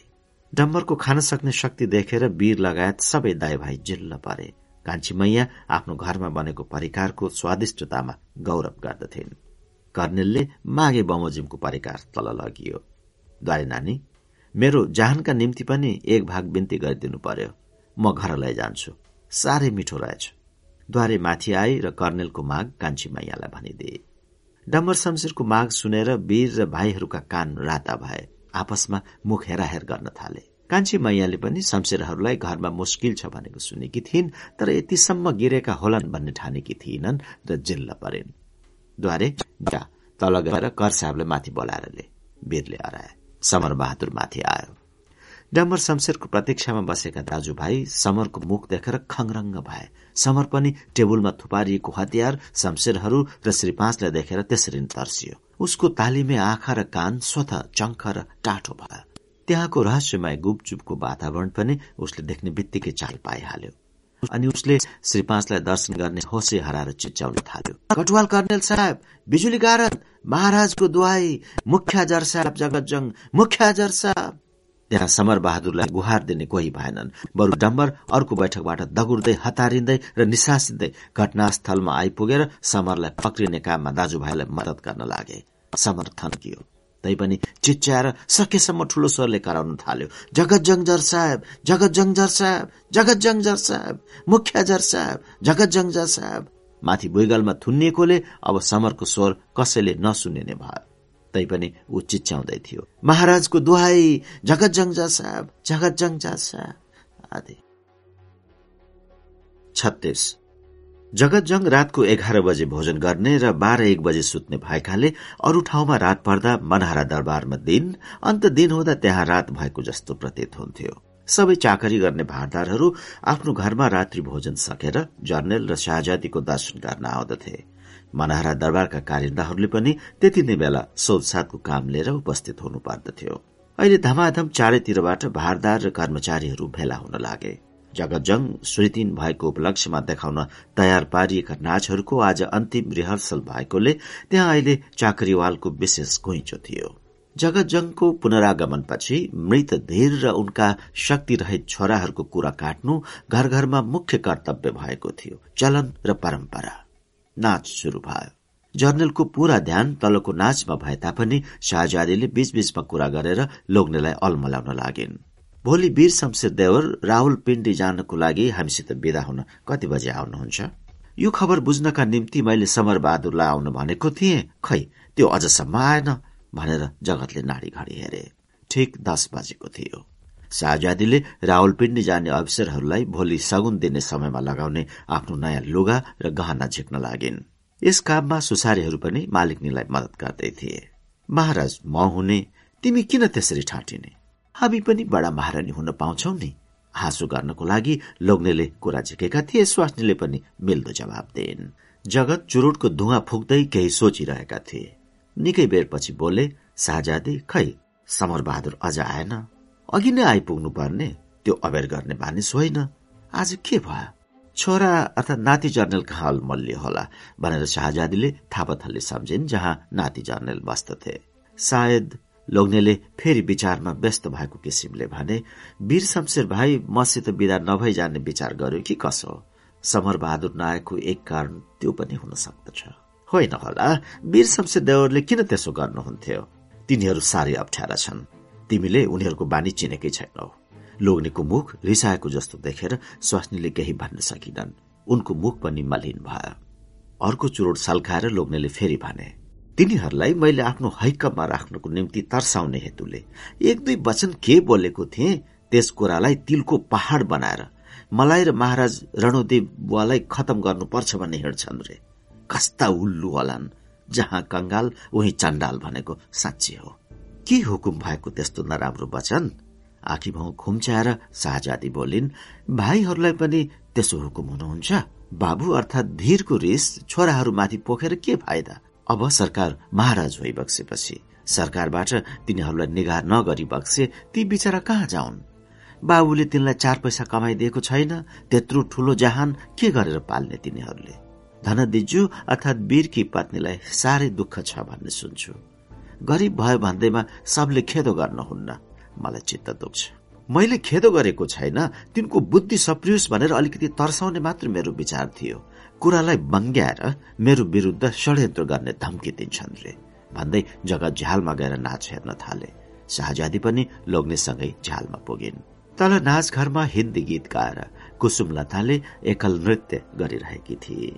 माथिबाट ताली निकै बेर बजिरह्यो। त्यो नाचको अन्त्य भयो।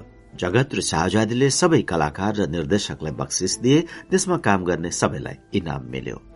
पुरस्कार वितरणको काम सकिने बित्तिकै त्यही नाट्यशालामा अर्को हत्या नामक नाटक शुरू भयो जुन खेलको रचयिता कप्तान केशर र सुब्बा भोला थिए। त्यो खेलको पहिलो दृश्यमा त्रिपुरासुर राक्षस तारकासुर विद्युत माली र माय चार दैत्य देखा परे। पहिलो राक्षसले हम वीर शमशेर हैं भन्यो। दोस्रोले आफ्नो नाउँ खड्ग शमशेर तेस्रोले रण शमशेर चौथाले चन्द्र शमशेर बताए। यी चारै राक्षसको हातमा तरबार र अर्कोमा खपरू थियो। फेरि अर्का दुई राक्षस देखा पर्न आए जसको हातमा गल र खन्ती थियो। एकले भीम शमशेर र अर्कोले आफ्नो नाउँ जुद्ध शमशेर भन्यो। फेरि एक हुल राक्षसको त्यहाँ प्रवेश भयो जसले बाँकी सबै शमशेर भाइको नाउँ काटेर आफ्नो परिचय दिए तर त्यहाँ देव शमशेरको नाउँ उल्लेख थिएन। त्यो दृश्य देखेर भारदार सबै रमाए। जगजङ र शाहजादीलाई खुसी पार्ने नियतले ती भारदारहरू ठूलो मुख बाएर हाँस्न थाले। तर जगजङलाई यो खेल मन परेको थिएन। उनले स्वास्नीको मुखमा मान्छाया बुझ्नका निम्ति हेरे। शाहजादीलाई पनि यो खेल बिल्कुल चित्त बुझेको रहेनछ। सरकार शमशेर देवरहरूको बेइजतीमा हाम्रो पनि बदनाम हुन्छ। हामी बेग्ला बेग्लै हाँगाका भए तापनि हाम्रो मूल जरो एकै हो। किन यसरी आफ्नो नाक काटेर अरूलाई अपसगुन गर्न खोजी बक्सिन्छ? हो ठिक भन्यो शाहजादी। यस्तो घृणा उत्पन्न हुने खेल बनाएका रहेछन् मलाई यादै भएन। बिन्ती छ यो नाच बन्द गर्न हुकुम बक्सियोस्। नाच रोक्ने आदेश तल पठाइयो। जगतजङले अँध्यारो मुख लगाएर भने तिम्रा शमशेर देवरहरूले सबैलाई चिढाएका रहेछन्। भाइ भारदार गुरु पुरोहित सबै तिनीहरूसित रुष्ट छन्। तिनलाई फौज र निजामती कर्मचारीले देखि सहँदैनन् म छु र तिनलाई कसैले केही गर्न हिम्मत गरेका छैनन्। न त नेपालका जनताले तिनलाई ढ्वाङ ठटाएर मुगलान थपाइसक्ने थिए। यो नाच रोकेर मात्र के गर्ने? तिम्रा शमशेर देवरहरूको बुद्धि कहिले आउने होइन? लोग्ने मलिन मुख लगाएर झ्यालबाट भित्र कोठामा गए। स्वास्नीले पनि त्यसै गरिन्। केशर र भोलाले धेरै मेहनत गरेर यो खेल तयार पारेका थिए। ती माथि हात जोड्न आइपुगे। सरकारलाई शमशेरहरूले रुवाएको हामीले बिर्सेका छैनौ। सरकारहरूबाट यति चाँडै बिर्सी बक्सिसकेछ। विष नभएको सर्प काम लाग्दैन। त्यस्तै मानिसमा पनि इख हुनु पर्दछ सरकार श्री तीन महाराज भइबक्सेपछि पनि यिनै दुष्ट शमशेरहरूमाथि दया दृष्टि बक्सने हो भने हामी मुगलान भाष्य पनि हुन्छ। हामीलाई अहिले नै विदा बक्सियोस् या मारी बक्सियोस्। हामी मर्न चाहन्छौ तर यी शमशेर खलकलाई हेर्न सक्दैनौ। यी हाम्रा शत्रु हुन् राजद्रोही हुन् देशद्रोही हुन्। जगतले केही भन्न सकेनन्। उनको दुई मन भयो खेल चालु राख्ने कि रोक्ने। तलबाट भारदारहरूले पनि केशर र भोलाले जस्तै गरेर रोषपूर्ण आवाज उठाएर नाटक चालू राख्न माग गरे। आफ्नो निर्धारित नाचको खेल सकेर नर्तकी कुसुम र हसिना जो अहिले जगतजङ र शाहजादीलाई चमर हम्किरहेका थिए तिनले पनि त्यो नाटक चालू राख्न अनुरोध गरे। यसरी सबैले आग्रह गरेको खेललाई जगतजङले एकाएक बन्द गराउन उचित देखेनन्। शाहजादीले पनि केशर र भोलालाई नाच रोक्नमा कर गर्न सकिनन्। किनकि उनको मनमा केशर र भोलाको मनोकामना पनि एक हो जसद्वारा रणोदेव सिंहले निकट भविष्यमा जगतलाई राजकाज सुम्पन्ने भएका छन् भन्ने परेको थियो। त्यसैले जोइपोई नाच हेर्न झालमा फेरि गए। नाच चलिरहेको थियो। शमशेरहरूलाई एकै चिहान पार्न लागेको दृश्य देखियो। जगतको मन पनि विचलित भयो र एक दिन रणोदीपले जगतजङ तैले शमशेर खलकलाई मार्नका निम्ति सुसारेहरूलाई तालिम गर्दैछस् भन्ने हल्ला गर्दछन्। के यो कुरा साँचो हो? भनेर हाँसो गरेका थिए। त्यो कुरा जगतलाई सम्झना भयो र जिब्रो टोकेर डराए। त्यति बेला तल रंगभूमिमा वीर शमशेर लगायत सबै शमशेरका लास पल्टिसकेका थिए। खालि एकजना शमशेर त्यहाँ नभएकाले उनी कतै जीवित होलान् नत्र अरू सबै शमशेर भाइको एकै चिहान भएको दृश्य देखियो। खेल रोकियो पर्दा खसेको थिएन। सैतिस दस पैंतालिस बजे। श्री पाँचको लङतिरबाट श्री तीन रणोदीप सिंहको लङपट्टि जानको निम्ति खड्गले पर्खाल चढे रण र चन्द शमशेर छानामा उक्ले। भीमले खड्गलाई मदत गर्दै थिए डम्बरले चोटामा हाम फाले। यसरी षड्यन्त्रकारीहरू महाराज रणोदीप सिंहको ढोका बाहिरको चोटामा सजिलैसित पुगे। ढोकाको पालमा खड्गले चियाएर कोठाभित्र हेरे। त्यहाँ बत्ती बलिरहेकोले महाराज केही लेखिरहेका र सुसारेहरूले उनको गोडामा तेल मालिस गरिरहेको देखियो। सुब्बा बलमानले बनारसको धार्मिक दंगाको समाचार सकेर बेलायतको आर्थिक प्रगतिबारे छापा पढेर महाराजलाई सुनाउन थाल्यो। बलमान महाराजले सोधे बेलायतको प्रधानमन्त्री आफ्नो कार्यभारबाट मुक्त हुन चाहेमा उसको उत्तराधिकारी को हुन्छ? त्यहाँ प्रधानमन्त्री छानिने प्रथा छ महाराज। कसले छान्छ? जनताले। नेपालमा प्रधानमन्त्री बदलिँदा कोही काटिने कोही मारिने कोही देश निकाला गरिने परम्परा थियो। अहिले आफूलाई पनि प्रधानमन्त्री पद भालुको कम्पट जस्तै भएको उनले अनुभव गरेका थिए। त्यसैले होला बलमानले बेलायतको प्रजातान्त्रिक प्रथाको अवगत गराउँदा उनी खुशी भएर मुसुक्क हाँसे जुन हाँसोको अर्थ हुन सक्दछ बेलायतको व्यवस्थाप्रति उनको आस्था। बलमान तँलाई बेलायतको राजनैतिक व्यवस्था ठिक लाग्छ कि यहाँ नेपालको? नढाँटेर मनमा लागेको सत्य कुरा भन्। पारिवारिक शासनको ठेक्का भएको देश नेपालमा कसैले पनि मनमा लागेको साँचो भावना व्यक्त गर्न सक्दैनथ्यो न शासकलाई सत्य कुरा सुन्ने सौभाग्य मिल्दथ्यो त्यसै हुनाले एक भारदारको हैसियतले बलमानले भन्यो महाराज ताबेदारलाई बेलायतको व्यवस्था ठिक लाग्दैन। किन बलमान? त्यहाँ हो हल्ला ज्यादा हुन्छ। काम भन्दा कुरा धेरै गर्छन्। पापको डर कसैलाई छैन। सबै भ्रष्ट छन्। पापदेखि तर्सिने रणोदेव सिंह बलमानको मुखबाट बेलायतको व्यवस्थाको वर्णन सुनेर झसङ्ग भए अनि आफ्नै व्यवस्थामा श्रद्धा बढाएर फेरि राम नाम लेख्न लागे। रणोदेव सिंहको कोठाभित्र भएको सबै शान्त वातावरण खड्गले बाहिर बसेर ढोकाको पालबाट राम्ररी अध्ययन गरे। त्यो ढोकामा भित्रबाट छेस्किनी लागेको पनि उनले अन्दाज काटेरै मनन गरे। महाराजको कोठामा छेस्किनी कहिले हालिँदैनथ्यो आज ढोका बन्द गर्दा संयोगले स्वत छेस्किने लाग्न पुगेछ जसले गर्दा शमशेरहरूका निम्ति ठूलो अदृष्ट भवितव्य परेको जस्तो हुन गयो। त्यो ढोका कसरी खोल्ने? समस्या पर्यो। खड्ग रण चन्द्र र भीम चार भाइले पुनः साउती सल्लाह गर्न लागे। डम्बर पनि उभिएर खड्गको आज्ञा पालन गर्न कसिएका थिए। बागदरबारमा भएको सल्लाह बमोजिम रणोदीप सिंहमाथि गोली चलाउनका निम्ति डम्बर एकजनालाई मात्र महाराजको कोठाभित्र पठाउने तय भएको थियो तर अहिले अन्तिम क्षणमा दाजुभाइले डम्बरलाई मात्र त्यत्रो खतरनाक काममा विश्वास गर्न उचित देखेनन् र ऐन मौकामा विचार बदले। खड्ग र रण पनि डम्बरसँग महाराजको कोठाभित्र पस्न अघि सरे। महाराजको कोठाको ढोका अझै बन्द थियो। सशस्त्र सात सय बिजुली गारद महाराजका सुरक्षाका निम्ति दिन रात त्यस क्याम्पभित्र घुमिरहेकाले ती पाँचजना शमशेर खतराको हाताभित्र पुगिसकेका थिए। अब तिनले सानो गल्ती गरेमा पनि तिनको ज्यान जान्थ्यो। महाराज बुवा भीमले कोठानिरबाट पत्यार पर्ने स्वरले बोले राहुल पिण्डी जाने बारे बिन्ती गर्न हाजिर भएको। लिगेशनबाट बहुतै जरुरी चिठी आएको छ। रावलपिण्डीमा हुने सैनिक प्रदर्शनका निम्ति दिल्ली दरबारमा नेपालले हिन्दुस्तानका राजाहरूको लहरमा बस्न अस्वीकार गरेर विदेशी स्वतन्त्र राष्ट्रको लहरमा आसन ग्रहण गर्ने माग पेश गरेको थियो। यसबारे अंग्रेज र नेपालको बीचमा धेरै वाद विवाद चलिरहेकोले कुरा टुङ्गिएको थिएन महाराज चिन्तित थिए। विदेश विभाग भीम शमशेरको मातहतमा भएकोले। उनको त्यहाँ असामयिक आगमनको झुट्टा कथन सोझा रणोदीप सिंहलाई पत्यार पर्यो र उनले सुब्बा बलमानलाई ढोका खोल्न आज्ञा दिए। बाहिर खड्गले बिस्तारै बत्ती निभाए। भीम शमशेर भर्याङको फेदमा तैनात गरिए। चन्द्र माथि चोटामा बसे। ढोका खुल्यो। सर्वप्रथम डम्बर शमशेर अनि खड्ग र रण शमशेर कालको रूपमा महाराज रणोदीप सिंहको कोठाभित्र बसे। ती सबै आतताईको हातमा माउजुर पिस्तोल थियो। उनीहरूलाई देख्ने बित्तिकै आमै भनेर सोसारीहरू चिच्याए। कहालिँदै खोप्टो परे कसैले पिसाब फुस्काए कोही बेहोस भए। महाराज एक सुरसित राम नाम लेखिरहेका थिए। तीन चार व्यक्ति एकाएक हत्त कोठाभित्र पसेको देखेर उनको एकाग्रता छिन्न भिन्न भयो। क्या हो? भनेर उनी हात दिए उनले पहिले कालो लामो कोट लगाएको डम्बर शमशेरलाई चिने अनि रणलाई देखेपछि खड्गको मुखमा हेरे। डम्बरलाई स्वास्नीको कुरा सुन्ने मानिसको गति यही हुन्छ। पहिले भन्नु अनि मात्र रणोदीपमाथि गोली चलाउनु भन्ने खड्गको आदेश थियो। सोही मुताबिक गर्नलाई डम्बरले भरेको पिस्तोल रणोदीप सिंहको छातीमा दागे तर डम्बरको बोल्दा भग भकाउने बानी भएकोले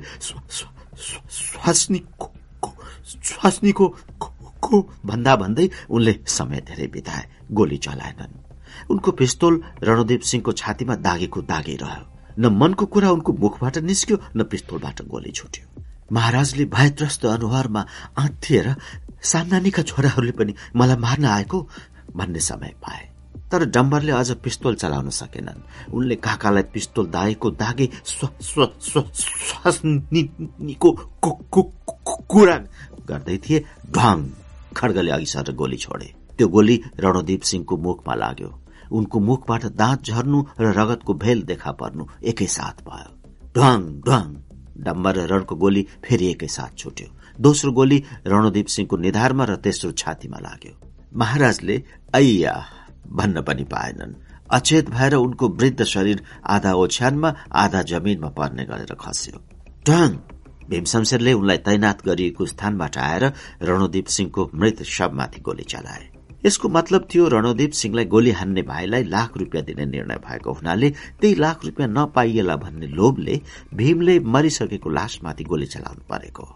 चार पटक पिस्तोल लगातार पड्केको आवाज सुनिने बित्तिकै सात सय सशस्त्र बिजुली गारदका तालिमे जवानहरू महाराजको सुरक्षाका निम्ति गारदबाट हुर्रिँदै दरबारभित्र बसे। कोही फौज भराङ उक्लन लागे कोही झालबाट कोही कौशीबाट महाराजको कोठामा जान अघि बढे। मार काट बदमासले देख्ने बित्तिकै गोली ठोक। यहाँ पिस्तोल पड्काउने को हो? महाराजको सवारी कहाँ?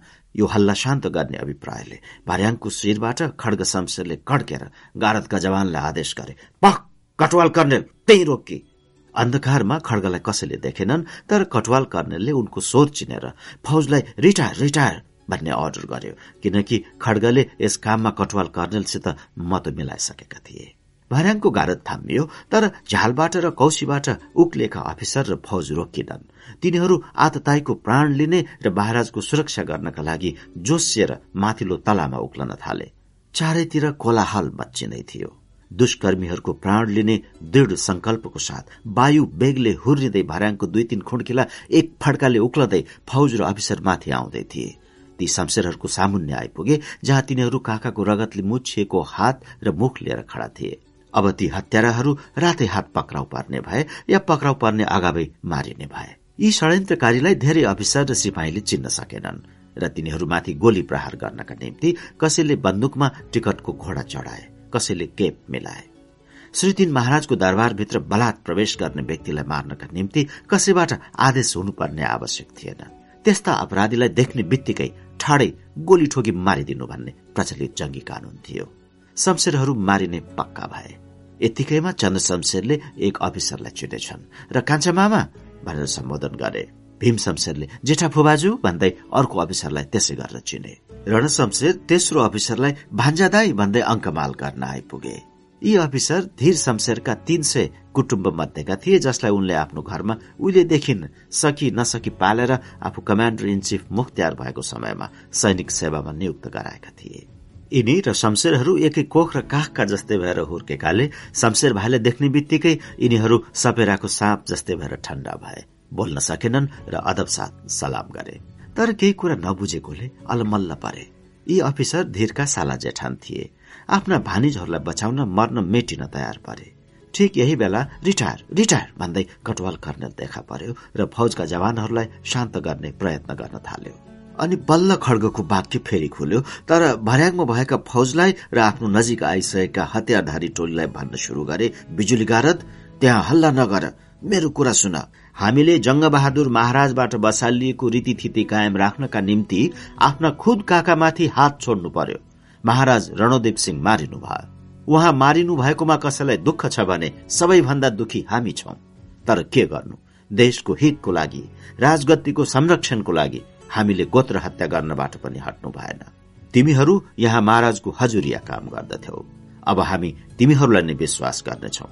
गारदमा फर्केर जाओ। निरुत्तर भएर आधा फौज तल ओर्लन लाग्यो। अलिकति फौजले काका मरेकोमा भतिजालाई चासो छैन भने हामीलाई के खाँचो भन्ने सम्झेर मन मार्यो। अलिकति फौजीले रणदीप सिंहको मुख हेर्ने माग गरे। लौ हेर महाराजको गति। भन्दै हत्याराहरूले रणदीप सिंहको लासलाई रक्तकुण्डबाट लत्याएर भर्याङबाट खुरमुराइदिए। त्यो मृत महाराजको शव कहिले भित्तामा कहिले डण्डीमा ठक्कर खाँदै भर्याङको एक छेउमा चारचित हुन पुग्यो। अझ लासबाट रगत चुइँदै थियो। तप तप रातो रातो रगत। तप तप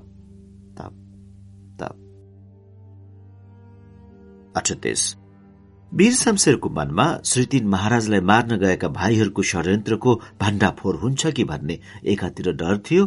फेरि अर्कोतिर भाइहरू सफल भएर आए पनि उनीहरूले खड्ग शमशेरलाई श्रीतीन महाराज बनाएर आफूलाई पनि रणदीपका हालतमा पुर्याइदिन्छन् कि भन्ने शंका उठ्यो। तर त्यो भएन। रणदीप सिंहको हत्याकाण्डको पैंतिस मिनटपछि खड्ग शमशेरले बागदरबार आइपुगेर श्रीतीन महाराजको तीन चाँद भएको पगरी र बिजुली गारद दाई वीर शमशेरलाई सुम्पिदिए। उनको भाग्य सूर्य उदायो। माइला दाई कान्छी मैयाले आएर खड्गलाई भनिन् पहिले हात मुख धुनुहोस् सबै रगतै रगत लागेको रहेछ। अनि मात्र श्री पाँच दर्शन गर्न उचित होला। बागदरबारमा श्री पाँच राजमाता लगायत सबै महिला वर्गको आँखामा आँसु थियो। रणोदीप सिंहको हत्या भएको र जङ खलकको सम्भावित पतनलाई सम्झेर सबै रोए। त्यहाँको परिस्थितिले गर्दा ठूलो स्वरले रुन नभए तापनि विरहले सबै कुण्ठिए अरूको कुरा परे जाओस्। खुद वीर शमशेरकी जेठी पत्नी धन हजुरीले पनि शाहजादीलाई सम्झेर मन थाप्न सकिनन् र बेस गरी रुन थालिन्। त्यही हालत थियो बाघकी कान्छी मैयाको पनि।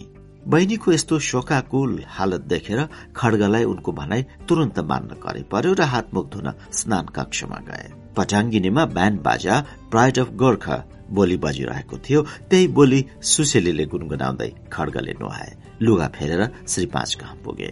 रण चन्द्र भीम र डम्बरले पनि त्यसै गरे सत्र भाइ शमशेर सामेल हुन आइपुगे। अनि खड्गले राजमातालाई हँसाउने उपाय सोचे। उनले रणोदीप सिंहको कोठामा प्रवेश गर्दा त्यहाँका सुसारीले पिसाब फुस्काएको र सुब्बा बलमानको सातो गएर भित्तामा तस्विर जस्तै टाँसिनु पुगेको भाव लगाए। कान्छी मैयाको आँखाभरि आँसु भए तापनि हाँसो फुस्कियो। श्री पाँचले पनि त्यसै गरेर हाँसिन्।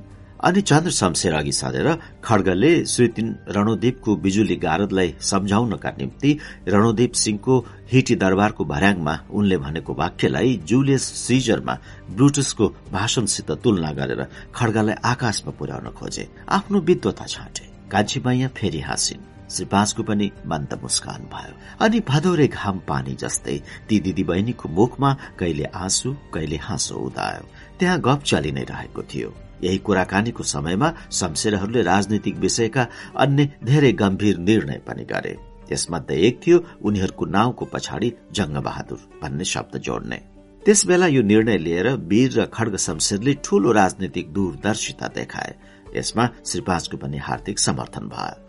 कान्छी मैयाले पनि आफ्नो बाबुको नाउँ सदा अमर रहने योजना बनेकोमा हर्ष प्रकट गरिन्। त्यही बेला तल चोकबाट कटवाल कर्नेलले कराएर जङ जर्साबहरू धमाधम भाग्दै हुनुहुन्छ। थापाथलीमा कोही छैन भन्ने खबर गर्यो। केशव सिंह थापा माथि कोठामा आएर श्री पाँच जेठी युवराज्ञी लाइन ब्रिटिस दूतावास पछि बक्सेछ के गर्ने? भनी सोध्यो।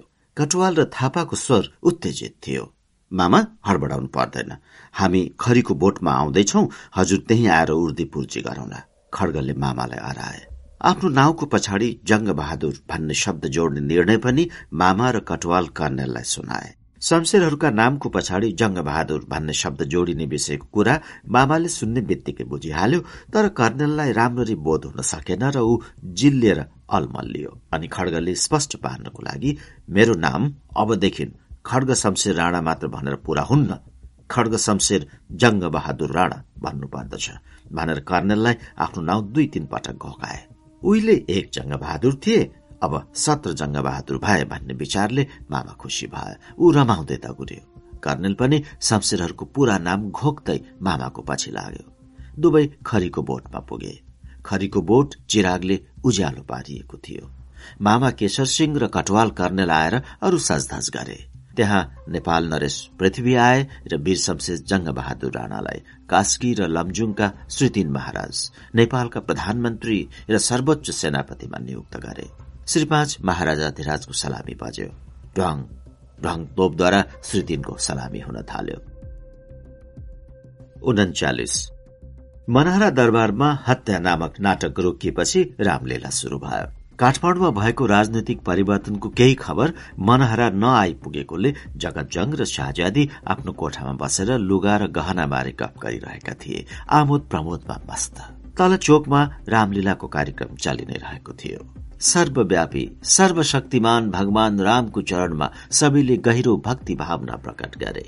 हरे राम हरे राम राम राम हरे हरे। हरे कृष्ण हरे कृष्ण कृष्ण कृष्ण हरे हरे। ढङ ढङ ढङ छाउनी टुर्खेलमा तोप पड्किएको आवाज मनहरामा कुनै स्पष्ट सुनियो कुनै अस्पष्ट कुनै सुनिँदै सुनिएन कसैले पनि सुनेनन्। राम्ररी त्यो आवाजमा ध्यान पनि दिएनन्। छ महिनादेखि रावलपिण्डी जान खटिएका फौजले रात दिन यसरी तोप पड्काएर अभ्यास गरिरहन्थे। राम कीर्तन चलि नै रहेको थियो। निकै बेर हरे राम मचिरह्यो एक्कासी वज्रपात भए जस्तै गरेर सम्पूर्ण शिविरमा खलबल मचियो सबै भक्तिभाव रोकियो। कीर्तनको अन्त्य भयो। मानिस यताउति दगुर्न थाले चिराग र पानस बोक्नेहरूको पनि भागा भाग पर्यो। लालटिन र देशी दीपक बलि नै रहेका थिए। त्यसबेला रातको ठिक साढे बाह्र बजेको थियो। त्यो खलबलको कारण बुझ्नका निम्ति जगत जङले झ्यालबाट धेरै चोटि कराएर सोधे तर उनलाई उत्तर दिने कोही भएन। एकैछिनमा पठाङ्गिनी अध्यारो भयो। मानिस रहित शून्य देखियो। सर्वत्र सन्नाटा छायो। त्यो असाधारण असामयिक हल्ला भएको मूल कारण के थियो? तोप किन पड्किएको हो? यी सब बुझ्नको लागि जगतजङ आत्तिएर तल ओर्लिए। शाहजादी पनि लोग्नेको पछि लागिन्। पेटीकोट र चोलो मात्र लगाएको हुनाले शाहजादीको मन धेरै काँपेको थियो तापनि लाजले उनी तल ओर्लिन सकिनन्। भर्याङको टाउकोमा उभिएर लोग्नेलाई पर्खिरहन्। आश्चर्य! जगतजङले पटाङ्गिनीमा कोही देखेनन्। नाचघर र गारद पनि सुन्ने। उनी अवाक भए। दुईजना कमारा रुखमाथि चढेर लुकिरहेका रहेछन्। मालिकलाई देखेर तल ओर्लिए। क्या हो? जगतले ती दुईको मुखमा हेरेर सोधे। किन तिमीहरू यसरी लगलग काँपेका के भयो? यहाँ मानिस पनि कोही देख्दिन कहाँ गए त्यत्तिका भारदार? खै मेरा अरू नोकर चाकर। जङ्गबहादुरका काहिला छोरा जनरल हर्षजङ त्यहाँ आएर रणदीप सिंहको हत्या भएको र वीर शमशेर महाराज भएको सूचना दिएर आफू ज्यान बचाउन जंगल पसेका थिए। त्यही कुरा ती दुई खमाराले जगत जङलाई सुनाए। जगत जङको आङ फुल्यो। बक फुट्न सकेन पसिना पुस्न लागे। हर्षजङले त्यहाँ खबर गर्न आउनुको मूल उद्देश्य थियो नोकर र त्यहाँ भएका भारदारले जगतजङलाई बेला छँदैमा मुगलान भाग्ने मौका मिलाइदिनेछन् भन्ने तर सबैले उल्टो प्रतिक्रिया देखाए। गारदमा रहेका आठ दस सिपाही जंगी अड्डामा हाजिर हुनको लागि काठमाडौँ दगुरे उस्तादले तालिमे नानी कुदाए। यी दुई कमारा बाहेक अरू सबै नोकर चाकरहरूले कुले लम ठोके। भारदार गुरु पुरोहित साउ महाजन भलादमी जो जति त्यहाँ उपस्थित थिए ती सब जङ खलकको निन्दा र शमशेर खलकको प्रशंसा गर्दै काठमाडौँतिर लम्किए। यी सबै बेहोरा जगत जङलाई ज्ञान भयो। उनी लामो लामो सास फेरेर पसिना पुस्दै थिए। बोल्न सकेका थिएनन्। यो षड्यन्त्र रचिन लागेको छ भन्ने जगत जङले केही महिना अघि सुईको पाइसकेका थिए। त्यस काममा श्री पाँच राजमाता र बाघकी कान्छी मैयाको समेत महत्व छ भन्नेसम्म पनि उनलाई सूचना भइसकेको थियो। त्यो बेहोरा उनले महाराज रणोदीप सिंहलाई दिनौ जसो जाहेर गर्दथे तर महाराजमा त्यस कुराको कहिल्यै पत्यार परेन अनि जगतको मनबाट पनि शमशेरहरूमाथि उठेको शंका हट्यो। यसरी धेरै महिना बितेका थिए। ती भूतकाललाई सम्झेर जगतले सजिलैसित आफ्नो वर्तमान र भविष्यको कल्पना गरे। तर अझ उनी पसिना पुस्दै केही गहिरो विषय सोच्दै थिए। सरकार झङ खलकलाई जहाँ देखे पनि गोली ठोक्नु भन्ने उर्दी भएको छ अरे एक कमाराले रुँदै भन्यो। अर्को कमाराले पनि डरले लकलक काँप्दै बोल्यो सरकारलाई मार्न पल्टन खटिने भएको छ अरे हामी पनि मारिन सम्भव छ अरे। हर्षजङले जगतजङका विश्वस्त भारदारहरूलाई सूचना गरेको बेलामा यी दुई कमाराले जे जे कुरा सुनेका थिए ती सबै मालिकलाई सुनाए। हो तिमीहरू पनि भाग। बाँचेछु भने फेरि बोलाउन पठाउला। मारिए भने नाति जर्नेलको र शाहजादीको के हालत हुन्छ म भन्न सक्दिन। तिमीहरूले याद गर्नु। जगतजङले पनि स्वर कपाउँदै बोलेका थिए। दुवै दास रुन थाले। रोएर धेरै समय नबिताओ। माथि शाहजादीले सुनलिन्। तिमीहरू जंगल पस। भाग जसरी हुन्छ आफ्नो ज्यान बचाउने काम गर। हातमा टोपी लिएर ती दुवै कमाराले त्यहाँबाट कुले लम ठोके। जगत जङ नेपालका भूतपूर्व प्रधानमन्त्री जंग बहादुरका जेठा छोरा दरबारका जेठा ज्वाई धन कुबेर सात भाइ खलकका जेठा दाजु भएका हुनाले अब उनलाई जीवित राखेर वीर शमशेरले आफ्नो काल पाल्दैन भन्ने कुरा जगतले सजिलैसित सोचिसकेका थिए। तैपनि उनी भाग्न चाहेनन्। घरबाट भागेर मूल बाटोमा मारिनु भन्दा घरैमा मारिनु उनले इज्जत सम्झे क्षेत्रीको गौरवमा इतिहास सम्झे। शाहजादीलाई यो वास्तविक परिस्थितिको ज्ञान भएमा उनले तुरन्तै आत्महत्या गर्ने थिइन्।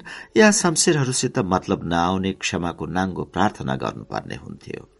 यी दुई कुरा आफू मर्नु अघि देख्नु र सुन्नु नपरोस् भन्ने विचारले उनले आफ्नो भाग्यले पल्टा खाएको कुरा शाहजादीलाई पत्तै नदिई गुपचुप राख्ने दृढ निश्चय गरेर घरभित्र पसे। के को खलबली रहेछ? शाहजादीले लोग्नेलाई देख्ने बित्तिकै डराएको स्वरले सोधिन् सरकारको मुहार पनि रगतै चुइएला जस्तो देख्छु। के भयो? तिमी डरायो? असाध्य डर लागिरहेछ। यो रामलीलाको अन्त्य गर्ने कार्यक्रम यही हास्यजनक खेलद्वारा हाहा हुहु गरेर टुङ्ग्याउने दिल्लगीको अभिनय गरेका रहेछन्। त्यही कुरा सुनेर बेसकरी हाँसेर आएको थिए। मेरो मुख रातो भएको कारण पनि त्यही होला। न डराउ राममाथि विश्वास गर। सबैको माथि उनै राम छन्। शाहजादीले लोग्नेको कुरामा कहिले पनि अविश्वास गर्दैनथिन् अहिले पनि पत्याइन्। लोग्ने स्वास्नी कोठाभित्र पसे। झर साहेब त्यो अघि पड्किएको तोपको आवाज के भएको रहेछ? त्यो आवाज थियो वीर शमशेर जंग बहादुर राणा श्री तीन महाराज र नेपालको प्रधानमन्त्रीमा नियुक्त भएको सलामी। यो तथ्य कुराको जगत जंगलाई सत्य अनुमान भइसकेको थियो तापनि उनले त्यो आवाजलाई रावलपिण्डीमा नेपाली सेनाले देखाउने फौजी प्रदर्शनीका निम्ति हुन लागेको तालिमी कारवाही भनेर ढाँटे शाहजादीलाई विश्वास पर्यो। झरसाहेब यता नजर होस्। भोलि वीर शमशेर देवरलाई सगुन दिँदा मैले लगाउन झिकेको लुगा। यो सारीमा यो पछोरा मिल्छ? जगतको मन विरहमा पोलिएको पश्चातापले डढिसकेको थियो। उनले स्वास्नीलाई भोलिका निम्ति सेतो सारी लगाउने सल्लाह दिए। दातेरी सदुवाले पनि सेतो लुगा लगाउँछन्? के हुकुम भएको? त्यति कुरा थाहा नपाउने मानिस पनि कसरी महाराज हुने होला भनेर शाहजादी पहिले रिसाइन् अनि हाँसिन्। जगतको मनमा सारा विचार सारा बुद्धि र तर्कना शक्ति शून्य हुँदै गएकोले उनमा न बोल्ने साहस थियो न उठ्ने जाँगर। निकै समय बित्यो। सुखला होस् शाहजादीले भनिन्। अबेर भइसक्यो। भोलि देवर वीर शमशेर चाँडै विदा हुन आउनुभयो भने वित्यासी पर्छ। हामी उठेका हुँदैनौ लाजै मर्नुहुन्छ।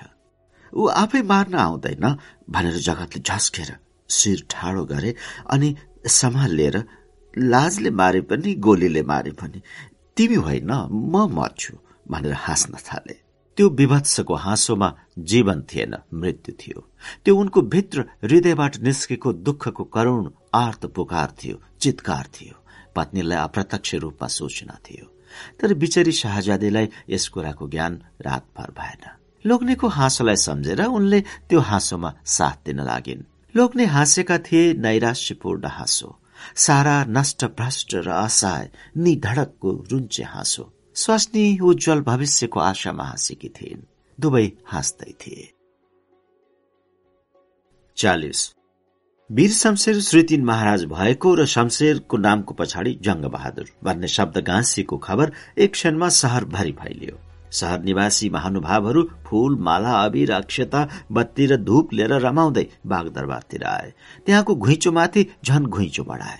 ती सबले श्री तीन महाराजलाई पूजा गरेर चिरायुको मंगल कामना गरे। मनाराबाट हाम फाल्दै हुर्रिँदै आएका भारदार र साहु महाजन पुरोहित पनि श्री तीन वीरको स्तुतिगान गर्नमा पछि परेनन्। त्यहाँ भक्तिभावको पराकाष्ठ पुग्यो।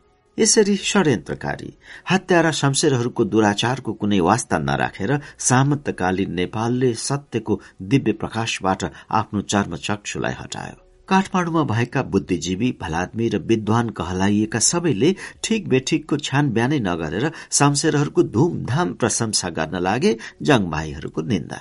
अरू पनि नामी र भलादमी भनाउँदा नेपालीका मुखबाट वीर शमशेर र मृत धीर शमशेरको प्रशंसा हुन थाल्यो। सबै शमशेर जाति गुणी प्रतापी धर्म अवतार र देवता ठहरिए। रणोदीप सिंहलाई पापी थिए गोत्र हत्यारा भनेर त्यहाँ उपस्थित भएको भीड़ले घृणा गर्न लाग्यो।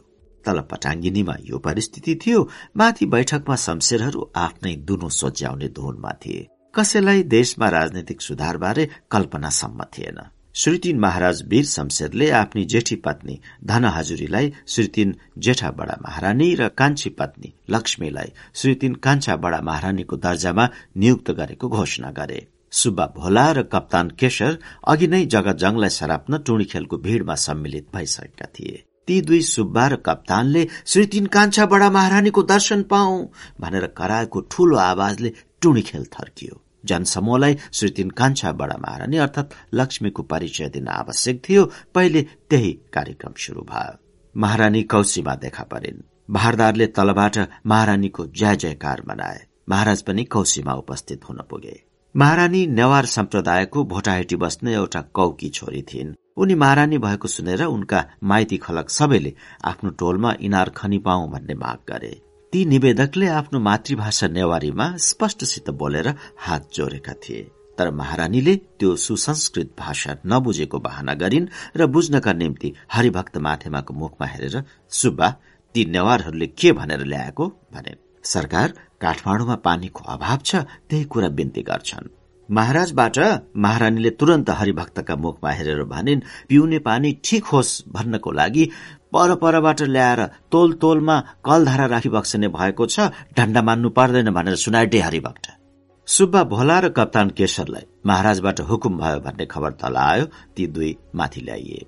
अघिसम्म जगतजङको निगाहको आशाले मनहरा दरबारलाई घाम सम्झने फेरि शमशेरहरूलाई राक्षस संज्ञा दिएर हत्या नामको व्यङ्ग्य नाटक बनाउने यी दुई व्यक्तिलाई शमशेरहरूले आफ्नै वफादार ठाने।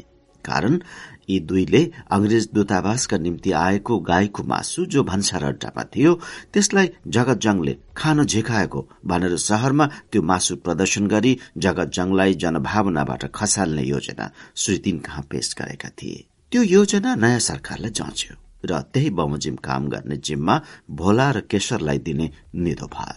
त्यसै बेला दाई त्यो कर्णेललाई के गर्ने?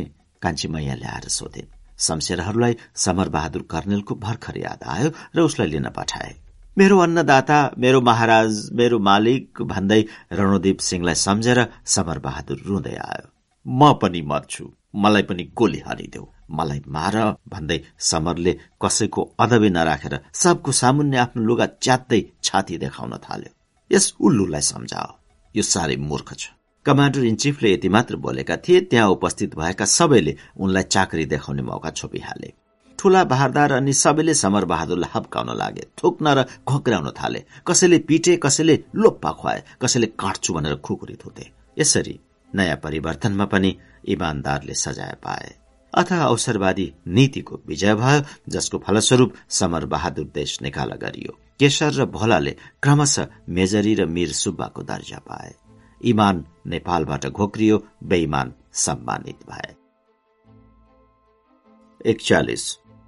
साढे तीन घण्टापछि मिरमिर उज्यालो हुन लागेको थियो। हिजो राति दर्जा वृद्धि हुने मेजर खेसर एक टोली सिपाही लिएर जङखलकको मुख्य निवास स्थान थापाथली पुग्यो। वैभव र विलासका सामग्रीको दृष्टिले थापाथली प्रसिद्ध थियो। त्यस्तो घना बस्ती भएको रमणीय स्थान अहिले तलदेखि माथिसम्म सम्पूर्ण खाली देखियो। त्यहाँ माल सामान जायजात सम्पत्ति सबूत भए तापनि मानिस कोही थिएन। बरु बेलायती कुकुरहरू मालिकको खोजमा यताउति घुम्दै अधीर थिए। त्यहाँ गएका सिपाही थापाथलीको प्रत्येक घरमा खान तलासी गर्न थाले। सुन चाँदी हिरा मोती र अरू धेरै किसिमका जवाहिरात बाहिर ओसार्न लागे। एउटा घरमा लम्पट तातै थियो। तमाखुको चिलिम र पातो सेलाएको थिएन। चुरोटका ठुटाहरूबाट धुवा उठ्दै थियो। यो सब देखेर मेजर केशरलाई अनुमान भयो। भर्खर त्यहाँबाट मानिस निस्केका रहेछन् भन्ने। मेजर साहब एक सुबेदारले केशरलाई भन्न आइपुग्यो। माथि कोठामा एउटा मानिस निधाइरहेको छ। के गर्ने? को हो त्यो? तैले चिनिनस्? त्यो देव शमशेर थिए। उनको रहन सहन जङ खलकसित मिल्ने हुनाले उनी धेरै जसो त्यही रणवीर जङको घरमा बस्दथे गए राति पनि खानपिन गरेर उनी त्यही सुतेका थिए। रणदीप सिंह मारिएको र वीर श्रीतिन भएको हल्ला थापाथली पुगेको थियो। सबै जङ भाइ आफ्नो जहान बच्चा सहित यत्र तत्र भागे। देवलाई कसैले बेउझाएनन् बेउझाउन आवश्यक पनि देखेनन्। अहिले देव मस्तसित निधाइरहेका थिए। सुबेदारले देव शमशेरलाई राम्ररी चिन्न नसकेकोले मेजरलाई उत्तर गर्यो त्यो मानिस कमान्डर इन चिफ मुख्तियारको भाइ जस्तो लाग्छ। को भाइ? काइला जर साहब। सुबेदारले नयाँ कमान्डर इन चिफ मुख्तियार खड्ग शमशेरका काहिला भाइ देव शमशेर जस्तो लाग्छ भनेको थियो तर मेजरको मनमा कमान्डर इन चिफ मुख्तियार जे जङका काहिला भाइ रणवीर जङलाई लक्ष्य गरेको होला भन्ने पर्यो र जाजा त्यसको टाउको तुरन्त काटेरले जर्नेल न छप्काइहाल भन्यो। सुबेदार जर्नलको टाउको लिन खुकुरी थुतेर माथि लाग्यो। मेजर र सुबेदार त्यस कोठामा पसे जहाँ अझ देव शमशेर मिठो निन्द्रामा मस्तसित निधाइरहेका थिए। सुबेदारले फुर्तीसित अघि बढेर त्यो निधाइरहेको मानिसले ओढेको सिरक थुतेर फालिदियो। निधाइरहेका व्यक्ति एक्कासी झस्केर बिउजे तर उनले मेजर र सुबेदारलाई चिन्न सकेनन्। मेजर र सुबेदारले उनलाई देख्ने बित्तिकै चिने देव शमशेर देव शमशेर केशरको सातो गयो केही बोल्न सकेन हात जोडेर काप्न थाल्यो रुन लाग्यो। सुबेदार सुरुका बाहिर निस्क्यो। उल्लु! भनेर देव रिसाए मेजरको गालामा एक थप्पड हानेर फेरि बोले यति सबेरै उठाउन आउने त्यही पनि सिरक थुत्ने बकोस! अनि उनले भित्ताको दराजमा नजर दिए। त्यो उदाङ्ग थियो। त्यसभित्र सात आठ नाल बन्दुक सधैँ राखिएको हुन्थे तर अहिले त्यहाँ एक नाल पनि उनले देखेनन्। जिल्ल पारे। यहाँको त्यत्तिका बन्दुक? खै श्रीतिन महाराज वीर शमशेर जङ्ग बहादुर राणाको गारदमा ल्याउनु भन्ने भएकोले ती सबै बन्दुक तल ओसारेको छु। आफ्नो नाउँको पछाडि जङ्ग बहादुर भन्ने शब्दको पुच्छर गाँसिएको पनि देवलाई थाहा थिएन। त्यसैले केशरको मुखबाट महाराज वीर शमशेर जङ्ग बहादुर राणा भन्ने वाक्य निस्किएकोमा देव जिल्ल परे र सोधे के भनेको तैले? को श्री तीन महाराज वीर शमशेर जंग बहादुर राणा? देव शमशेरलाई गत रात भएको हत्याकाण्डको विषयमा केही जानकारी छैन भन्ने कुरा मेजरको कल्पनामा पनि थिएन। सोच्ने अवसर पनि पाएन। त्यसैले अब वृत्तान्त अवगत गराउन लाग्यो। उनको शरीरमा बिजुली दगुरियो। तिग्रा लगलग काँप्यो। पिणौला फर्कियो थुक सुक्यो पसिना आयो आँसु रसायो पक्क परेर मेजरको कुरा सुन्दै थिए। अलिअलि गरेर उनलाई सबै कुरा छर्लङ्ग भयो। त्यसै बेला केशर सिंह मामा त्यहाँ टुप्लुक्क आइपुग्यो क्या हो? अझै शुक्ला? उसले हाँस्दै भन्यो। देशमा जनक्रान्ति भइसक्यो। कहाँको नेपाल? कहाँ पुगिसक्यो? थाहा शुद्धि पाउनु छैन। यहाँ मस्ताराम? मामा देवले अँध्यारो मुख र रुन्चे स्वरले बोले यो ठुलो पाप भएन? गोत्र हत्या भयो. मामाले देवको कुरा बिचेमा रोकेर भन्यो जनताको इच्छा यस्तै भएपछि के गर्ने? जनबलसित कसैको केही लाग्दो रहेनछ रणोदेव सिंह मारिनुभयो। रणोदेव सिंह उही एउटा प्रधानमन्त्री थिए जसले राष्ट्रकोषबाट आफ्नो निम्ति एक पैसा झिकेनन्। फेरि मुलुकको आमदानी खर्चको हिसाब किताब राम्ररी राख्ने प्रणाली उनैले बसालेका थिए जुन कुमारी चोकको प्रथाले प्रसिद्ध थियो। यस्तो अनुभवी सोझा गाई प्राणी रणोदीप सिंहलाई मार्न जनताले इच्छा गर्यो होला भन्ने कुरामा देवलाई किन विश्वास पर्दथ्यो? केशव सिंहले विश्वास पार्नका निम्ति भनेको पनि थिएन। त्यसैले उसले तुरन्त आफू त्यहाँ आएको कुरा भन्यो म हजुरलाई बोलाउन आएको। श्री तीन कान्छा बडा महारानीबाट हुकुम भएको छ। हजुर तुरन्त पाल्नु पर्यो। हेर्नुहोस्। देव शमशेर र केशव सिंह थापा लाल दरबार पुगे। लाल दरबारको भत्किएको छानामाथि राष्ट्रिय झण्डा फरफराइरहेको थियो। पटाङ्गिनी सानो भएकोले तल खेतसम्म पनि ठूल्ठूला पाल र स्यार हल्लिएको देखियो। बिजुली गारद ब्याण्ड बाजा निक्सारी भारदारी खड्ग निशाना आदि अड्डाहरू बस्न आए कोही आउने योजना गर्दै थिए।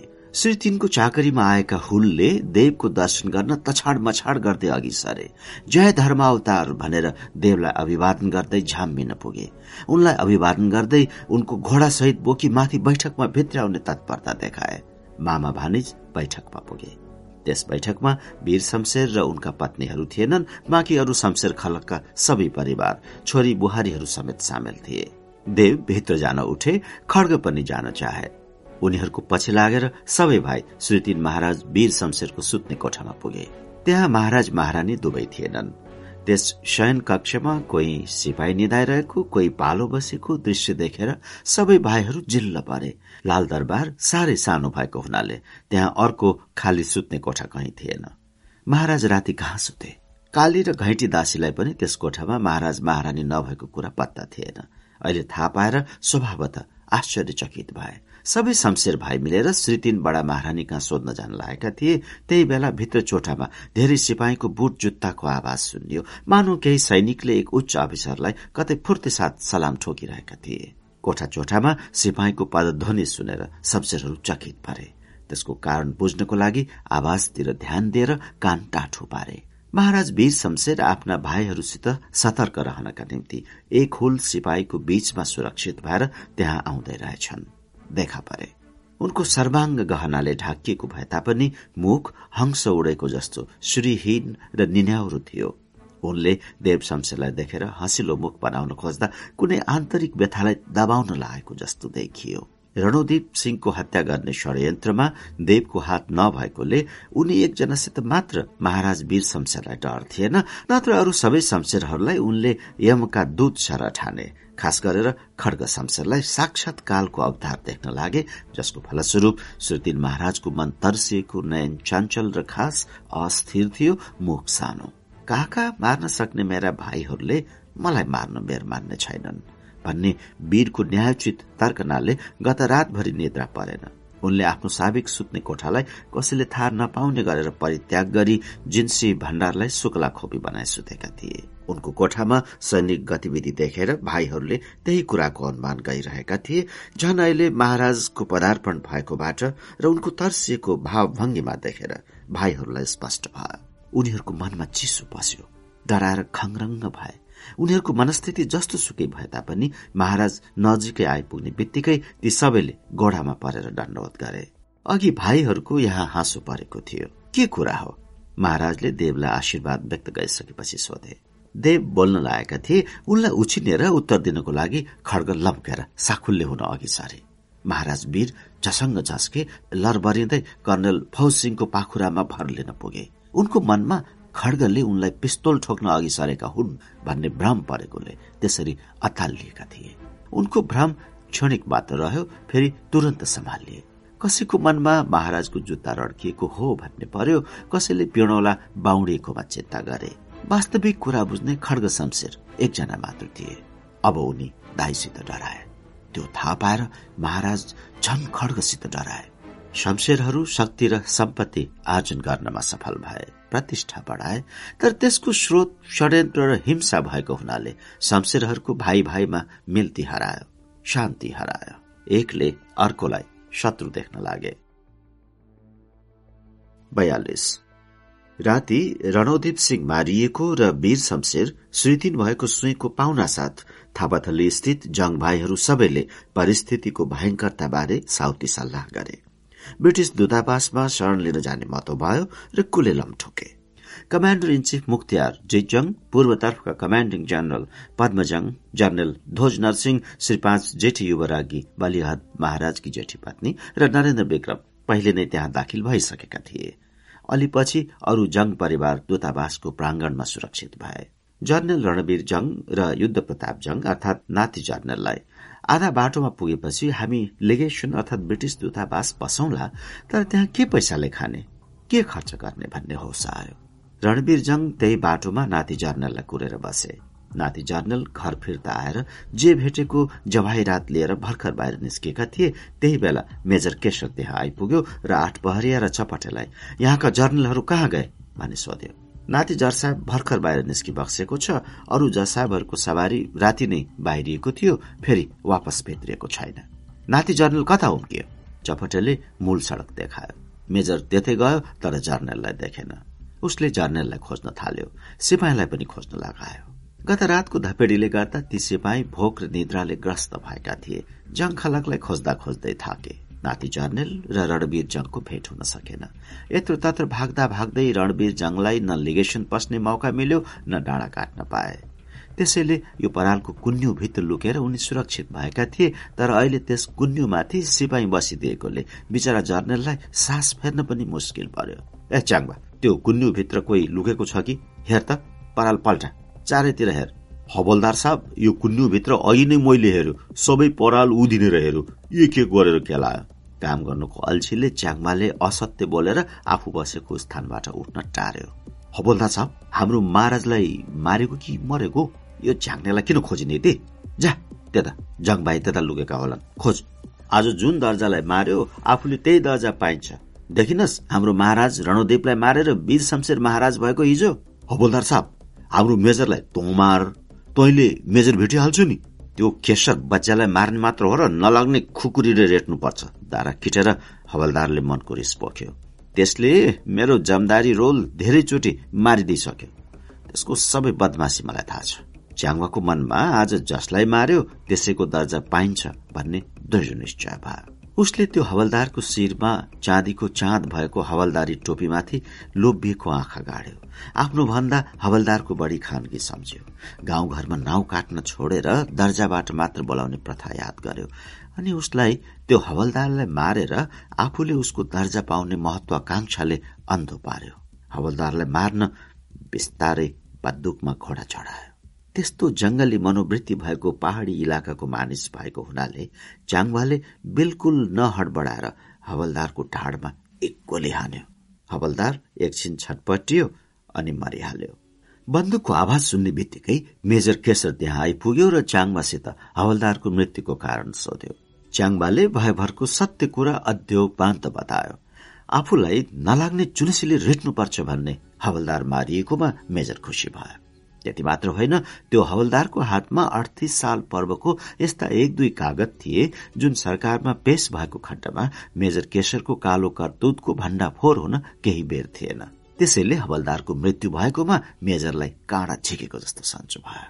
मेजर र च्याङवा खुसी भएर दुवै सुर्ती खाने तर्खरमा लागे। त्यही बेला सामुन्नेको सड़कमा एउटा किसान परालको भारी बोकेर टुकुसातिर जान मोडिएको ती दुईले देखे।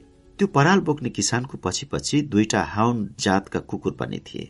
च्याङमा मेजरले भन्यो त्यो परालेलाई सोध त्यसले त्यो कुकुर कहाँ लैजान लागेको रहेछ? ती कुकुर थापाथली दरबारका जस्ता छन्। च्याङ्बाले कराएर सोध्यो। पराले केही उत्तर दिएन झन उसको गति तीव्र भयो। च्याङ्बाले फेरि कराएर सोध्यो यो कुकुर मैले लगेको होइन त्यसै मेरो पछि लागेका छन्। पराल बोक्ने ज्यापुले राष्ट्रभाषा शुद्धसित बोलेको सुनेर मेजर जिल्ल पर्यो। रणवीर जङ पनि कुन्युभित्र झस्के। बेलायती कुकुरहरूले परालेको खुट्टा सुँगे वरिपरि घुम्न थाले पुच्छर र कटी हलाएर ममताको उग्र प्यार भाव देखाउन लागेकाले परालेको गतिमा बाधा पर्यो। Get away you silly dog कुरा बुझेको जस्तो गरेर ती कुकुर त्यहाँबाट फर्के। किसान पनि आफ्नो बाटो लाग्यो। किसानले अंग्रेजी भाषामा कुकुरलाई हप्काएको सुनेर मेजर झन आश्चर्यमा पर्यो। मेजर र सिपाही लम्किँदै किसानको नजिकै पुगे। ती दुईले पराले किसानको नाडीमा घडी देखे औलामा चहकिला औठी हात घोडा अत्यन्त सेता। यो मानिस जङ खलक जस्तो छ मेजरले सुस्त बोलेर च्याङवालाई सुनायो। त्यो पराले हिँड्दै गयो। निकै पर पुग्यो। पर्खी पर्खी! भन्दै मेजर लम्क्यो। अनि दगुर्यो। पराले भारी फाल्यो रिङ्सक जन्तुलाई देखेर मृग जसरी भाग्दछ त्यसै गरी पराले दगोर्न थाल्यो। मेजरले खेद्दै गयो पराले भाग्दै थियो। परालेको पहिले टोपी खस्यो गले बन्द झर्यो अनि उसलाई सबैले चिने नाति जर्नल जर्नल युद्ध प्रताप जङ श्री पाँच सुरेन्द्र र श्री तीन जङ्ग बहादुरका जेठा नाति गर्वमा नै जर्नल भएका जर्नल धन कुबेर श्री तीन महाराज र प्रधानमन्त्री हुने रोल क्रमको तेस्रा उम्मेद्वार चौबिस वर्षका सुन्दर युवक जर्नल युद्ध प्रताप जङलाई सबै नेपालले चिनेको थियो। अहिले पनि देख्ने जतिले चिने उनको शिरका सबै बाल माथितिर जर्किएर र टुपी ठाडो भएको थियो। उनी भाग्दै थिए। संयोगवश च्याङवानिर पुगे। च्याङवाले समात्न लागेको थियो। त्यो कुराको मेसो पाएकोले ती कुकुर फर्किएर च्याङवालाई झम्टिन लागे। अल्मलाइदिए जर्नेल नवद नाडी खिचेर भाग्दै थिए। मेजरले ढ्याम गोली छोड्यो। जर्नेल कहिले रुखको आडमा कहिले कान्लामा र ढिस्कोमा लुग्न पुगेकाले गोली लागेन। सामुन्नेबाट अरू दुई सिपाहीले जर्नललाई बन्दुक ताक्दै आएकोले अब उनलाई साह्रै आपत पर्यो र खेतमा हाम फाले जहाँ किसानहरू आफ्नो काममा पसिना चुहाइरहेका थिए। ती मेहनतकश नेपालका सच्चा नागरिकले त्यहाँ गोली चलेको कारण पनि बुझेनन्। जर्नल भाग्न लागेको पनि याद गरेनन्। उनीहरू आफ्नै परिश्रमले बेफुर्सद थिए। ड्याम मेजरले फेरि गोली छोड्यो। त्यो गोली जर्नलको बायाँ गोडामा लाग्यो। जर्नल घाइते भए। देश विदेश डाँडा काँडा नदी नाला कुना काप्चा भ्रमण गर्ने उनको तरूण गोडाले पनि अब उनको जवान शरीरलाई थाप्न सकेन। उनको बेग घट्यो तै पनि रगत पोख्दै भाग्दै थिए। ड्याम मेजरको गोली फेरि छुट्यो। त्यो गोली जर्नलको कुममा लाग्यो। हजारौं मानिसलाई धनी र नामी बनाइदिने उनको दानी हातले पनि केही भार लिन पाएन। दुवै हात गोडा र शरीर थर र काँपे। उनले आफू मुमा बचाइ बक्स्योस् मलाई मार्न लागे भनी बेसकरी चिच्याएर श्रीपाँच राजमातालाई स्मरण गरे भाग्न असमर्थ भए। मेजरले ड्याममा गोली हारेर जर्नलको शरीरमा अर्को पाल पारिदियो। अनि उनका निम्ति संसार घोप्टियो अर्ध मृत भई जमिनमा पछारिए। मरे आफू मुआ दुखेको तोडमा जर्नलले चिच्याएर धेरै पल्ट कराए। अर्धचेतन अवस्थामा आफू मुआ सम्बोधन गर्दै गोली लागेको पक्षी आकाशबाट खसे झै नाति जर्नेल जमिनमा छटपटिन थाले। उनको शरीर र स्वर शिथिल हुँदै गयो तैपनि उनी सकी नसकी आफू मुआ आफू आफू आफू गर्दै श्री पाँचलाई स्मरण गर्न लागे। उहिले नाति जर्नेल जन्मिएको दिनमा काठमाडौँ आमाको गर्भबाट पुत्र पैदा भएको जस्तै गौरव गरेर सबै काठमाडौँ निवासीको मुखमा उल्लास र उमङ्ग थियो। त्यसबेला सात दिनसम्म सम्पूर्ण राजधानीभित्र उनको जन्मदिनको उत्सव मनाइयो। सर्वत्र दीपावली भोज भातेर र खुसियालीको लहर चलेको थियो। प्रकृतिले जर्नेललाई हुर्काउँदै लाग्यो। अलिअलि गरेर उनी बामे सर्न थाले।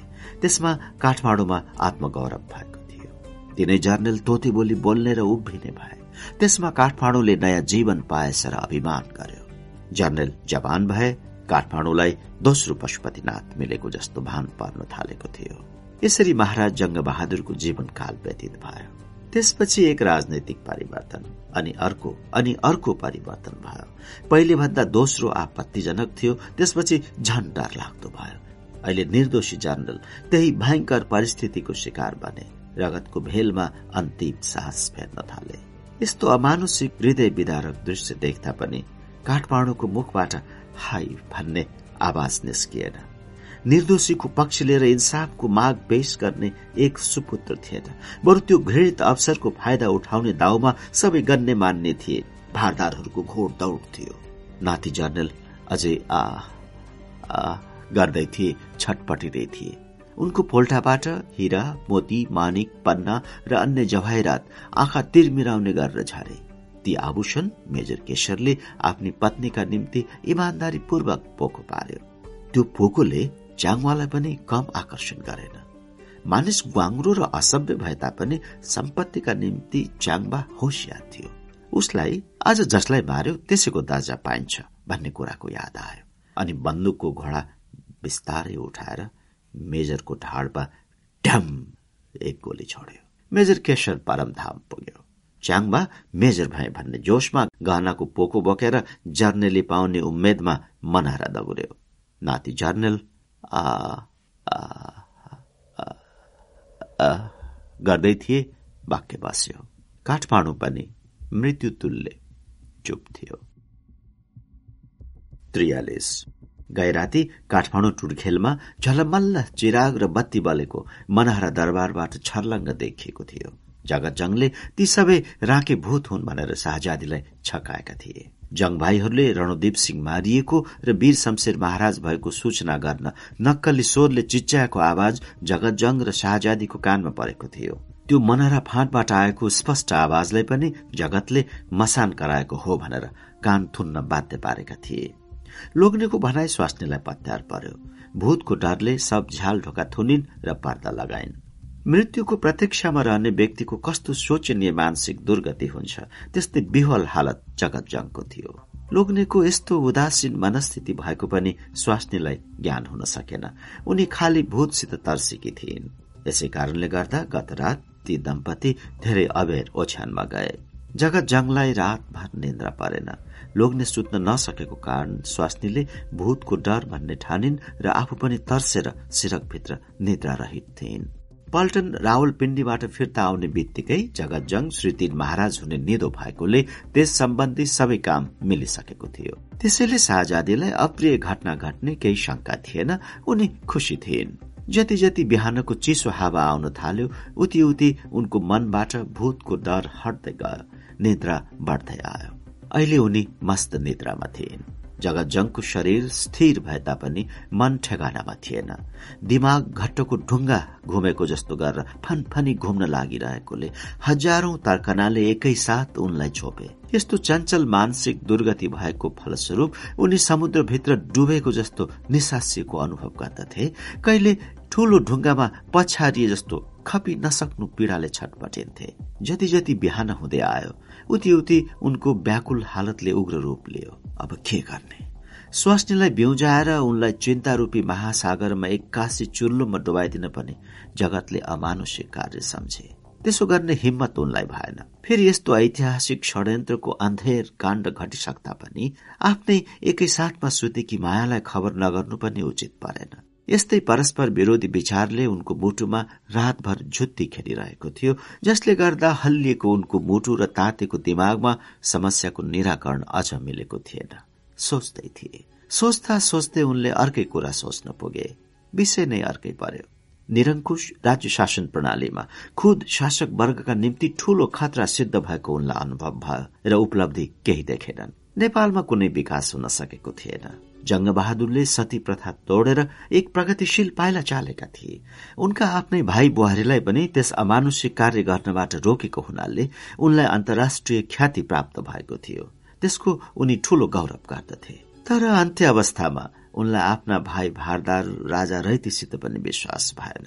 उनको सेकपछि कसैले उनी माथिको रिस उनका पत्नीहरूलाई फेर्छन् कि भन्ने उनलाई डर पर्यो र आफ्नी श्रीतिन बडा महारानी अर्थात मैया महारानी र अन्य महारानीहरूलाई सती जाने आदेश गरेर उनी मारेका थिए। यसरी बत्तीस वर्षको शासनकालमा चालिएको एउटा प्रगतिशील पाइला पनि उनले कायम राख्न सकेनन् र अन्त्य अवस्थामा मेटेर जानु परेको थियो। उनी पनि मानवीय प्रकृति अनुसार आफ्नो मृत्यु सैयामा सबै नाता कुटुम्बलाई देख्न चाहन्थे। तर राजनैतिक बस उनलाई जंगलको एकान्त कुनामा मर्नु पर्यो जहाँ उनको लास फुक्ने न छोरा थिए न भाइ जंगलमा बेवारिसे जस्तै भएर फुकिए। उनको मृत्युको शोक सन्देश छोरा बुहारी ज्वाई सम्धि नाता कुटुम्ब कसैले सुन्न पाएनन्। सुन्न पाउने भाइहरूले पनि उनलाई सम्झेर रुन पाएनन्। उनको उत्तराधिकारी एक षड्यन्त्रको रूपमा खड़ा गरियो। अनि जगत जङलाई बद्री नरसिंहको सम्झना भयो। जनरल बद्री नरसिंह एक प्रभावशाली व्यक्ति थिए। ऐतिहासिक कोत पर्वको बलियो स्तम्भ। तर त्यस्तो पुरूषले पनि निरङ्कुश शासनको शिकार बन्नु पर्यो र काठमाडौँबाट धपिनु पर्यो पाल्पामा दुःख पाइरहेका थिए।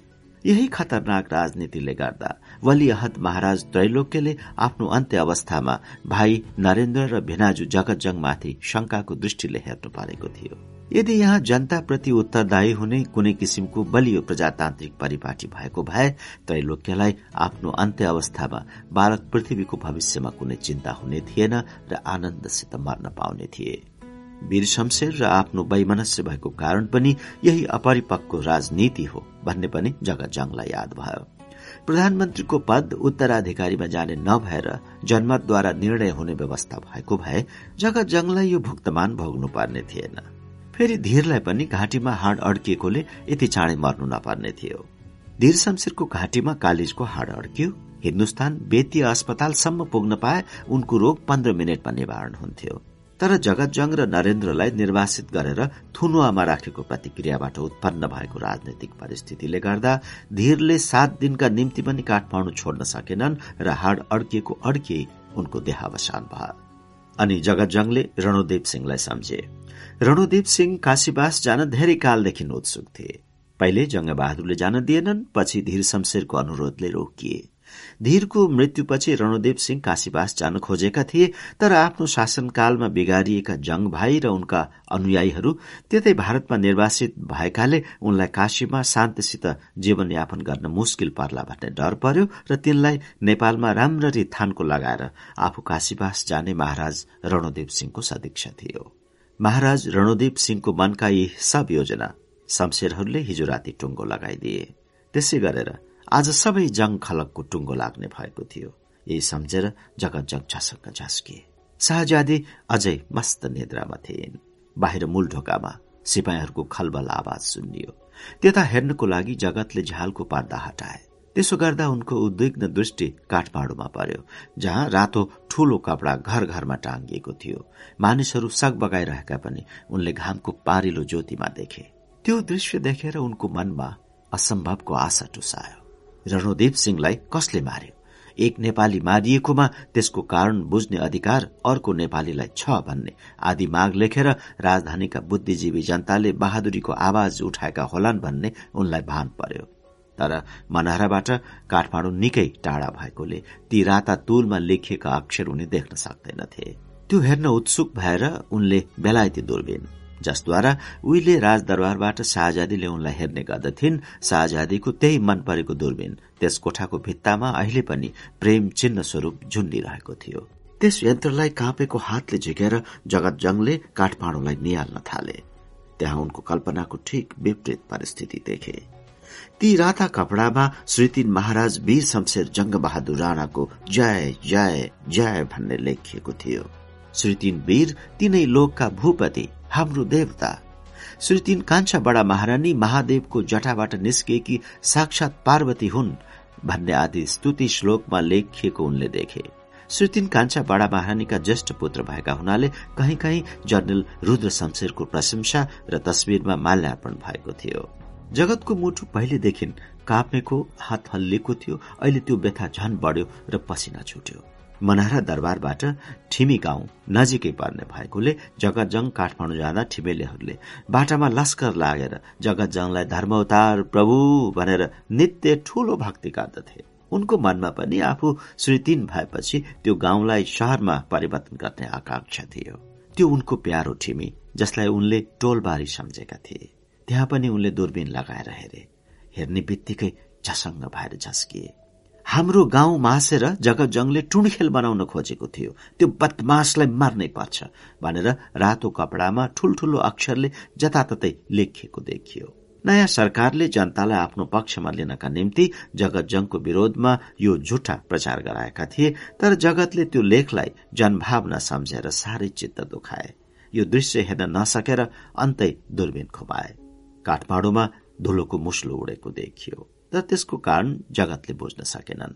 उनले फेरि दूरबीनको ऐनालाई राम्ररी मिलाएर हेरे। आफ्नो नौ घोडे सालेबम बग्गीलाई चिने। धुलोको बादलभित्र त्यो बग्गी झलाकझुलुक देखियो तर त्यसभित्र भएका शमशेर भाइलाई जगतले चिन्न सकेनन्। निकै बेर हेरे।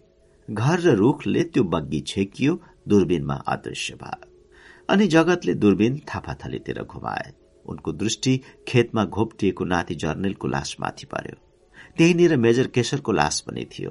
केशरलाई जगतले चिने तर नाति जर्नेलको मृत शव किसानको भेषमा भएको हुनाले छोराको लासलाई बाबुले चिन्न सकेनन्।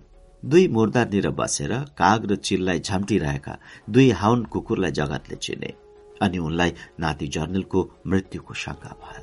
उनको मुटुमा शूलको वेदना उठ्यो दम बढ्यो आँखामा आँसुको ढिका जम्यो। दूरबीन थमिलियो केही नदेख्ने भए। आफ्नो आँखा र दूरबीनको ऐनाबाट आँसु पुछेर जगतले पुनः काठमाडौँलाई हेर्न लागे। निकै बेर हेरे।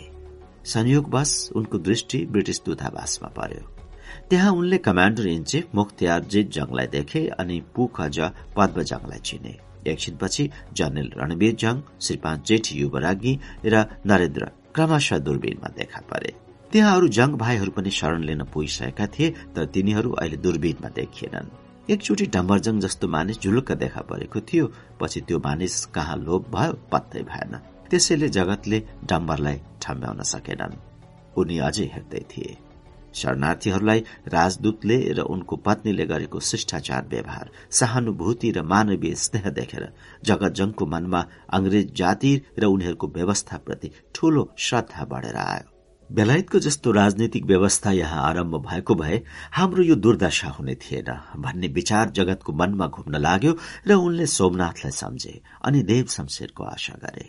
सिपाहीहरू मूल ढोका नागेर भित्री चोकमा प्रवेश गर्न लागेको खलबली सुनियो अनि उनले दूरबीनलाई टेबिलमा राखेर शाहजादीका मुखमा हेरे। निद्राले मानिसलाई दुःखसित विमुख पार्दछ भन्ने कथन अनुसार अहिले शाहजादीको चेहरामा भोलापन थियो केही चिन्ता थिएन न शोक न सन्ताप थियो। जगतजङले पत्नीलाई अन्तिम विदायका निम्ति चिठी लेख्न लागे। प्रियतामा जन्मेपछि मर्नु अनिवार्य छ। मेरो मृत्युमा तिमीले धेरै शोक नगरे। राजनैतिक जीवनमा यस्तो खतरालाई ठूलो आश्चर्य मान्न हुँदैन। दामोदर पाण्डे काटिए भीमसेन थापाले सेरिनु पर्यो। महात्मा सिंहको हत्या भयो। फतेजङ चौतरिया र अरू यस्ता धेरै व्यक्तिहरूको संहार भएको घटना सम्झेर मेरी प्राण तिमी मन थाम। बिन्ती छ नरो।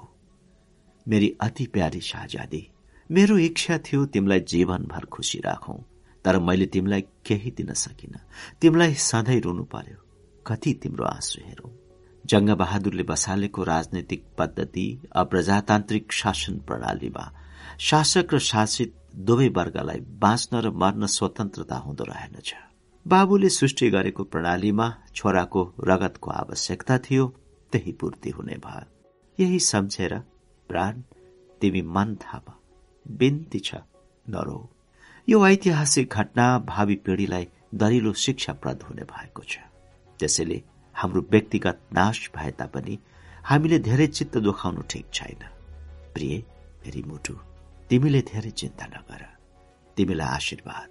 ईश्वरले हाम्रा बाँकी सन्तानलाई यो दुःख खप्न सक्ने शक्ति देऊन् यही मेरो प्रार्थना छ। तिम्रो अति प्यारो जगत जाऊ जगतले त्यो चिठी छोड्नु अघि माथिदेखि फेरि एकपटक पढ्न थाले। तर उनको हात काँपेको र आँखामा आँसुका ढिका उम्रिएकोले अक्षर धमिलो देखियो पढ्न सकेनन्। चिठी शाहजादीको सिरानमा राखेर आँसु पुछे। चाल बाहिर हेरे सिपाहीहरू भित्र दलानमा उक्लन लागिरहेका देखे। हडबडाएर उनले बाहिर निस्किन कदम बढाए। तर स्त्रीको मायाले उनको पाइला अघि सरेन। उनको झन पसिना छुट्यो। मुटु सर्वाङ्ग काँप्न थाल्यो अनि फर्केर पत्नीको माया लाग्दो मुखमा आँखा गाडेर हेरे। एकछिनपछि उनले स्त्रीसँग सधैँका निम्ति विदा लिनको लागि उनको गालामा आफ्नो कापेको हातले बिस्तारै स्पर्श गरे। तन्द्रामा शाहजादीले त्यो स्पर्शलाई लोग्नेको आधारपान होला भन्ने ठानिन्। बिचरी अन्जान नारीलाई निद्राको तन्द्रामा लोग्नेको प्यारो काखको न्यानो अनुभव थियो। उज्यालो भएको उनलाई पत्तै भएन। लोग्नेको आँखाबाट बालिन्द्र धारा आँसु झरेर गालाका पाटा हुँदै सबै छाती भिसकेको पनि केही थाहा पाइनन्। उनले निद्राको सुरमा लामो तकियालाई लोग्ने ठानिन् र त्यसमा गुटमुटी नपुगिन्। पिणोलाले अँगालो मारेर आफूतिर तानिन्। उनलाई लोग्ने उठेको चिठी लेखेको बिहान भएको केही थाहा थिएन। लोग्नेबाट प्राप्त हुने उल्लसित आशाले तन्द्रामा कामुक भई चटपटिन थालिन् जिउ छाडिन्। त्यो हेर्न नसकेर जगतले मुन्टो फर्काए। त्यसो गर्दा उनको दृष्टि पुनः काठमाडौँमा पर्यो अनि टेबलमाथि राखिएको दूरदर्शक यन्त्रलाई फेरि हातमा लिएर काठमाडौँतिर नजर घुमाए। श्रीतिन महाराज वीर शमशेर जबराका निम्ति जताततै भव्य स्वागतको तयारी भइरहेको थियो। उनको प्रशंसाको महात्म्य चारैतिर ठूल्ठूला अक्षरमा विज्ञापन भएको देखियो। उहिले शाहजादीलाई विवाह गरेर घरभित्र आएको दिनमा जगतजङले यही कोठाबाट यही झ्यालबाट यही दूरबीनले काठमाडौँलाई हेरेका थिए। त्यस बेलामा पनि काठमाडौँमा यस्तै उत्साह र उमङ्गलले विवाह महोत्सव बनाउनको लागि भव्य तयारी भइरहेको थियो। सबै सहर निवासी दीपावलीको लागि बेफुर्सद थिए। त्यस्तो प्रतिष्ठा प्रदान गर्ने काठमाडौँले आज कुनै कसुर बिना एक्कासी आफूलाई घृणा गर्न लागेको कारण जगतले बुझ्न सकेनन्। एक जानमारा गोत्र हत्यारा नरसंहारी वीर शमशेरको चारैतिर बढाई भइरहेको स्वागत र प्रशंसा। यसरी जसको हातमा फौजी शक्ति पुग्यो त्यस व्यक्तिलाई मान्यता प्रदान गरेर आकाशमाथि पुर्याउने काठमाडौँको नराम्रो बानी देखेर जगतजङलाई हाँसो उठ्यो। काठमाडौँ जसले नेपालका सम्पूर्ण बुद्धिजीवीको प्रतिनिधित्व गर्दछ जहाँ पवित्र पशुपतिनाथको मन्दिर स्थापित भएको छ। ठूला ठूला दरबार भाइ बारदारको उपस्थिति छ। यस्तो पवित्र राजधानीको अपवित्र बानी देखेर जगत जङलाई रुनुको सट्टा हाँस्न मन लाग्यो। र उनी मुसुक्क हाँसे निराशाको हाँसो बेभत्स हाँसो। त्यस हाँसोभित्र छाती पिटी पिटी निस्किने रोदन र क्रन्दन थियो। आँसु र पसिना थियो लाचारी थियो बेहोसी थियो अनि उत्पीडन। यस्तो असहिष्णु मानसिक परिस्थिति भएको बेलामा जगतले अक्सर मदको सेवन गरेर आफूलाई व्यवस्थित गर्दथे तर अहिले उनले त्यसो गरेनन्। पशुपति र गुहेश्वरीको जाल खाए प्रसाद र नेत्र लगाए। अनि उनले आफूले लेखेको पत्र शाहजादीको सिरान सामुन्ने राखेर पूरा पर्दा हटाए। सुवर्ण मुद्रा मुखमा हाले रुद्राक्षको माला लगाए। राम नामी ओढे। तुलसी पत्रको फेटा गुते। मनमा राम नाम जप्दै बिस्तारै बाहिर निस्किए। जगतजङ लामो घुमाउने भर्याङबाट ओल्लन लागेका थिए सिपाहीका टोलीलाई तल दलानमा देखे। सैनिक टोलीका सबै जवानले जगतजङमाथि गोली प्रहार गर्नका निम्ति बन्दुकलाई बगलमा च्यापेर फौजी तत्परताका साथ तयारीमा रहे। नाति जनरल कहाँ छ? जगतजङले उही मुख्य जनरलको रवाफिलो स्वरले सोधे। च्याङमा सिपाहीले पनि मुख्य जनरलको दर्जा आफूले पाउने उम्मेद राखेकोले गम्किएर उत्तर गर्यो। खेतमा मैले लडाएर आएको छु। जगतजङको आँखा सामुन्ने खेतमा लडेको आफ्नो छोरा नाति जर्नेलको मृत शबको दृश्य आयो। अनि उनको आँखामा संसार रिङ्न थाल्यो। उनले आफूलाई सम्हाल्न सकेनन्। बेहोसीमा शाहजादी भनी चिच्याएर भर्याङको डडालले समात्न पुगे। ढ्याम! च्याङबाले तलबाट गोली छोड्यो। जगतको छाती पाल पर्नु र शाहजादीको निन्द्रा खोल्नु एकै साथ भयो। जगतजङको शारीरिक सन्तुलन बिग्रियो। उनले कहीँ समात्न सकेनन् न खुट्टा टेक्न पाए। जिउभन्दा उनको शरीर अघि सर्यो अनि टाउको तल खुट्टा माथि भएर घुसमुन्टो पर्दै दलानमा चारचित पर्न पुगे।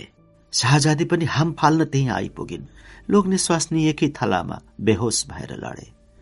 ठिक त्यही बेलामा नाति जर्नेलको तस्विर जुन भर्याङमा राम्ररी सजाएर सिंगारिएको थियो तल खस्यो र फुट्यो। ती जोइपोई सांसारिक दुःख सुखबाट सदाका निम्ति मुक्त भए। उनीहरूको प्राण पखेरु उडेर कहाँ पुग्यो कहाँ?